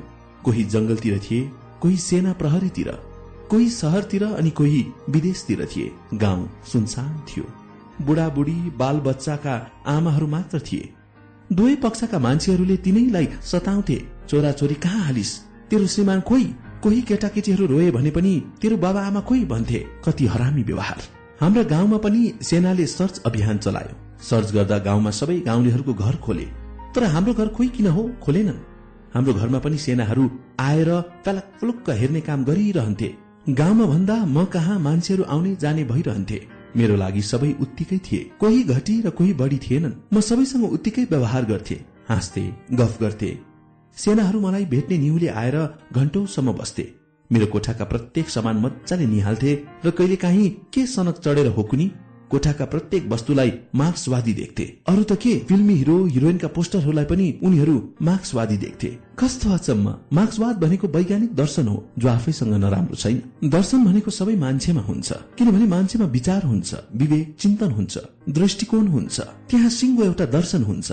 तर उनीहरूलाई खोइ कसले भनिदियो कुनी मार्क्सवादी सबै थोक्न राम्रो। त्यसै प्रति क्रूर बने। विचाराहरूले आफ्नो सब विवेकले कुन कुरो राम्रो भन्ने छुट्याउन सकेनन्। उनीहरूलाई माथिको आदेश पनि त्यस्तै तरिकाले दिएको थियो कि क्या हो? नत्र मान्छे सबैको आफ्नै विचार विवेक दृष्टिकोण हुन्छ र आफ्नै खालको दर्शन पनि हुन्छ। त्यसै अनुसार जीवन बाँच्न प्रत्येक मान्छे आफैमा स्वतन्त्र हुन्छ भन्ने कुरा उनीहरूलाई कहिले सिकाएन। र उनीहरू आम मान्छेको स्वतन्त्रताप्रति क्रूर बने। उनीहरू म कहाँ भएका प्रत्येक सामानलाई मार्क्सवादी देख्थे र भन्थे यहाँका प्रत्येक वस्तु मार्क्सवादी रहेछन्। खुब मार्क्सवादी किताबहरू पढिन्छ कि क्या हो? मलाई सोध्न मन लाग्थ्यो। के यी भित्ताहरू पनि मार्क्सवादी देख्नुभयो तर मैले पनि जस्तो व्यवहार उनीहरूले गरे त्यस्तै व्यवहार त गर्न मिलेन नि। त्यसो गरेको भए म र उनीहरूमा के फरक हुन्थ्यो र? त्यसमाथि उनीहरूको हातमा कानून थियो बन्दुक थियो र सबैभन्दा ठूलो कुरा उनीहरूलाई जीवनको पक्षमा बोल्नेलाई गोली हान्ने माथिको आदेश थियो। बोल्न पनि एक एक शब्द तौलेर मात्र बोल्नु पर्थ्यो। शब्दमा पनि मान्छेको ज्यान जान सक्थ्यो। कहिले काहीँ त अति हुन्थ्यो र भनिदिन्थे म स्वतन्त्र लेखक हुँ। मैले यो पढ्नुपर्छ र त्यो पढ्नु हुँदैन भन्ने छैन। मैले मार्क्सवादी किताबहरू मात्र होइन। अरू किताबहरू पनि भेटेसम्म पढ्ने गरेकी छु त्यसो भनिदिएपछि उनीहरू चुपचाप लागेर जान्थे। संकटकाल यति भयग्रस्त भए कि मान्छेहरू केही अत्यावश्यक कुरा बोल्न पनि डराउँथे। उनीहरूलाई कति बेला के हुने हो? सन्तास भइरहन्थ्यो। यो सन्तासले मेरो घरलाई पनि के छोड्थ्यो र? छोडेर सेनाहरू त्यति बेला यति फुक्का छोडिएका थिए उनीहरू गाउँ घरमा जोसुकैको घरमा पनि पसेर जे मन लाग्थ्यो त्यही गर्न स्वतन्त्र थिए। यहाँसम्म उनीहरूलाई मन लाग्यो भने जसको ज्यान पनि लिन सक्थे। सेनाहरू रक्सीले मातेर मसँग आई जेठी सासु तिमीलाई कहिले विवाह गर्नु मन लाग्दैन? भनेर चिल्लिन्थे थुक्क नामर्दाहरू। अरू केही काम नपाएर मेरी फुल जस्ती बहिनीमाथि आँखा लाउन लाज लाग्दैन? उसको जीवनमाथि राल चुहाउन शरम लाग्दैन? अनि म तिमीहरू जस्तो यौन उन्मादले पोतिएर विक्षिप्त बनेकी छैन। भो विवाह गर्न मन छैन भन्ने मुखभरिको जवाफ दिन्थे। मुखभरिको जवाब दिएर खेद्न मन लाग्थ्यो। तर म जनता थिए। उनीहरूमाथि खटाइएका मान्छे जताभावी लाउन पनि कहाँ छुट्थ्यो र? म धारा किटेर भन्थे अब तपाईँहरूको कुरा मैले सुने र बुझे। जानुहोस् गेट आउट त्यस बेला मिनालाई बाटो एक्लै हिँड्दा के के भने रे? अफ। केटी मान्छेमाथि किन नराम्रो तरिकाले आँखा गाँड्छन् यी मान्छे नामका हिंसक जन्तुहरू? सेनाका अधिकृतहरू पनि बेला बखतमा आइरहन्थे। उनीहरू पनि मलाई सहयोग गर्न भन्थे। म उनीहरूलाई मानव अधिकारको सम्मान गर्न र सेनाहरूलाई जताभावी नछोड्नु भन्थे। मेरो लेखन यात्रा यसै उतार चढावको बीचबाटै अगाडि बढ़िरह्यो। यस अवधिसम्म मैले थुप्रै हन्डर र ठक्कर पनि खाइसकेकी थिए। जिन्दगीलाई पनि अलिकति फरक अर्थमा बुझिसकेकी थिए। जिन्दगी संघर्ष पनि रहेछ। अलिकति अप्ठ्यारो अलिकति सजिलो मोड पनि आउँदो रहेछ। जे होस् जिन्दगी नै रहेछ। त्यो संकटभित्र पनि चलेको थियो एउटा जिन्दगीको क्षण। जिन्दगी अप्ठ्यारो परिस्थितिबाटै गुज्रिँदै रहेछ। मेरो पनि कहाँ सजिलोसँग गुज्रिएको छ र? नित्यक्रम अरूले गराइदिनु पर्ने कतै हलचल गर्नु पर्दा अरूको सहयोग बिना हलचल गर्न नसक्ने केही देख्न हेर्नको लागि पनि बाक्लो ग्लास भएको शक्तिशाली पावर भएको चस्मा लाउनु पर्ने कस्तो बन्धन भित्रको जिन्दगी। खाना खाइसकेपछि आफै चुट्न पनि नसक्ने। अर्कैले चुठाइदिनु पर्ने अरूसँगै सब थोक थियो। मसँग केही थिएन। अफ कति अल्झन भित्र पनि मैले बाँच्नु पर्ने चलाउनु पर्ने मसँग केही थिएन। तर पनि केही थियो अरूसँग सबै थोक थियो। तर उनीहरूसँग जे थिएन त्यो मसँग थियो। उनीहरूसँग जे थियो मसँग त्यो थिएन। नियति पनि कति निर्दय। चारैतिर बन्धनै बन्धन त्यसभित्र एउटा लाचार जिन्दगी। मसँग केही नभए पनि बाँच्ने इच्छा थियो। त्यसैसँग जोडिएको अलिकति विचार भावना चाहना जे थियो म हुनुको अर्थ थियो अर्थात् मान्छे हुनुको एउटा महासत्य। जो माथिका देश चलाउने शासक प्रशासकहरूले बुझेनन् मान्छेसँग भावना चाहना विचार हुन्छ।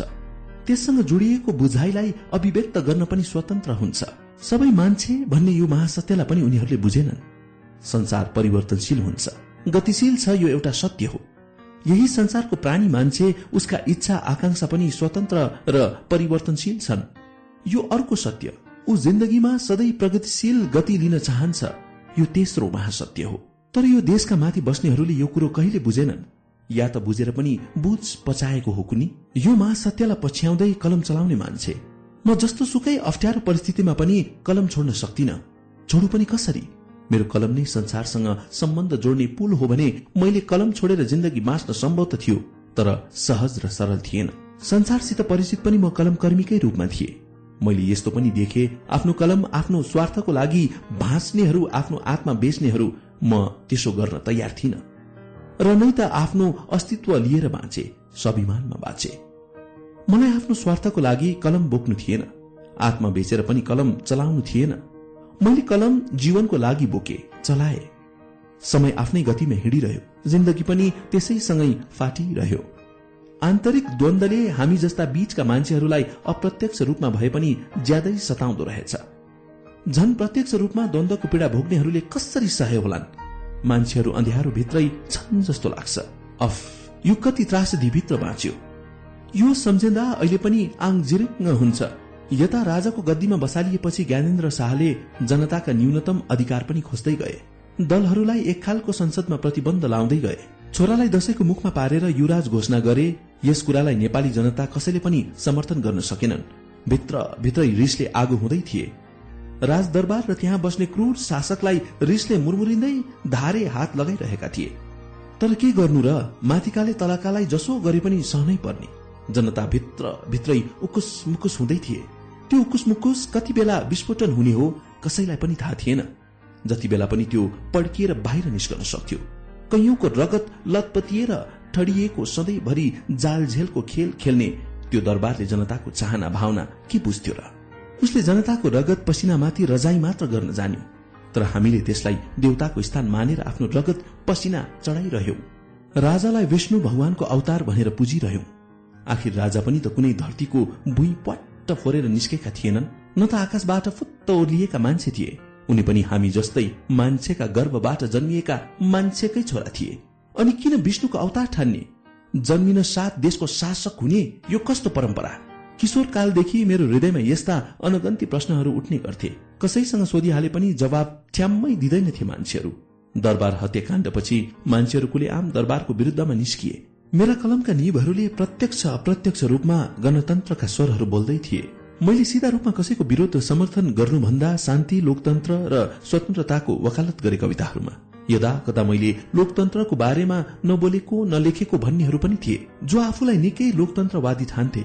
म यिनीहरूले जस्तो नाङ्गो तरिकाले लेख्न बोल्न पनि स्वतन्त्र थिइन। म स्रष्टा थिए। मैले यस्ता राजनैतिक नारा पनि त लेख्न भएन। यही सस्ता नारा नलेख्नु नै उनीहरूले लोकतन्त्र गणतन्त्रको बारेमा मैले नबोलेको नलेखेको ठानेका होलान्। यस्तो ठान्नु पनि स्वाभाविकै हो। म बाहिर पत्र पत्रिका अथवा मिडियामा त्यति रचनाहरू दिन्नथे यो मेरो अति हरामी बानी। मलाई कहिले लेख्न अल्छी लागेन तर बाहिर पठाउन साह्रै अल्छी लाग्थ्यो। उही साथीहरूले मागेर मिडियाहरूमा दुई चारवटा सिर्जनाहरू लगिदिए भने मात्र आउँथे। कि त उनीहरूले मन छोड्ने गरी गाली गरे भने मात्र। म मिडियाहरूमा एक दुईवटा सिर्जना पठाइ टोपल्थे कि त मलाई आफूभन्दा अग्रजहरूले मायाले गाली गर्दा मन जसङ्ग हुन्थ्यो र उनीहरूलाई दुई चारवटा सिर्जना दिन्थे अनि उनीहरूले विभिन्न पत्र पत्रिकामा दिन्थे। म जस्तो सुकै अप्ठ्यारो समयमा पनि बोल्न सक्थे लेख्न सक्थे। मलाई जिन्दगीको कुनै डर थिएन। त्यसैले जिन्दगी निर्धक्कसँग बाँच्न सके। तर मान्छेहरू कति कातरपन लिएर बाँच्दा रहेछन्। मैले बोल्दा उनीहरू डराउँथे। मैले लेख्दा उनीहरू जिन्दगीको मोहले अतालिन्थे। त्यसैले म उनीहरू जस्तो हुन सकिन। मलाई उनीहरूलाई जस्तो जिन्दगीको मोह पनि कहिले लागेन। त्यसैले त लेखिरहे। आफ्ना विचार भावनाका अभिव्यक्तिहरूमा म निर्धक्कसँग पोखिरहे। त्यो अप्ठ्यारो समयको एउटा अभिव्यक्ति हो नौलो प्रतिविम्ब कविता संग्रह दुई हजार साठी। जसलाई छापिदिए धरान निवासी मदन प्रसाद श्रेष्ठले उनी धरानमा मेरीगोल्ड भन्ने स्कूल चलाउँदा रहेछन्। हाम्रो भेट धनकुटामै भयो। एउटा भेटमै उनी मसँग यति प्रभावित भएछन् जुन कुरो शब्दले उतार्न सक्दिन म। हो। मेरो छैटौं कृति धरानका मान्छेले निकालिदिए। धरानमै विमोचन पनि भयो। मैले त्यति बेलै पूर्वका स्रष्टाहरूलाई अलिकति भए पनि जाने र चिने। जे होस् त्यो अध्यारो समयबाट मेरो कलमले मुक्तिको स्वर बोलिरह्यो। हुन त धरान म यस अगाडि पनि दुईचोटि आएकी थिए। यसपटक भने अलि भिन्न किसिमको थियो बसाई किनभने म आफूलाई माया गर्ने आफूलाई सम्मान गर्ने मान्छे कहाँ बसेकी थिए? हो म मदन प्रसाद श्रेष्ठकै घरमा बसे जहाँ मलाई आफ्नै छोरीलाई गर्ने व्यवहार गरिन्थ्यो। साँच्चै धरान विदेश जाने लाहुरेहरूको सहर हो। उनीहरूले विदेशमा गएर श्रम गरेर सम्पत्ति यही ल्याएर भव्य भव्य घरहरू बनाउँछन् र स्वास्नी छोराछोरीलाई ओखाई पोखाई सुख शयल दिन्छन्। यो त्यही सहर हो जहाँ लाहुरेहरूको अधिक श्रम र पसिनाको कमाई पोखिएको छ।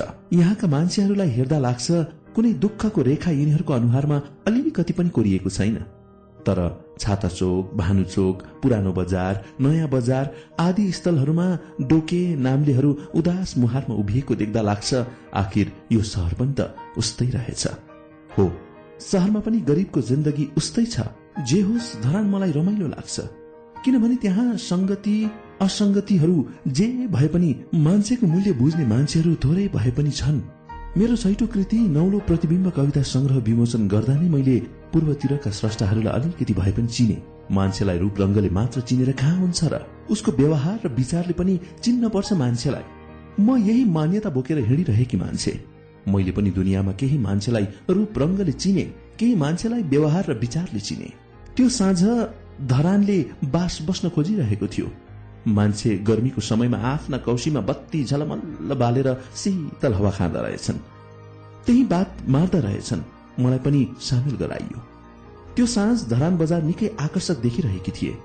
त्यही साँझ एउटी महिलाले म नजिकै आएर एकछिन उभिएर मलाई हेरिरहन् अनि थोरै मुस्कान छोड्दै भनिन् के छ झमक हुन त यिनलाई मैले केही समय अगाडि धरानको घोपा क्याम्पमा स्वास्थ्य परीक्षण गराउँदा पनि भेटेकी थिए। त्यति बेला पनि उनले मसँग आत्मीय व्यवहार गरेकी थिइन्। त्यो समय उनले आफ्नो नाम भनेकी थिइन। मेरो हुस्सो दिमागले राम्ररी टिप्न सकेन ज्वाला भनिन् क्यारे म कुनै प्रतिक्रिया नदिएर टोलाइरहे। त्यसपछि केही ठूलो स्वरमा भनिन् म बेन्ज्वाला श्रेष्ठ बल्ल म हाँसे पछाडि थपिन् मदन सरको छोरी। हामी कोठामा छिरेर गफ गर्न थाल्यौं। मान्छेहरूको भिडभाडबाट अलगिएर हामीले धेरै बेर गफ गर्यौं गफगाफका क्रममा यस्तो लाग्थ्यो हामी पूर्व परिचित पुराना मित्रहरू हौ। महिलाका विषयमा हाम्रा विचारहरू समान रहेछन्। उनले मेरो डायरी पल्टाएर हेरिन्। त्यहाँ मैले महिलाका विषयमा थुप्रै कुराहरू लेखेकी थिए। उनलाई ती कुराहरूले मन छोएछ उनी पनि स्वास्थ्य क्षेत्रमा काम गर्दै रहेछिन्। उनले डायरी हेर्दै भनिन् अहो यस्ता कुरा त बाहिर आउँदा कति राम्रो हुन्थ्यो। म चुपचाप लागिरहे। एकछिन पछि उनले भनिन् कान्तिपुरमा लेख्ने हो भनिदिऊ नत्र मेरो एउटा साथीलाई भनिदिन्छु। उनको श्रीमान त्यहाँ काम गर्छन् भइहाल्छ। मैले उनलाई केही जवाफ नदिई मौन बसिरहे। उनी मौनता देखिन् र केही हडबडाइन् र भनिन् नाइ नभन न झमक। तिमी जस्तो सक्षम लेखक कान्तिपुरमा आउनुपर्छ। म कुनै कुरा पनि हतपत हुन्छ भन्ने जवाब दिन्न। उनलाई पनि त्यसै गरे। उनले धेरै कर गरेपछि माने। त्यति बेला एकजना महिला स्तम्भकार म थिए कान्तिपुरमा। त्यो बेलामा सम्पादक थिए युवराज घिमिरे। उनी पनि धेरै खुसी भए। हुन त मलाई राष्ट्रिय युवा सेवा कोषको विषय पहलमा महिला समाज कल्याण तथा बाल बालिका मन्त्रालयबाट मासिक रूपमा एक हजार रुपियाँ सरकारले दिन्थ्यो। त्यसले कलम र कापी किन्न र लुगाफाटा किन्न मरितरी पुग्थ्यो। त्यो पनि मासिक रूपमा दिइँदैन थियो। वार्षिक रूपमा दिइन्थ्यो। यता मलाई जिन्दगी चलाउन साह्रो गाह्रो थियो। सम्बन्ध पनि अलिकति भावनामा चल्दो रहेछ। धेरै जसो पैसामा चल्दो रहेछ। त्यही पैसामा चलेको सम्बन्धलाई चलाउन पनि मलाई पैसाकै जरुरत भयो। यता फर्की पैसा उता फर्की पैसा। यहाँसम्म कि मान्छेले फेर्ने प्रत्येक साहसको पैसा। यो दुनियाँमा मेरो केही चलेन। मैले पाएका पुरस्कारहरूका पैसाले पनि घरको जर्जो टाल्न बाध्य भएम अर्थात् जिन्दगी चलाए। दिनीहरूले के गर्यो त्यो पैसा भनेर सोध्थे। जवाफ दिन मन लाग्थ्यो। सम्बन्ध र जिन्दगी चलाए। बस। यस्तो जवाफ दिन पनि मलाई खोइ केले रोक्थ्यो कुन्नी? कान्तिपुरमा स्तम्भकारको रूपमा पसेपछि जिन्दगी चलाउन केही सहज र सरल भयो। आफ्नो आर्थिक स्थिति पनि केही बलियो हुँदै गयो। स्थिति एकदमै अप्ठ्यारो थियो। त्यस्तो परिस्थितिमा कलम चलाउनु पर्ने काम सजिलो त थिएन। तर काम त कामै हो नि। सजिलो अप्ठ्यारो जे भए पनि आफूले गरेर कमाएको जस्तो आनन्दको कमाई अरूले दिएको हुँदो रहेनछ। जति थोरै भए पनि आफ्नो कमाई समात्नु भनेको कति आनन्दको कुरो। आफै बाँच्नु भनेको कति रमाइलो कुरो। मैले गरेको श्रमको पैसा देखेर धेरै जसो लोभिन्थे त्यसमाथि राल चुहाउँथे संसारमा यस्ता हरामी मान्छे छन् जसले अरूले गरी खाएको देखि सहँदैनन्। मलाई टेढो आँखाले हेर्नेहरूले त मेरा कुनै पनि कामलाई मन नपराउनु स्वाभाविकै थियो। किनभने उनीहरूको हेराइ नै सकारात्मक थिएन भने के राम्रो देख्थे र? मैले जीवनलाई सधैँ सकारात्मक कोणबाट हेरे। त्यसैले त यसको रथ पनि सकारात्मक गतिमा अगाडि हाँके। सम्पादक र स्तम्भकारको सम्बन्ध खोइ कस्तो कस्तो हुन्छ भन्थे मान्छेहरू? तर मेरो सम्बन्ध दाजु र बहिनीको जस्तो भयो। किनभने मलाई अत्यन्त माया गर्थे युवराज दाईले। उनलाई म दाजुकै रूपमा सम्मान गर्थे। म र उनीबीच सम्बन्ध कहिले सम्पादक र स्तम्भकारको भएन। आखिर म स्तम्भकारकै रूपमा कान्तिपुरमा छिरे नियमित लेख्ने काम गरे। पाठकहरूले त्यसलाई पढिदिए म र कान्तिपुरलाई जोड्ने सेतु बनिन् बेन्ज्वाला दिदी। जोड्ने सेतु त बनिदिन्। युवराज दाईले नपत्याइदिएका भए के हुन्थ्यो? तर उनले पत्याइदिए मात्र होइन स्याबासी दिएर मलाई लेख्न प्रोत्साहन गरे। कान्तिपुरमा हरेक हप्ता आफ्नै परिवेश नामक स्तम्भ मार्फत देखा पर्न थाले। आफ्ना पाठकहरूसँग त्यहीबाट सम्पर्क हुन थाल्यो। मलाई जिन्दगी आफ्नै हो भन्ने लाग्न थाल्यो। रमाइलो लाग्न थाल्यो। आफ्नो काममा नै रमाउन थाले म तर साहित्यिक लेखन र अखबारी लेखनको तालमेल मिलाएर लैजानु आफैमा कठिन काम थियो। आखिर दुवै लेखनकै क्षेत्रमा थियो। त्यसमाथि समयले ठमाएको एउटा महत्वपूर्ण जिम्मेवारी जसलाई मैले जसरी पनि पार लाउनै पर्थ्यो। कान्तिपुरले मलाई स्तम्भकारको काम मात्र दिएन आफ्नो परिचय पनि दियो। अलिकति जिन्दगी चलाउने आधार पनि दियो। मैले कलम विभिन्न विषयमा चलाए। स्तम्भमा महिला बाल बालिका साहित्य समाजको विकृति र विसंगतिका विषयहरू उठाउँथे जसलाई पाठकहरूले मन पराउँथे। मायाले कतिले गाली पनि दिन्थे भने कतिले ताली पनि। मलाई दुइटै मन पर्थ्यो। जे होस् कान्तिपुर पब्लिकेशनले मलाई नयाँ रंगको परिचय दियो। म त्यही परिचयले आफ्ना कैयौं पाठकहरूको माझ छिरिए पढिए पोखिए। अक्षर र शब्दका रंगहरूमा आफैलाई भुले समर्पित गरे आफूलाई अक्षर र शब्दहरूमा। म सानैदेखि भुइँमा सिङ्काले कोरेर फूल मान्छे कुकुर बिरालो खरायोका आकृतिहरू पनि बनाउँथे जसलाई कसैले वास्ता गरेन। अक्षरहरू लेख्ने चिन्ने भइसकेपछि कहिलेकाहीँ कापीमा तिनै आकृतिहरू उतार्थे। त्यसलाई भने देख्ने मान्छेहरूले अलिकति भए पनि प्रशंसा गरिदिन्थे। म फुरुक्क हुन्थे र फेरि पनि कोर्थे। घरका मान्छेहरूले देखे भने यसले कापी यही गरेर सक्दिरहेछ। यसलाई अब कापी इस किनिदिउला त भनेर गाली गर्थे। तर पनि म कोरिरहन्थे। अलि पछि साहित्यमा लागेपछि अक्षर र शब्दहरूमा नै रंग भर्न थाले। त्यसो गर्दा मन साह्रै आनन्दित हुन्थ्यो। कहिलेकाहीँ चित्र कोर्ने रहर लाग्दा त्यही कापीमा कोर्थे। मसीको कालो निलो रातो रंग लाएर त्यतै कतै चित्र कोर्ने रहर त्यसै सेलाएर बसेको थियो। तर मलाई आमाले कहिलेकाहीँ हाट बजार जाँदा लाउने सिउँदोको सिन्दुरको रातो रंग मन पर्थ्यो। र ऐनामा रहेको सिन्दुर खुट्टाले निधारमा लाउँथे टिका। तर के एकछिनपछि चिलाएर सही नसक्नुहुन्थ्यो र बिबिरा आउँथ्यो हो? रंग मेरो शरीरमा पर्नु हुँदैन एलर्जी हुन्छ। तर रंग खेल्न मन लाग्छ दल्न मन लाग्छ। जब म धरान आफ्नो छैटौं कृति विमोचन गर्न छिरे त्यहाँको छ सात दिनको लामो बसाई गर्ने के? त्यसै अत्यास लाग्दो। गर्मीको मौसम भए पनि आकाश छ्याङ्ग उब्रिएको कतै कतै बादलका सेता गुजुल्टा देखिन्थे। त्यो विशाल निलो आकाशमा म त्यही निलो आकाशलाई हेर्दै मदन सरको घरको कौशीमा बसिरहेकी थिए। त्यतिकैमा कवि कलाकार नरेन्द्र बहादुर श्रेष्ठ आइपुगे। उनी व्यापारी पनि हुन्। उनी पनि मेरो किताबको विमोचन गर्न भनेर काठमाडौँदेखि आएका रहेछन्। नौलो प्रतिविम्बको आवरण चित्र उनैले कोरिदिएका थिए। भूमिका पनि उनैले लेखिदिएका थिए। हाम्रो भेट यस अगाडि पनि दुई चार पटक भइसकेको थियो। मेरो अलिकति बढी जिस्किने ठट्टा गर्ने बानी छ। अनि कुनै कुरा मन परेन भने सामुने प्याच्च भनिदिने बानी छ। त्यो दिन पनि उनलाई मैले साह्रै जिस्काए। आफू त व्यापारी मान्छे परिएन ब्यागभरि पैसा बोक्न सकिएन ब्यागभरि पैसा बोक्न नभए पनि कुनै गुनासो छैन। यसो भन्दा अरू भए मसँग पक्कै रिसाउँथे। तर नरेन्द्र दाई रिसाएनन्। उल्टो गर्दै हाँसेर भने के गर्नु? बाँच्नै पर्यो? मैले थपे। बाँच्ने बाहनामा दुनियाँ ठग्ने काम नगर्नुहोस् है। उनी गम्भीर हुँदै भने मसँग मान्छेको मन पनि छ। त्यसैले कविता लेख्छु चित्र कोर्छु मूर्ति बनाउँछु। अहो मैले त उनलाई निकै दुखाएछु पो। मनमा सोच्दै नजिकै रहेको कागजको खालीपनामा जिस्किँदै कुनै स्त्रीको अनुहार कोरे। उनी चुपचाप मेरो क्रियाकलाप निहालिरहेका थिए। जब कोर्न छोडेपछि बल्ल उनी बोले झमकले मर्ने गरी भनेर छिट्टै उसलाई खुसी पार्न पनि जानेको रहेछ। अहो यत्रो समय मैले थाहा पाएको थिइनँ। तिमीभित्र कलाको गुण छ। मलाई लाग्यो बेकारमा कोरिछु। जान्नु न तान्नु उही हावामा कोरिएकी थिए। उनले प्रशंसा गरिदिए बिना सिद्धि। यस्तै कुरा सोच्दै त्यही अघिको आकाश हेर्दै टोलाइरहे अहिले त अघिका बादलका सेता गुजुल्टाहरू छरिएर सुन्दर चित्र जस्तो बनेछ आकाश। आहा कति सुन्दर दृश्य। मेरो मन आनन्दित र प्रफुल्लित हुँदै त्यतैतिर झुलिरह्यो। यता नरेन्द्र दाईप्रति मेरो ध्यानै गएन। उनी त अघि दोकान पुगेर मेरो लागि कुची रंग र क्यानभस लिएर आइसकेछन्। बस मैले त ढोकामा ढकढक आवाज आउँदा पो जसङ्ग भएर चाल पाए। म आफ्नै सुरमा मस्त भएपछि कसैले केही गरेको पनि थाहा पाउँदिन। कहिले काहीँ त आफूले खाना खाइसकेको कुरा पनि बिर्सिन्छु। र फेरि भन्न खोज्दा म झट्ट सम्झन्छु र अनि भन्दिन या मान्दिन। कहिले काहीँ त आमा बहिनीहरूले केही कुरा अराएका हुन्छन्। म सुन्दै सुन्दिन। सुने पनि एकछिनपछि बुसुकै बिर्सिन्छु र गर्दिन। अनि उनीहरूले हप्काउँदा म आफूलाई गाली गर्छु। हेर तेरो दिमाग। त्यो दिन पनि त्यस्तै भयो। नरेन्द्र दाई कतिखेर उठेर हिँडे कतिखेर दोकान पुगेर फर्किए। केही थाहा पाइन उनलाई हुन त मैले यस अगाडि पनि चित्रका बारेमा केही प्रश्नहरू गरेकी थिए। कुची रंग र क्यानभस लिएर मलाई दिएर भने तिमी चित्र कोर मैले कसरी नाइ भन्ने? हुन्छ भनेर त्यो कुची रंग र क्यानभस लिए। मैले अघि नै भनिसके मलाई रंगसँग खेल्न मजा लाग्छ आनन्द लाग्छ। त्यही रंग पाउँदा म खुसी भए किनभने अब मलाई शब्दले नपुग्ने भइरहेको थियो। झन शब्दसँगै विचार बोक्ने मान्छेलाई त अप्ठ्यारो बोल्न लेख्न पनि म आफू त्यही मान्छे थिए। जो विचार बिना शब्द लेख्न सक्दिन थिए। नरेन्द्र दाई भन्थे कविता लेख्नु चित्र कोर्नु मूर्ति बनाउनु मनलाई आनन्द दिनु हो। तिमी स्रष्टा हौ राजनीतिक लेखहरू नलेख। म उनको यो विचारसँग सहमत हुन कहिले सकिन। किनभने कविता लेख्नु चित्र कोर्नु मूर्ति बनाउनु जीवनको लागि हो। मनलाई आनन्द दिनु मात्र होइन। जब जीवनको सिर्जना गरिन्छ भने त्यहाँ विचार दृष्टिकोण पनि पोखिन्छ। स्रष्टाले आफ्नो विवेकको प्रयोग गर्न पाउनुपर्छ।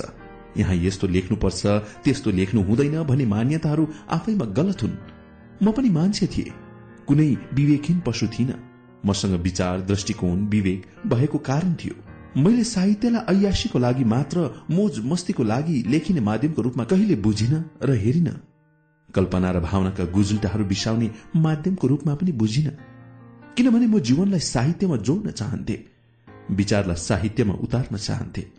म शब्दमा जीवनको रंग खोज्थे विचारको सुगन्ध खोज्थे र कलाको पारक खोज्थे। मसँग आफ्नै खालको दर्शन थियो।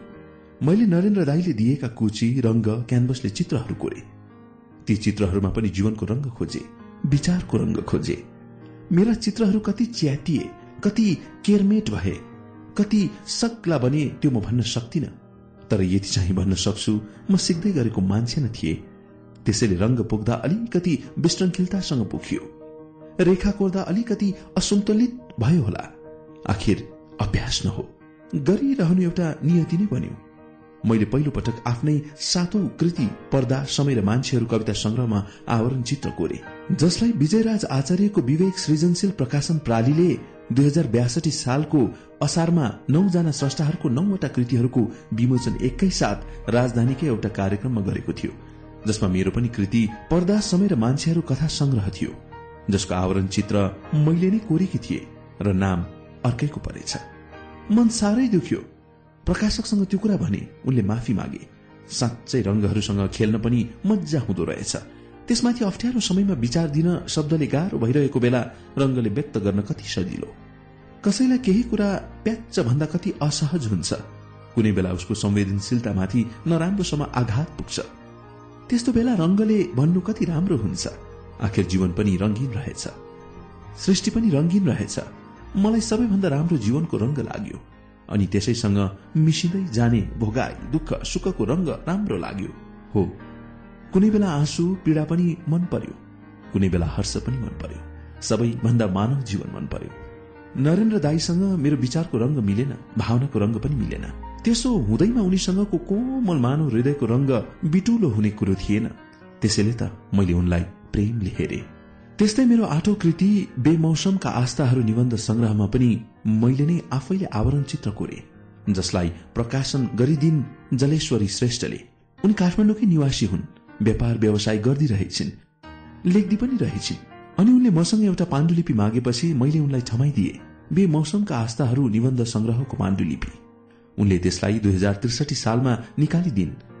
मेरा आफ्नै दुईवटा कृतिहरूमा त मैले आवरण चित्र कोरिसकेकी थिए। आफैमा गर्व गर्न लायक इतिहास बोकेको लामो समयदेखि साहित्य संस्कृतिको फाटमा आफ्नै मौलिक छाप छोड्न सफल रचना दुई महिने साहित्यिक प्रकाशनले वर्ष छ्यालिस पूर्णाङ्क बयानब्बे फागुन चैत्र दुई हजार त्रिसठीको अंकमा मेरो आवरण चित्र छाप्यो। त्यसका प्रधान सम्पादक रोचक घिमिरे दाईसँग मेरो पहिलेदेखिको एक खालको सम्बन्ध थियो।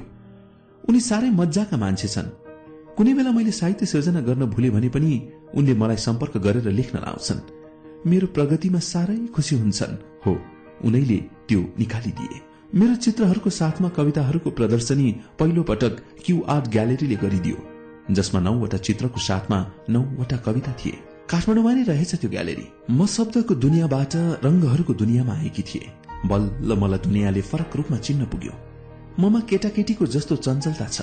मलाई जुनसुकै कुरा पनि सिक्न जान्न खुब चाख लाग्छ। स्रष्टाहरू आफैमा गम्भीर हुन्छन् रे। तर ममा त्यस्तो गम्भीरता कहिले पनि आएन। म मान्छेहरू जोसुकैसँग खुलेर मजाक गर्छु दिल खोलेर हाँस्छु गफ गर्छु। मलाई भेट्ने कैयौं मान्छेहरूले यही खुल्लापन मन पराएका होलान्। कैयौंले त मनमा नै गाली पनि गरेका होलान्। क्यू आर्ट ग्यालेरीका मान्छेहरूलाई पनि मलाई पहिलो पटक भेट्दा पनि नयाँ जस्तो लागेन रे। उनीहरूलाई त पुरानो मित्रसँग भेटेर मजाक गरे जस्तो लागे रे। हुन पनि म जहाँ जान्छु त्यहाँका मान्छेहरूसँग छिट्टै घुलमिल हुन्छ। मलाई नयाँ परिवेशमा घुलमिल हुन धेरै बेर लाग्दैन र नै त म जस्तै छु कहिले अरू जस्तो हुन सक्दिन रंग कुची क्यानभसको दुनियाँमा पनि म जस्तै बनेर रमाउन चाहे। त्यस दुनियाँमा पनि फुल्न चाहे। सायद नरेन्द्र दाईले जबरजस्ती कुची रंग क्यानभस नथमाइदिएको भए म दुनियाँमा आउँदिन थियो होला। अहिले मलाई रंगहरूसँग खेल्न मजा लाग्छ। आफू रंगहरूमा पोखिँदा झन आनन्द लाग्छ। अब म शब्दले मात्र होइन रंगहरूले पनि निहाल्छु संसारलाई। म अन्धविश्वासको विरुद्धमा बोले अत्याचारको विरुद्धमा बोले विकृति र विसंगतिको विरुद्धमा बोले। मेरा शब्दहरू आफैमा लाचार र निरह थिएनन् आफैमा बम बारूद पनि थिए। ज्यादा अत्याचार र अन्याय भएपछि ती आफै पड्किन्थे। हो निरीह नामर्दहरू त्यसदेखि डराएर भागे। हो मलाई सघाएको बाहना गर्नेहरू र त्यसको नाटक गर्नेहरू स्वत पर पर हुँदै गए। मेरो हात समातेको स्वाङ रच्नेहरूले पनि छोड्दै थिए। म आफैमा स्वतन्त्र र फुक्का हुँदै थिए। म लेखक जिन्दगीमा पनि विभिन्न तरिकाले शोषित भए पीड़ित भए। आखिर जिन्दगीले त्यसको पनि अनुभूति गर्यो। मान्छेका अनुहारलाई राम्रो देखेर पनि नहुँदो रहेछ। तिनीहरूभित्र घिनलाग्दो व्यवहार लुकेको हुँदो रहेछ भन्ने कुरो पनि मलाई यही जिन्दगीले सिकायो। समयको उतार चढ़ाव बीच पनि मेरो मानस गर्भबाट एकपछि अर्को सन्तान जन्मने क्रम रोकिएन। मेरो नजिक हुन चाहना गर्ने साथीहरू पनि अब त टाढा हुन थालिसकेका थिए किनभने उनीहरू सन्तानका बामा भइसकेका थिए वा हुनेवाला थिए। उनीहरू पारिवारिक बन्धनमा बाँधिएका थिए। उनीहरू कर्तव्य र जिम्मेवारीमा बाँधिएका थिए। मलाई पहिलाको जस्तो भेट्न सरल र सहज थिएन। त्यसमाथि बरु उनीहरू मसँग भेट्नै छोडेका थिए। कारण के रहेछ भने मलाई भेट्दा उनीहरूका सन्तान म जस्तै अशक्त हुन्छन् भन्ने डरले नआएका रहेछन्। ए बाबा मेरो सरुवा रोग त होइन। म कहाँ आउनै डराउनु पर्ने किन? हेर यी शिक्षित भनिएको गए गुज्रेको मानसिकतालाई धिक्कार छ। यस्ता मान्छेहरूसँग भेट्नु छैन मलाई। किनभने जिन्दगी यिनीहरूले घृणा गर्ने भाँडो थिएन। मेरो पनि जिन्दगी अनमोल थियो। मेरो घर मास्तिर एकजना बहिनीलाई उनको परिवारले अध्यारो एउटा कोठामा थुनेर राखेको छ। उनी अशक्त छिन्। बाहिर निकाल्दा लाज हुन्छ रे। उनले न्यानो घाम ताप्न पाउँदिनन् र बाहिरको शीतल हावा लिन पाउँदिनन्। जिन्दगी त्यहाँ पनि छ। तर कति भेद सबल र निर्बलको जिन्दगीमा उनलाई खान दिनु पनि परिवारले ठूलो कुरो दिए भन्ने ठान्छ अशक्त हुँदैमा उसले न्यानो घाम नपाउने स्वच्छ हावा नपाउने अरू त परै कुरो भयो। उनका डिग्री पढेका दाजु छन् शिक्षित भाउजू छिन्। उनीहरूले मान्छेलाई मान्छेको व्यवहार गर्न जान्दैनन् भने शिक्षाको के अर्थ? शिक्षित हुनुको अर्थ कुनै विश्वविद्यालयबाट सर्टिफिकेट मात्र बटुल्नु होइन। आफ्नो जिन्दगीका हरेक पक्षहरूलाई ठिकसँग सञ्चालन गर्न सक्नु पनि हो। अनि शिक्षित हुनुको अर्थ हरेक अचेतनाबाट चेतनातिर अगाडि बढ्नु पनि हो। मान्छेलाई मान्छेको व्यवहार गर्न जान्नु पनि हो। तर संसारमा यस्ता शिक्षित सभ्य मान्छेहरू पनि छन्। जसका सर्टिफिकेटहरू आका पुछेर फालिदिए हुन्छ जसलाई शिक्षाको मूल्य थाहा छैन सभ्य हुनुको अर्थ थाहा छैन। यसो भन्दैमा ती शिक्षित सभ्य मान्छेहरूलाई पेश नपरोस् जसले संसारलाई अँध्यारोबाट उज्यालोतर्फ दोहोऱ्याइरहेका छन् जसले संसारको अज्ञान अचेतनाको कालो तुवालोबाट कैयौं मान्छेहरूलाई ज्ञान र चेतनाको ज्योति दिएर मुक्ति दिलाएका छन्। तिनको चरणमा झुक्छ श्रद्धाले यो मन तर ती योग्यताका सर्टिफिकेटहरूले भरिभराउ छन्। पुरिएका छन् तिनको ज्ञान र क्षमताको समाज। संसारले अलिकति पनि उपभोग गर्न सक्दैनन् भने त्यसको के काम? मानव जीवनले त्यसको अनुभूति गर्न पाउँदैन भने त्यसको के सार? मान्छे जतिसुकै पढोस् लेखोस् या शिक्षित र सभ्य होस् उसको दिमागभित्र थोत्रो विचारको मैल छ भने उसले सही रूपमा सोच्न सक्दैन उसले ठिकसँग काम गर्न सक्दैन। संसारले देखेको शिक्षित र सभ्य मान्छेलाई मैले एकदमै अशिक्षित र असभ्य देखे। यसो भन्दा मलाई संसारले पागल केटी या त एक नम्बर कि घमण्डी केटी भन्ला। त्यो पनि ठिक छ।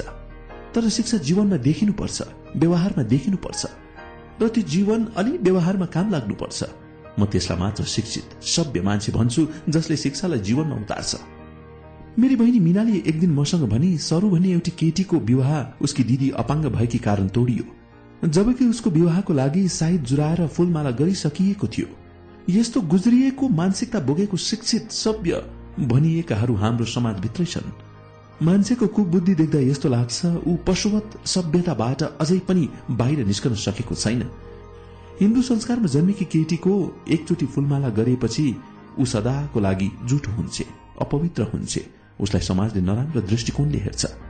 त्यसमाथि विवाह तोडिदिएको स्थितिमा झन् कस्तो होला?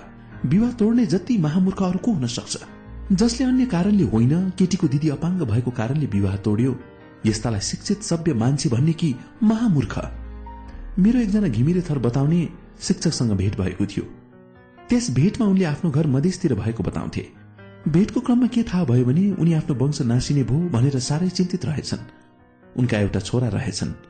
ती सुस्त मानसिकताका रहेछन्। तिनको विवाह गरिदिएछन् बुहारी हिँडिछिन्। मसँगको भेटमा भन्थे सम्पत्ति घरमा टन्न छ। यस आराम भोग जति गरे पनि हुन्छ। खाना लाउन दुःख छैन। मैले सोचे हेर मान्छेको बुद्धि।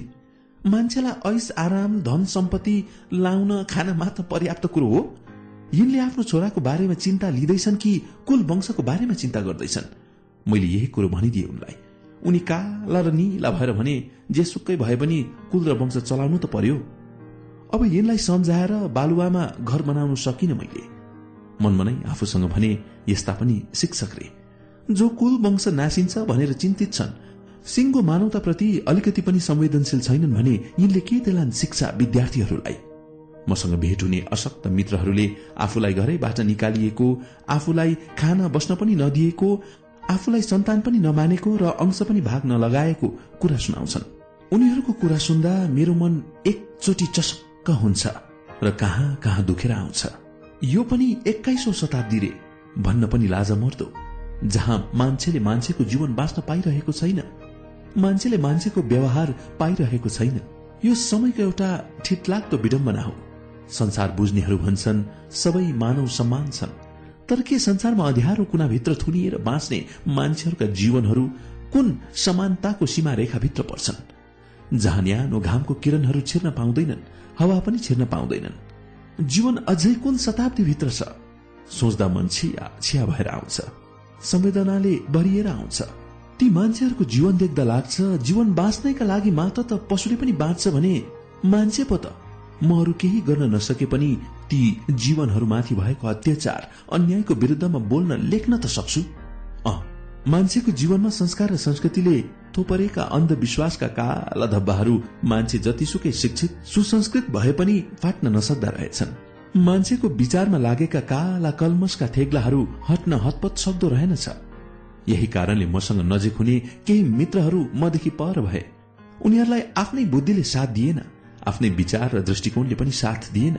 दिवस पनि कसरी?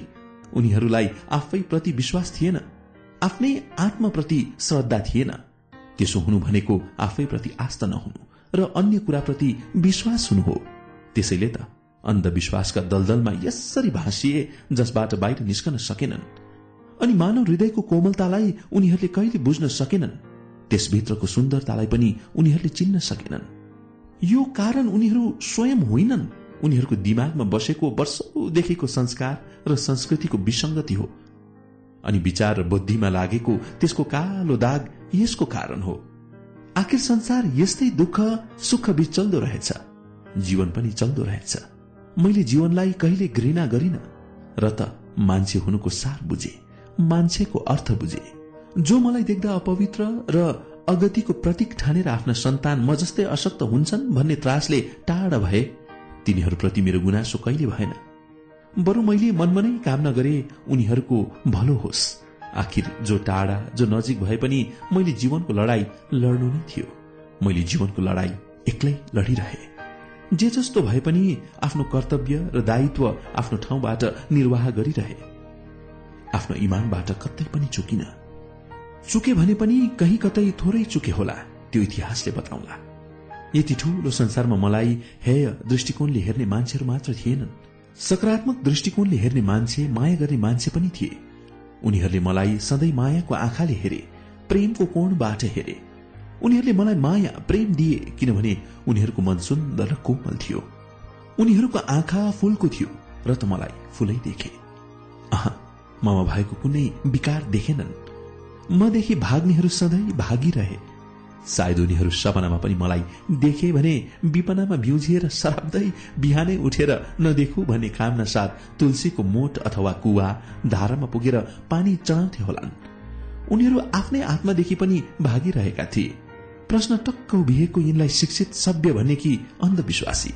यिनको दिमागमा बसेको अन्धविश्वासको काती कहिले हट्ने होला? त्यो अन्धविश्वासको कालो बादल फाटे कति जाति हुन्थ्यो। त्यो समयको चारैतिर हत्या बलात्कार आतंकबाट जर्जर बनेको थियो देश। सेनाहरू भन्थे युद्ध हामीले जित्यौ। विद्रोहीहरू भन्थे युद्ध हामीले जित्यौ।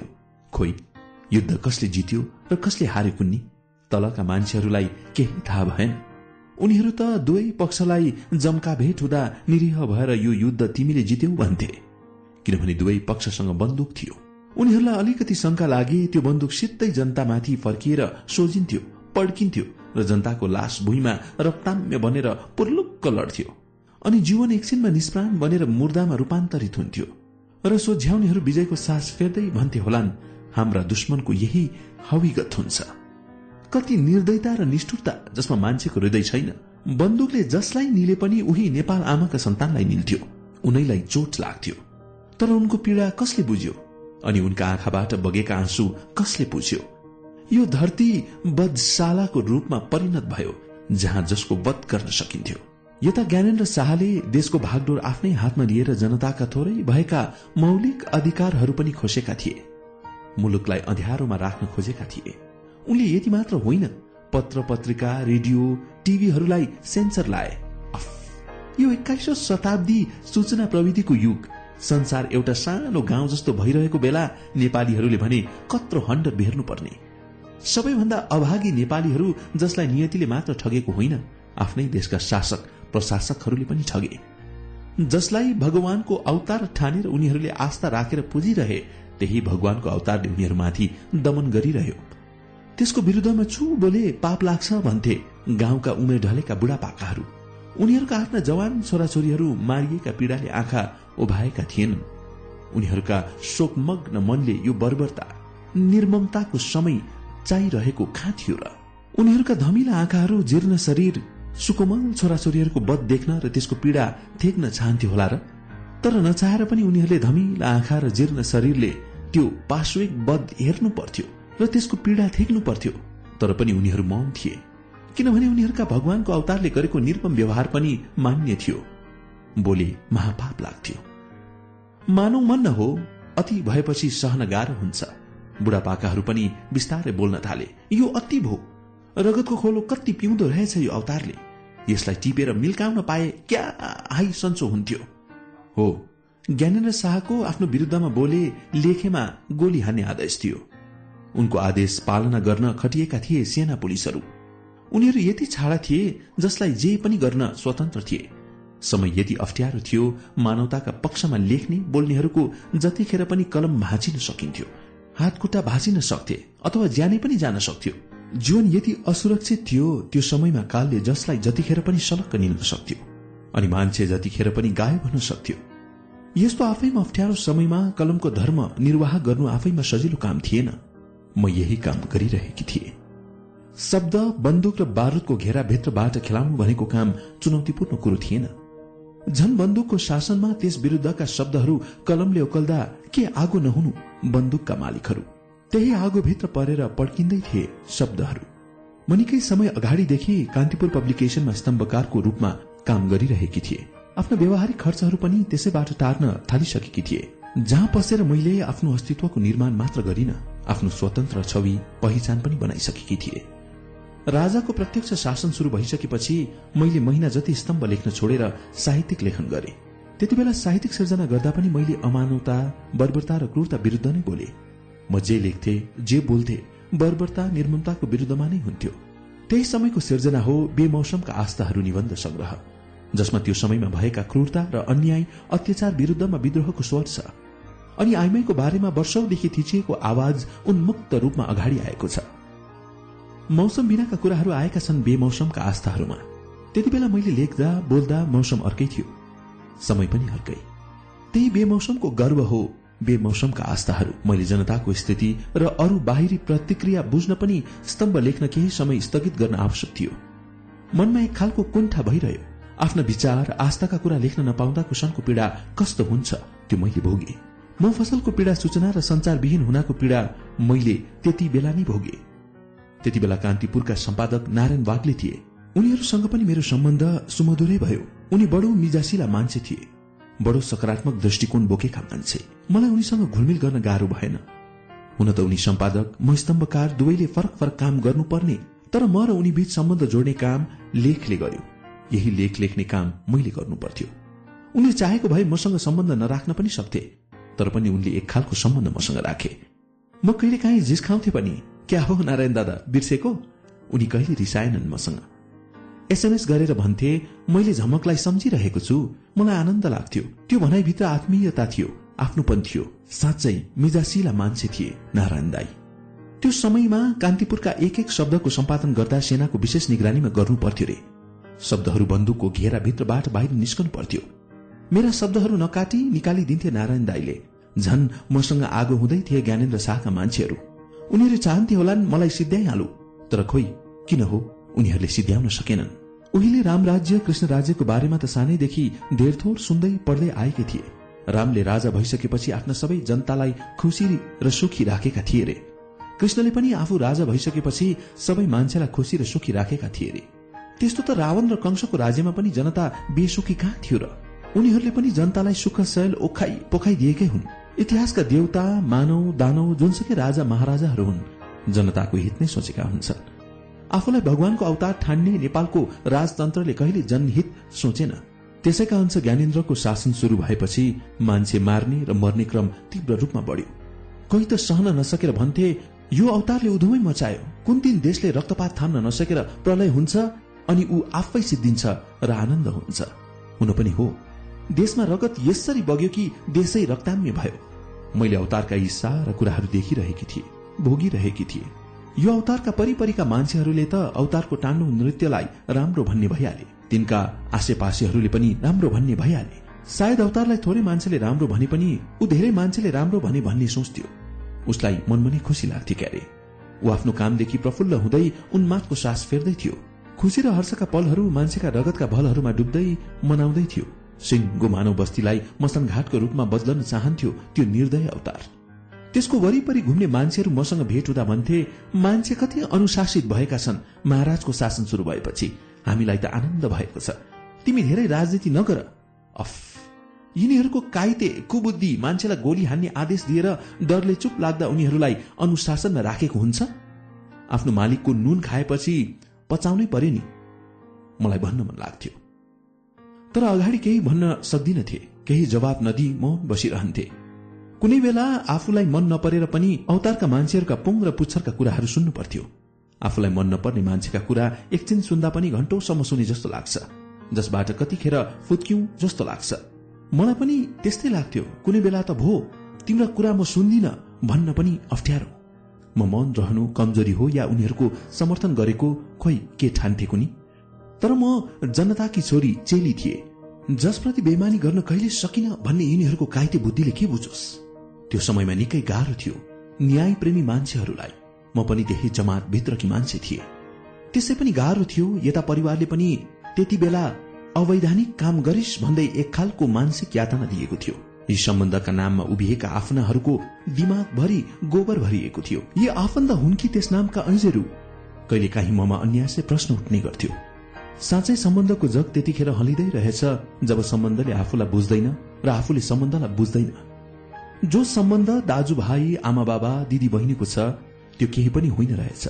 आफूलाई त्यो सम्बन्धले बुझ्दैन भने मलाई पनि यो सम्बन्धले पूर्ण रूपमा न त हिजो बुझ्यो न त आज बुझ्यो न त भोलि बुझ्नेछ।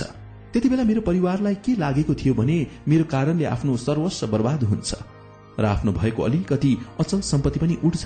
मैले केही अवैधानिक काम गरिरहेकी छैन। तिमीहरूको सम्पत्ति केही हुँदैन।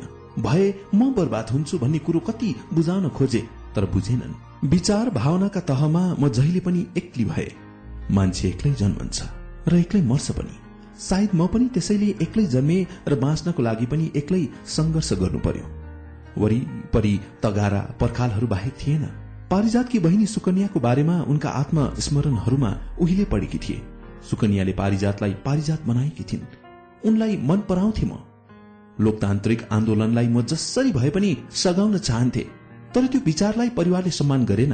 अफ के गर्ने होला भनेर म विलक बन्दमा परेकी थिए। म एक किसिमले पागल जस्ती भएकी थिए। त्यो समयमा मैले लेखेका लेख रचनाहरू बन्द बुद्धि भएका मान्छेहरूका आँखा छलेर लोकतान्त्रिक आन्दोलनका पक्ष घर पत्र पत्रिकाहरूसम्म पुर्याउने काम गरी बहिनी मिनाले। यसरी म लोकतान्त्रिक आन्दोलनमा अप्रत्यक्ष रूपमा सहभागी भए। सबै मान्छे सड़कमा निस्कन पनि सक्दैनन्। म यही मान्छे हो। जसले कलम अक्षर शब्दहरू मार्फत त्यसमा सामेल हुन सक्यो। शरीरले सामेल हुन पाएन।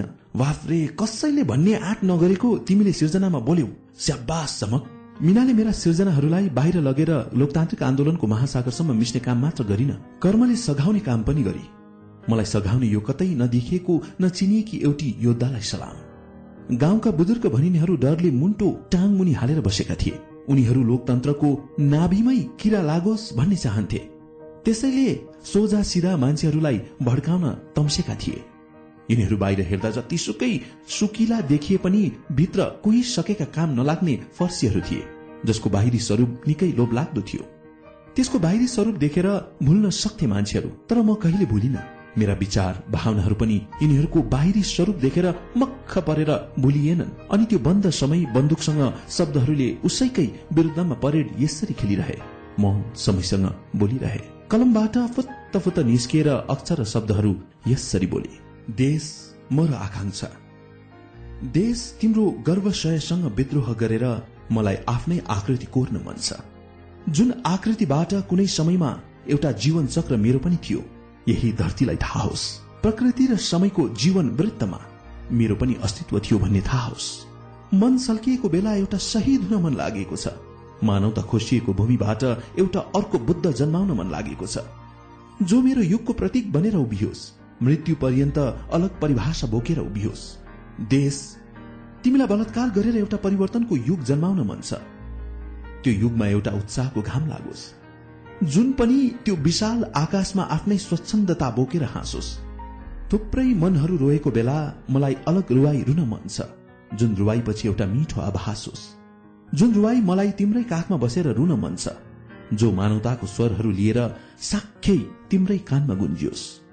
देश तिम्रो कोक प्रसव वेदनाले थलिएको बेला तिम्रो आँखाबाट त्यसको बाढी ओर्लिएको बेला मलाई एउटा सत्य कुरा खोल्न मन छ। थुप्रै असत्यबाट एउटा सत्य उकल्न मन छ। तिम्रो कोक अझै उजाड बनेको छैन। तिम्रो मातृत्वमा कुनै खोट छैन।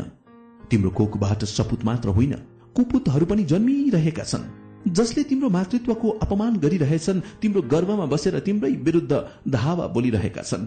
यति बेला मलाई प्रश्न गर्न मन लाग्छ तिम्रो सन्तान कुन हुन्? के मेरा आँखाले परिवर्तनको सपना देख्नु पाप हो? मनले सुन्दर जगतको कल्पना गर्नु अपराध हो? ए आमा तिम्रा ओठहरू किन मौन? तिम्रो मन किन स्तब्ध? हो आमा तिमीलाई यो प्रश्न छ। यो गल्ती हो भने फुटाइदेऊ मेरा आँखा यो पाप हो भने तोडिदेऊ कल्पना। देश तिम्रो आत्मा मृत युगसँगै पोलिएको बेला म समयको कसम खाएर भन्छु तिम्रो कोखबाट एउटा नयाँ बुद्ध जन्मनु पर्छ देश तिम्रो कोखबाट। मलाई एउटा बुद्ध जन्माउनु मन लागेको छ। देश तिम्रो करणी गरेर मलाई नवयुग जन्माउन मन लागेको छ। साभार झमक घिमिरेका कविताहरू विक्रमसम्म दुई हजार पैसठीबाट। उज्यालो। सोतिरहेको समयसँग निशब्द मनले प्रश्न गर्यो धरती कहिले जन्मिन्छ सन्तान? धरती मौन स्तब्ध बनेर आगतलाई हेरिरह्यो। कुना कुनाबाट उज्यालो पुग्यो समयले नयाँ आभास दियो। धरतीले सन्तान जन्माइन्। लामो प्रसव पीडाबाट उसले मुक्ति पाई। उसको कोख भरियो। सभार झमक घिमिरेका कविताहरू विक्रम सम्वत दुई हजार पैसठीबाट। त्यो समयमा पनि सधैँ शान्त देखिने धनकुटा आफैमा पीड़ा लुकाएका मान्छेहरूका अनुहारका रेखाहरू पढ्दा थाहा पाउन अप्ठ्यारो थिएन। उनीहरू भित्र भित्रै कति पीड़ित छन् कति दमित छन्। सायद धनकुटा त्यही पीड़ासँगै जल्दै रह्यो। त्यहाँ कति मान्छेहरूले धनकुटाकै नाम बदनाम गरे मानव संहार मचाए अनि कलंकित गरे। बस मलाई यही नाम धनकुटा आत्मीय लाग्छ। जहाँ म हुर्के बढे जहाँको धुलो माटो पानी आदिले आफ्नो जीवनका पखेटाहरू हाल्न शुरू गरे त्यही धरती मलाई प्रिय लाग्यो आत्मीय लाग्यो। तर एउटै भूगोलको सानो ठाउँ प्रेमी भने कदापि हुन सक्दिन किनभने म मान्छे हुँ। जुन धरती पाइतालाले स्पर्श गर्छ त्यही आफ्नो लाग्छ। जहाँ पुग्छु आफ्नो घर भन्ने आभास हुन्छ म त्यही रमाउँछु। धनकुटामा जहाँ म जन्मे हुर्के बढे त्यहाँ मेरो आफ्नो घर छैन। बाबा आमाको रगत पसिनामा बनेको सानो छाप्रामा बास छ त्यो छाप्रोको सानो कोठाबाट मेरो दिनचर्या शुरू हुन्छ। प्रत्येक दिन उठेदेखि संघर्ष गर्दा गर्दै सकिन्छ। कहिलेकाहीँ कल्पना गर्ने गर्छु आफ्नो रगत पसिनाले बनेको आफ्नै घरमा बस्न पाए कति आनन्द हुन्थ्यो होला। त्यो कल्पनामै भए पनि म एकछिन त खुसी हुन्छु। म कसैलाई बोझ हुन चाहन्न? हो धनकुटा जन्मस्थल भए पनि आफ्नो भन्ने एक टुक्रा जमिन छैन। नहुँदैमा बेकारमा बेसुखी चाहिँ छैन। जीवनले जहाँ डोर्याउँछ त्यही मेरो धरती। म जहाँ बस्छु त्यही मेरो हो। संसारमा खुल्ला आकाशमुनि र धरतीमाथि जीवन बिताउनेहरू त छन्। तिनको भन्दा जीवन बाँच्न सहज त छ। अ धनकुटा मेरो जन्मभूमि जो धनकुटाको विकास नचाहनेहरूले यसलाई उजाड पारे। आखिर माथि पुग्नेहरूले जे गरे पनि हुँदो रहेछ। गाउँका बुढापाकाहरू गुनासो गर्छन्। नानी यो ठाउँलाई माथि पुग्नेहरूले बिगारे। सायद त्यही पीड़ाले पनि जल्यो धनकुटा। उहिले छिन्ताङ काण्ड पनि यही मचाएछन्। त्यति बेला उठेका न्यायका स्वरहरूलाई यही दबाएछन्। मैले धनकुटालाई जब बुझ्न थाले तब यहाँका भिर पाखा वन जंगल खोला नाला झारपातहरूले पनि मलाई मायाले सुमसुमाए जस्तो लाग्यो यहाँको हावापानीले पनि त्यही भावले भित्र छिर्दै बाहिर निस्कँदै गरे जस्तो लाग्थ्यो। पानीले पनि म तिर्खाउँदा हर हर भएको आँतलाई तृप्त पार्दा मलाई माया गरेझै लाग्थ्यो। यहाँका जति चिजहरू थिए ती जम्मै मेरा लागि प्रिय। तर यहाँका मान्छेहरूसँग भने म थोरैसँग मात्र गोलमिल हुन सके। म अलिकति बढी अनौपचारिकतामा रमाउँछु किनभने म अलिकति आफ्नोपन आत्मीयता खोज्छु। त्यसैले मान्छेहरूसँग त्यति घुलमिल हुन सकिन। तर जतिसँग घुलमिल हुन सके त्यो नै पर्याप्त छ। मान्छे थोरै मान्छेसँग मात्र खुल्न सक्छ। कहिलेकाहीँ साथीहरूले मसँग भेट हुँदा भन्ने गर्थे तिमी त कति ढुक्क मान्छे। हामीलाई पनि बिर्सिदिने कुन दिन घनकुटालाई पनि नसम्झने बेर छैन। उनीहरूलाई भनिदिन्थे म भूगोललाई मात्र आफ्नो ठाउँ हो भन्ने मान्छे परिन। जुनसुकै भूगोलमा रहु मलाई त्यो ठाउँले आत्मीयताको व्यवहार गरेन भने त्यो भूगोललाई आफ्नो भन्न सक्दिन। आफ्नो ठाउँ कुनै भूगोलको सीमालाई भन्दिन। उनीहरू यसो भनिदिएपछि चुप्प लाग्थे र मेरो मुखमा हेरेर टोलाइरहन्थे। सायद सोच्थे होलान् यो कति मूर्ख केटी। जे होस् धनकुटा अझै पनि शान्त थियो। गाउँ गाउँबाट मान्छेहरू सदरमुकाम छेउछाउ आपसका क्षेत्रहरूमा बसाई सर्ने क्रम तीव्र रूपमा बढ़िरहेको थियो। मान्छे बाँच्नको लागि आफ्नो भय भरको सम्पत्ति छोडेर हिँड्न मन्जुर हुँदो रहेछ। आन्तरिक द्वन्दले पीड़ित मान्छेको पीड़ा पनि यही थियो। बन्दुक बारूदका आवाजहरू टाढा टाढा सुनिँदै थिए।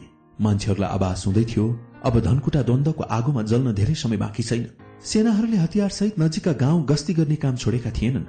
उनीहरूले पनि बिना सिति निर्दोष मान्छेहरूलाई सताउँथे। त्यो देख्दा चाहिँ छि सेना र पुलिसको जात त भन्ने लाग्थ्यो तर उनीहरूको निधारभरि पसिनाका धारा बगेको देख्दा लाग्थ्यो विचाराहरू कति विवश छन्। माथिकाले अराएको मान्नै पर्यो।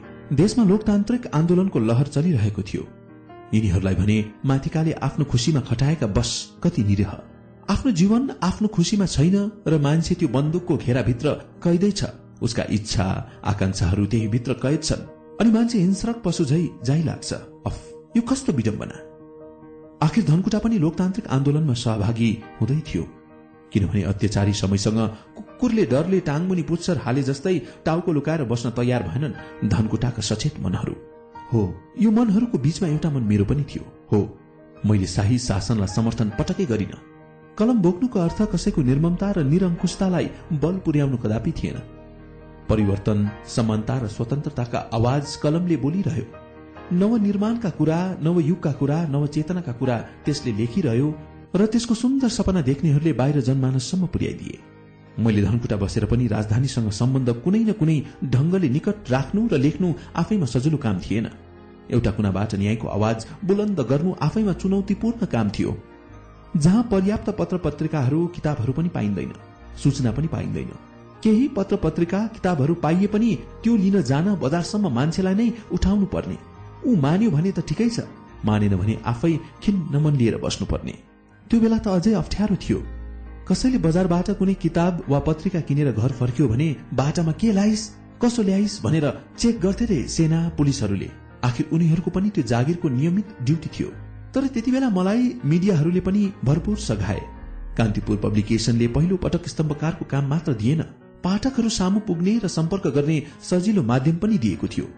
उसबाट मैले धनकुटाको एउटा अँध्यारो कुनामा बसेर लेखेका लोकतान्त्रिक विचारहरू जनमानसमा छरिदिएर स्थापित गराउने काम पनि गरिदियो। त्यसबेला प्रेसको भूमिका लोकतान्त्रिक आन्दोलनमा महत्वपूर्ण रह्यो। त्यससँगै जोडिएर धेरै सर्जक कलमजीवीहरूले स्वतन्त्रताको लड़ाई लडेका थिए। म पनि त्यसै भित्रकी मान्छे। आन्दोलनमा सिर्जनाहरू मार्फत सहभागी भए।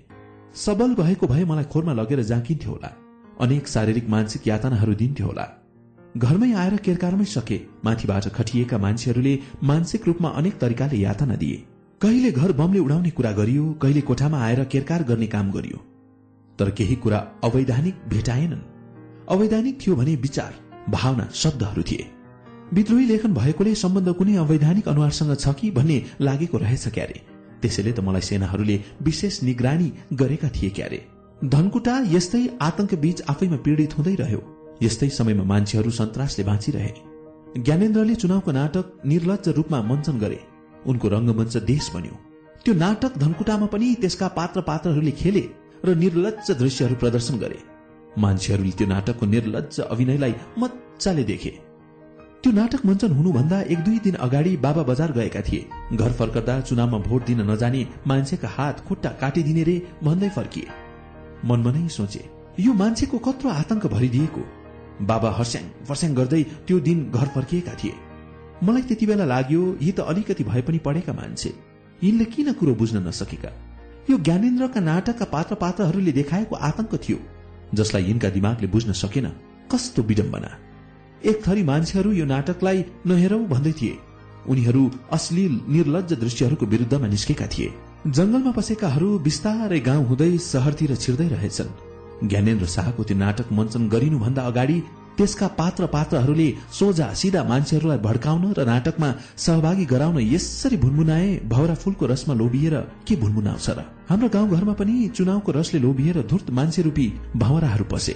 गाउँका ठुलाबडा भन्नेहरूलाई चुनावको चाड यसरी लाग्यो उनीहरू नाटकको नौटंकी हाम्रा गाउँका सोझा आइमैहरूलाई पात्रको रूपमा उभ्याएर त्यसको फाइदा आफूले उठाउन चाहन्थे। तर सोझा आइमैहरूले पनि उनीहरूको नाटक निर्देशको आदेश मान्न तयार भएनन्। आफ्नो मालिकको नाटक हेर्ने मान्छेहरू कसैले मन नपराएपछि हाम्रा गाउँका बुजुर्गहरूको चाड बिग्रिएको थियो। नाटकका पात्र पात्रहरू आफ्ना दुई चार धुपौराहरू सहित गाउँका निमुखा मान्छेहरूलाई जिस्काउन हाम्रो गाउँ छिरेका थिए। यिनको दुस्साहस देख्दा लाग्थ्यो यिनलाई ठूलै फल मिल्नु पर्ने हो। अघिल्लो रात अन्यायस धनकुटामा बम र गोलीका आवाजहरू सुनिए। मान्छे चिचाएको आवाज सुनियो। रातको मस्त निन्द्रामा थिए मान्छेहरू। त्यो आवाजले मान्छेको निन्द्रा मात्र होइन सातो पुत्लो लियो। त्यो अँध्यारो रातको सन्नाटा भित्र मान्छे भयभीत हुँदै त्यो रात बिताए। त्यो रातलाई मैले कहिले पनि बिर्सन सकेकी छैन। गोलीका आवाज यति नजिक आएर ठोकिन्थे घरका भित्ता र रुखका झ्याङहरूमा ठोकिए जस्तो। घरका भित्ताहरू छोडेर भित्र पस्ला भन्ने मनमा त्रास र जगजगी। यो युद्धको आगो सल्काउनेहरू खुसीले मक्ख थिए होलान्। मुनिका मान्छेहरूलाई कत्रो त्रास। यो आगोलाई निभाउन चाहेको भए त्यो नाटकको तयारी नगरी जनताको सुरक्षा गरिन्थ्यो। भोलिपल्ट बिहानै फोनको घन्टी बज्यो। उठाएर बोल्दा त उताबाट आउँछ तिमीहरू जिउँदैछौ धनकुटा त गए राति ध्वस्त भए रे। धनकुटा ध्वस्त? अरे के सुन्नु पर्यो? म छाँगाबाट खसे जस्ती भए। मान्छेहरूमा खैला बैला मच्यो। बिजुली अफिस छैन रे ब्याङ्क छैन रे कारागार छैन रे सबै थोक ध्वस्त। बस द्वन्दको आगोभित्र धनकुटा पनि जल्यो। त्यति बेला केही साथीहरू खोरभित्रै रहेछन्। विचाराहरूको हंसले ठाउँ छोडेको थियो रे। त्यति बेला बाँचिन्छ भन्ने लागेको थिएन रे। धन्न बाँचेर आइयो भन्थे मसँगको भेटमा। साँच्चै धनकुटामा भोलिपल्ट नगर निर्वाचन दुई चारजना गाउँका सोझा मान्छेहरूलाई फकाएर लगेर भोट हाल्न लाइयो संचार माध्यमहरूले फुकिरहे नाटक सफल भयो। मनमा लाग्थ्यो निर्देशकको नाटक दर्शक बिना सकियो भने सफल भयो भनेर झ्याली पिट्नुको के अर्थ? मलाई लोप्पा खुवाइदिन मन लाग्थ्यो। मान्छेलाई बेखबर बनाउनेहरूप्रति जङ चलेर आउँथ्यो। रंगमञ्च बाहिर न्याय र निरङ्कुशता विरुद्ध आवाज उठाउँदा मान्छेहरू शहीद हुने क्रम भइरह्यो। साँच्चै त्यो रंगमञ्च वरिपरि मान्छेको रगत बग्दै गयो। ती निरङ्कुश भित्ताहरूलाई त्यही रगतले गलाउँदै गयो। त्यही भएर होला अत्याचार गरेपछि मान्छेले सहन सक्दैन भनेको ठिक्कै यहीँनिर लागू भयो। धनकुटा बम बारूदले उडाइएपछि मान्छेमा एक प्रकारको स्तब्धता छायो।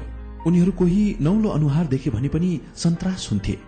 सबै थोक ध्वस्त भएपछि मान्छेहरू अँध्यारोमा बस्न बाध्य थिए। मानौ जीवन अझै सोह्रै शताब्दी भित्रै छ। मान्छेहरू लगभग डेढ महिना जति पूरा अन्ध्यारोमा बस्न बाध्य भए। बत्ती नभएपछि सूचना संचारका माध्यमहरू सबै बन्द। सूचनाको माध्यम भनेको मसँग एउटा दस ब्यान्डको चाइनिज रेडियो थियो। त्यो पनि मेरो आफ्नो भए हुन्थ्यो तर आफ्नो थिएन। साथी देवी बहादुर श्रेष्ठको थियो। उनको घर त भोजपुर तुङ्गे छ। उनी पढाइ र जीविकोपार्जनको सिलसिलामा हाम्रै घरमा बस्थे। उनी पहिला पहिला पनि म कहाँ आइरहन्थे। साह्रै मजाका मान्छे हुन्। भेटघाटको क्रममा हाम्रो बीचमा आत्मीयता बढ्यो। उनले मलाई दिदी भने मैले उनलाई प्रेमले देवी भने। मान्छे भावनाले नजिक हुँदो रहेछ विचारले नजिक हुँदो रहेछ। मेरा थोरै नजिक रहेका आत्मीय साथीहरूमा एकजना उनी पनि पर्छन्। जोसँग म धेरै खुलेकी छु दुःख सुख साटेकी छु। किनभने आफ्नै भाइलाई जस्तो पवित्र प्रेम गरेकी छु। म कहाँकी मान्छे उनी कहाँका मान्छे? न त कुनै नाता न त कुनै सम्बन्धको साइनो छ। खालि भावनात्मक सम्बन्ध छ अनि पवित्र प्रेमको नाता छ। जुन आफैमा सुन्दर छ मिठासपूर्ण छ उनले आफूले समाचार सुन्दा मलाई पनि नजिकै ल्याएर रेडियो सुनाउँथे। म कहाँ थोरै पत्र पत्रिकाहरू आउँथे र ती यसो हेर्थे तिनबाट थोरै ज्ञान लिन्थे। अनि एउटा लालटिनको मटितेलका पिलपिले उज्यालोमा कलम चलाएर जीवन धान्नु पर्ने त्यसमाथि खाममा पोको पारेर उठाउनु पर्ने त्यो कहिले पुग्छ र छापिन्छ भन्ने एउटा चिन्ता। कति त पुग्दा पुग्दै पुरानिएर धोत्रिएर जान्थ्यो र मेहनत बर्बाद भएर जान्थे। त्यो द्वन्द्वको पीड़ा थियो जो मैले भोगे। मैले मात्र होइन सबै मान्छेहरूले भोगे। बम बारूदले उडाउनेहरूलाई आफ्नो कामप्रति आत्मवर्गको अनुभूति हुँदै थियो होला। मुनिका मान्छेहरूको मनमा उठिरहेको थियो यो भौतिक संरचना भत्काएर मान्छेलाई किन यत्रो शास्ति दिएका हुन्? जे होस् धनकुटा अन्तर्मनको पीड़ाले जल्यो द्वन्द्वको आगोले जल्यो जलिरह्यो। मेरो मन पनि त्यसैसँग जलिरह्यो। खोइ अन्तर्मनभित्र कता कता त्यसको दर्द भइरह्यो। यो संयोग हो। मेरो जन्म आकाश रुने समयमा भएको रहेछ। मान्छेले पसिना बगाउनु पर्ने समयमा भएको रहेछ अनि मानो खाएर मुरी उब्जाउने समयमा भएको रहेछ। मैले आमालाई यही समयमा दुःख दिएछु। घरमा काम गर्ने बुहारी यो मौसममा सुत्केरी बनेर बस्दा पुराना सासूहरूले के राम्रो मान्थे र त्यसमाथि मेरी हजुरआमा ठकुर्नी परिन्। उनी त्यो दिन पनि दिनभरि अफिसमा काम गरेर साँझ घर फर्किएको छोरालाई दैलाबाट भित्र छिर्न नपाउँदै भनेकी थिइन् रे। कति नै राम्रो कुरो पाइ भनेर फुर्केलास मुरकुट्टी पाएर बसेकी छे। मेरी हजुरआमा त त्यो समयको प्रतिनिधि पात्र मात्र हुन्। समग्र नेपाली समाजका महिलाहरूको स्थिति कस्तो रहेछ भनेर अनुमान गर्ने जिम्मा मैले तपाईँमै छोडे। अँ म त्यो वर्षा ऋतुको रमझमका कुरा गर्दैछु। हो मैले धरतीमा खसेर पहिलो पटक आँखा खोलिकी रहेछु यो ऋतु मलाई साँच्चै मनपर्छ। जता जतै हरियाली त्यसमाथि आकाश रोएर भर्खर घाम देखिएको त्यो रमाइलो छन् आफैमा कति रमाइलो हुन्छ। जीवनको प्रारम्भ नै बर्सातको समयमा भएकोले पनि होला। त्यो आकाशले जस्तै मैले पनि जीवनका धेरै मोडहरूमा रोइरहनु पर्यो। तर त्यो आकाश रुँदा त्यसका थोपा थोपा आँसुले धरती हिमालय बनेर छपक्क भिज्थ्यो। बोट बिरुवाका जरासम्म पुगेर चिसोपन दिन्थ्यो र मौलाएर आउँथे बोट बिरुवाहरू। धरती हरा भरा बनेर आउँथ्यो। ठिक्क त्यसको विपरीत मेरो मन साह्रै दुखेपछि म रुन्थे र आँखाबाट आँसुको रूपमा दर्द पीड़ा बाहिर निस्केर जान्थ्यो। त्यसपछि मन हलुक्का हुन्थ्यो। साँच्चै। म पीड़ा भोग्नकै लागि त्यससँग संघर्ष गर्नकै लागि जन्मेकी रहेछु क्यारे मेरो जिन्दगीले पीड़ा बाहेक केही भोग्न पाएन। आँसुको दलदलको अनुभूति गर्न बाहेक केही पाएन। त्यसैले त मलाई पीड़ा पनि अति मनपर्छ। सायद मैले जिन्दगीमा धेरै पटक रुनु परेकोले होला मलाई आँसु पनि मनपर्छ। कसैले नदेखुन् आँसुको आहालमा डुब्दाको छन् रमाइलो हुन्छ। विज्ञानले पनि भन्छ मान्छेलाई रुन पनि आवश्यक छ। मैले हत्तपत्त रुन कहिल्यै जानिन। बालकमा मलाई सन्तोकी छे भन्थे। मान्छेहरू कति मजाले खेलिरहन्छ भन्थे। जब मलाई असहाय पीड़ा हुन्थ्यो तब चिच्चाएर रुन्थे। हो रोएपछि मनलाई आनन्द हुन्थ्यो। शीतलताको आभास हुन्थ्यो। नरुनु रोएपछि बेसरी रुनुपर्छ आँसुसँगै सारा पीड़ा बगोस्। त्यसपछि मन फूल जस्तै उन्मुक्त बनेर हाँसोस्। ओठमा बिलाएको हाँसो पुनः फर्किएर आओस्। नओभ्याएका आँखाहरू आँसुको दहमा चुर्लुममा डुबेपछि ओभाओस्। म जिन्दगीमा धेरै रोए पनि हाँसेपछि मजाले दिल खोलेर हाँस्ने रोमान्स पनि त्यसैसँग भोगे। आँसुसँगै मनका कुविचार कुभावनाहरू जम्मै बगेर गए। अप्ठ्यारो समय चारैतिर पर्खालै पर्खाल उभिएको बेला म त्यसको विरुद्धमा उभिएकी मलाई आफन्तले कोहीले साथ नदिए पनि आफ्नो आत्माले दियो विचार र विवेकले दियो। विश्वासले दियो त्यही बन्द समय स्वतन्त्रता समानताको हक खोसिएको समय मान्छेको बोल्न लेख्न पाउने हक धरी खोसिएको समयमा त्यो समयका आत्ताई ऐजेरूले मलाई चालै नपाई जेल र सिद्ध्याउन खोजेका रहेछन्। योजना के बनाइएको रहेछ भने मैले दुई हजार सन्ताउन्न सालमै राजा वीरेन्द्र जीवितै हुँदा पाएको प्रबल गोर्खा दक्षिण बाहु चाउथो नामक पद मलाई अझै दिएको थिएन। मैले त्यसको खोजी खबर केही गरेकी थिइनँ। मलाई वास्ता पनि थिएन।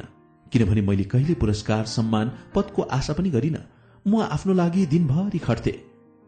त्यसबाट थोरै पैसा कमाउँथे र बाँच्थे।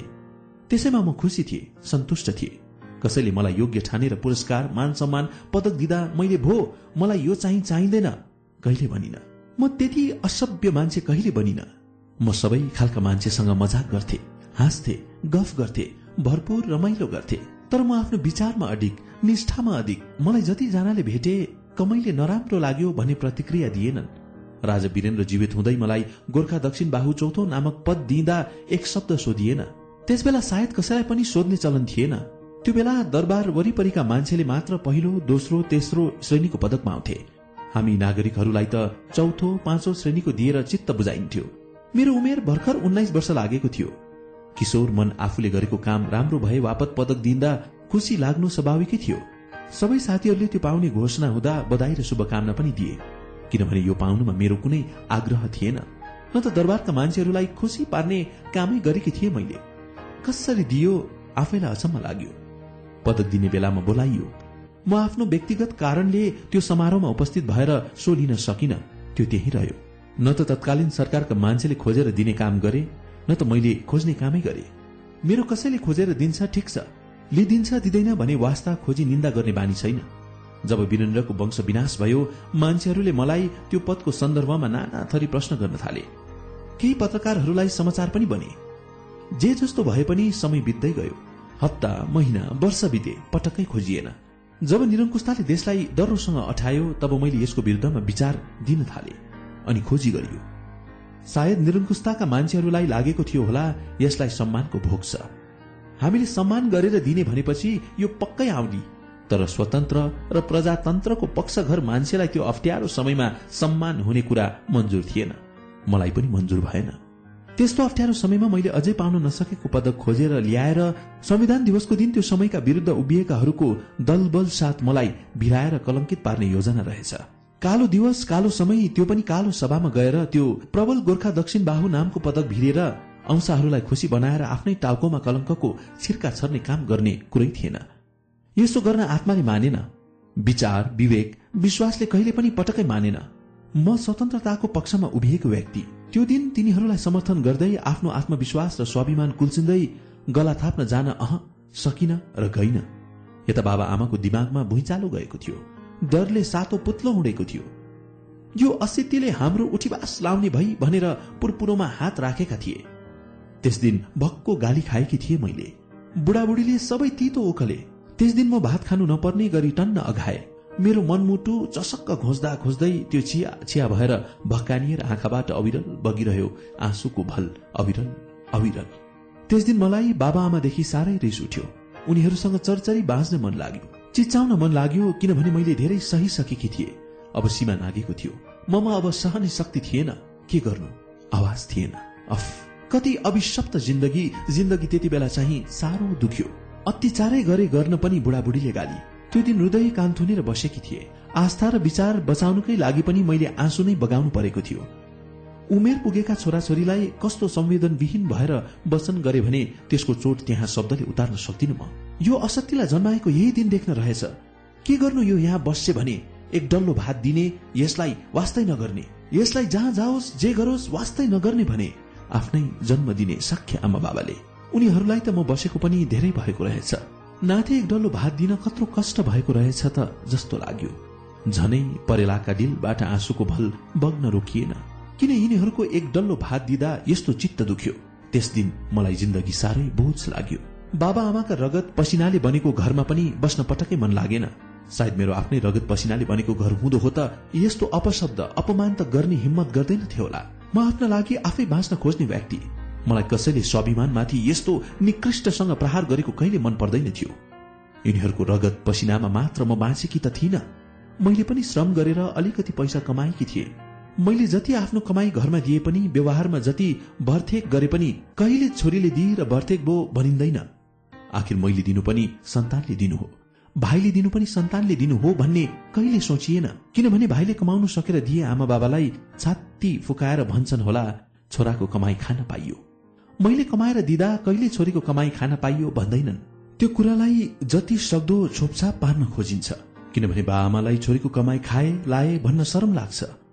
त्यसको लाज र छोपले शरीर निहुरिन्छ किनभने श्रम र कमाईमा पनि लिङ हेरिन्छ। कुनै घरमा पनि छोराले कमाएर केही ल्याउनु पनि स्वाभाविक ठानिन्छ। छोरीले त्यही कमाएर ल्याउनु सामान्य ठानिँदैन।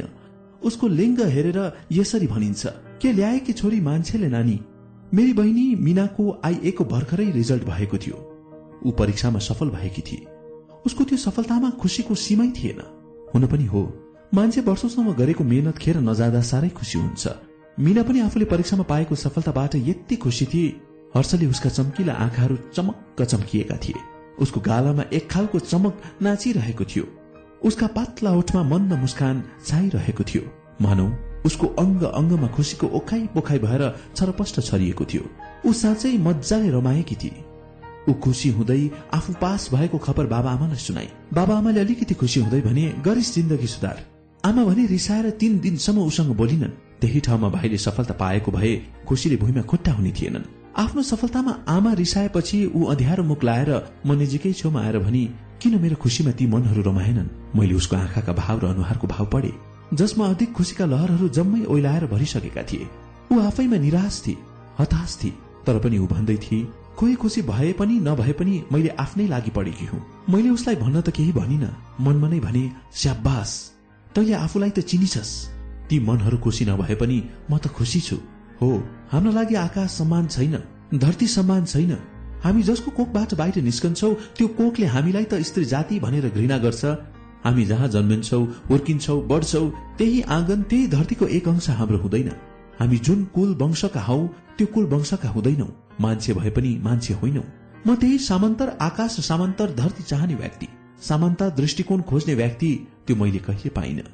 मसँग आफ्नै आस्था थियो दृष्टिकोण हेराइ पनि आफ्नै। बुझाइ र सोचाइ पनि आफ्नै। म बाँच्न पनि आफ्नै तरिकाले बाँच्न चाहने मान्छे।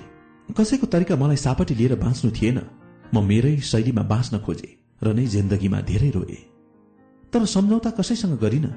मैले जिन्दगीमा धेरै चिज गुमाए। ती गुमाएका चिजहरू सायद मेरो लागि बनेकै थिएनन्। त्यसमा कोमलपन र नरमपन पनि गुमाए र आफैमा चट्टान बने। मान्छेले पल पल पीडा भोगेपछि त्यो पीडा पनि मिठो लाग्दो रहेछ। मलाई पनि दुख्न मिठो लाग्छ।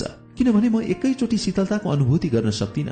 कुनै बेला केही कुराले जिन्दगीलाई घोच्नु पर्छ त्यसले दुखेर मान्छेलाई आराम भएपछि मात्र उसले शीतलताको अनुभूति गर्न सक्छ। कष्टपछि मात्र मान्छेले आनन्दको अनुभूति गर्न सक्छ।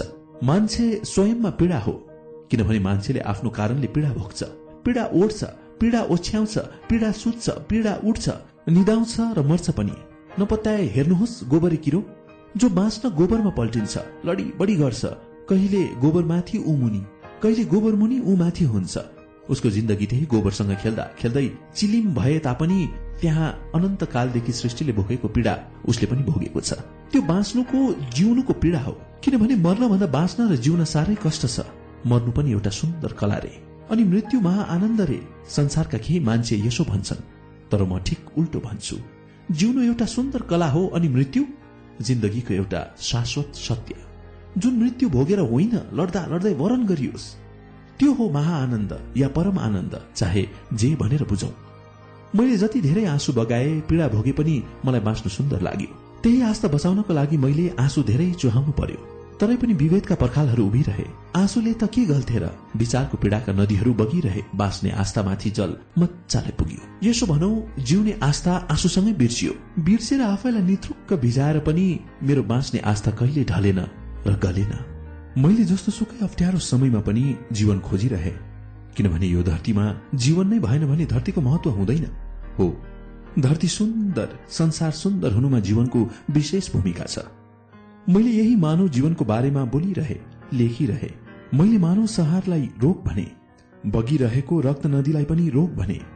बदलामा मलाई मानव चिहान खन्नेहरूले तलाई पनि यही चिहानमा पुर्छु भने रत्न नदीले पनि बगाउँछु भने।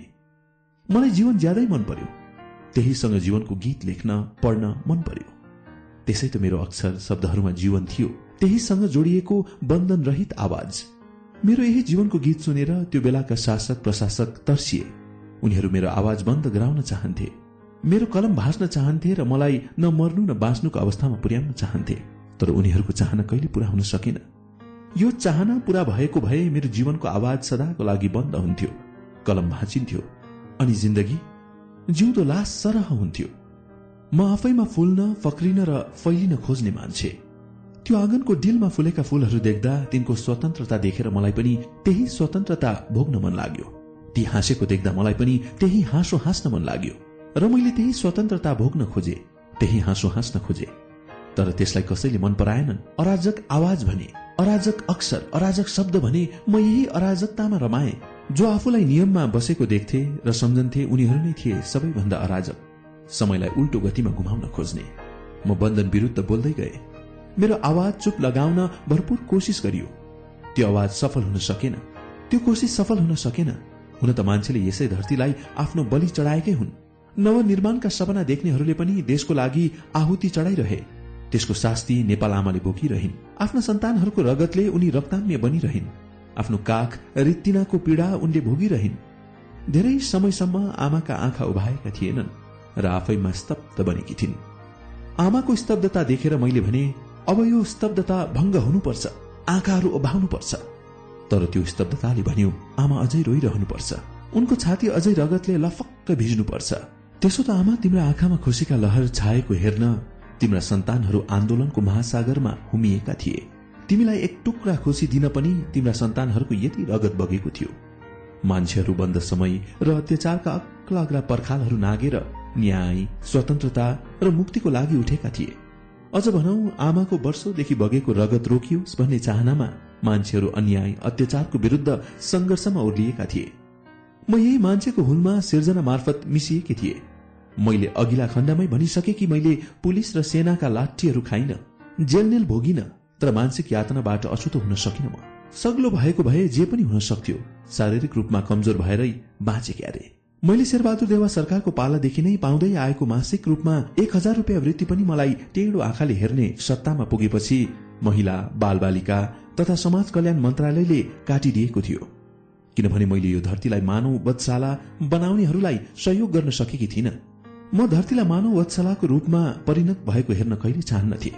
बरु भनिरहे यो मानव वधशाला रोकिनुपर्छ। यो वधशालाको नाइके मलाई स्वात्तै निल्न चाहन्थ्यो। या त उसको निर्मम क्रूरतालाई छोपछाप पारेर सस्तो स्तुति र प्रसंगमा मैले जिन्दगी बिताइदिए।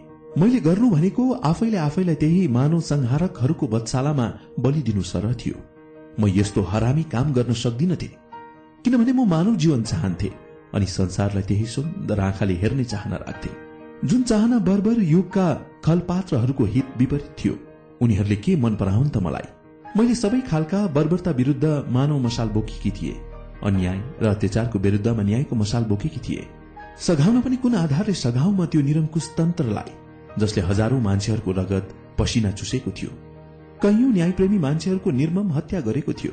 त्यो क्रूर र निर्दयी कार्यलाई म कसरी समर्थन गरू? मैले त्यसलाई सघाउन सकिन। त्यही ठाउँमा उभिएको मानववध गर्ने वत्सालाभित्रको मानव मनमुटु अहिले निकालिएको जल्लादलाई आँखा चिम्लिएर समर्थन गरिन। अक्षरहरूको लौरो टेकेर उभिरहे भनिरहे।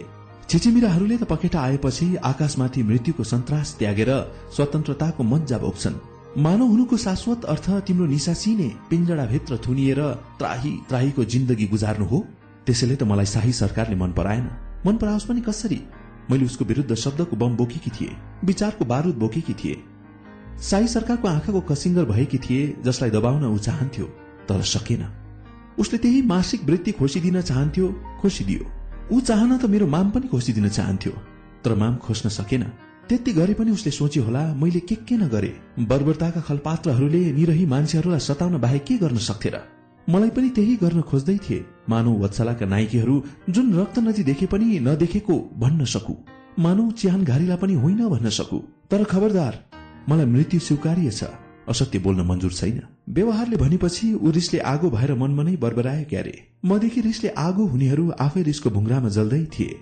यता न्याय स्वतन्त्रता प्रजातन्त्रको आवाज उठेकाले होला सन् दुई हजार पाँचको लागि विश्वका एक हजार जना महिला नोबेल शान्ति पुरस्कारको लागि मनोनयन भएका थिए। नेपालबाट मनोनयनमा नौजना महिलाहरू परेका थिए जसमा म पनि परेकी थिएँ। त्यो अभियानमा सामेल हुनु नै आफैमा महत्वपूर्ण कुरा थियो किनभने पुरस्कार पाउनु मात्र ठूलो कुरो थिएन मेरो लागि। त्यो आन्दोलनमा सहभागी हुनु नै महत्वपूर्ण कुरो थियो। वास्तवमा ती महिलाहरू न्याय शान्ति समता र सुन्दर संसार चाहन्थे। महिलाहरूको अभियानलाई नोबेल शान्ति पुरस्कार नमिल्नु आफैमा खेतपूर्ण कुरा त थियो। तर म यही अभियानकी एउटी सदस्य भएको नाताले के भन्छु भने हाम्रो संघर्ष जारी छ। त्यो न्यायपूर्ण समतापूर्ण र शान्तिपूर्ण सुन्दर संसारको लागि हामी जीवन पर्यन्त लडिरहनेछौ र हामी भोलिका नव सन्ततिलाई पनि यो संघर्षमा उठ्न लाउनेछौ। सिउडी फुल्दा आफैमा फक्रिनेको उत्सव मनाउँछ रे साहित्यकार सुलोचना मानन्दर यसै भन्छन्। उनलाई सिउडीले मनाउने त्यो उत्सव मजाको लाग्छ रे साँच्चै। सिउडी फुल्दा आफैमा मनाउने उत्सव र मैले अप्ठ्यारो समयमा मनाएको स्वतन्त्रताको उत्सव एउटै खालको थियो। यतिखेर सुलोचना दिदीलाई भन्न मन लागेको छ। सिउडीमा मनाएको उत्सव मेरो जीवनले पनि मनाएको छ। मलाई जीवनको उत्सव सबैभन्दा राम्रो लाग्यो। र नै त मैले जीवनका सन्दर्भमा त्यो समयमा पनि कायरतालाई पर फाल्दै बोलिरहे लेखिरहे। मेरो एउटा प्रिय भाइ छ विश्वास नामसोङ। उसको घर त सनसुबास भएको खाँदबारीले। उसले माया गरेर मलाई सुनगाबा भनेर सम्बोधन गर्ने गरेको छ किनभने उसलाई सुनगाबा साह्रो मन पर्छ रे। सुनगाबा जस्तो सुकै अप्ठ्यारोमा पनि फुल्न सक्छ। त्यसैले उसलाई मन परेको हो रे। उसलाई पनि भन्न मन लागिरहेको छ। तिम्रो सुनगाबा अप्ठ्यारोमा जीवन खोज्दै उन्मुक्त बनेर हाँस्यो। त्यो मुस्कान तिमीलाई मन परेन? साँच्चै म सुलोचना दिदीका आँखामा सिउडी थिए। विश्वासको आँखामा सुनगाबा र प्रिय दाजु दाहाल यज्ञनिधिको आँखामा भिरफुल थिए। तीनजनाको शब्दको अर्थ एउटै हुन्छ जब्बरताको प्रतीकात्मक रूप सिउडी सुनगाबा र भिरफल। सायद ममा जब्बर पनि थिएन भने त्यो अप्ठ्यारो समयमा उम्रिएका ऐजरहरूले मलाई जेलेर अस्तित्व नामित पारिदिन सक्थे होला। मैले ती ऐजरहरूलाई काट्ने काम जतिसुकै अप्ठ्यारो भए पनि गरे। जीवन पनि जस्तो सुकै अवस्थामा बाँच्न काम मात्र गरिन। त्यसलाई जसरी पनि बाँच्नु मात्र ठूलो कुरो मैले देखिन। किनभने जीवन त एउटा पशुले पनि बाँचिरहेकै हुन्छ। त्यो वनमा बस्ने चराले पनि बाँचिरहेकै हुन्छ। म त मान्छे पो। मान्छेले मान्छेकै स्वार्थमा बाँच्नुपर्छ। त्यसैले त म र पशुमा आकाश र जमिनकै फरक थियो। मैले जीवन मान्छेकै अर्थमा बाँचे। त्यसैसँग जोडिएको स्वतन्त्रतालाई पनि मैले भरपूर भोगे। जीवनको माया नराखेरै भए पनि जस्तो सुकै अप्ठ्यारो समयमा पनि कुण्ठामा बसिन सधैँ उन्मुक्त भएरै बाँचे। त्यसैले त म सुलचना दिदीका शब्दका सिउडी भएर फुले। विश्वास भाइको मनमा सुनगाबा भएर हाँसे र दाजु यज्ञनिधिका शब्दमा वीरफूल भएर फुले। धुम्प आकाश उग्रिएपछि मान्छेहरू निर्भय भएर बाहिर फेरि निस्कन थाल्छन्।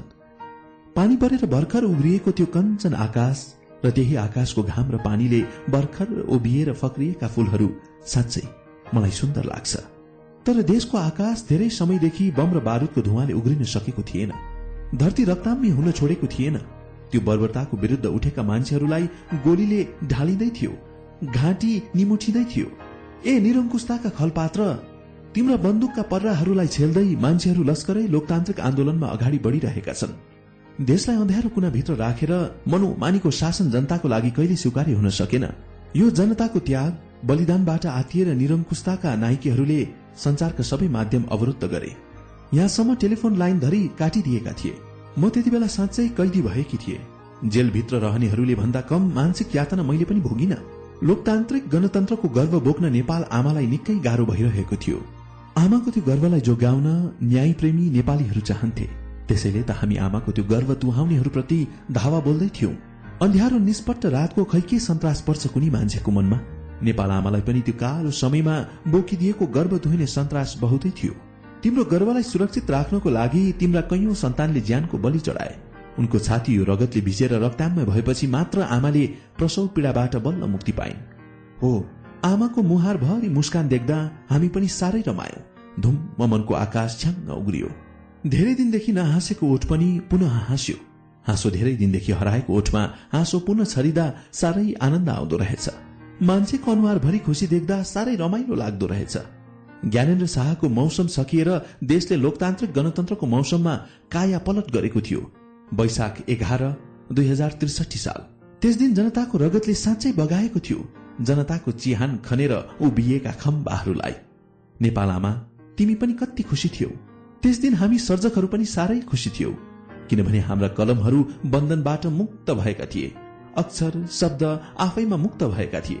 बन्द आवाजहरू आफै खुल्न थालेका थिए। मानौ मौसम स्वर्णिम छ। समग्रमा भन्दा नेपालीहरू त्यस दिन साह्रै खुसी थिए। वर्षौदेखि त्यो परम्पराबाट पीड़ित थिए। जुन परम्परागत संस्कृतिमा उनीहरू जन्मे हुर्के बढेका थिए। त्यसका संरचनालाई भत्काउन निकै गाह्रो थियो। तर उनीहरू जस्तो परम्परागत संस्कृतिमा जन्मे हुर्के बढे पनि त्यो आफैमा परिवर्तनशील छ।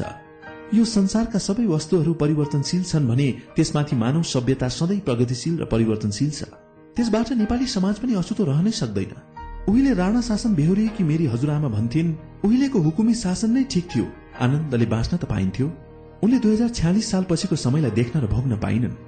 झन एक दशक लामो द्वन्द्वको समयलाई देख्न पाएकी भोग्न पाएकी भए उनलाई कति पीड़ा हुन्थ्यो होला। अनि त्यो समयमा त त्यस्तो भन्थिन् भने उनलाई आजको समयमा बाँच्दा कति पीड़ा बोध हुन्थ्यो होला। त्यसो त द्वन्द्वको केही समय भोग्न पाएकी मेरी जेठी फुपू पनि भन्थिन् कस्तो जमाना आयो मान्छेलाई पनि पशुलाई जस्तो बलि दिने चलन। उनीहरू आफूले भोगेको अनुसारका समयका दृष्टिकोणहरू थिए तर मानव सभ्यता निरन्तर बगिरहेको थियो। एउटै व्यक्तिको वंशमा चलेको नेपाली समाजले कहिले स्वतन्त्रतासँग चल्ने अवसर पाएन। यहाँ बहुलता शब्दमा मात्र सीमित भयो। कहिले त्यसले आफैमा फुल्न फक्रिन पाएन। उसको वंशले मात्र राज्यको भागडोर समात्न पाउने रे। उसको वंश मात्र पवित्र अरूको वंश अपवित्र? यो पनि नेपाली समाजको एउटा परम्परागत चलन। त्यसो त हिन्दू परम्परामा राजालाई विष्णुको अवतार ठान्छन्। तर इतिहासदेखि मानव नरसहार चाहने वंश पनि देवताको रूप? इतिहासले परिवर्तन खोजिरहेको थियो। त्यसैले त मानव मनहरू निकै स्तब्ध बनेका थिए। उसले आफूलाई विष्णु भगवानको अवतार ठानेर निरीह मान्छेहरूको कठोर श्रम पछिको भोग र रातको मिठो निन्द्रा मात्र खोसेन। ज्यान पनि लिँदै थियो। भन्छन् कमिलाको पखेटा पलाएपछि मृत्यु उसको नजिक उभिन्छ। साँच्चै ज्ञानेन्द्रको मौसम पनि ठिक्क यसरी नै सकियो। बम र बारूदको धुवाले धुम्म भएको आकाश पनि बिस्तारै उग्रिँदै थियो। देश रक्तानमा भएको देखेर त्यसको पीड़ाले धुमिएको मनको आकाश पनि बिस्तारै अब कहिले त्यो त्रासदी भोग्न नपर्ने आशमा उग्रियो। त्रासदीको मौसम सकिएपछि मान्छेमा उत्साह र उमङ्ग पलाएको थियो। सहर पसेका मान्छेहरू गाउँ फर्किए। विदेशतिर लागेकाहरू आफ्नै देश फर्किए। सायद जंगलबाट बम र बारूदका आवाजले गाउँ पसेका वनका चराचुरङ्गीहरू पनि आफ्नै गुडमा फर्किन थालिसकेका थिए। आमाले पनि आफ्नो सन्तान साँझ सकुशल फर्कने आशा बोकेर उसको बाटो हेर्न थालिसकेकी थिइन्। भर्खरै विवाह गरेकी हिन्दू स्त्रीलाई पनि आफ्नो सिन्दुर समयमा नै पुछिने डर थिएन। केही रूपमा भए पनि बम र बारूदको आवाज बन्द हुँदा मन शान्त हुँदो रहेछ। मान्छेको रगत बग्न कम हुँदा पनि आत्मा साह्रै रमाउँदो रहेछ। यही रमाउने मान्छे नै थिए म पनि। मौसममा मजाले रमाए। सायद हावालाई पनि रोक्न चाहनेहरू यो मौसममा रमाएका थिएनन्।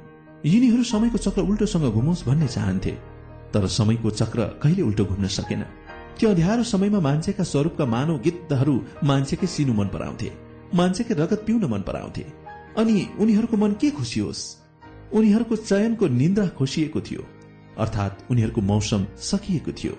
मान्छेका रगतले धरती भिज्न थोरै छोडेको थियो। अझ मान्छेहरू त चाहन्थे मान्छेलाई असमयमा मृत्यु ठ्याम्म नमिलोस्। अनि यी नेपाली आमाको कुनै पनि अङ्गहरूमा सन्तानको रगत अलिकति पनि ठ्याम्मै नपरोस्। यो उनीहरूको चाहना अलिकति भए पनि पूरा भएको थियो। त्यो दिन आफैलाई निकै बलियो ठान्ने र बन्दुकको भरमा आफ्नो रजाई चलाउने सपना देख्नेहरूको शिर साँच्चै मजाले झुकेको थियो। नरसंहारकहरू यसरी नै इतिहास सामु निहुरिनुपर्छ। ठिक्क त्यसै दिन स्वरहरूले खुल्लापनको आभास गर्न पाएका थिए। समग्रमा नेपालीहरूले उन्मुक्तिको अनुभूति गर्न पाएका थिए।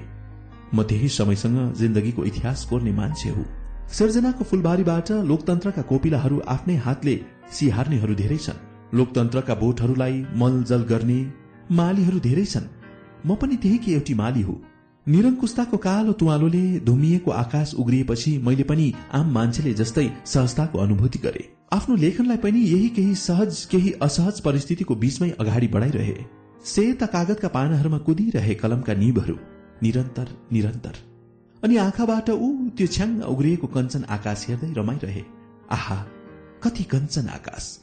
कति मनमोहक बन। त्यसको विशालतामा कुनै बन्धन छैन। वास्तवमै जति फैलिए पनि फैलिन सक्छ। उसको स्वतन्त्रताको भोग कति आनन्दप्रद छ त। वास्तवमा त्यो पीड़ा देशलाई दुखिरहेकै छ। समयलाई दुखिरहेकै छ। सिङ्गो युगलाई दुखिरहेकै छ। हुन त क्षति आफैमा पीड़ा हो। र अर्को अर्थमा भन्दा नव सिर्जना गर्ने आधार पनि। जस्तो कि एउटा रुगन्न भइसकेको रुख मरेर जान्छ त्यो पनि एउटा क्षति नै हो। त्यसको ठाउँमा नयाँ बिरुवा बढेर त्यसको स्थान लिन्छ त्यो सिर्जना हो। जंगल पसेकाहरूले देशमा गणतन्त्रको शङ्ख घोष नगरेको भए रगतको खोलो नबगेको भए देश यति छिटै गणतन्त्रमय हुने थिएन। यो एउटा ध्रुव सत्य। राजतन्त्रको अन्त्य हुन सक्ने थिएन यो अर्को एउटा कटु सत्य। तर देशले एउटा कहिले नभोगेको त्रासदी र कहिले नभोगेको भयानक सन्तास भोग्नु पर्यो यो पनि एउटा ध्रुव सत्य। त्यसको दर्दनाक पीड़ा यो युगले कालान्तरसम्म भोग्नु पर्नेछ यो एउटा कटु सत्य। देशको एउटा पुस्ता द्वन्द्वमा मात्र गएन। उससँगको जोडिएको उत्पादन शक्ति सबै द्वन्द्वमा धकेलियो। उसँग जोडिएको देशको भविष्य त्यही आगामा पोलियो। अर्को कुरो जंगलमा पसेकाहरू अधिकांश सोह्र सत्र वर्षका केटाकेटीहरू पनि थिए। उनीहरूलाई बन्दुक बारूद बमसँग खेल्न लगाउनु भनेको आफैमा घातक कुरा थियो। यही घातक खेल माथिकाहरूले खेले। आखिर उनीहरूको युद्ध त सरकारसँग थियो। उनीहरूले अलिकति माथिका उमेरका व्यक्तिहरूलाई समावेश गरेको भए देशलाई कम क्षति बेहोर्थ्यो। किनभने यो उमेरका मान्छेहरूलाई युद्धमा पठाउँदा उनीहरूले जीवनको रंग भर्खर चिन्न थालेका हुन्छन्। उनीहरूको चेतना पनि पूर्ण रूपमा विकसित भएको हुँदैन। उनीहरूको शिक्षा पनि अपुरो हुन्छ। हो। यस जंगलबाट द्वन्दको आगो जोस्नेहरूले बेलैमा यो कुरा सोचिदिएको भए देशले यत्रो दुर्गति भोग्नु पर्दैन थियो। देशको यो घाउबाट बगेको पीप रगतहरू पुज्दा मन छिया छिया हुन्छ भक्कानो फुटेर आउँछ। त्यही ठाउँमा उमेर वैश भर्खर फक्रिएका आफ्ना जीवन साथी गुमाएका युवतीहरू आफ्ना बाबुआमाको अनुहारै पूर्ण चिन्ह नपाउँदै अनाथ बनेका नानीहरूको अनुहारहरू देख्दा मलाई साह्रै पीड़ा हुन्छ। ती कलिला आँखाहरू आक्रोश र आवेशले भरिएको मैले देखेकी छु जसको आँखा अगाडि बाबाआमाको हत्या निसंस्थापूर्वक भएको छ। उसको सानो मन त्यसको बदला लिन दृढ बनेको छ। बुढाबुढी आमा बाबाका नौब्याएका आँखाहरू देख्दा मेरो मन शब्द बन्छ। हो यो द्वन्दको घाउ हो। अनि भयानक दर्द जसलाई सहन मान्छेलाई गाह्रो हुँदो रहेछ। मैले मान्छेको यही घाउको पीप रगतहरू पुछे शब्दले। अरू त शब्द खेलाउने मान्छेले के पो गर्न सक्थेर उनीहरूका आँसुका भलहरू मैले भावनाको ओढ्नले पुछे। मैले एकजना पश्चिमतिर घर बताए क्यारे। उनी पहिला नेपाली कंग्रेसका कार्यकर्ता रहेछन्। उनको दुईवटा खुट्टा र एउटा हात काटिदिएछन् सुराकी भनेर। उनीसँग मेरो काठमाडौँको एउटा सेमिनारमा भेट भएको थियो। मान्छेको गरी खाने शरीरमाथि एउटा पक्षले मात्र होइन दुवै पक्षले निर्दयी र निरसंस पाराले खेले। तर बीचमा मान्छेहरू कति परे कति। मान्छे मर्नु किरा फटेङ्ग्रा मर्नु एउटै कुरो जस्तो भयो। मार्नेहरू खुसीले विजयको उन्मुक्ति मनाउँछन् यो कस्तो चलन? कस्तो अराजक चलन? गणतन्त्रको अर्थ यही हो त मनमा प्रश्न उठिरहे। समय निरुत्तरित बनेर रह्यो। सायद उसँग कुनै जवाब दिएन। वास्तवमा एउटा अनाथ बालक यो निरसंस्थासँग आफ्ना बाबा आमाको हत्या गर्नेहरूसँग प्रश्न गरिरहेको छ। आखिर के गल्ती गरे मेरा बाबा आमाले र मारियो? सिन्दुर पुछिएका युवतीहरू भन्छन् मेरो सिन्दुर किन असमयमा नै पुछियो? द्वन्दको घाउ अझै दुखिरहेको छ। नदुखोस् पनि कसरी? देशमा दशौं हजार मान्छेको बलि दिँदा त्यसको पीड़ा ज्यादै दर्दनाक हुन्छ। यो हुन लाउने समय र त्योसँग उम्रिएका ऐन्जेरूहरूको दोष छ। बलि हुनेहरू सुनौलो आगतको सपना देख्दै गए। यो सपना देख्नु पनि स्वाभाविकै थियो। सपनाहरू सबै पूरा हुन सक्दैनन्। यो शाश्वत सत्य हो। द्वन्द तुषहरूलाई निमुट्यान्न पार्न गाह्रो छ। अझ पनि बम बारूदको आवाज सुनिँदैछ। मान्छे मारिएको खबरहरू सुनिँदैछ। आवाजमा विभिन्न क्षेत्रीयता साम्प्रदायिक अनि देशलाई विखण्डनका स्वर मिसाएर गुन्जिरहेका छन्। यहाँनिर मलाई पनि भन्न मन लाग्छ। यो सब बन्द गर। देश तिम्रो पनि हो। तिम्रो शरीरको कुनै भाग छुट्याउँदा कति पीड़ा हुन्छ। त्यही पीड़ा देशलाई पनि हुन्छ। यी द्वन्दका घाउ तुसहरू निमट्यान्न पार्न अब एकै स्वरमा भनौ। हिंसार हित संसार मानव समुदायको सुन्दर कल्पना। के तपाईँ मेरो स्वरमा स्वर दिनुहुन्न? आवाजमा आवाज दिनुहुन्न? दिनुहुन्छ भने यी अनाथ नानीहरूको कलिलो अनुहारमा हेर्नुहोस्। त्यहाँ आशा जगाउनु हाम्रो दायित्व हो। वयस भर्खर फक्रिएका विधवा युवतीहरूलाई हेर्नुहोस्। यिनीहरूलाई जिन्दगीको खुसी भोग्ने अधिकार छैन? द्वन्दले अपाङ्ग बनेकाहरूलाई हेर्नुहोस्। त्यहाँ कति पीड़ा छ। आफ्ना सन्तान गुमाएका बाबा आमालाई हेर्नुहोस्। त्यहाँ कति पीड़ा छ। जिन्दगी कति आफ्नै लागि मात्र बाँच्ने। अलिकति यिनीहरूको लागि पनि बाँचौ त। आफ्नो लागि मात्र कति सोच्ने केही अरूको लागि पनि सोचौ न। यो संसार कति सुन्दर हुन्थ्यो होला। संसारका सबै मान्छेले आफ्नो अलिकति स्वार्थ त्यागिदिए आफ्ना केही उमङ्गहरूको लागि पनि बाँचिदिए संसारमा सबै खालका हिंसाहरू हुने थिएनन्। संसार सुन्दर र शान्त हुने थियो। द्वन्दको समयमा व्यवहारिसे रूपमा छोडिएका विस्फोटक पदार्थ पड्किएर मान्छे मरेका घाइते भएका र अङ्गभङ्ग भएका खबरहरू यत्र तत्र सर्वत्र सुनिन्छ। कस्तो विडम्बनापूर्ण कुरो। देशले द्वन्दको पीड़ा अझै भोग्दैछ। कलमले पनि त्यसको पीड़ा लेख्दैछ बोल्दैछ। अफ स्रष्टालाई पनि कत्रो पीड़ा। त्यो मैले पनि कलमले ओकल्दा साह्रो स्तब्ध हुन्छ मन त्यो घाउ चहराउँदा धर धरी रुन्छ मन मैले श्रीमान मारिएका सेना पुलिसका श्रीमतीहरूलाई देखेको छु। कति त भर्खरका वैशले भरिएका पनि छन् कति त अधिवैश्य पनि छन्। ती मध्ये केहीले पुनः विवाह गरेका छन् तर नेपाली समाजले पुनः विवाह गर्ने महिलाहरूलाई राम्रो दृष्टिकोणले हेर्दैन। महिलाहरूलाई संसार र संस्कृतिले पनि एउटा सीमा रेखा कोरिदिएको छ। जुन सीमा रेखालाई मेटेर आफ्नो जीवन आफ्नो खुशीमा बाँच्न खोज्दा पाप हुने। मरेको श्रीमानको यादमा तडपिएर जीवन काट्दा मरेपछि स्वर्गमा पुण्य मिल्ने? जीवनका अनेक अप्ठ्याराका अल्झनहरूले अल्झ्याएर कति वैशाल उमेर भए पनि विवाह गर्न सक्दैनन्। उनीहरूको वयस त्यसै ओइलाएर जान्छ। यौन र वासनाका चाहना कुण्ठाग्रस्त हुन्छन्। अन्त्यमा उनीहरूको सिङ्गो जीवन नै फूल जस्तै ओइलाएर झर्छ कहिले पुनः नफक्रिने गरेर। अनि आधा उमेर काटेका महिलाहरूको श्रीमानले धान्ने आधा जिम्मेवारी त एक्लै बोक्नुपर्छ नै। उनीहरूमाथि छोराछोरीको बोझ हुन्छ। आफ्नो जीवन साथी गुमाउँदाको पीड़ा असह्य रूपमा छँदैछ। यो पनि एउटा पीड़ा हो द्वन्दको। घरहरू कति जले ध्वस्त भए। भत्किए त्यसको एउटा छुट्टै छँदैछ। यो पीड़ा अब कहिले कलमले लेख्न नपरोस्। नदीमा पानीको छाल उठ्ने र फेरि नदीमै पछारिने भइरह्यो। नदीमा बाढी पनि पस्छ भल पनि पस्छ। नदी धमिलो बन्छ अनन्तत पानी सँगै हुन्छ। मेरो जीवन पनि यस्तै बन्यो। कहिले धमिलो पानी जस्तै बन्यो कहिले भेल बाढी जस्तै बन्यो कहिले सङ्लो पानी जस्तै बन्यो। जिन्दगीमा छाल उठ्दा छालकै सिर्जना गरे बाढी पस्दा बाढीकै सिर्जना गरे सङ्लो हुँदा सङ्लै जीवनकै सिर्जना गरे। सृजनाकारहरूले सुखमा पनि गर्व बोक्छन् दुःखमा पनि गर्व बोक्छन् मेरो कोख पनि बाँझो थिएन। मन दुख्दा म सिर्जनाहरूसँगै रोए। खुसी हुँदा म सिर्जनाहरूसँगै हाँसे। साँच्चै भन्ने हो भने सिर्जना मेरो जीवनको अभिन्न साथी हो। जोसँग म आफ्ना हरेक कुराहरू पोख्न सक्छु। सिर्जना मेरो जीवनको एउटा परिचय हो जुन कुरो बिना मलाई सहज हुँदैन। सही अर्थमा भन्ने हो भने सिर्जना मेरो जीवन साथी हो। जोसँग म जीवनका सबै पलहरू निर्धक्क ढंगले भोग्न सक्छु। मेरा कृतिहरू त्यही सम्भोगका परिणाम हुन्। जीवनलाई माया गरेका परिणाम हुन्। समाज देश विश्व अर्थात् मानव दुनियाँलाई नै माया गरेका परिणाम हुन्। म स्रष्टा भएर कुनै पनि क्रूर पार्श्विक कामलाई पटक्कै समर्थन गर्न सक्दिन। न त सेतोलाई कालो भन्न सक्छु न कालोलाई सेतो देखेको स्वाङ रच्न सक्छु। मानव शान्ति स्वतन्त्रता र प्रजातन्त्र नै मेरो लेखनको मूल अभिष्ट थियो। समतामूलक समाजको स्थापना भइदिए कति खासको कुरा हुन्थ्यो। आहा त्यो समाज कति सुन्दर हुँदो हो। त्यो समाजले कल्पना गरेको स्वर्ग एउटा टुक्रा स्वर्ग त्यही देखिन्थ्यो। त्यही सपनामाथि उभिएर मैले कलम चलाइरहे। शब्दसँगै मैले आम मान्छेका भावना चाहनामा पर्गेलिरहे। अर्थात् मान्छेका मानसिकताहरूमा पसेर शब्दहरू लेखिरहे। तिनीहरूभित्र पाकेका घाउका पीप रगतहरूलाई मैले निचोरिरहे। जस अपसत जे पाए पनि ठिकै छ। मौसम साँच्चै केही रूपमा भए पनि फेरिएको छ।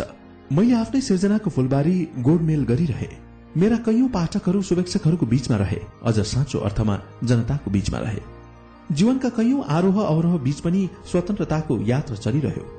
व्यक्तिगत जीवनका पलहरू अभिशप्त भए पनि ती पलहरूलाई मैले परै छोडेकी छु।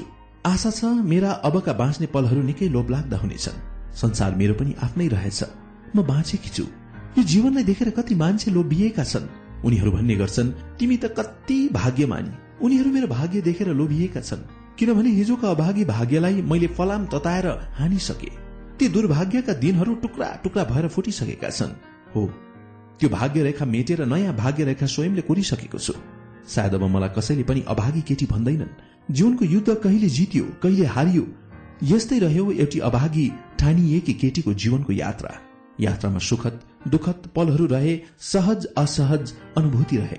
यात्रामा आरोह अवरोहको सामना गरेरै अगाडि बढ्नुपर्छ। यसै क्रममा मेरा पाइलाहरू कतै थाके होलान् कतै सुस्ताए होलान् तर जीवनको युद्ध यतिकै समाप्त भनी भएन। र त जीवनमै भएर बग्यो जीवनको अनाम खोला। मान्छेहरूले आफ्नो भाग्य रेखा भावीले कोर्छ भन्छन् तर मेरो भाग्य रेखा कुनै भावीले कोरिदिएन। भावीले कोरिदिएको भाग्यले मलाई केही दिएन। त्यसैले भावीले कोरिदिएको भाग्य विरुद्ध इन्कलाब बोले खोइ यसलाई बुझ्नेहरूले कसरी बुझेको नि? कसैले भन्लान् यसले भावी र भाग्य विरुद्ध धावी बोली। तर के म जस्तै अभागी मान्छेहरूले सुनौलो भाग्य रेखा कोर्नु खोज्नु गलत हो? हिन्दू संस्कृतिमा एउटा परम्परा छ।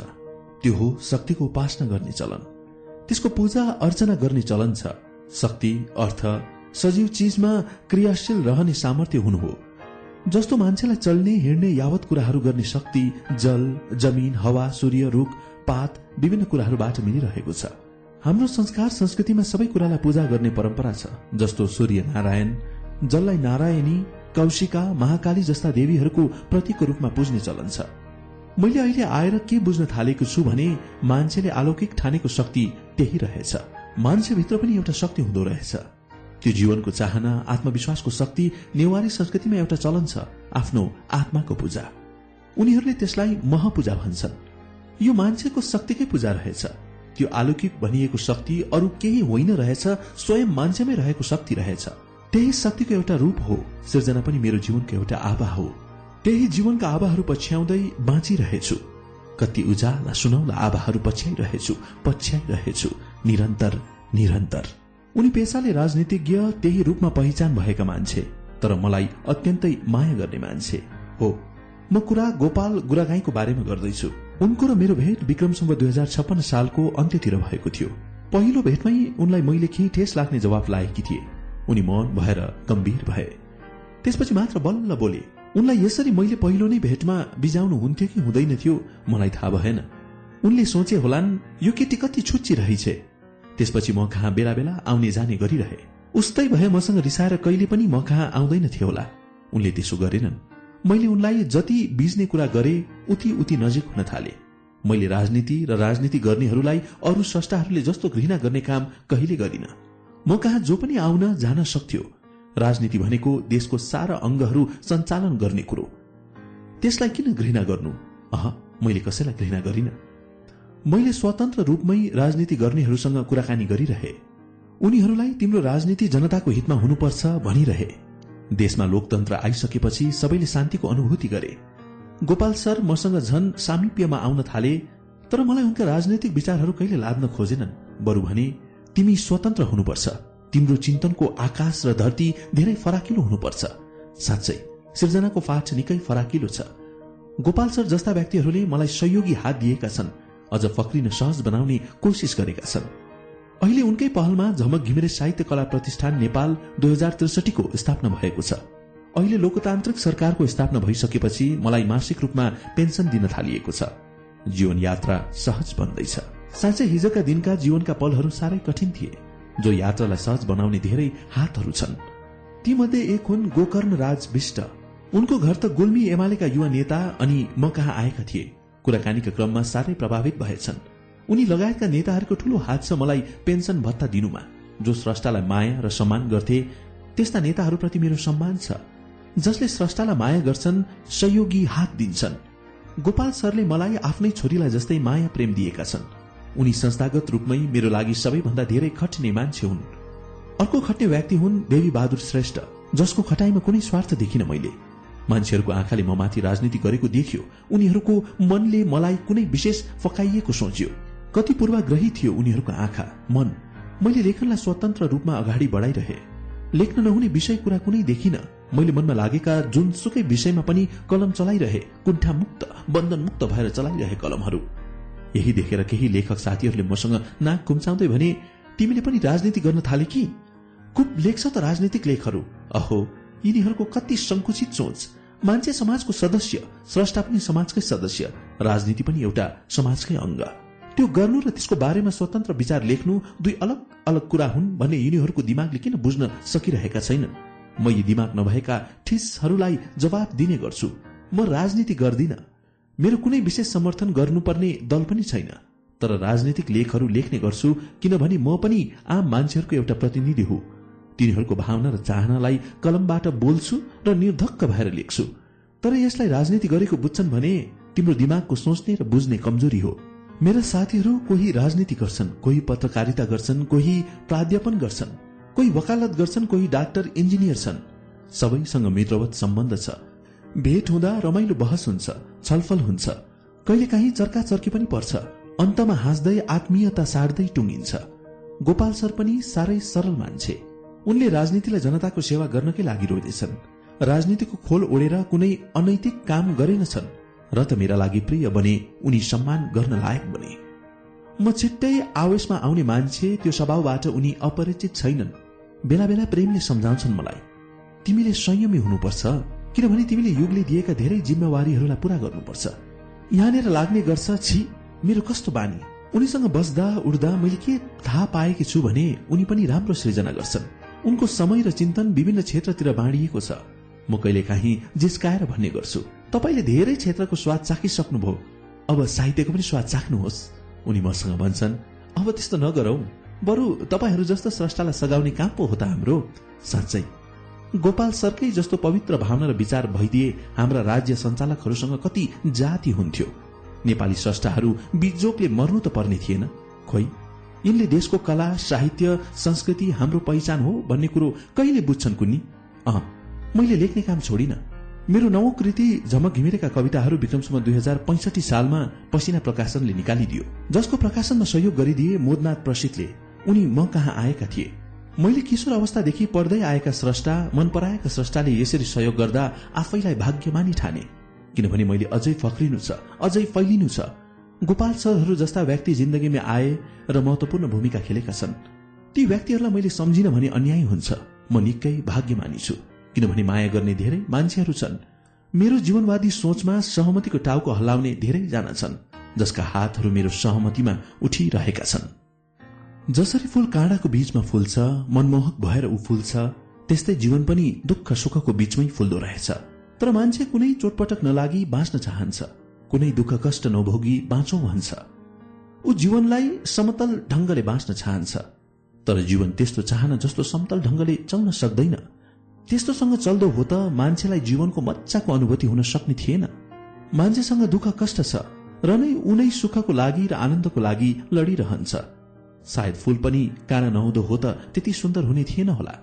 मैले पनि त्यही अब्ड्याङ खब्ड्याङ रहित जीवन बाँच्न खोजे र त जीवनमा धेरै दुखे। जीवन सर्लक्क र सलक्क कसैले पनि बाँच्न सक्दैन। जीवनमा चोट घाउ दुःख सुख सजिलो अप्ठ्यारा घुम्ती मोड गल्ली गल्छेडाहरू सबै हुन्छन् र त जीवन पनि फूल जस्तै सुन्दर छ। हिजो त ती नै अप्ठ्यारा घुम्ती मोड गल्ली गल्छेडाहरू पार गर्दै अगाडि बढेकाले अबको जीवनको यात्रा सहज र सरल हुने क्रममा छ। व्यक्तिगत जीवनको पाटो अझै पनि अस्त व्यस्त छ। यो जीवनको एउटा शाश्वत नियति हो जसलाई सबै मान्छेले स्वीकार्नुपर्छ। मैले पनि यो नियतिलाई स्वीकारे र बाँचे तर अब जीवन आफ्नै लागि मात्र बाँच्नु छैन। त्यसैको लागि संघर्ष पनि गर्नु छैन। मैले जीवन अरूको लागि पनि बाँच्नुपर्छ। संघर्ष पनि त्यसैको लागि गर्नुपर्छ। जे जति बाँचे पनि मैले अब समाज देश विश्वको लागि बाँच्नुपर्छ। कसैले कुनै सन्दर्भमा लेखनलाई दाम र नामको लागि रोजे भन्ने आरोप लागेकै हो। तर मैले लेखनलाई दाम र नामकै लागि रोजेकी होइन? नियतिवश मैले लेखनबाटै आफ्नो सिङ्गो जीवन धानिरहेकी छु। त्याग समर्पण कति गरे या गरिन। यो भन्ने पालो समयको हो। यो भन्ने जिम्मा उसैलाई छोडे। समयको कटघरामा उभिएर जवाब दिनु परे म पनि भाग्ने छैन। जीवन त्यो समयको समर्पण। त्यो युगलाई जीवन समर्पण जीवन आफ्नो रहेन। मलाई अब एउटै कुरोको चिन्ता छ। युगले अपेक्षा गरे अनुसार मैले सिर्जनाका फूल फुलाउन सक्ने हो कि होइन? मलाई गिज्याएर मृत्यु नहोस्। त्यो पनि असमयमै नआओस् किनभने समयलाई मैले अझै धेरै कुरो दिनु छ। मृत्युले लगे पनि लासलाई कुनै धर्मको काटो नउडाइयोस्। क्रियापुत्री पनि नबसाइयोस्। लासमाथि दागबत्ती नदियोस्। न त काग गिद्धहरूलाई खुवाउनै मन छ। मलाई यमराजले कसरी कोरा लाउँदा रहेछन् त्यसको सहज रूपमा अनुभूति गर्न मन छ। अनि सौ आजका ती वैज्ञानिकहरूलाई समर्पण छ। जसको अध्ययन अनुसन्धानले मानव चिकित्सा विज्ञान फराकिलो हुनेछ। आजकी झमकलाई झमक बनाउने ती आमा जसले मलाई जन्मदिन प्रसव पीड़ा भोगिदिन र पल पलमा साथ दिएकी छिन् जसको कोखलाई मैले प्रणाम गर्नै पर्छ। अनि मिना त्यो सहपात्र जो बिना मेरो यात्रा यति सहज हुन सम्भव थिएन जसले मबाट जस अब्जस केही खोजिन। बरु उसले धेरै पटक मेरै लागि अब्जस खाएकी छे तर म प्रति कुनै गुनासो गरिन। त्यो आत्मालाई पनि सलाम ठोकिरहेको छ यो मनले। र ती ज्ञात अज्ञात पात्र पात्रहरूलाई पनि श्रद्धाको एक अञ्जुली रातो फूल समर्पण जसले यात्रालाई सहज बनाए। आज एउटी समाजबाटै पछाडि परिएकी हेपिएकी केटी तपाईँहरू सामु युवा स्रष्टा बनेर उभिएकी छे। हिजो यही जीवनलाई अभिशप्त ठान्नेहरूलाई सोध्छु भन जीवन काँडा कि फूल? अन्तमा ऊ ती जीवनका आभा पछ्याउँदै यी हरफर मार्फत बोल्छु। तिमी अध्यारोमै बाँच म उज्यालाका आभा पछ्याउँदै अभिशप्त पलहरूलाई थाङ्नामा मिल्काउँदै एउटा यस्तो जिन्दगी बाँच्छु। जुनले यस्तो जिन्दगी बाँच्छु जुनले पातमा भरेको रंग जस्तै चम्किलो पातमा भरेको रंग जस्तै चम्किलो प्रकाशमै बनोस् र ज्योतिर्मय होस् र